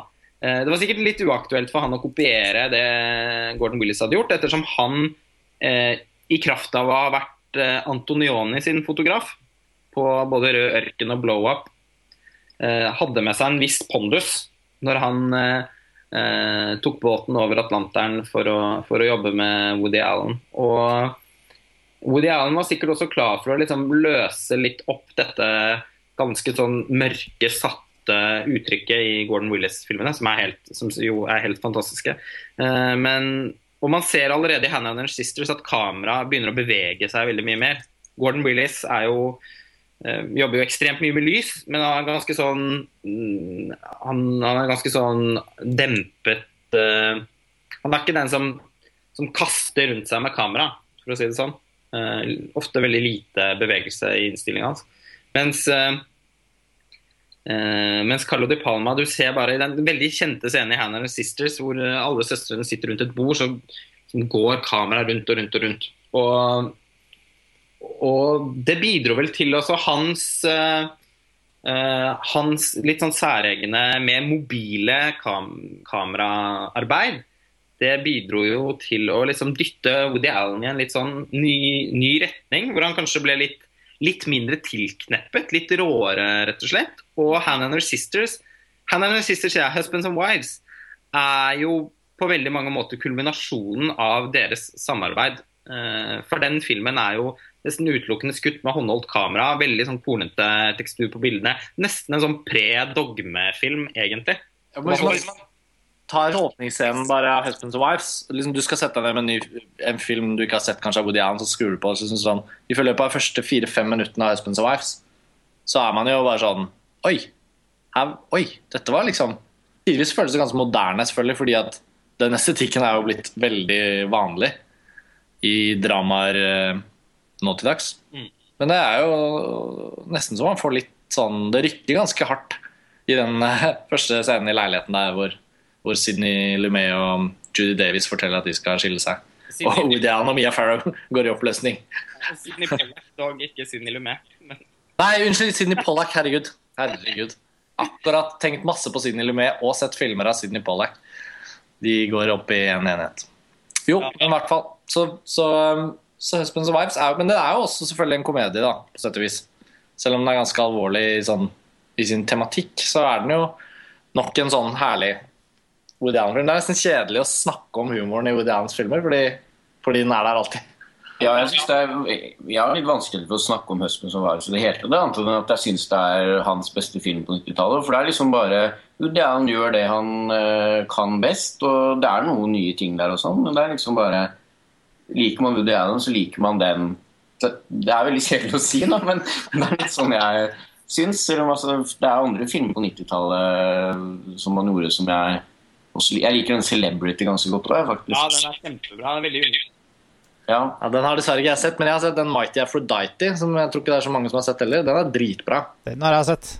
Ja, Den var sånn her, den skal jeg se. Og så var jeg sånn Wow, den var mye bedre enn jeg trodde. Bare fordi at det har ikke vært så mye snakk om den. Nei, en av to Woody Allen-filmer jeg ikke har sett. Så da Ja, Nok en gang. Jeg syns du må se den. altså. Marisa Tomei er liksom bare helt i Nei, min, hva heter du? Mina Sorvino heter han. Jeg føler at vi har en sånn evigvarende slags eh, føljetong på podkasten her, Karsten. Hvor du hver gang vi snakker om Woody Allen, trekker fram den. Ja, helt til du får sett den. Men du pleier jo å få sett ting til slutt. da. Det er jo veldig vanskelig å finne ting du ikke har sett i sånne regikarrierer som du er så opptatt av, som Woody Allens f.eks. Det er en evig skamplett. Jeg får meg har bare aldri fått meg til å se Mighty Aphrodite. Det er ingen grunn engang. Jeg har kjempelyst til å se den filmen. Kunne sett den nå. Men Den du, da. ja, ja, vi får se. Kanskje, kanskje det blir Nå kan jeg ikke ha denne ydmykelsen lenger, så uh, du skal ikke Neste gang du nevner den på Filmfrelst, så må jeg kunne slå i bordet og si ja, jeg er enig, men likevel så syns jeg ikke den kan måle seg med. Nei. Og jeg kan jo si at det var ikke noe kamp for meg å få, få Mighty Aphrodite på 90-tallslisten i det hele tatt. Men det er, bare, det er noe med det at uh, Woody Allen har han jo blitt snakket om så mye. Det er som du sier, Svein, på et eller annet plan så må man bare si, si det kort og greit, liksom. Veldig mange filmer han har laget, er mye bedre enn man tror hvis man ikke har sett dem før. Og så setter man seg ned og ser dem og så bare faen, den her var også dritbra, liksom. Og, og det var litt sånn med Mighty Aphrodite at, øh, at den er jo en av de beste, syns jeg, av de han har laget på 90-tallet. Men, så- men så er det jo liksom sånn at han kommer til den overgangen mellom 90-tallet og 00-tallet. Der ble han hengende litt i myra eh, med sånn The Curse of the Jade Scorpion og sånn. Ja, det, det, er, det er ikke så Low point for meg, i hvert fall, av de Woody Allen-filmene jeg har sett. Da. Det er flere jeg ikke har sett innimellom. ja. Selv om Hollywood Ending er undervurdert igjen, for den er så morsom. Ja, den er kjempebra. Ja, og den lagde han rett etter Curse of the Dead Scorpion, så det er liksom sånn og, Men altså, og 90-tallet altså, Har du sett Bolles Over Broadway og Deconstructing Harry og disse? For det, de er også veldig, veldig, veldig bra, da. Jeg, vet, jeg har sett Bolles Over Broadway, syns den var bra. Eh, ikke sett Manhattan Murder Mystery. Sånn tror jeg det er. Men jeg har blandet de to filmene ofte.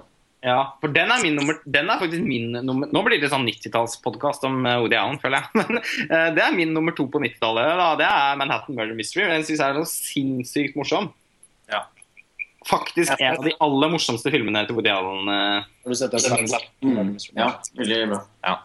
Men det, føles litt Jeg er litt enig i at jeg, jeg syns ikke vi skal ta den lange liksom, gjennomgangen av 'Husbands and Wives'. Det er en utrolig bra film, og som du sier, det er jo nok en sånn fantastisk tilfelle hvor Woody Allen gjør det han er best på, og treffer de tangentene, liksom.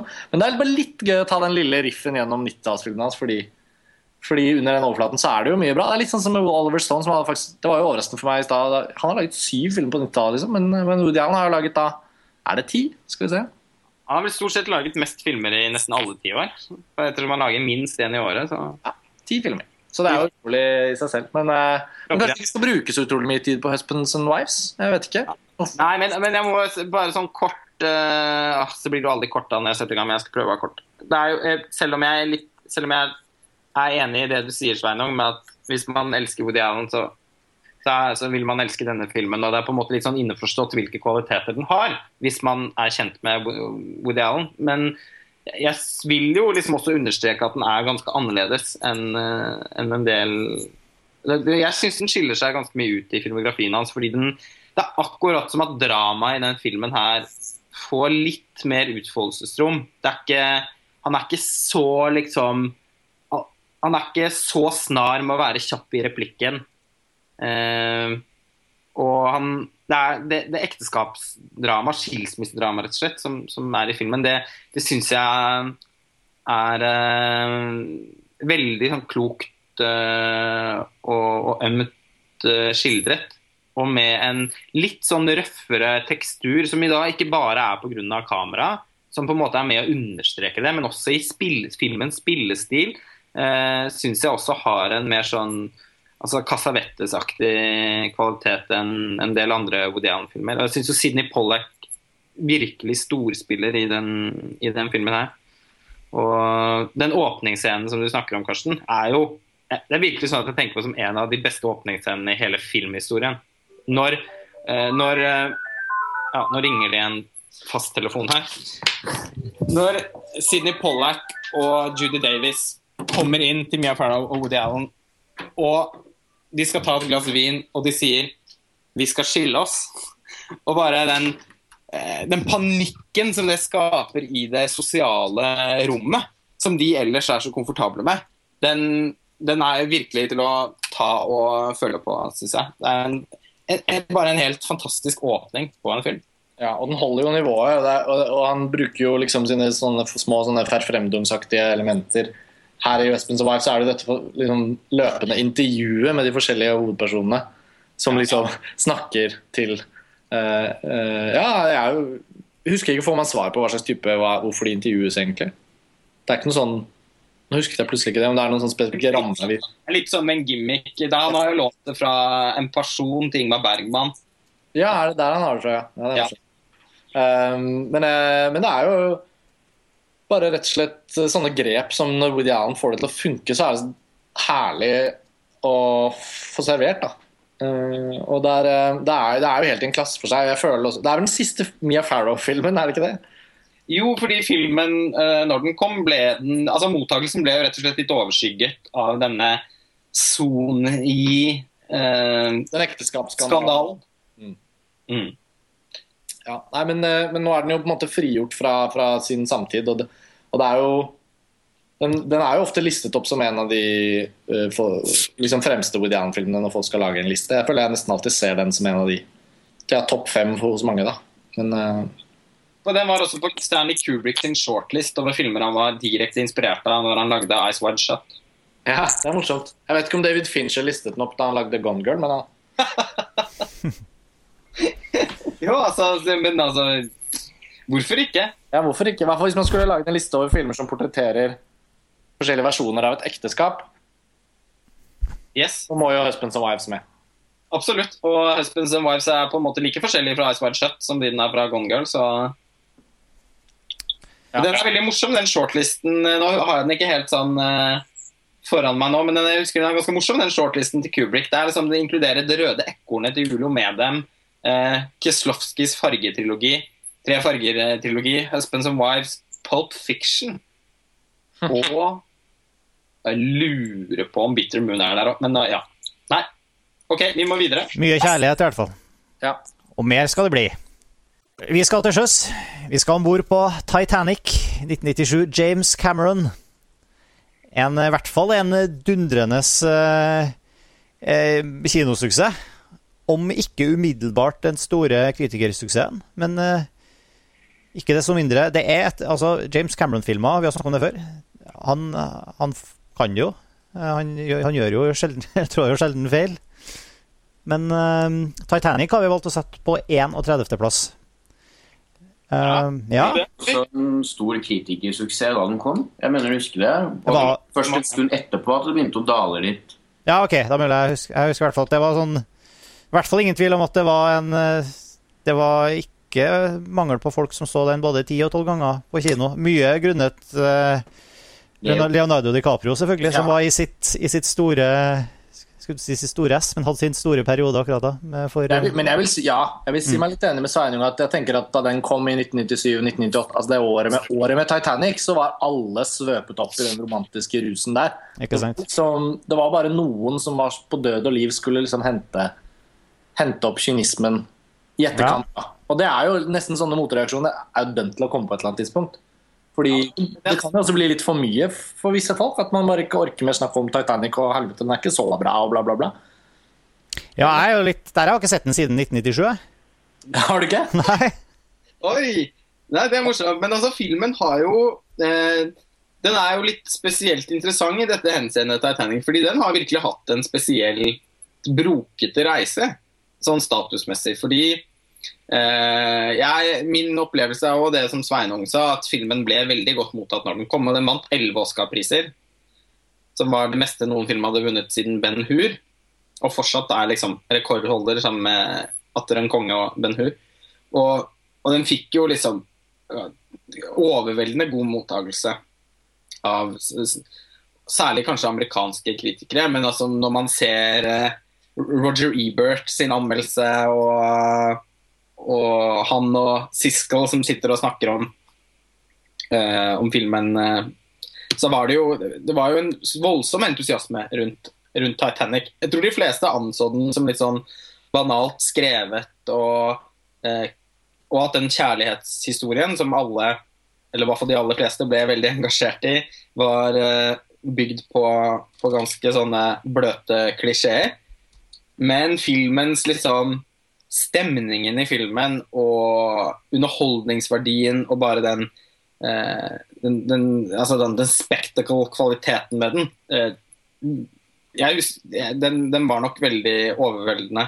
Og, og, og, ikke, og det at når James Cameron lager film, så er det alltid det største eller det dyreste eller det første gang man gjør et eller annet. Det var noen sånne, sånne filmhistoriske aspekter ved Titanic òg, i produksjonen, ikke sant? Som, som, så, som det så ofte med Ja, det var jo tidenes dyrefilm. film. Ikke sant? Så bygget den båten, og det var noen Noen tanker og noe ja. og ryktene om, hvor, omfa- altså, sånn, om spesialeffektene når skipet knekker i to. Og den ser jo fortsatt helt fantastisk ut. da. Eh, det skal James Cameron og hans effektfolk ha. At eh, det var et virkelig bunnsolid eh, håndverk de, de gjorde. Så, men, men etter, i årene etterpå så fikk jo Titanic litt en kald skulder. Sikkert fordi at det var en sånn monstrøs eh, suksess, og alle, og alle unge folk elsket filmen. Og den ble jo liksom lett Den ble veldig fort redusert til en sånn Til en eh, Ja Til en eh, fryktelig overvurdert eh, suppete melodramafilm. Men Eh, og, og det, man, jeg husker at snittet på Internet Movie Database på Titanic var liksom helt nede på sånn 6,9. Som er veldig lavt for en så populær film. Eh, og så har liksom filmen blitt eh, restaurert. Blitt gitt ut på Blu-ray. Eh, den har kommet på ski, blitt relansert på kino i 3D. Eh, og kritikermottagelsen til den 3D-versjonen var jo overveldende sterk. Eh, og filmen har jo på mange måter blitt litt sånn løftet opp eh, på land igjen eh, de siste årene. Og når man klikker seg inn på Internet Movie Database nå, så er snittet på 7,7. Så det er faktisk en av de få filmene som først har liksom sunket, men så vokst igjen på Internet Movie Database. Og det syns jeg det er sjelden at man ser. De fleste filmer går liksom én vei, som regel. Ja, men jeg, også, med alt det tatt i betraktning, tenker jeg også at konklusjonen er eh, hvorfor var det noen som tvilte i utgangspunktet? Eh, den lille, det lille blaffet av liksom motstrømskritikk har jo liksom ikke festet seg. Fordi filmen er altså sånn Den er jo flere generasjoners liksom type urfilm, da. Jeg tror veldig, veldig mange millioner mennesker har på en måte hatt en av sine største filmopplevelser med Titanic. Og, og, jeg kan ikke huske en annen film, kanskje bortsett fra Ringenes herre-trilogien, eller noe sånt, som, som, i så stor grad har liksom forårsaket at folk bare går tilbake på kino og ser den om igjen. Og, og en film som, som, vokser helt ut av sine egne begrensninger. Liksom sånn, at den er rammet inn som en film, var liksom én ting, men den ble jo ja, Leonardo DiCaprio, Kate Winslet, musikken, eh, liksom skipet, liksom hele historien om Titanic som sank, altså, altså bøker om det, altså, som var sånn enormt. da, og, og, og, den tragiske historien i seg selv, den kan Den, har, den vekker opp så mange um, Liksom Hvorfor er vi glad i historier? Hvorfor er det viktig å fortelle historier for, til oss som mennesker? Liksom? Den går litt i den kategorien. at Det er, sånn, det er også en historie om eh, emigrasjonen fra Europa til, til Amerika. I den fasen, i hvert fall. Masse nordmenn som døde på Titanic. Klassegreiene med tredjeklassepassasjerene som ikke slipper ut og får rømt. At det ikke er plass nok i livbåten. Altså, det er så mange sånn Historien har så mange elementer som gjør det sånn interessant. Som en Det er rett og slett en litt viktig film. jo, men det er absolutt, da. Det er jo for, Uten å dra for mange sammenligninger mellom Oliver Stones JFK, så, så har den jo også det i seg, da. At den forteller faktisk en historie som Om noe sånn teknologisk hybris. Ja, ja. drømmen om the unsinkable ship og mennesket som liksom skal heve seg over naturen. Den har faktisk utrolig mange sånne tråder. Og det at James Cameron selvfølgelig velger seg noe så populært som romantikk som kjernefortelling, det utelukker jo ikke de andre elementene av historien. De er der i like stor grad. Min far, når jeg ser filmer og snakker med han, så er han nesten alltid utelukkende opptatt av om filmen har en sosial samvittighet, om den handler om klasse eller ikke. Og, og Titanic altså, han var jo vanvittig opptatt av den filmens klasseportrett. Selv om den var en stor mainstream blockbuster, og den, den var jo liksom også kapitalismens høyborg. liksom. Men han var like glad i Eight Mile av samme årsaker. liksom. Her handler det om en arbeiderklassegutt som kan kjempe for altså sånn, så at jeg bare... Alle, alle finner noe i, i filmen. Ja, men Noen ganger minnes jeg om at man finner det ikke fordi man leter etter det. nødvendigvis. Man finner det jo også fordi at filmen faktisk inneholder det og byr på det. Men så kan man si ja, hva er liksom attraksjonselementet, hvorfor gjør man sånn eller sånn?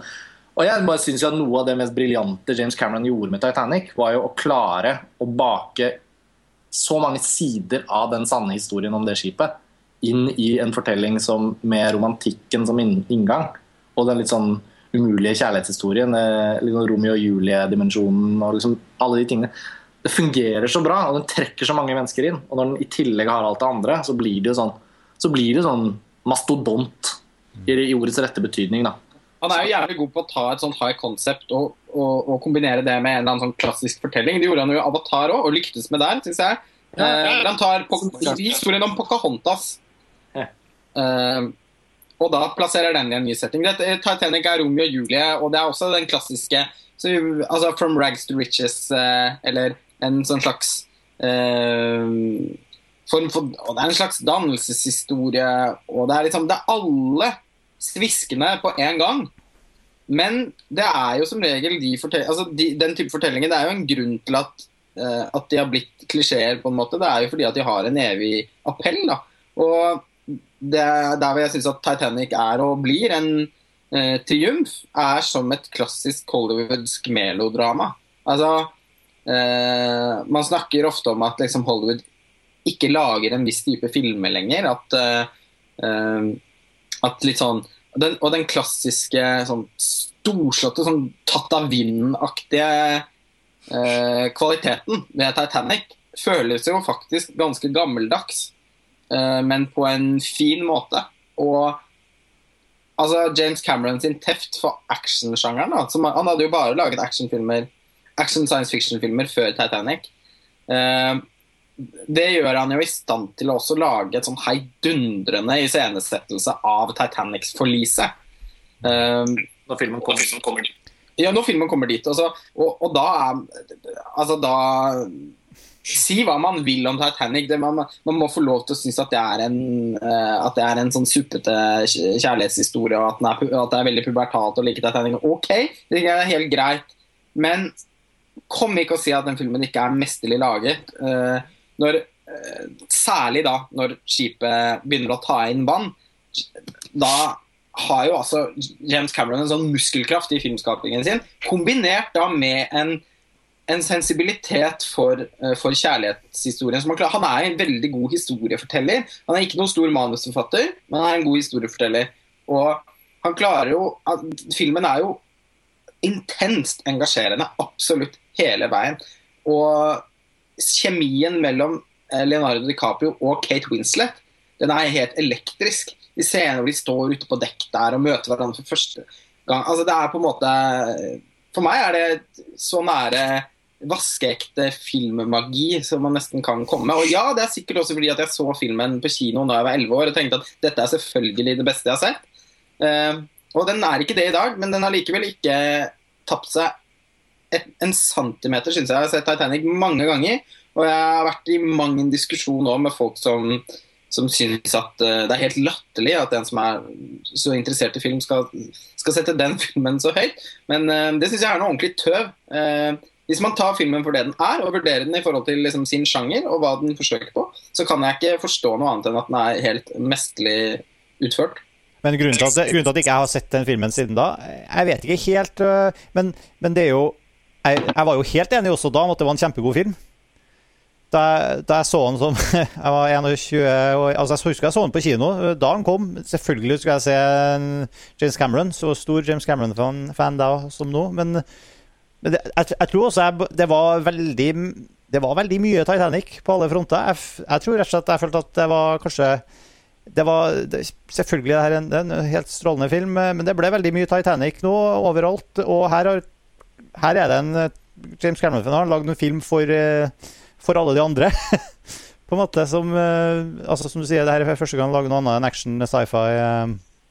Altså, det, Den gikk overhodet ikke ned som noe klissete møl i boka mi heller, liksom. Jeg har bare ikke hatt noe behov for å oppsøke den. Jeg har så mange andre Cameron-filmer jeg heller har valgt å se igjen og igjen og igjen. på en måte.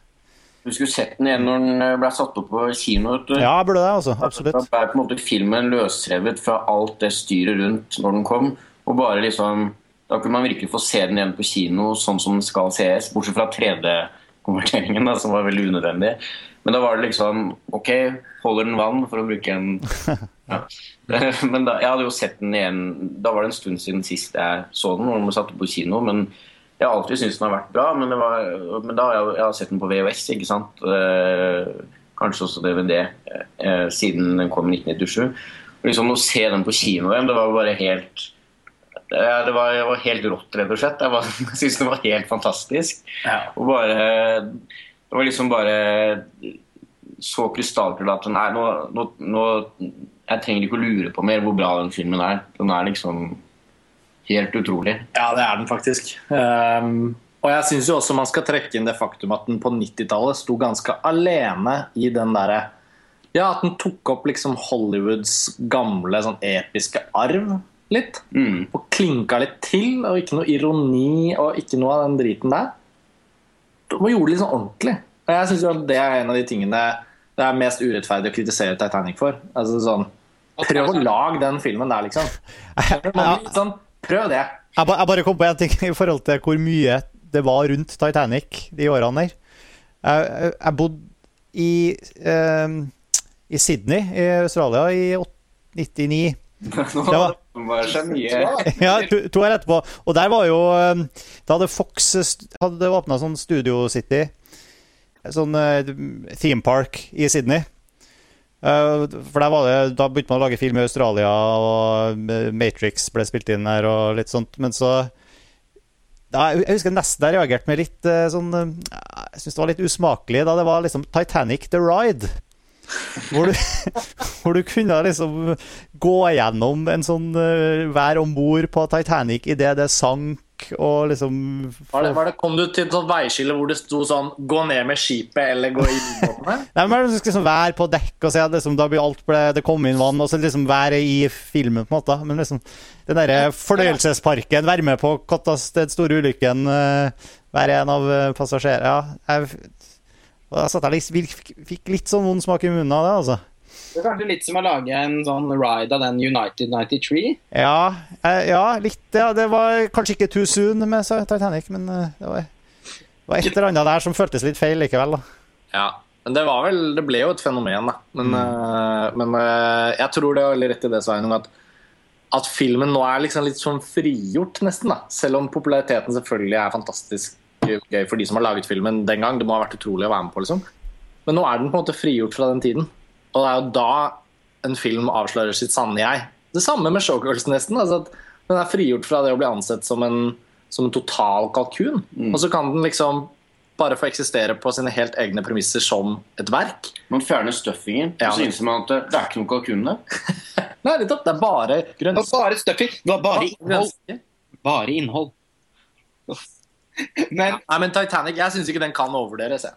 Nei, det er jeg helt enig i. Og det er en grunn til at den er så høyt på listen. Det er mange allerede kommet kommentarer i både kommentarfelt og sosiale medier som herregud, hva, eh, hva er dette her for en uh, Ja. Det var litt sånn nos nostalgipreget, den omtalen uh, som du skrev òg, Sveinung. Som, som det sikkert var noen som gnisset seg litt i tennene over. Uh, Men Men- det, det, det er en sånn film hvor man kan være når man snakker om betydningen av den. For det er alle Eller altså, ikke alle, men, men i hvert fall alle som var relativt unge når den kom på kino, har jo et sånt forhold til den, tenker jeg. Og den er liksom og det handler også om jeg er Jo, helt jeg er helt enig med deg. Jeg, ja. Og det handler jo også om smak, dette. Jeg tror også mange skal huske på at uh, listen som vi har laget over 90-tallets beste filmer, er vår liste over 90-tallets beste filmer. Det er ikke en uh, matematisk utregnet, eh, forsøksvis objektiv eh, liste på noen som helst eh, måte. Den skal også faktisk da eh, reflektere redaksjonens smak. Og, og Titanic står veldig høyt i kurs hos veldig mange, ikke bare i redaksjonen i Montasj, men også bidragsytere.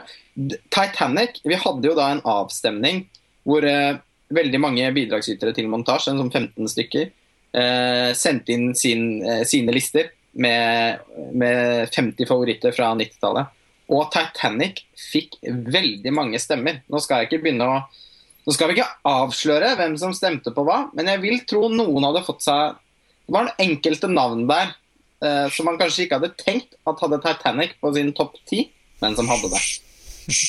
Ja, det, jeg føler at liksom, det, det, er litt, det er litt sånn å komme ut av skapet òg. Eh, I litt sånn eh, Ja, i den type liksom sånn eh, miljøer med filminteresserte og cineaster og sånn, så er det liksom så utrolig liksom eh, stuereint at Titanic er en slags sånn oppskrytt drittfilm. Og det er så dårlig skrevet. og Jeg, jeg, jeg syns jo det blir en veldig sånn um, Jeg syns det er dags for at de som elsker filmen, i hvert fall uh, må, må få skamme seg, liksom. Du hørte her. Titanic, bra. Bra film. Ja. Ja, jeg synes også det er James Camerons best skrevne film. Hvis man først skal snakke om det aspektet. Nei, det er Terminator 2. Ja, jo, kanskje. Hos Sveinung så kniver de om den posisjonen. Ut, ut, ut, utvilsomt. Det er ikke noe jeg har tenkt mye på. Nei, men det er bedre enn sanne løgner, i hvert fall. Ja, ja, men jeg, jeg, jeg, Han, han skrev vel eh, Rambo 2 òg, tror jeg. Ja, ikke så, eh, så bra. Men, ja, det, er- nei, men altså, poenget mitt eh, Det er ikke for å ta dette eh, Man kan jo ikke ta dette altfor alvorlig heller. Men jeg bare syns at eh, det- Jeg syns det er tid for at det må være lov å erkjenne at man elsker Titanic uten å ha en eh, flau eh, smak i munnen. Den filmen har noen noen urkvaliteter som en klassisk Hollywood-film. eh, Som jeg syns det er vanskelig å argumentere mot. Og Hadde den blitt laget på 40-tallet, så er jeg helt overbevist om at mange andre som ikke liker den i dag, hadde hatt et helt annet blikk på den filmen. Det er ingen tvil, spør du meg. Titanic. Og når du snakker om smak i munnen Ja, da vil jeg Da- helst ha kirsebær. Ja, du vil helst ha kirsebær. Smak, smaken av kirsebær gjør livet verdt å leve. Jeg skal ikke komme med en ny bro, for det er vanskelig å slå den. Ja, Men du tenker kanskje på den filmen som er på 30. plass? jeg gjør det. Ja. Eh, iransk uh, Iranske Ja, eh, lit, vi må kanskje ha en liten sånn uh, intro. Det er jo ikke mitt store spissekompetanseområde, det heller. Iransk film. men vi har jo han Kiarostami, som er regissøren av 'Smaken av kirsebær', er jo så å si den, en av de veldig få iranske filmregissørene jeg i det hele tatt vet navnet på. Men han Ja. figurerer jo på lista vår. Um, Jeg ja. har satt meg litt inn i iransk film, Mhm. eh, og har veldig stor glede av eh, mange av disse filmene som, som eh, tilhører litt sånn på en måte en slags Ikke bølge, da, men det var en periode som nå beregnes som liksom New Iranian Cinema. Fra slutten av 80-tallet og inn på 90-tallet, hvor, eh, hvor det rett og slett bare Det kom veldig mye bra, spennende film fra Iran. Og filmene taler for seg. Uh, Mohsen Makhmalbaf er en av de andre store regissørene, også som i Iran anses som en av deres store filmkunstnere. Abbas Kiarostami, som har laget 'Smaken av kirsebær', han er liksom gudfaren. Og, så har man folk som Jafar Panahi og, og noen av barna til Mosen Makhmalbaf, faktisk, som også har, eh, som også har laget uh, fine filmer og dokumentarer selv. Baman Godabi, som har laget 'Skilpadde kan fly'. Sånn. det er flere regissører som fortsetter å lage spennende filmer nå inn på 00-tallet. Ingen av de er jo ferdige, liksom. men det var særlig den perioden da, fra, fra slutten av 80-tallet og inn på 90-tallet. Og der har jo Kiarostamis filmografi er jo i, i særklasse, spør dere meg. da. Med 'Smaken av kirsebær' ble jo liksom kulminasjonen av hele den bølgen da den vant Gullpalmen i, i Cannes i 1997. Så, og jeg vet ikke hvor man skal begynne med den filmen. Jeg, Eh, jeg vet ikke hva slags forhold dere andre har til iransk film. Vi har jo snakket om uh, Makhmalbafs uh, 'Moment of Innocence' uh, tidligere på listen. Men uh, om vi skal ta en liten runde på Iran i det hele tatt, eller skal vi bare snakke om smaken av kirsebær? Jeg foreslår vi tar smaken av kirsebær. jeg.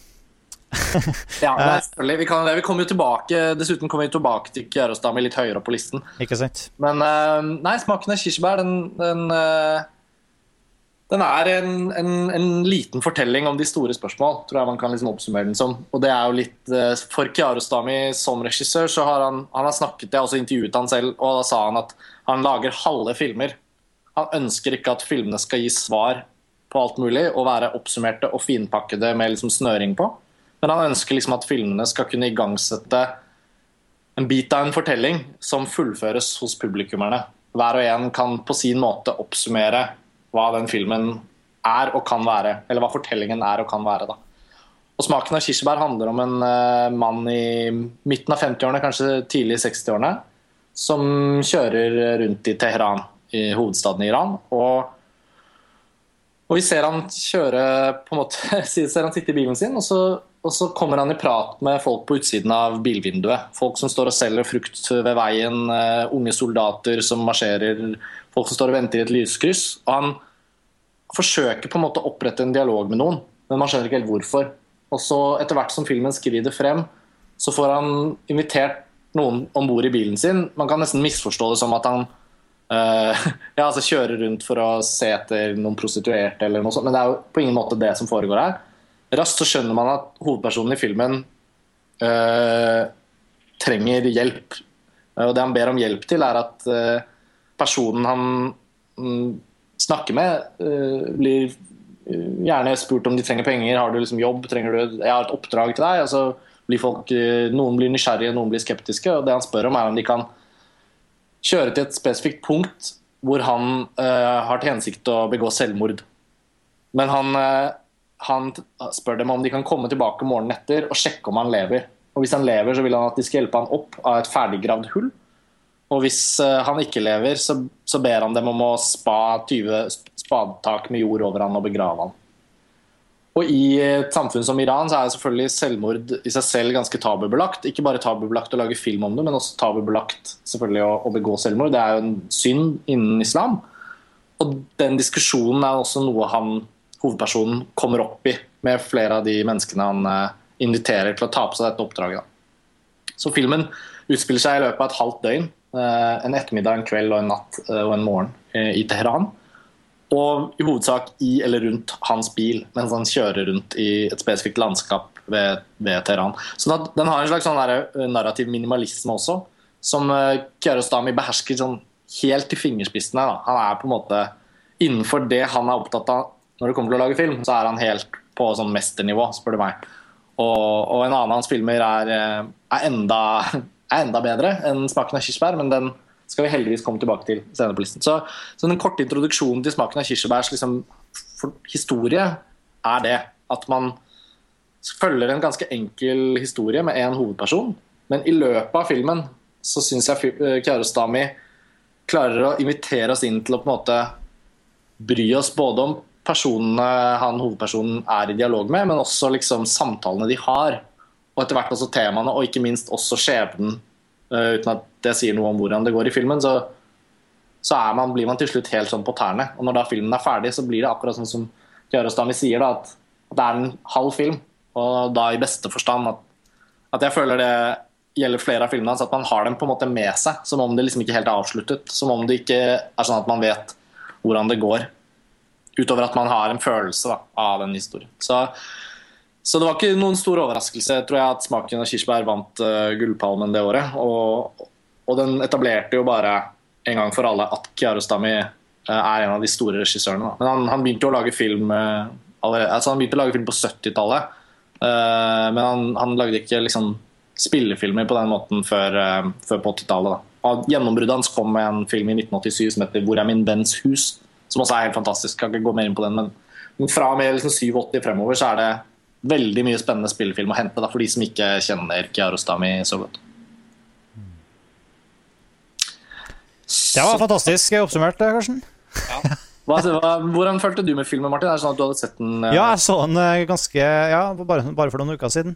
Ja. Um, som et nytt, ny oppdagelse for meg. Um, jeg, det er jo mange sånn kanskje det aller mest eh, sånn, jeg har lyst til å si om sånn, det, største, det er jo først og fremst veldig kanskje litt sånn kjedelig, men en veldig interessant film. Da.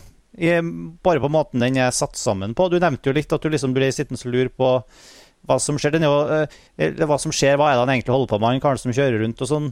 Det, det, er jo en slags, til tross for at filmen er utrolig seig og, og, veldig sånn sakte og litt sånn Jeg skal ikke si um, Kanskje ikke klønete, men eh, veldig um, sånn eh, statisk og litt sånn ut sånn, Ikke veldig overveldende sånn bildeutsnitt. Du sitter veldig mye, liksom, og det er veldig mye uh, biler Scener fra interiøret av biler til mens han kjører rundt. Og han kjører jo rundt på skikkelig sånn ørken Han er liksom ute i ørkenen, selvfølgelig, og, og, og er på det her, den ørkenvandringa si i bilen. og. Men det er en, det er en slags sånn spenningskurve her.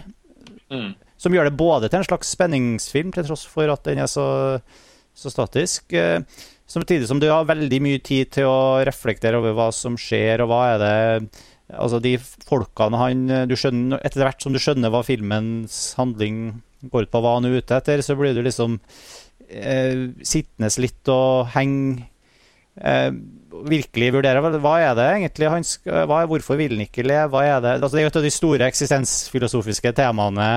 Mm. Altså, Er livet verdt å leve? Å være eller ikke være? Det er liksom den ultimate handling. Fins det noen større spørsmål å, å overveie? Liksom, hva, er det, hva er det vi lever for alt det her? Men, men det er på en måte jeg var, jeg var jo både betatt og litt uh, eh, Syns det var litt kjedelig, kanskje. Uh, samtidig som at han gjør jo noe litt sånn kontroversielt på slutten her ved å fullstendig som du sier, lage en halv film og bryte jeg vet ikke hva det heter, den tredje eller fjerde eller femte veggen. Han bryter en annen vegg som gjør deg veldig klar over at hei, nå er det her, du har nettopp sett en film. Ja. Uh, nå ser du en film som handler om det her. Tar opp det spørsmålet her. For, uh, vi slutter her. Hva syns du om det, liksom? Ja, Og, altså, og, og det gjør det filmen veldig interessant i seg sjøl, selv om ikke, ikke en utelukkende sånn Jeg vet ikke. eh, Jeg vet ikke om jeg virkelig nøt filmen hvert sekund, men eh, Nei, men ikke sant? Ja. Det er også interessant når vi, når vi snakker om de forskjellige filmene på denne 90-tallslisten, så er det jo flere tilfeller hvor vi har hoppet veldig langt fra en type filmopplevelse og filmsjanger og, og, og liksom art innenfor filmkunsten til noe helt annet. Og, og jeg opplever at uh, det er helt streit å kunne si at uh, f.eks. smaken av kirsebær uh, er, er på en måte en i hermetegn kjedelig filmopplevelse. Det, det er den jo litt, men det er jo også litt sånn med utgangspunkt i hvilken, hvilken liksom, hva slags tempo man har på en måte på pusten sin når man setter seg ned og skal se filmen. Og, og noen ganger så syns jeg at filmer bør kunne være umiddelbart bra for alle. I hvert fall i visse sjangere. Når de, når de liksom henvender seg til, til et stort publikum, så må det være sånn. Uh, mens andre filmer er jo vokser veldig og blir gradvis ekstremt mye mer interessante å sette seg inn i hvis man er litt innforstått med hva kunstneren har til hensikt å gjøre med å lage film. Da. Og der føler jeg at med Kiarostami så er det så er det ganske givende hvis man har liksom enten lest litt eller bare liksom gjort seg klar over omtrent hva det er man får. Da. Og han, og han, øh, han har uttalt konkret at han ikke ønsker å manipulere publikum. Han tar det veldig på alvor. Han vil ikke eh, han vil ikke at publikum skal bli så revet med av en film at de, at de ikke kan bli sånn kvitt filmen. Hvis du tenker på i, i forhold til liksom bruk av musikk, bruk av å spille på publikums følelser Alle de manipulasjonsteknikkene som jo for så vidt fungerer ypperlig i alle mulige andre filmer som vi i publikum velger å se. Men for Kiarostami så er det liksom viktig å minne folk på at de ser en film. Han vil ikke at vi skal forsvinne inn i fiksjonen, på en måte.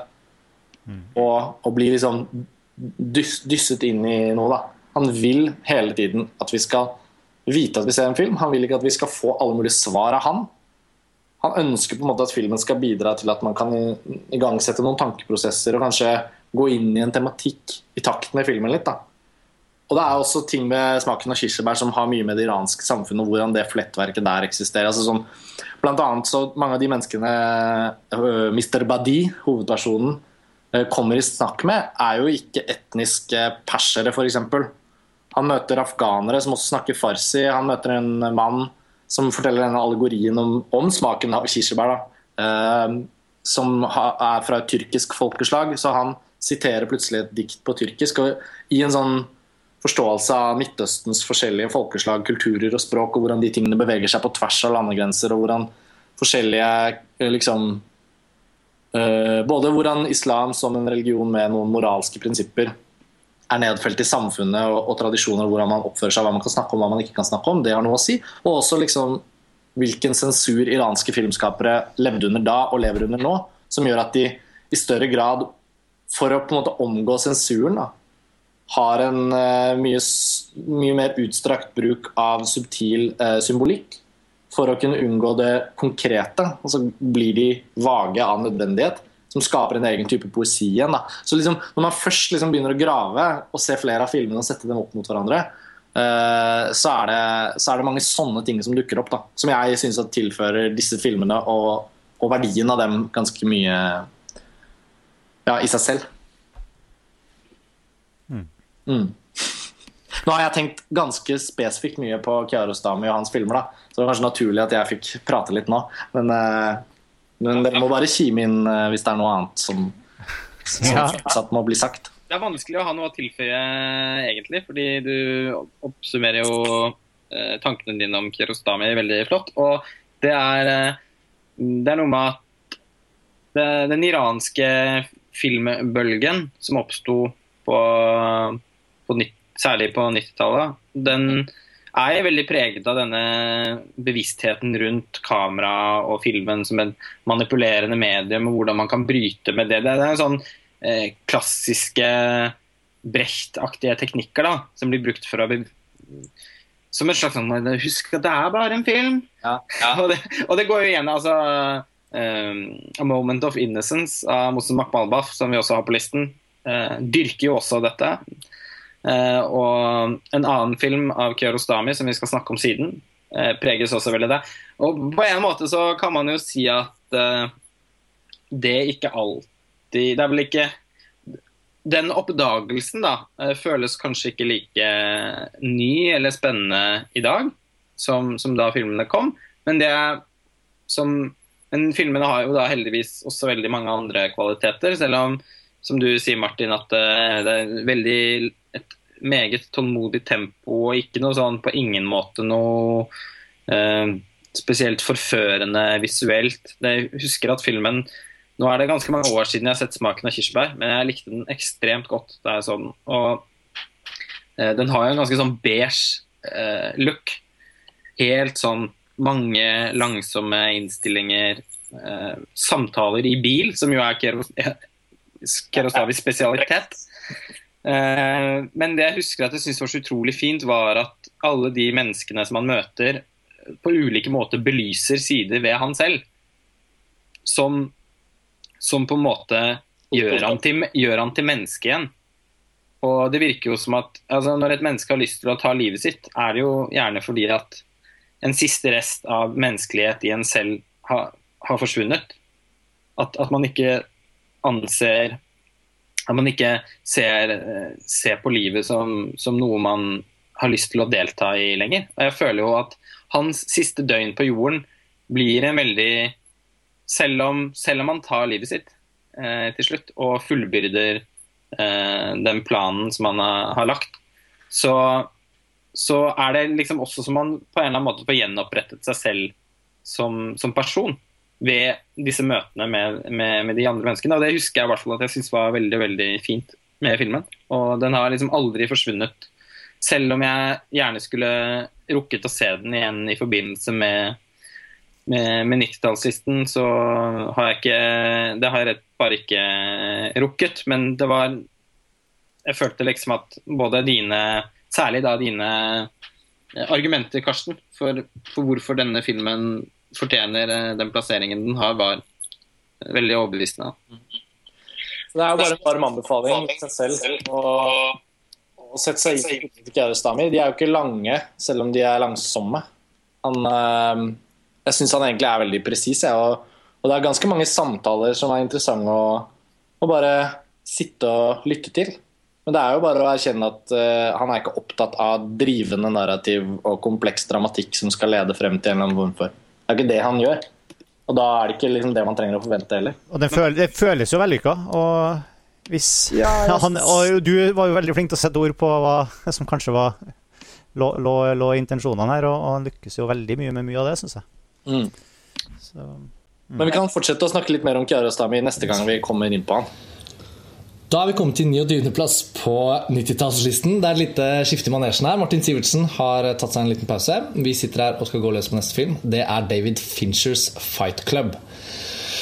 Jeg vet ikke med dere, men det er i hvert fall en ekstremt eh, personlig favoritt, og det tror jeg det er for mange. Det er kanskje noen som tror den er på førsteplass av listen, og noen som ikke trodde den skulle være på listen i det hele tatt. Men den er altså på 29.-plass. Vi har ikke kommet inn på David Fincher før nå, men han uh, har jo flere 90-tallsfilmer. Han er jo en sånn 90-tallskonge litt. Mm. Ikke at filmene hans har sånn 90-tallspreg. Kanskje Fight Club mest av alle. Mm. Men han er jo liksom en filmskaper som kom på 90-tallet, og, uh, og som ja, tok verden litt med storm. Uh, og David Fincher har vi jo diskutert masse på montasje fra før av, men på 90-tallet så liksom Alien 3 jeg vet at den er liksom nært hjertet ditt, Tor Ja, det er den beste filmen hans ever. Etter min mening. Kunne ikke vært mer uenig, på en måte. Nei, den klarte ikke å komme med på listen, da. Nei, var, jeg tror det var på min topp 10 eller 15 for, for ja, 90-tallet. Det var det. Uh, og, og, og, og, jeg syns Alien 3 er bra. Jeg. The Game syns jeg var en veldig bra film da den kom. Liksom, da, jeg, da, tok jeg ikke som en David Fincher-film helt, tror jeg. Jeg tror jeg bare så den på video og tenkte fy faen. Sånn twisty, snål thriller, liksom. Men med Seven og med Fight Club, uh, og da skal vi snakke om sistnevnte av disse to, uh, som er den første David Fincher-filmen på listen så var det noe helt annet. Fight Club er for meg litt sånn identitetsdefinerende film, uten at jeg i det hele tatt oppsøkte smale bakgater og liksom hevet nevene og tok meg en fistfight. Aldri Oppe på Fagerborg? Ja, aldri vært i en fistfight og håper jeg aldri skal være i det. Men Fight Club appellerte til den derre Du kommer ut av kinosalen og får lyst til å gjøre det filmen portretterer, fordi du føler omgivelsene og stemningen og hele pulsen i filmen var liksom så kul. Da. Eh, men jeg vet ikke med dere, men eh, Fight Club er liksom popkultur også. Det er ikke bare liksom en film. Nei, absolutt. Altså, den er jo en popkulturell referanse. Og jeg er enig i det du sier, at Fight Club av de to store 90-tallsverkene til Fincher, 'Alien 3' i all ære, eh, så, så er vel på en måte Fight Club den mest tidsbundne da, av de to. Fordi den er litt en sånn Sightgeist-film.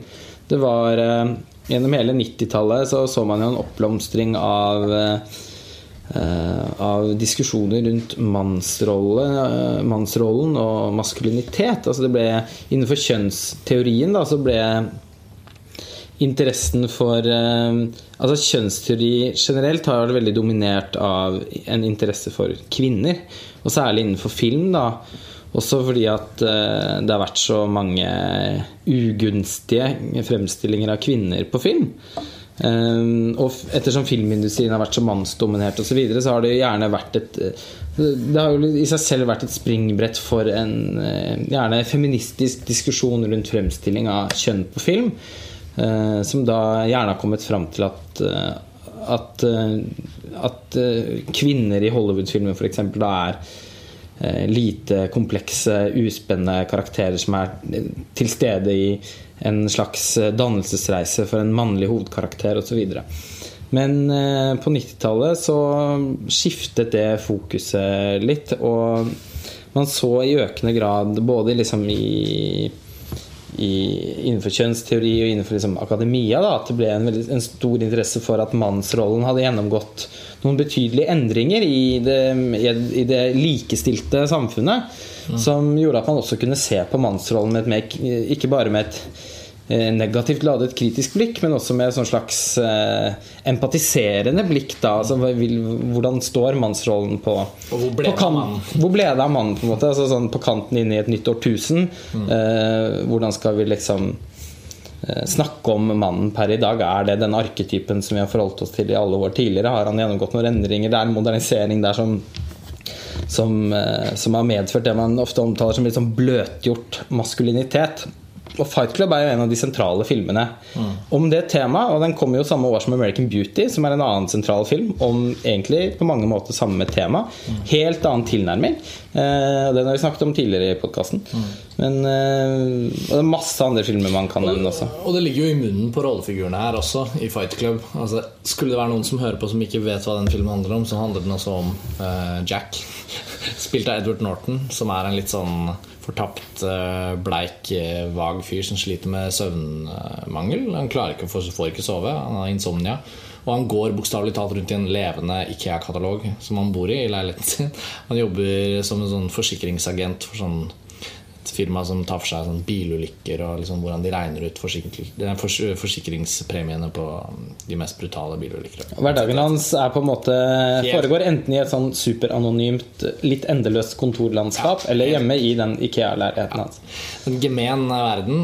Også på en flytur så møter han Tyler Durden, spilt av Brad Pitt. En eh, meget kul og ekstravagant og frigjort type mann som ikke holder tilbake noe når det kommer til å liksom analysere sin egen virkelighet. Og Han selger såpe, og han har liksom Han har bare tak tak Selger såpe laget av fett fra, fra overflødig flett Fettsugd av mennesker. Fra ja. sånne skjønnhetsklinikker og diverse. Altså, det er ikke måte på, da. Det, øh, og man dras veldig inn i en sånn Filmen er etter mitt syn ekstremt kul. Uh, og da mener jeg både at den tar en sånn Den tar en tematikk som føltes ny og frisk, i hvert fall den gang. Og bare injiserer den i oss som publikum med, sånt, med et liksom, lite spadetak. Det er bare sånn Sånn! Kom, bli med på det her, liksom. Og så er det filmskapingen i seg selv. Da. Uh, David Fincher som, som, planter alle mulige herlige visuelle tegn som skal liksom forløses i tredjeakten etter hvert som historien skrider frem. Det er masse å se etter når man ser den flere ganger. Utrolig kul musikk av The Dust Brothers. Og det er liksom ikke måte på, syns jeg. Har en litt sånn saturert, ja. digital eh, look, ja, selv om den ikke er digital. Men den har den, der, den moderne, bare en moderne fil på hele filmen. Og, og det, jeg syns det var ekstremt attraktivt da jeg så den. Uh, og så husker jeg at for, for meg er Fight Club jeg, jeg, dyrket nok til et punkt hvor det kanskje var litt usunt. da At jeg følte at den var i så stor grad et eksempel på en fet film at jeg liksom så etter det i veldig mye annen type film. Og så ble det havnet den litt på hylla. Fordi man kan ikke dyrke filmer i all evighet når det kommer så mye nye filmer som tar en film som i så stor grad er produkt av sin tid. Da. I, Ja. I den grad at man kan kanskje til og med snakke om Fight Club som en litt datert film. Ja, eller i hvert fall det er en utfordring med Fight Club. Da. Og jeg vet ikke med dere, Sveinung og Tor Joakim, men, men jeg fikk i hvert fall da hente den opp igjen for noen år siden. Da jeg oppdaget at mine to lillesøstre ikke hadde sett den, og ikke helt visste om den. De er akkurat nok yngre nok enn meg til at de liksom hoppet av en generasjon. Så da satte jeg meg ned og viste dem Fight Club, og da var jeg ganske spent. Men det leverte, og de elsket den. De var jo bare akkurat sånn som jeg hadde vært da jeg så den første gang. Og det var litt sånn der trygghetsstempelet for min del. da Jeg viste den også til min nevø på 15 år, som eh, Ja, som kastet i seg denne filmen og syntes at eh, umiddelbart opplevde den som noe av det beste han noensinne hadde sett. Eh, og han hadde allerede et forhold til David Fincher. Da. Han hadde faktisk sett eh, de mesteparten Eller han hadde sett både Social Network og Seven og The Girl with the Dragon Tattoo. Um, og jeg tror han, hans favorittfilm er The Social Network. Og det å, for, som, som på mange måter er veldig ulik, men man kan veldig tydelig se at det er samme filmskaper som har laget det. Jeg tror akkurat den den coolnessen da som vi snakker om, som den filmen hadde i 1999 den, uh, disse, disse to opplevelsene hvor vi har vist de til uh, våre håpefulle, har på en måte uh, det, det er i hvert fall et signal om at filmens uttrykk fortsatt har en appell. Da. Ja, jeg syns det eksemplifiserer at den vedvarer på tvers av generasjoner, og at det gir i hvert fall meg en litt sånn betryggende empiri om at det var ikke bare 1999 det handlet om. Det handlet faktisk om at det var noe mer der, da. Ja. Altså, jeg synes bare Ja. Ja, ja, ja men- Alien 3. Nei, ja, Alien 3 får stå- for seg selv, har vi snakket om. Ja, men jeg synes jeg var, jeg var. Men det skal også sies at Vi har jo hatt uh, samtaler om Fight Club oss innad ganske mange Ja, vi runder. vi vet også- vel egentlig hva vi mener, men eh, og så har vi også hatt en samtale Vi hadde en podkast om Gone Girl for en Yes. tilbake. Og Da gikk vi gjennom litt av våre synspunkter på Fincher. Og Fight Club befinner seg jo i de fem første filmene som han gjorde, som er min favorittperiode av Fincher. Jeg er ikke så begeistra for de fem siste han har gjort. For her dyrker han altså spesielt den her brunlige, visuelle, mettede estetikken som du var inne på, Lars Ole, og Dust Brothers musikk. og Mye av det sitter igjen. Tvistene i, i historien er jo sånn som de er. De er kule. Eh, men, men for meg så sitter, sitter det igjen enkelte bilder, sekvenser, som gjør at jeg, jeg syns det er en, en veldig god film. Men eh, ja. Det blir stille når vi ser på deg, Svein. Ja, men vi, vi har jo snakka mye om David Fincher og, og Fight Club før innad i redaksjonen, som dere nevnte. Jeg er nesten litt lei av å, å snakke om David Fincher og Christopher Nolan og Steven Spielberg, som kanskje er mine tre liksom, sånne veldig kommuniserte filmskapere som jeg har et litt problematisk forhold til. Men eh, David Fincher er jo faktisk Jeg var veldig glad i veldig mange av hans filmer. Og eh, jeg, jeg deler ikke opp hans filmografi i perioder på den måten som du kanskje tror, Joakim. Jeg syns det er veldig opp og ned med hva, hva jeg syns er bra og ikke.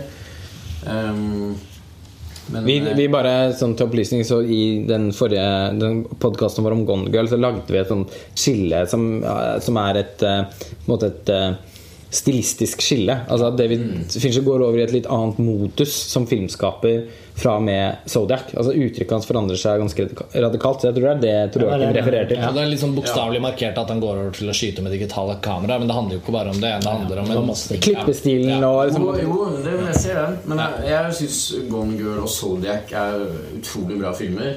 Mens uh, The Girl with Dragon Tattoo var bare liksom Det så jeg på som nesten hastverksarbeid. Bare å klippe seg gjennom, bli ferdig og liksom Få det ut. Det syns jeg ikke var den i det hele tatt. Men, men det er litt sånn Fight Club eh, Ja, Seven skal vi snakke om seinere, da. Så jeg bare Ja, Ingen hemmelighet at den er høyere på listen enn Fight Club, da. Nei. Det er fair. Eh, Ja, nå sa jeg det. Ja, men så absolutt. Men det blir liksom, ja eh, Og Fight Club har aldri Jeg så ikke den på kino når den kom, men jeg så den et par år etterpå for første gang. Og den har aldri stått noe spesielt høyt i kurs hos meg. da Og jeg har veldig problemer med, med sånne såkalt fikse filmer hvor, eh, hvor man på en måte har disse tvistene, og, og ting skal liksom eh, bindes opp på et vis mot slutten. Og jeg, ikke dermed sagt at jeg sammenligner med f.eks. The Usual Suspects eller andre filmer som bare lener seg altfor mye på slutten, men det er noe med den mottagelsen av Fight Club som en sånn utrolig, og måten den blir snakka om på som en så utrolig smart film. Altså, jeg, jeg, jeg syns ikke det er en spesielt smart og klok film. Da, og Den har dette kjønnsaspektet, og den har noen utrolig flotte visuelle eh, bilder og alt sånt, men jeg Ja, nei eh, jeg, jeg, jeg vet nesten ikke helt hvordan jeg skal oppsummere hva jeg ikke liker med denne filmen. Og jeg snakker om den så mange ganger, og, for å være ærlig. Men Men jeg tror jeg eh, det, ja, jeg, klarer ikke helt å, å, å se uh, hva som det liksom uh, går an å fortsette å bearbeide ved den filmen, da, som tydeligvis mange andre ser. Jeg, jeg, og jeg liker den ekstremt godt, som jeg har sagt. Men jeg føler likevel at det er veldig lett å forstå hva du mener. For jeg tror at uh, ditt perspektiv på Fight Club er en av de utfordringene den filmen har begynt å møte. Som er eh, det vi- du så vidt var inne på, Lars Ole. Som er dette En film som så, i så stor grad er i sin tid. Og, og liksom populariteten til Fight Club, i hvert fall her i Norge For den gjorde det jo ikke så bra på kino i USA, og sånn men den populariteten blant de landene som fikk den litt etter USA, og i USA blant folk som på en måte hadde kanskje en litt mer sånn alternativ approach til livet og kultur, og liksom de som så hva den filmen prøvde på Populariteten var jo umiddelbar. Altså sånn Jeg kan liksom det gikk liksom en uke Jeg gikk på videregående på det tidspunktet, og det var liksom fra den ene uken til den andre hvor Fight Club bare sånn, ble sånn akutt samtaleemne.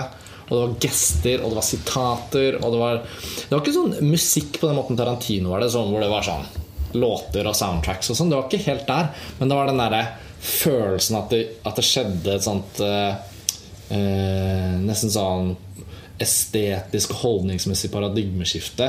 Hvor det var sånn Oi, nå er vi på vei til å slutte å se på Seinfeld og Friends og snakke om mørkere, kulere tematikk. Jeg hadde selvfølgelig Jeg var på det eksakt riktige tidspunktet aldersmessig. da Liksom ble 17, og det var sånn man tenker nå ser jeg denne typen filmer, og nå er jeg på vei til å bli voksen på en annen måte. Og jeg har alltid fryktet at Fight Club skal kollapse som film fordi den var så veldig i sin egen tid. Og tidvis tenker jeg kanskje at den gjør det litt. da Altså at, og Særlig når du sier at du så noen år etterpå, så kanskje liksom med en såpass sånn oppsvulmet hype rundt seg, så ses den med en sånn Ok, du skal leve opp til ganske mye nå. Her er film, liksom. Og så skrur man den på, og så kommer det ikke helt inn under huden på deg, som det gjorde på mange andre. Da. Uh, og jeg hadde da som sagt et veldig bra gjensyn med filmen, som var veldig betryggende. Jeg kjenner at også i forbindelse med denne listen, så har den, den har jo liksom danset rundt på forskjellige plasseringer, også fordi det har vært viktig å liksom føle på balansen. Og det vil jo lytterne våre sikkert nå oppdage at høyere, desto høyere vi kommer på listen, desto, desto mer er liksom det veldig ømfintlig hvor filmer står og går. Da. For nå snakker vi liksom om aller øverste kanon. Er med Til slutt så bar den liksom ikke å være på topp 25. nei, for det er også noe med at David Fincher har også virkelig da utviklet seg som filmskaper. Og man har fått nye storverk òg, som The Social Network. Eh, og Gone Girl, kanskje, vil jeg tro. Når den nå får fordøyd den ordentlig. Den er fortsatt litt fersk, syns jeg. Eh, selv om jeg syns den eh, satt enormt pris på den filmen. Men, men Social Network da, føler jeg også er sånn, begynner å kvalifisere til å kunne bli omtalt som en moderne klassiker. Og Zodiac er også et mesterverk, men eh, den hadde ikke noe sånn kulturelt nedslagsfelt, følte jeg. Eh, den ble jo også sett av veldig få og er fortsatt nesten en slags obskuritet. Eh, Fight Club er jo, den er jo en av de filmene man kan snakke om som et fenomen. Ja. Og jeg var også til en viss grad en del av det fenomenet, selv om jeg var yngre enn deg. Og, men jeg så den bare et år da den kom på DVD, rett og slett. I denne stilige utgaven. Med papp og sånn. Ja, jeg fikk dessverre aldri den, fordi jeg ville kjøpe den på Svinesund, som da akkurat hadde fått plastutgaven. Så, men det var to disker. Det var noe veldig, et veldig sånn obskurt ekstramateriale, husker jeg, som var veldig fascinerende å bruke masse tid på å se uten at jeg helt 100 følte at jeg Ja. fikk så mye ut av det. Men eh, ja, men det blir veldig sånn anekdoteaktig, da. Men eh, jeg tenker at filmen Hvis man zoomer litt inn og se mer på hva filmen eh, Jeg tror at eh, filmen sin sånn kraft da den kom, kan sammenlignes litt med eh, de som var unge og leste American Psycho da den kom. på en måte Det er en sånn type film. Ja. Som for, for et Særlig kanskje for en mannlig tilskuer, eller som også handler om maskulinitet, eller tematiserer maskulinitet, føles som ikke nødvendigvis så gjenkjennbar, men det er noe med Tyler Durden sin Hans han le, altså At han dyrker instinktene sine som mann. Da, og det er en veldig klisjéfull idé om hva en mann kan være for noe. Og på en måte i vår virkelighet ikke en idé om hva en mann skal være for noe. Men akkurat der og da så var det veldig forfriskende.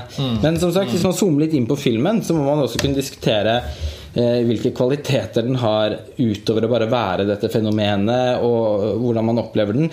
Den Edward Norton sitt spill eh, Altså Kjemien mellom han og Brad Pitt i den filmen syns jeg jo fortsatt Det er ikke så lenge siden jeg så den sist, et par år siden, som også var et fortreffelig gjensyn. Filmen betyr ikke like mye for meg nå som den gjorde for ti år siden, men det er liksom noe med eh, den kjemien da som er mellom de, som er så fantastisk god.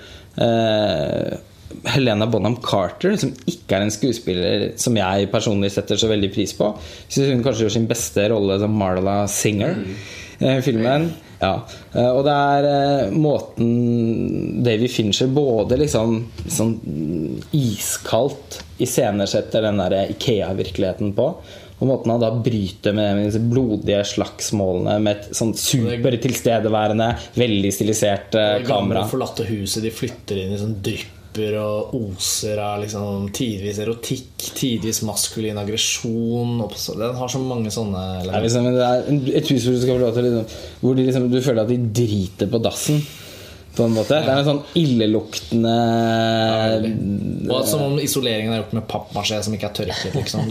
Ja. men, men, men det skal sies om Fight Club, og nok en gang da, i lys av at jeg er veldig glad i denne filmen Det er jo ikke historien den filmen forteller, som på noen måte er det som gjør den bra, da, i mine øyne. Og det er heller ikke vendingen i fortellingen. Eh, Om man skulle føle tidlig i filmen at uh, Tyler Durden og Jack er hæ, som to forskjellige sider av én person, så er jo ikke det noen så viktig del av nytelsen av filmen. Det er klart det er et wow-element første gang man ser den. Akkurat som det er med Persona på sett og vis av Ingmar Bergman, bare for å trekke inn en film som subtilt refereres til i Fight Club. Absolutt. Eh, men jeg syns det er i best mulig forstand da, konseptene og litt den der sånn derre sånn grovt utilslørte måten å peke finger til det faktiske samfunnet vårt på. Som et sånt, nesten som en kronikk i liksom filmform. Som jeg egentlig syns har holdt seg vel så bra. Da. At det, det, det er noe sånn derre og også vold på film som ikke er opptatt av å diskutere, men som liksom bare sånn Ok, men som mer enn noe annet vil denge løs på hverandre for å føle seg som menn. Ikke for å være i liksom konflikt med hverandre. og, ja, og for å da føle seg som menneske. Det er jo en Ja. film om eh, Det er en eh, eksistensialitet i tematikken som jeg alltid har satt veldig pris på. Ja, for det er noe med at eh, Edward Norton søker etter en identitet. Han føler seg jo hjemløs idet han går rundt på alle disse sorggruppene for å i, i det hele tatt tvinge fram noen følelser uten å lykkes. Eh, hvor han treffer Marla Singer. Eh, Og hva heter han? Bob with the tits, eller yes. Ja, Meatloaf. Ja, bedre kjent som Meatloaf. Ja, det er litt av en loaf. Slice of loaf. Han møter.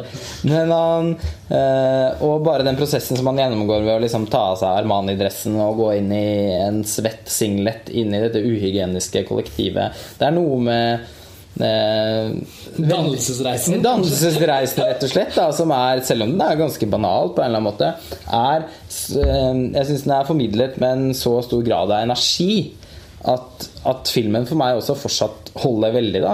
Jeg synes, eh, og, og selv om man kan diskutere om filmen er datert eller ikke, som jeg kan godt være med på at den er litt, eh, så syns jeg jo da også den blir en, liksom en veldig spennende artefakt fra sin tid. Ja, altså, Litt som en museumsgjenstand, på en måte. objekt fra 90-tallet. Og det er også Sendt, sendt med tidsmaskin gjennom Det er jeg også enig i. Altså er, selv om da kanskje kom til Norge da, i 2000 jeg vet ikke. Jeg var høsten 99. Ja. Ja, Men uansett, den er jo da Den er jo absolutt en 90-tallsikon. Og det, det anerkjenner jeg også som, selv om jeg ikke er så glad i den filmen. Eh, men jeg syns jo også at den må tåle å bli vurdert tematisk og Ja, litt som den kronikken da, som du var inne på, Karsten. eh, liksom Klarer den å formidle det den vil? Eh, kaster den bare bensin på bålet? Er det liksom hva, hva er det liksom Fincher vil få fram her? Lykkes han? Er det datert ikke? Altså, den må, den må tåle å Og det henger veldig også sammen med det visuelle, fordi det var så mange som, som syntes at filmen var så jævlig kul. ikke sant? Og, og ja. Og da, så jeg syns at det, filmen må tåle å bli vurdert litt sånn også. At man ikke skal kunne si ja, ja, alt det der som folk snakker om, men hva med alle de andre kvalitetene? Altså, det henger så sammen i akkurat den filmen at det ja, Jo, men- Det må bare tåle det. Ja, og det er, og det er bare sånn Midt i mitt eget forsvar at jeg sier det. Fordi at Ja. det, det handler jo selvfølgelig mye om mottagelsen av den filmen og hva slags status den har fått. Ja. Eh, ikke bare om filmens eh, vesen i seg selv. da Men den er moderne mannen er jo fortsatt eh, et tema som diskuteres i veldig mange filmer. da Senest i 'Turist' av Ruben og Men, i- ja, ja, men også 'Turist' av Ruben Og Mot Østlund. naturen av Ole Jæver, den norske Ja. filmen som har gått på kino. Eh, og så må man diskutere om at det er det altså sånn, Den kommer jo relativt tidlig, da. Og selv om den har en mindre Jeg Jeg syns f.eks. kvinnekarakteren i 'Turist' er ganske mye mer eh, nede på jorden og sammensatt som en autentisk eh, Som et menneske enn det Marla Singer er f.eks. i Fight Club, da, som er en veldig sånn eh, seksualisert stereotyp på mange måter, egentlig. En femme fatale-aktig skikkelse som liksom kommer inn i mennenes verden og kompliserer den. Men jeg syns faktisk den museumsgjenstanddimensjonen er et eh, vektig argument for å ha filmen på listen og ha den litt høyt. Eh, det har jo også vært en av veldig mange kriterier som vi har, film, som vi har brukt på alle filmene. Altså, eh, det er ikke bare filmens, måte, filmenes tidløse kvalitet som har eh, vært avgjørende for hvilke filmer vi har valgt. Det har også vært eh, i hvilken grad de har vært innflytelsesrike, i hvilken grad de er et bilde på sin tid. Og da syns jeg jo en 90-tallsliste uten Fight Club vil fremstå eh, litt kunstig, på en måte.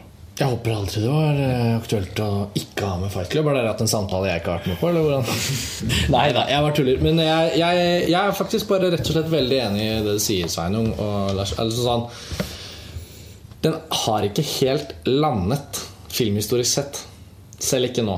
Men nå har vi gitt den en plassering på 90-tallslisten som jeg syns balanserer litt usikkerheten. For på sett og vis er den en sånn sinnssyk klassiker som kan være helt sånn himmelhøyt på en personlig liste.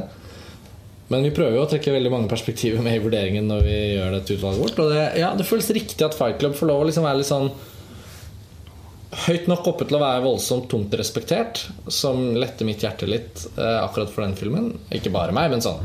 Den er jo kommet veldig høyt når det kommer til avstemming blant bidragsyterne våre. og sånn Ja. Men samtidig at den er justert litt ned i forhold til den usikkerheten som jeg tror du har helt rett i, Sveinung.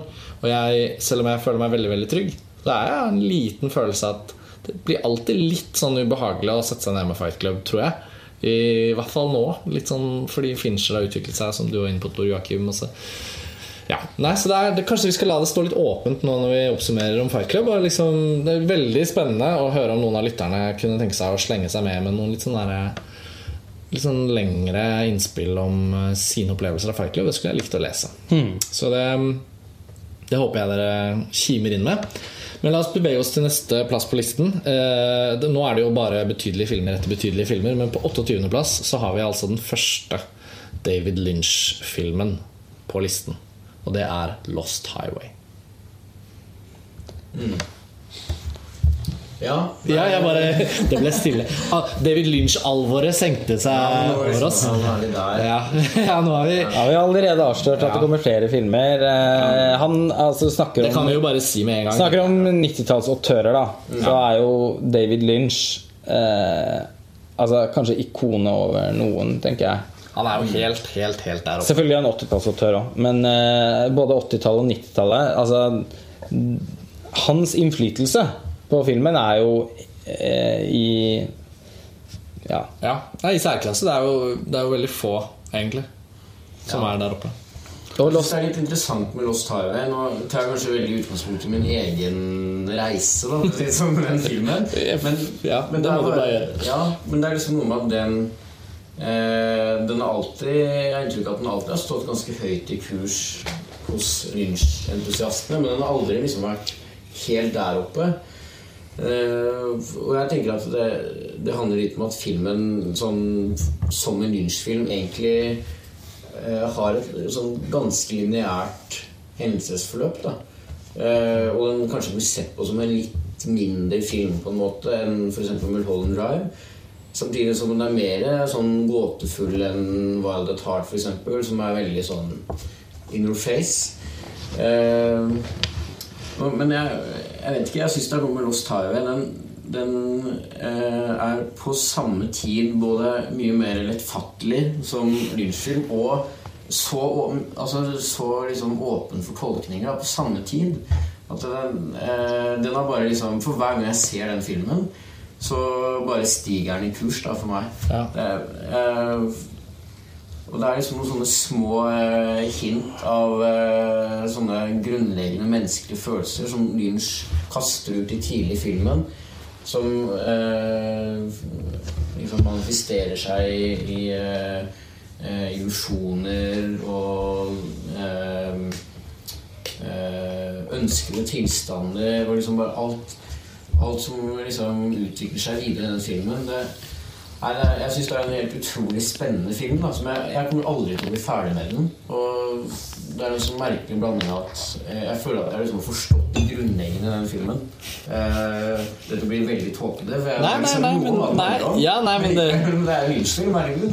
Jeg, jeg føler at inngangen vår ofte når vi snakker om filmer, er vel å først snakke om dem, og så kanskje komme litt inn på hva de handler om. Eh, Vi må jo ta det litt for gitt at folk kjenner til disse filmene. Og hvis Ja. ikke, så håper vi at dere blir nysgjerrige. Men det er bare noe med den derre Ja, det er en sånn eh, Det er en sånn krysspunkt der som Lost Highway er, som jeg syns er veldig fascinerende. Da. Er en fascinerende film. Tor Joakim, hva er ditt forhold til uh, Lost Highway? Jeg har veldig godt eh, forhold til den. Jeg er jo litt eldre enn dere, så jeg har et enda nærere forhold til enda tidligere Lynch. Eh, 80- og begynnelsen av 90-tallet er eh, Lynch for alle penga. Men jeg har flere personlige tilknytninger. Det var første gang jeg ble oppdaget Rammstein, som etter hvert ble et av mine favorittband, og brukt fantastisk, på en fantastisk måte i, i filmen. Og disse som du særlig var inne på, disse kryssklippingene eller eh, vekslingene mellom, mellom eh, på en måte en slags realistisk, kausal, normal fortelling og disse, her, disse ansiktene og disse lyskildene altså Jeg bare ser for meg noen sånne lyskastere i forskjellige Enten det er billys eller andre lys, og utvalg av lys innen, innen rom. og og også en litt sånn styggaktig estetikk. Ja. Kornete. Det er selvfølgelig fordi det er en del sånne videoopptak og sånn, men litt sånn kornete, rar kvalitet. Altså, jeg har alltid husket den filmen som en sånn utrolig sånn grov og uggen film. Som jeg så på video. Jeg så den ikke på kino da den kom. Og så hadde Vi så vel sammen, Lars Ole. Så hadde vi gjensyn med filmen i forbindelse med arbeidet med den listen. For liksom, Lost Highway, jeg må sjekke den igjen. Og da var det Blu-ray Og det var nesten så det tapte seg litt. Det er merkelig med det. Så jeg syns også Lost Highway er en utrolig spennende film. Men det var så rart. Det var som om den et eller annet sted i en sånn hyper HD-konvertering av den filmen, så forsvant noe av det. Kanskje også med han forferdelig skumle Robert Blake på det, med det kameraet inni filmen. Og den utrolige scenen på festen med telefonen. Og han er, så sånn. Det er noe mystikk der som på en måte kledde å være på VHS. Ja, Ja, men det er noen filmer som jeg tror er best på VHS, og det mener jeg virkelig at Lost Highway er. da All respekt til visualiteten i filmen, for den er også en, en, en, en liksom uforglemmelig sånn. Jeg kan lukke øynene og se for meg Lost Highway. Liksom. Men det gjensynet var faktisk også litt sånn at det var sånn Åh, den mistet en liten sånn snål Og du ser skeptisk på meg, Svein. Men, Nei, jeg føler at det er ser å skeptisk på Det er litt tankefull. ja, da, ja, da, ja, ja, ja. Men jeg, eh, jeg vet jo at du, du holder nok den filmen enda litt høyere enn meg, men, men det var sånn, gjensynet var sånn det var sånn, ble litt sånn tydeligere. skjønner du? Og jeg har likt det der litt sånn marerittaktige, utydelige minnet om Lost Highway fra VHS-ens tidsalder. Men den fremstår jo fortsatt rimelig marerittaktig, da, vil jeg si. det Og jeg har også sett Lost Highway ganske mange ganger opp igjennom. eh, all den tid David Lynch er en filmskaper jeg setter veldig høyt. Og han er en av de mest sensuelle filmkunstnerne eh, man kan forestille seg, på en måte. Han, og jeg synes at Lost Highway markerer Hvis man skal liksom gi den en plass i hans filmografi, da, så er det vel den filmen hvor han før Inland Empire går liksom mest bananas. Og Lost Highway og Mulholland Drive og Inland Empire er på mange måter det det mest sånn eh, kondenserte David Lynch, føler jeg. Altså, han glir mer og mer vekk fra det narrativet og enda, bolter seg enda friere da, med de virkemidlene han har til disposisjon. Og, og klarer da å komme enda nærere følelsen av drøm eller mareritt. Eh, som, som han er veldig berømt for. Og kanskje være den filmskaperen av alle som har kommet nærmest i å skildre. Eh, og det er noen sånn underbevisste strømmer liksom, i Lost Highway som får flyte litt sånn fritt. Og filmen begynner jo egentlig ganske konkret, eh, nesten med samme utgangspunkt som Caché av Michael Ja, Haneke. Og det er et par som blir eh, filmet av noen som de ikke aner hvem er, og som får videokassetter tilsendt i posten. Mm. Og hvor det på en måte igangsetter da eh, Det er akkurat som det åpner en grop, hvor da hovedkarakteren eh, Kanskje Bill Pullmans beste rolle? Ja, Lins? det er Independence ja, det kan diskutere. Jeg vil nok være enig i det. Ja, ja det er det. Når han liksom glir ned i dette I dette retningsløse helvete som den filmen er. Og hvis man slipper liksom Hvis man lar det gå, eh, på en måte den følelsen av å kunne mestre filmens fortelling, og mestre hva den skal være for noe, og bare eh, lar seg overvelde av de eh, slags landskapene den tegner opp, da så er det jo en utrolig suggererende og også veldig på mange måter også en veldig lettfattelig film. Jeg syns jo det kryptiske ved Lynch er litt sånn ikke overvurdert, eh, for det er ikke vurderingen jeg er uenig i. Det er mer kanskje noen ganger litt for det, fall, det var et eller annet tidspunkt rundt Mulholland Drive der jeg syns det ble så veldig mange samtaler om hva detaljene i filmen var ment å skulle bety. Og at man nærmest kunne liksom desifrere filmen hvis man la merke til fargen på den ene lampeskjermen. og- Hvor jeg falt litt av. For Jeg jeg, Lynch bidro til dette selv. Da. Han gjorde det. Liksom legge en sånn ti hint for å forstå ja, og det tror jeg han gjorde bare på kødd. Ja. Eh, for han er jo aldri opptatt av å forklare hvordan filmene hans eh, Men han er ganske selvmytologiserende i hvordan han forholder seg, hva han sier om filmer og sånn. Ja, men jeg syns han nesten er mer selvmytologisk Ja, men jeg synes han nesten er mer selvmytologiserende når han sier at når han ikke går inn på hva filmen handler om, eller hvordan man skal oppleve den eller forstå den, men at for han så kan det å zoome inn på et kakestykke på en måte være en stor oppdagelse i seg selv. Og Lost Highway er vel den filmen, i hvert fall som på det punktet i filmografien hans, eh, eh, hvor man føler at han får sånn helt fritt spillerom. Da. Det var vel også den første filmen han lagde med noe europeiske Er det ikke noe Kanal? Pluss inni Det er Eller? Ja, jeg tror det. Han vant jo Gullpalmen på starten av 90-tallet. Med Wild at Heart. Og så lagde han Twin Peaks Far Walk With Me, eh, som på den tiden ble slaktet sønder og sammen, og som kanskje bidro til å eh, ikke ødelegge, men liksom sette en litt Trykke på pause. Side- Sidestille han litt. Ja, liksom trykke litt på pauseknappen hans uh, i USA, da. Eh, Den filmen har vel over seg noe europeiske Jeg tror den Gullpalmen forårsaket at Lynch fikk en sånn voldsom og havnet veldig i fokus. Ja, i Frankrike, og i Frankrike Og Kanal Pluss da. Men det er noe et eller annet Man får i hvert fall nå eh, er litt rusten på disse detaljene. Finansieringsdetaljene, men det er helt fair. men eh, det er noe med Lost Highway eh, som Man får en følelse av at David Lynch har hatt helt fritt spillerom. da Og hvor han kan dyrke noen sånne lange sekvenser med Rammstein-musikken f.eks. Han er også en ekstremt brutal film. Eh, Det er jo i og for seg både Violet Heart og Twin Peaks Fire Walk With Me og Blue Velvet for den saks skyld, men man føler liksom at han kan dykke veldig ned i alle de tingene han De eh, sånn motivene han er obsessed eh, av. da Sånn som, og, og det er noe med Kanskje for første gang siden Elefantmann eller, eller jeg, Unnskyld, Razorhead. eh, Ja, på en på måte. en måte. Noe For den er så distinkt ikke studiobundet. da Ja. Men det er jo eh, Blue Velvet var en gave fra Dino De Laurentis Ja. av Dune. At han fikk lage den filmen så Ja. kompromissløst som han gjorde. Men den, jeg tenker Lost Highway, selv om den kanskje på en måte da, er litt sånn europeisk influert, så er det noe med de veldig amerikanske temaene som Ja. eh, dukker opp der òg. Jeg mener rent pragmatisk, ja, eh, ja. Jazzen, ja. ja, Det er jo noen både liksom den der eh, mytologien rundt liksom jazzsaksofonisten Og den der rockabilly-greia som selvfølgelig har fulgt han fra før, Lost Tyre. da Eh, Men det der veldig sånn distinkt amerikanske, det som er bundet til sånn amerikansk populærkultur og, og mytologi rundt det. Så nå, når vi akkurat snakka om Fight Club og liksom manns eh, altså maskulinitetsperspektivet der. Men jeg syns faktisk at det er noe der hos Lynch i Lost Highway som er veldig kobla opp mot det der. Den Mm. der eh, mytologiseringen rundt eh, holdt på å si den populærkulturelle mannen. Men liksom, men liksom disse amerikanske motivene. Eh, og jeg syns det er ganske spennende, for jeg, jeg har alltid sett på den filmen som eh, ja, som jeg var inne på i stad, at, det er et nokså klart narrativ der, tross alt, som tilhører den mannen vi ser i, star i starten av filmen. Og hvordan han Altså hans eh, Bearbeidelse. bearbeidelse og eh, identitetssøken og sånne ting. Da.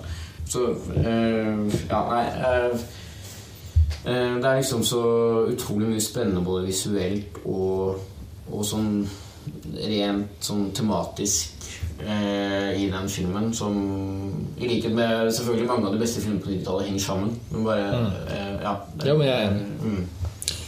Og den eh, Ja. Og det, er noe med at det er, den er liksom som en sterk cocktailfilm. Altså, du snakker om de amerikanske motivene, men de blir liksom også blandet ut med litt Rammstein og David Bowie, den helt fantastiske låten 'I'm The Range', som eh, både introduserer og avslutter filmen.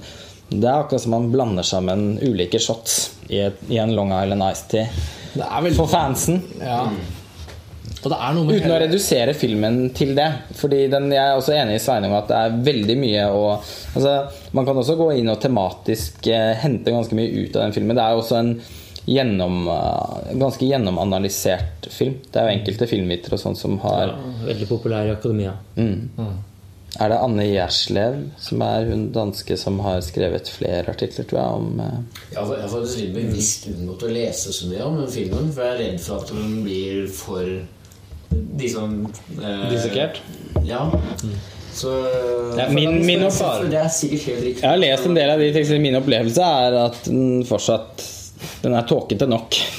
Det blir en del av de analysene også som går seg litt vill i seg selv, men på en positiv måte sånn leseropplevelsesmessig. da. Jeg syns noe av det som jeg kanskje ser er Ja, eller noe av det jeg liker best med Lost Highway, er egentlig et sånt ikke-analytisk Jeg har et veldig ikke-analytisk forhold til det. Ja.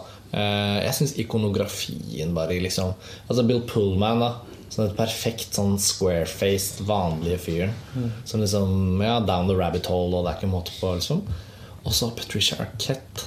var så utrolig liksom ladet, både med liksom erotikk, men ikke minst mystikk. Og liksom hele hennes liksom Hun er så perfekt, hun òg. Også Robert Blake i denne Mm. helt sinnssykt blekfjeste. Hvit- Og han der, han, hvit sminke. Ja, han vi aldri har sett til noe til senere. Heter han Balthazar Getty, er det det han heter? Han uh, unge. Det er sånn Personlighetsskifte som skjer der. eh, Det er sånn Og musikkbruken, ikke minst. Altså det er, men det er noe sånn Fantastisk. Det har det der, akkurat som musikkvideoer hvor du ikke kan høre låta 20 år senere uten å se ansiktet. En litt sånn film. Mm. Uh, og det er nesten Ja, jeg liker å ha den der, altså. Nå har jeg ikke vurdert å lese analytiske artikler om Lost Highway, jeg har også valgt bort. Men de, men de fins, kan jeg tro, ja, Kim. ja, ja, ja, ja. Det, men det kan jeg jo se for meg også. Jeg, bare, jeg setter også veldig pris på David Lynch, men jeg har aldri dyrket, gått liksom sånn Gått inn for å dyrke og overstudere det helt. Det er bare, jeg syns filmene er sånne vage, fine minner, og klisjé nok De føles litt som drømmer, da. Jeg tenker at den uh, serien til Slavoj Zizek, hvor han den første ikke uh, Nå husker jeg ikke helt tittelen på den. Nei, det er en dokumentarfilm Ja, hva heter den? 'Pervert's Guide to the Cinema'. Yes. Hvor han hovedsak Eller han er opptatt av veldig mange ting, men han er veldig opptatt av både Alfred Hitchcock og David Lynch. Og det er en måte hvor han bare Eller det er en sekvens der i hvert fall hvor han bare snakker om hvordan David Lynch sin Måten han får liksom flammer på film til å liksom brenne deg i ansiktet på. Som egentlig oppsummerer appellen med Lost Highway, syns jeg. Eh, å kjenne den når noen liksom tenner en fyrstikk og setter på et hus. Ja, så så er det så, takt, så taktilt da at man eh, I seg selv så, så det, det har alltid vært min appell både Eller det som har appellert til meg med den filmen, eh, ikke min appell til filmen, eh, og hvordan David Lynch eh, Det som interesserer meg mest hos han generelt, da er nettopp den, den egenskapen han har til å få disse visuelle eh, Disse mot, gjennomgangsmotivene sine til å bli veldig sånn levende og sanselige. Vold, voldsomt til stede i Violet Heart også, da, som må sies. Altså dette med flammer og sånn. Så vi, vi skal jo diskutere David Lynch ganske inngående, tror jeg, videre. Nok det, ja. Det er jo egentlig bare den første. Men eh, det er, jo, eh, det er jo kult å tenke på at Lost Highway som, som jeg følte det var en veldig obskur kultfilm i sin tid. Det var jo Violet Heart liksom, og Blue Velvet som var de store liksom Og, og Twin Peaks, Uh, Selvfølgelig. Men nå tenkte jeg på filmene, da. Og Twin Peaks-filmen var jo ikke engang på radaren min den gang. Var jo liksom så Det var jo liksom ikke noe snakk om det. Um, ja, Så Twin Peaks og Violet Heart og Blue Velvet, liksom. Som hører til i overgangen mellom 80-tallet og 90-tallet, tross alt. Mens Lost Highway var liksom Det var ordentlig, det var ordentlig sært. Og så har den jo steget til en skikkelig Ja, jeg føler at den er litt en klassiker. Jeg. Ja. Er jo, ja. Men som sagt, Lynch har laget utrolig mye bra. Så dette skal vi tilbake til. Men altså på 28.-plass, dette var Lost Highway. Vi går videre, og ja, vi skal vel til noe helt annet, på en måte. 27.-plass så er det Lars von Trier og 'Idiotene'. Og Det er jo en dogmefilm, og vi har allerede snakket om festen. og Thomas Winterberg, Da klarte vi jo ikke å holde oss helt unna å si litt om 'Idiotene' også. Ehm, men Lars von Trier eh, er jo også da med sin første film på listen. Nå går det liksom i gigantautør fra gigantautør til gigantautør, føler jeg. Men eh, jeg vet ikke hvor vi skal starte. Jeg tenker at eh, Hvis vi skal plukke opp tråden fra festen, da, samtalen vår, som også er en dogmefilm, eh, så, og Dogme 97 og hele det Ja, Eh, Dogme 95, mener jeg. Hvis noen er i tvil, så er det den danske dogmebølgen. Ja, og Filmene kom i 97, da. Ja. Og, eh, Og 98. og ble begge lansert på Cannes-festivalen. Mm. og Idiotene er jo, vil jo liksom for alltid være urdogmefilmen. Eh, det er jo en film som, som handler om en gruppe karakterer som velger å eh, innta en rolle som såkalte spazer på dansk. Altså som psykisk utviklingshemmede. Eh, For å leve ut en slags drøm om å kunne bli akseptert for å gjøre de merkeligste ting.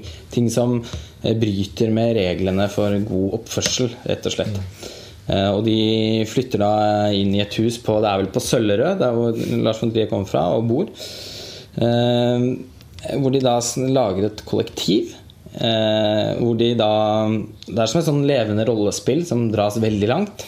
Hvor de da går inn i disse rollene for å bryte med god kutyme og se hvordan folk reagerer på det, og på en måte teste ut reaksjonsmønstrene til folk idet de eh, griser med maten på en restaurant eller lager eh, uromomenter i nabolag, i det, dette ganske striglede nabolaget som filmen utspiller seg i.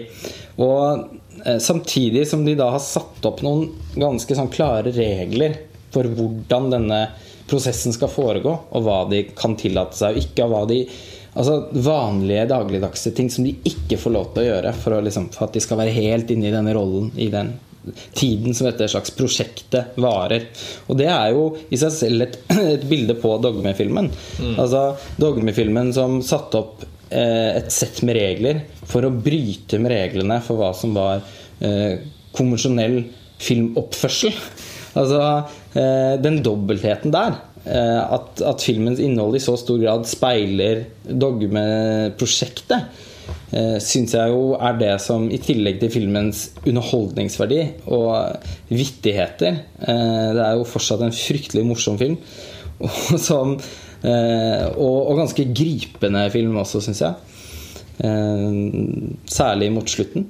Hvor den, men eh, jeg, jeg syns liksom den dimensjonen der da eh, gjør 'Idiotene' til et, et, et sentralt verk eh, på 90-tallet. Og, og den dogmefilmen som i hvert fall i mine øyne alltid vil være den som i størst grad reflekterer hva det prosjektet egentlig handlet om. Og som tilfører noe veldig spesifikt og uutforsket, sitt vis, i, også i filmhistorien for øvrig. egentlig at Jeg vet ikke om vi fikk komme så stor grad inn på det Vi diskuterte festen, for jeg føler at festen er en så konvensjonelt fortalt fortelling som fortelling.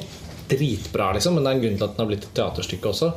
Eh, og selvfølgelig får skuespillet der ben å gå på i troverdighetsmessig sett. Og liksom Anthony Dodd Mantles fot. Det er mange ting å trekke fram som vi gjorde, men som du er inne på nå, det, det med at idiotene liksom rett og slett klarer å liksom portrettere energien i å gå på tvers av normene. Både filmspråklig og som eksperiment, og sånn sosiokulturelt som en analyse av hva vi holder på med når vi sier at et samfunn og menneskene i det kan, kan rette seg etter et fast regelsett og leve sånn, uten noen gang å ha behov for noe annet. Eh, og det Som også er litt et gjennomgangstema for von Trier generelt. Da, senest i Nymphomaniac. Ja, selvfølgelig. Hva vi er i stand til å akseptere. Og Det gjør det jo til en veldig sånn Lars von Trier-film. Ja, og det er vel det som løfter den fra dogme. Altså dogme for de tingene du kom inn på som vi har snakket om i festen, da, hvor den, den utnyttet potensialet for autentisitet som lå i dogmen. Altså den rendyrkede fortellingen og skuespillerne. Eh, ansikter og kropper mer fremtredende enn kostymer og rekvisitter og scenografi. Og, eh, og kameraets mobilitet eh, som en måte å kunne snappe opp eh, situasjonene på som man ikke kunne på samme måte i en mer konvensjonell innenfor i en mer konvensjonelt produsert film. Da. Mens idiotene overskrider det. Det liksom settet med, med begrensninger. Begrensninger som en Begrensninger som kan skape muligheter. Eh, som veldig mange skandinaviske filmskapere kastet seg over. da Altså Mona Hoel her hjemme. Søren Krag Jacobsen lagde en dogmefilm. Eh, Det ble jo det ble jo også veldig populært. Det de- mange av disse filmene ble jo kjempe italiensk for nybegynnere. Så var det en sinnssyk Ja, heter eh. Donkeyboy? Det ble vel ikke like stor kommersiell suksess. Nei, nei, nei, men jeg bare sier at det var Ja. altså, Det spredde seg rundt omkring i, i verden. ja, ja. Lars von Trier Ja, står det på eh, Lars von Trier, altså jeg, har ikke, jeg hører litt på hva dere sier. Jeg er ikke sånn veldig nært forhold til eh, akkurat den, de filmene der av Lars von Trier. Jeg elsker Rike, og jeg jeg liker noe av det seneste tingene han har gjort, hvor han blir mer eh, storslått. Men for meg så, liksom gjens, så gjenstår Hva heter det? Så, mm, så står de filmene igjen som et slags sånt eksperiment som dere var inne på. Eh, og det er jo litt antifilmisk og litt anti-meg, da. ja, Dine preferanser blir jo ikke akkurat representert av dogmebølgen. Det si. gjør ikke det. Men jeg var jo såpass gammel at jeg fikk med meg hva prosjektet handlet om den gangen. I 1997 så var jeg 20 år. Nå var jeg filmbevisst allerede da, så jeg fikk jo med meg hva prosjektet handlet om. Men så var det øh, morsomt at de var litt, så var det litt sånn pornoskuespillere. Oi, oi, oi, var det morsomme ting. I, sånn. Men det var ikke den, den store filmatiske opplevelsen for min del. Eh, akkurat eh, der. Da syns jeg faktisk festen er sterkere. Den har noen litt sånne sekvenser som er mer litt sånn spøkelsesaktige og litt sånn øh, Ikke paranormale, men litt sånn altså Det er litt mer der, i hvert fall i noen av de sekvensene. Den har jo en sånn The Shining-aktig dimensjon. ja, eh, absolutt. Som, Ja, Sånn som Rige også har, ikke sant? Mens her var litt mer sånn straight forward, gung-ho, uh, moro-ting. Som du ser litt av, av konsekvensene i dag i den her danske serien som er så populær. Klovn? Klovn. Ja, fantastisk. eh, Som også er morsom. Ja, ja det, er- den er litt sånn sketsjbasert, ja. rett og slett. Så nei, jeg har ikke så mye egentlig å si om, om idiotene. Jeg, eh, jeg, ja. Nei, nei, jeg har dessverre ikke det heller. Det det er veldig lenge siden jeg har sett den. Ja. eh, Men eh, ja, den, den gjorde veldig sterkt inntrykk når jeg så den. Og som i senere tid så har jeg jo liksom blitt mye mer bevisst på Lars von Trier som filmskaper og syns at han er absolutt en av de mest spennende vi har. Eh, Men ja, eh, ja. Nei, jeg må bare være så ærlig si at jeg må se Idioten igjen For jeg kan gi den en sånn skikkelig vurdering for det. Men det er det helt sikkert mange som også føler jeg, For jeg opplever det, nå vet jeg ikke, kan jeg selvfølgelig ikke henvende meg til alle av våre lyttere, men det er nå engang sånn at dogmefilmene og dogmebølgen i seg selv, den har på en måte lagt seg ned for å sove litt. Fordi etterfulgt av DV-estetikken, aller første små skrittene over i det digitale, så har jo den digitale looken tatt noen syvmilssteg over i sånn super-yber HD. Og det er så slikt og så glatt. Når vi snakker om liksom DV og ikke minst da en sånn filmlook fra tidligere av, så snakker man jo om det tekstur og grove, liksom sånn, rent som en sånn visualitet. Men når jeg ser dogmefilmene nå, sånn som jeg ser Festen nå, da Det føles jo som en sånn skikkelig sånn tekstural, grov finkokt liksom sånn, Det er noe liksom håndfast og håndlaget over det. Men dette var jo de første digitale filmene, egentlig. Det var jo de første digitale spillefilmene, men, men det er vår digitale Bare rent For å snakke om visualiteten i dogmefilmene, da. Så er det jo liksom Har vi gått så langt over i glatt slick HD. Alle mulige kameraer kan skyte i alle mulige slow motion. Eller, eller, eller filmskapere som Mikael Hanik og Abbas Kiarostami som Ja. utnytter den, det nøytrale ved HD-en. Noe sånn er helt sånn objektivt, nesten som et bare kamera som Ja. bare er det. Men sånn Den streben etter eh, Ja, men så paradoksale nå, og det syns jeg skal gi det litt verdi, da, er at dogmefilmene er nesten litt sånn alene i den lille luken mellom da fem Nå kom de med Manifest i 95, så kom filmene fra liksom 78, 99, 00, 2001. Sånn. Men det var ikke mange år heller. Så det blir som en sånn kort, veldig intens periode av filmhistorien med et voldsomt uh, energisk idéinnhold. Med lekenhet. Vi vi, hadde vi fått den typen lekenhet på film i dag, kanskje uten DV-kameraene og alle reglene, så hadde man jo fått helt sånn Wow! Det var liksom Orbit tyggegummifriskt. Eh, For å ta et 90-tallsikon. ja, for å ta en sånn 90-tallsreklame med sånn innadgående hvit vind i munnen etter at du har tatt en tyggegummibit i. Hvor de molekylene spør Ja, seg. ja. Nei, men Jo, men det, det er nå engang sånn at dogmefilmene jeg, jeg tenker på de nå som litt sånn hypermoderne. Ja, men det er jeg helt enig i. Og det er en grunn til at vi har valgt å innlemme to dogmefilmer på Veldig viktig. Og tenk at 90-tallet fikk ha det òg. Ja, og det er noe med at disse to filmene utfyller hverandre veldig, da. I, altså, noe er Sånn Titanic til idiotene. Det er liksom samme Ja. perspektiv, egentlig. Samme filmer òg. Uh, ja, men det er noe med at eh, festen får jo da representere den, den liksom, På en måte klarhet eh, bak alt rusket. Også den klarheten i historiefortelling som Dogme kunne bidra til. Og hva Eh, den ga til skuespillerne. Ja. Det føler jeg er litt mer relevant til festen. Mens eh, Idiotene er eh, liksom, i større grad en typisk for Fontila, mer en intellektuell øvelse. Og for meg, og jeg vil tro for ganske mange, en mye mer interessant film å snakke om. Og eh, det, er, det er også litt i kategorien noe bare danskene kunne funnet på. Ja, jo, men det er noe ja, absolutt. det. Den er veldig dansk. Ekstremt dansk. Og ja, bare det at den foregår på Søllerød der i dette villastrøket og sånn, det, det er jo masse satire i det. Og eh,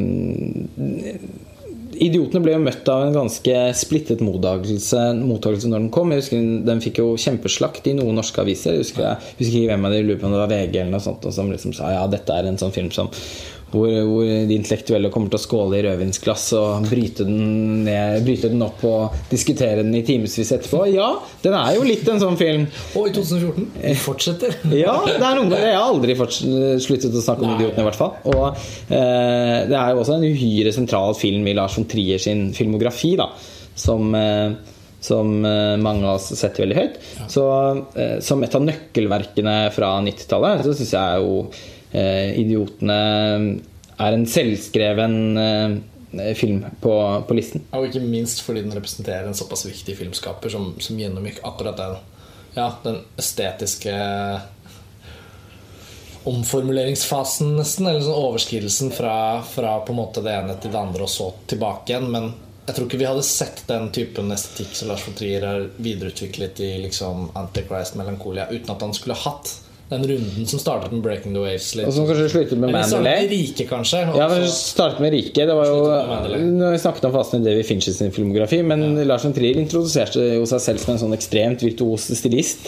Eh, med Europa Ja, på 80-tallet med Europatrilogien. Eh, Epidemic er vel dog et unntak der, og der er det noe pre-dogme ute og går. Men eh, Forbrytelsens element og Europa, da, som strengt tatt var de mest profilerte eh, av de tidligere filmene hans, det er jo et radikalt brudd med det han holder på med der, og det begynte i riket eh, med liksom ja, brudd med altså masse kontinuitetsfeil og Fantastisk sånn klipperytme og estetikk i riket. ja, sånn, Den har jo sånn anarkistisk uttrykk. Ja.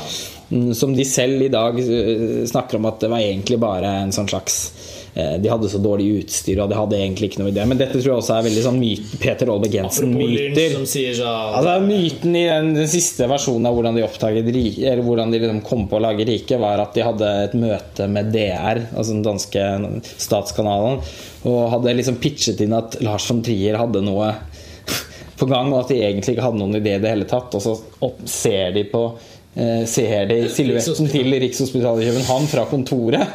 Når de har møte med dere, så kommer du på at vi har lyst til å lage en skrekkhistorie om rike, litt sånn, eh, om, om rike i København. Litt sånn Twin Peaks-aktig. Det skal være nesten sånn dokumentarisk estetikk. Oi, så spennende. Jeg tror ikke det er sant, da. Eh, men eh, det er ganske mye som tyder på at det ikke er sant. Men uansett, de så, apropos, altså, apropos David Lynch og selvmytologisering, så er det vel ingen som er mer selvmytologiserende enn Lars von Trier på nesten sånn parodisk måte. Med god hjelp av Petter Olvik. Olvik Jensen side med sigaren.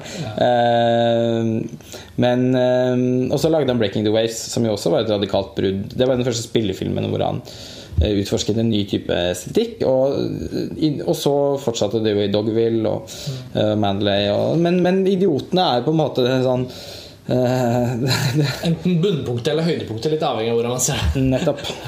Skal vi bevege oss videre til Ja, vi neste film? Men det er gøy å snakke om Lars von Trier, og det, har vi jo, det kommer vi aldri til å slutte med. Um, nå har denne episoden Nå har denne episoden fått strekke seg eh, over ganske mange timer. Men eh, vi har rett og slett kommet til slutten av del tre av vår serie av filmfrelseepisoder om 90-tallets 100 beste filmer. Og den siste filmen i denne delen av podkasten, denne listen, det er eh, 26. plass, ja. Det er viktig å få tallene riktig. 26. plass, eh, og det er Vi forblir i Skandinavia. Har du lyst til å si hvilken film det dreier seg om, Lars Ole? Det er eh, Lukas Modisson. Jeg vet at han ikke er fremmed for deg. Absolutt ikke. Eh, Han eh, står mitt hjerte nær.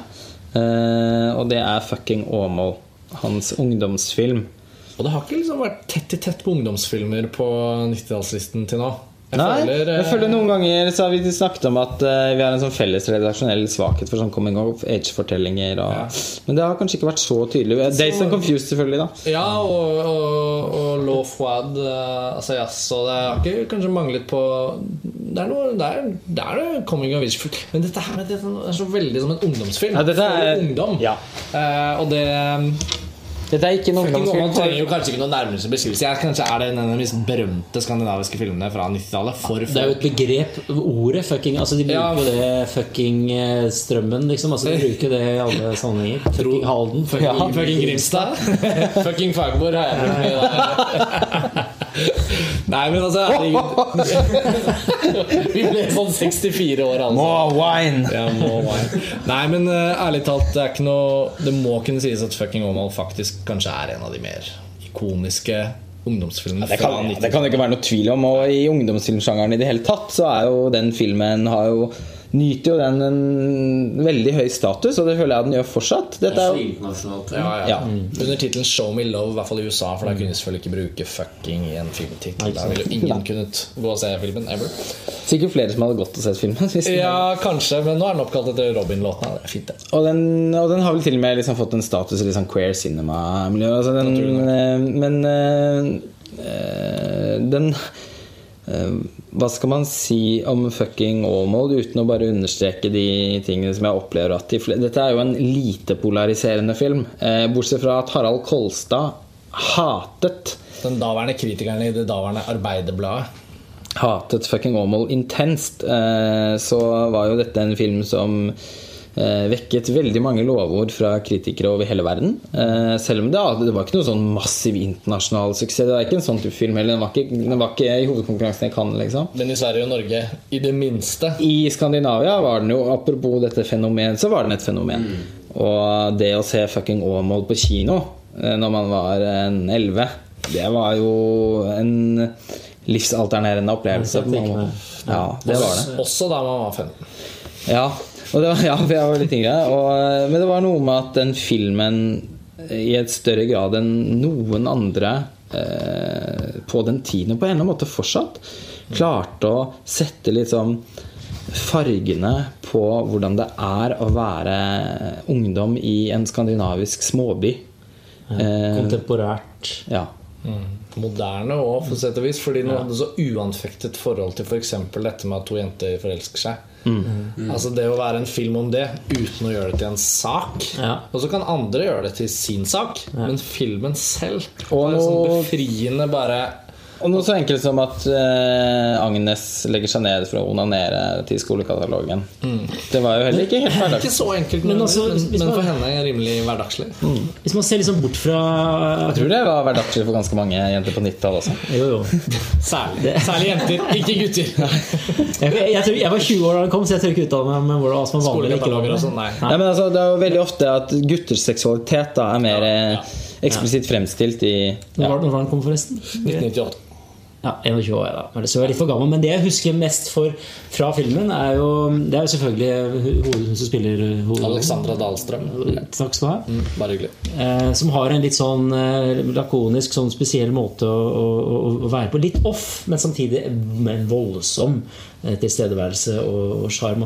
Men det som også sitter litt igjen, er foto i denne filmen. Jeg vet ikke, det, er ikke, det er ikke så mange som snakker om det, for det blir sett på som en sånn sosialrealistisk eh, film. Og det er det jo. Det, det må man snakke om Ulf Ja, det skal vi Ja. snakke om. Men det som er grunnen til at mange nok ikke umiddelbart snakker om det, tenker jeg, er fordi at det er, ikke bare fungerer det så helt utrolig bra i forhold til det som nærværs Altså du bare er der med dem. Men det er jo fordi at filmen er så Man blir så revet med av de menneskene at man nesten ikke Det skal litt til å stoppe opp og begynne å tenke på det tekniske. Fordi Ja. filmen er så engasjerende. Jo, men sånn i ettertid, da, så sitter Ja, ja, ja. altså, det med litt, litt Men jeg tror man husker den først og fremst som en sånn engasjerende Ja. film. Da, at ikke top, top, the topicality. Jeg, jeg vil sant? veldig gjerne bruke litt tid på det. Jeg syns jo foto er helt fenomenalt bra. Jo, jeg mener. Altså, det sitter igjen det er, det, er, det, er, det er gult, og det er litt rødt. Og det er um, litt mett, men samtidig hverdagslig lys rundt omkring. Og du får inntrykk av at dette er liksom litt på landsbygda i, i, i Sverige. Men det er ikke, sånn, det er ikke noen sånn ruralfilm på noe, noe som helst vis. Altså, det, er, det føles litt sånn Nesten litt urban. Ja, veldig rart. det foregår liksom mellom blokk, blokkbevegelsen og den lokale bensinstasjonen og eh, et eller annet litt sånn slitent utested. Ja, ja, ja, ja. Men Åmål er heller ikke så liten. Det er jo sånn at det er bebyggelse. Det er jo liksom Men det er en små by. Men, ja, den, Jo, men altså i forhold til sånn det presenteres altså at Det er Ja. den, den, sånn Edvard Saxehånd-aktige Ja. Uten sammenligning. Jo, jo, men fra villa til villa, liksom. Hvis du skjønner hva jeg mener, ja, ja. så er det litt sånn en sånn veldig mett eh, fotografi da, i forhold til, til sjangeren, kanskje. Og så flyter det. Det er ikke liksom statisk. Det er liksom Det glir. Bruker zoom. Det er noen herlige sånne på en måte enkle virkemidler, men det er steinbra i den filmen. Ja. Mm. Ja, nei, jeg er enig med Nå begynner jeg liksom å tenke på den filmen som uh, sammenligna med de andre Lucas Modesson-filmene. og jeg, jeg har aldri Eller jeg har liksom opplevd en sånn mindre sånn gritty i uttrykket enn de andre filmene. Men kanskje det bare er min opplevelse av det. Men ja, det er det, ja. vil jeg si. Den er, veldig, det er ganske gritty, ja. Ja. Syns sånn jeg husker den. Nå har Eh, det vært litt spredt mellom hver gang jeg har sett ja. hans filmer. da Jeg har, eh, et, mens jeg, jeg, har også stud, jeg har studert film, da, som jeg har nevnt noen ganger. Og liksom endt opp med å jobbe litt som klipper innimellom. Og, og mens altså, alle de tilfellene hvor jeg har befunnet meg i sånn faglig utveksling, og, og hva er referansefilm til dette, og eh, alle mulige sånne samtaler man kan se for seg, så er det altså ikke grenser for hvor mange ganger de fleste legger fucking Åmål på bordet, og det drypper ennå blod fra hjertet deres fordi de har hentet ut filmen fra liksom, hjertekammeret sitt. Den er så høyt elsket, den filmen, og den har vært voldsomt inspirerende, tror jeg. Voldsomt inspirerende. Og da er det sånne ting som, som det, da. At, eh, at liksom den eh, looken og feelen på den liksom, du, du, du, liksom det er, det er, det er, Jeg har vært utallige samtaler som har gjort at jeg har sett den så mange ganger opp gjennom årene. Bare fordi at skal vi bare se den igjen? Ja, selvfølgelig. Gjerne. Altså, Glede, ja, liksom. altså, jeg syns jo, jeg jo fremdeles 'Lilja Forever' er den beste filmen hans, men det er jo eh, stikk motsatt. Altså, det er jo ikke, altså, Woman' er jo en slags feel good-film oppi det hele. Ikke sant? Ja, det er en veldig feel good-film. også, Men det er ikke i like stor grad en uttalt komedie som det til sammen er. Nei. Som også blir en Nei. feel good-film på sin måte. Eh, og det er jo sikkert veldig mange sånn hverdagspublikummere som fikk et liten støkk da skifta i Lukas Modisons fokus eh, kom. Ja, jeg tror Ja, mange altså, følte at et svart teppe senket seg over Skandinavia når Lilla Forever Ja, kom til ja, kino. nå har vi akkurat jeg, min, skrytt, eh, jeg minnes. Ja. Ja, jeg husker også det var skriverier rundt det. Nå har vi akkurat skrytt Lars von Trier opp i skyene naturlig nok som en stor og viktig autør, men det er, litt sånn, det er jo en forglemmelse ofte at man ikke snakker mer om Lukas Modisson. Jeg vet at vi gjør det, men sånn når man snakker om fucking Oval For det er jo ikke bare den Det er jo virkelig Altså sånn Film etter film da de kom, det var jo bare helt utrolig. Men sånn som Ruben Østlund driver med, ikke sant? som også Ja, bare- snakkes på hver film. Liksom. Ja, bare føler er Lukas Modisson hakket Thomas viktigere for meg. Eller, ja, ja, fremdeles Lukas Modisson viktigere. Er mye Ja, er Jeg Men jeg- synes er en sammenligning der. Ja da, jeg skjønner poenget. ja Men uh, han var jo mye mer øh, Han har en helt annen tilnærming til filmmediet da enn en hva Lukas Monesen har. Men uh, det er noe med at det, uh, det Ja, det har vært Altså det, har ikke vært, det har ikke vært en sånn type filmstemme, kanskje da fram til Ruben Østlund, da, i, i øh, Skandinavia som Lukas Modesson. Altså siden da, siden, fra og med da, siden fucking Overcon og Det de deler litt, er at de liksom stikker tempen i rumpa på Sverige.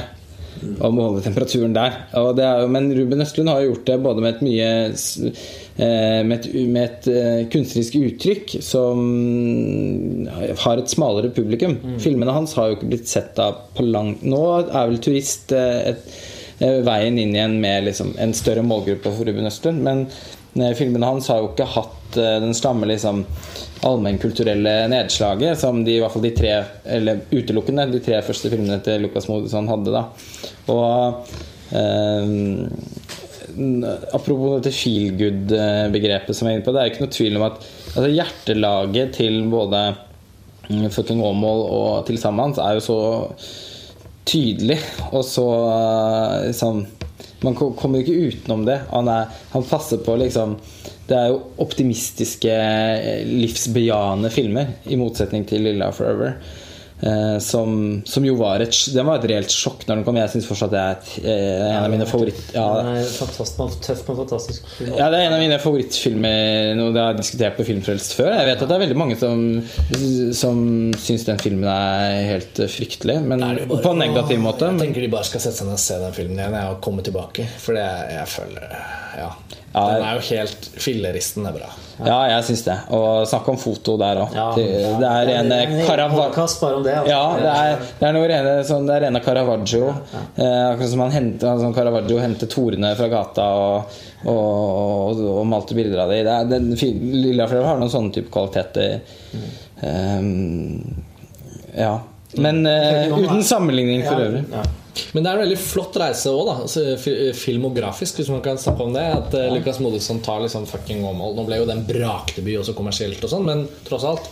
Han lagde nå en gang den filmen før han visste hvor stor Han var, den nye, han var det store håpet i svensk film ja. etter den filmen. Det hadde ikke vært en film, svensk filmskaper på mange år som hadde hatt en så sterk appell, og Ingmar Bergman gikk ut og sa at han syntes at Fucking Woman var et mesterverk og den beste, en av de beste svenske filmene noensinne.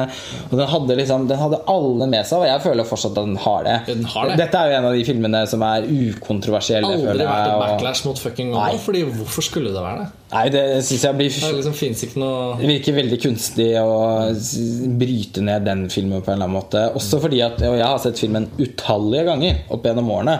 Og øh, den har jo liksom ikke beveget seg en centimeter sånn eh, i, i, i styrke, da. Og det er klart den appellerte på en annen måte da man var 11 enn det den gjør nå, men den har likevel fortsatt Det er en av de filmene som nå, når man ser den nå i voksen alder, så er det en av de filmene som gjør at man kan tenke tilbake og føle på hvordan det var å være ungdom. Og med de, den identitetsproblematikken som jeg tror nesten alle gjennomlever i de årene av livet sitt, som den filmen kanskje bedre enn noen annen film. Eh, hvis vi skal ta skikkelig i. Jeg syns fortsatt den står helt i særstilling blant nesten alle ungdomsfilmer som er laget i hele verden. Ja, jeg synes uh, den har en sånn Og det er mange laget utrolig bra. Altså Nils Malmros sine filmer. Og det, er sånn, det er ikke det at den setter andre filmer i skyggen, men den er, det er en nerve i fucking Åmål som er uh, helt unik, syns jeg. Det er beundringsverdig hvordan den balanserer så viktige hverdagslige situasjoner i ungdommers liv. Altså sånne helt sånn små altså sånn Brus- og potetgullaktige situasjoner, liksom. Jo, men ikke sant? Som jo, har så mye med sånn derre Statusen som, eh, som er i å ha den nyeste Nokia-telefonen. ja, ja, men så det er sånn derre ja, Universelle, liksom forståelige, hverdagslige detaljer som selvfølgelig i det store bildet av verden er- blir uviktige. Men når man skal ha den gjenkjennelseseffekten, og det går på tvers av generasjoner, og sånn så er det kombinasjonen av det hverdagslige som er så perfekt portrettert, og en sånn kjerneattraksjon. Det er en forelskelse. Det er, det er et søken etter hvem man skal være, hvordan skal man te seg. Skal man følge ja. storesøsters liksom, Eller skal man ta sine egne valg, da? Det er så perfekte sånne temaer, og det holder. Og filmen prøver aldri å være noe mer enn Og det er nesten litt sånn Romeo og Julie-aktige kjærlighetshistorier som, som jo alltid Ja, som, som i enhver form vil være så universell at alle kan eh, kjenne seg igjen i den. Og, eh, men jeg apropos det du var inne på i stad, Joakim, for det syns jeg er et, eh, et viktig poeng. At uh, Fucking Åmål er en film som i så sterk grad appellerer både til folks, eh, til folks nostalgi og altså, jeg føler at det er sånn uh, ja, det er liksom en ildebrann av kjærlighet for den filmen nesten overalt. Uh, sånn, Åh, fucking Åmål! Oh, ja, jeg elsker den filmen. Uh, og, og det er jo selvfølgelig en Altså at den, den kvaliteten med filmen, da at det fortsatt er en film som folk husker å ha med seg i hjertet sitt, som du sier. Og jeg tror de fleste også har sett den ganske mange ganger. Sikkert også i nyere tid, men eh, det er også en film som tåler å bli snakket om som film. Eh, og ikke bare som en opplevelse eller som en generasjonsdefinerende greie. Eh, men eh, det er eh, som foto til Ulf Brantås, da, som jeg syns er en helt eventyrlig god fotograf. Som eh, skjøt alle de tre første filmene til Lukas Modesson. Og som også har jobbet med han Bjørn Runge. Mm, han har jo en sånn Han finner noe sånn malerisk i disse hverdagslige situasjonene. Og med denne filmen er jo skutt på 16 mm. Utrolig kornete, grovt uttrykk. Nesten sånn 70-tallsaktig. Som han dro enda lenger i til sammen, som blir en sånn pastisj på 70-tallslook. Som jeg syns funker utmerket i den filmen. Men eh, den, den Fucking Woman er jo faktisk også på sin måte en veldig stilisert film. Eh, og jeg syns at han Lukas Modisson sitt eh, Måten han bruker Han har samarbeid med, alltid med denne kostymedesigneren Denise Østholm, som jeg også syns er en mester. Han er så fantastisk altså Hun da er så fantastisk på å finne de rette kostymene som uttrykker karakterenes personlighet. Filagenserne. Eh, liksom måten Det er eh, Det er på en måte et så Vi har snakket mye om tekstur og sånn. Så gjennomteksturert på en måte det universet at det er umulig å ikke bare føle det. At man føler man er i rommene sammen med karakterene. Kamera som ofte uforutsigbart tar en sånn krappsving og zoomer inn på et ansikt hvor noen har en, en reaksjon på en situasjon som har skjedd, men som de andre ikke ser, men som du ser, fordi du er den eh, litt sånn allmenn eh, Gudsblikket. ja. sånn Den allvitende tilskueren. Sånn, eh, den, eh, og den spiller Det er jo også en fryktelig morsom film. Den spiller også mye på humor, både i det verbale og det visuelle. Eh, og skuespillerprestasjonene av eh, Alexandra, Alexandra Dahlstrøm, som du nevnte, men også ikke minst Rebekka Liljeberg, som jo har den faktiske hovedrollen i filmen. Agnes. Agnes. Eh, viser- Altså, det er jo to hovedroller, men eh, eh, det er jo på en måte hennes reise jeg føler at vi Ja. Men Alexandra Dahlstrøm så i høyest grad er det pop-ikonet. Mm. Absolutt. Det var også hun som alle forelsket seg i Da man var, da man var gutt i, i den alderen. Men uh, Agnes er jo liksom uh, mobbeofferet som, som er nødt til å balansere et image overfor sine foreldre. Som er veldig egentlig trygg på sin sånn underdog-posisjon på skolen, men som ikke helt orker å kommunisere til foreldrene sine fordi de har flyttet til et nytt sted, og hun har egentlig aldri helt følt seg hjemme, men de tror nå at dette er muligheten for at hun kan. Så det, er så, det er så mye, og apropos den feel good den er jo, Jeg syns også filmen er ganske feel bad på en del. Den er jo også men den er feel good fordi den er feel bad. ja, men den blir feel good fordi den, har så, den er så varmhjertet. Altså, den er, du ender, når de kommer ut fra den doen på slutten og sier bare 'ja, vi skal knølle', så er det sånn Åh, man blir fylt av glede over hvor skjønne mennesker kan være. Og hvor modige de er. da Jeg tror Ja. filmen har vært veldig viktig for å øke selvfølelsen hos mange blant publikum som har søkt svar på mange av de samme spørsmålene. Og Utvilsomt. den er rett og slett vanvittig viktig og vanvittig bra. Men, men, men Lukas Modusson eh, er jo aldri Han er heller aldri redd for å liksom vise sorgen. da Det er jo også noen helt hjerteknusende sekvenser i Fucking som jeg fortsatt syns er nesten vanskelig å se på, fordi det er så det, det blir liksom Selv om man ikke har vært i den situasjonen selv, så er det så lett å identifisere seg med det. Det blir veldig, veldig nært. Det syns jeg også i Til sammen, som er mer sånn eh, ja, liksom på plakaten en feelgood-film fra kollektivmiljøene med den frie seksualiteten på 70-tallet, som også stikker noen kniver inn. Det er noen ordentlig smertefulle scener der òg, syns jeg. Hvor liksom, noen av karakterene begår sånn reglete karakterdrap på hverandre i en sosial setting. Og hvor den ene av dem må bære det med, inn, bære det med seg inn på rommet sitt og sitte og tenke over det. Og på en måte føle seg helt sånn spylt bort som menneske. Av, det er han, den balansekunsten i toneleiene i filmene hans, og i de første filmene hans, som fortsatt vel er de beste filmene hans, er eh, helt eh, enestående. Og enestående, det er jo et av de gjennom, gjen, ja, ja, av er gjengangerne av ordene vi bruker det er- når vi snakker om filmene på 90-tallslisten, men så det får bare være sånn. Ja, jeg syns det er et fint oppsummerende ord på Lukas Modusson også. Ja. Og Lukas Modesson har også hatt altså han, den siste filmen hans, 'Vi er best', som ingen, absolutt ingen så på norske kinoer. Eh, Og som fikk lunkne kritikker i norsk presse og i svensk presse. Og som liksom det ikke var noe Jeg syns den filmen var kjempegod. Eh, Den har jo nå fått en ganske fornøyelig renessanse gjennom å bli lansert på britiske og amerikanske kinoer, hvor den har fått helt fantastiske kritikker. Mm. Det er akkurat som kanskje amerikanske, de amerikanske kritikerne er mer sultefòret For den, det er også en coming of age-film.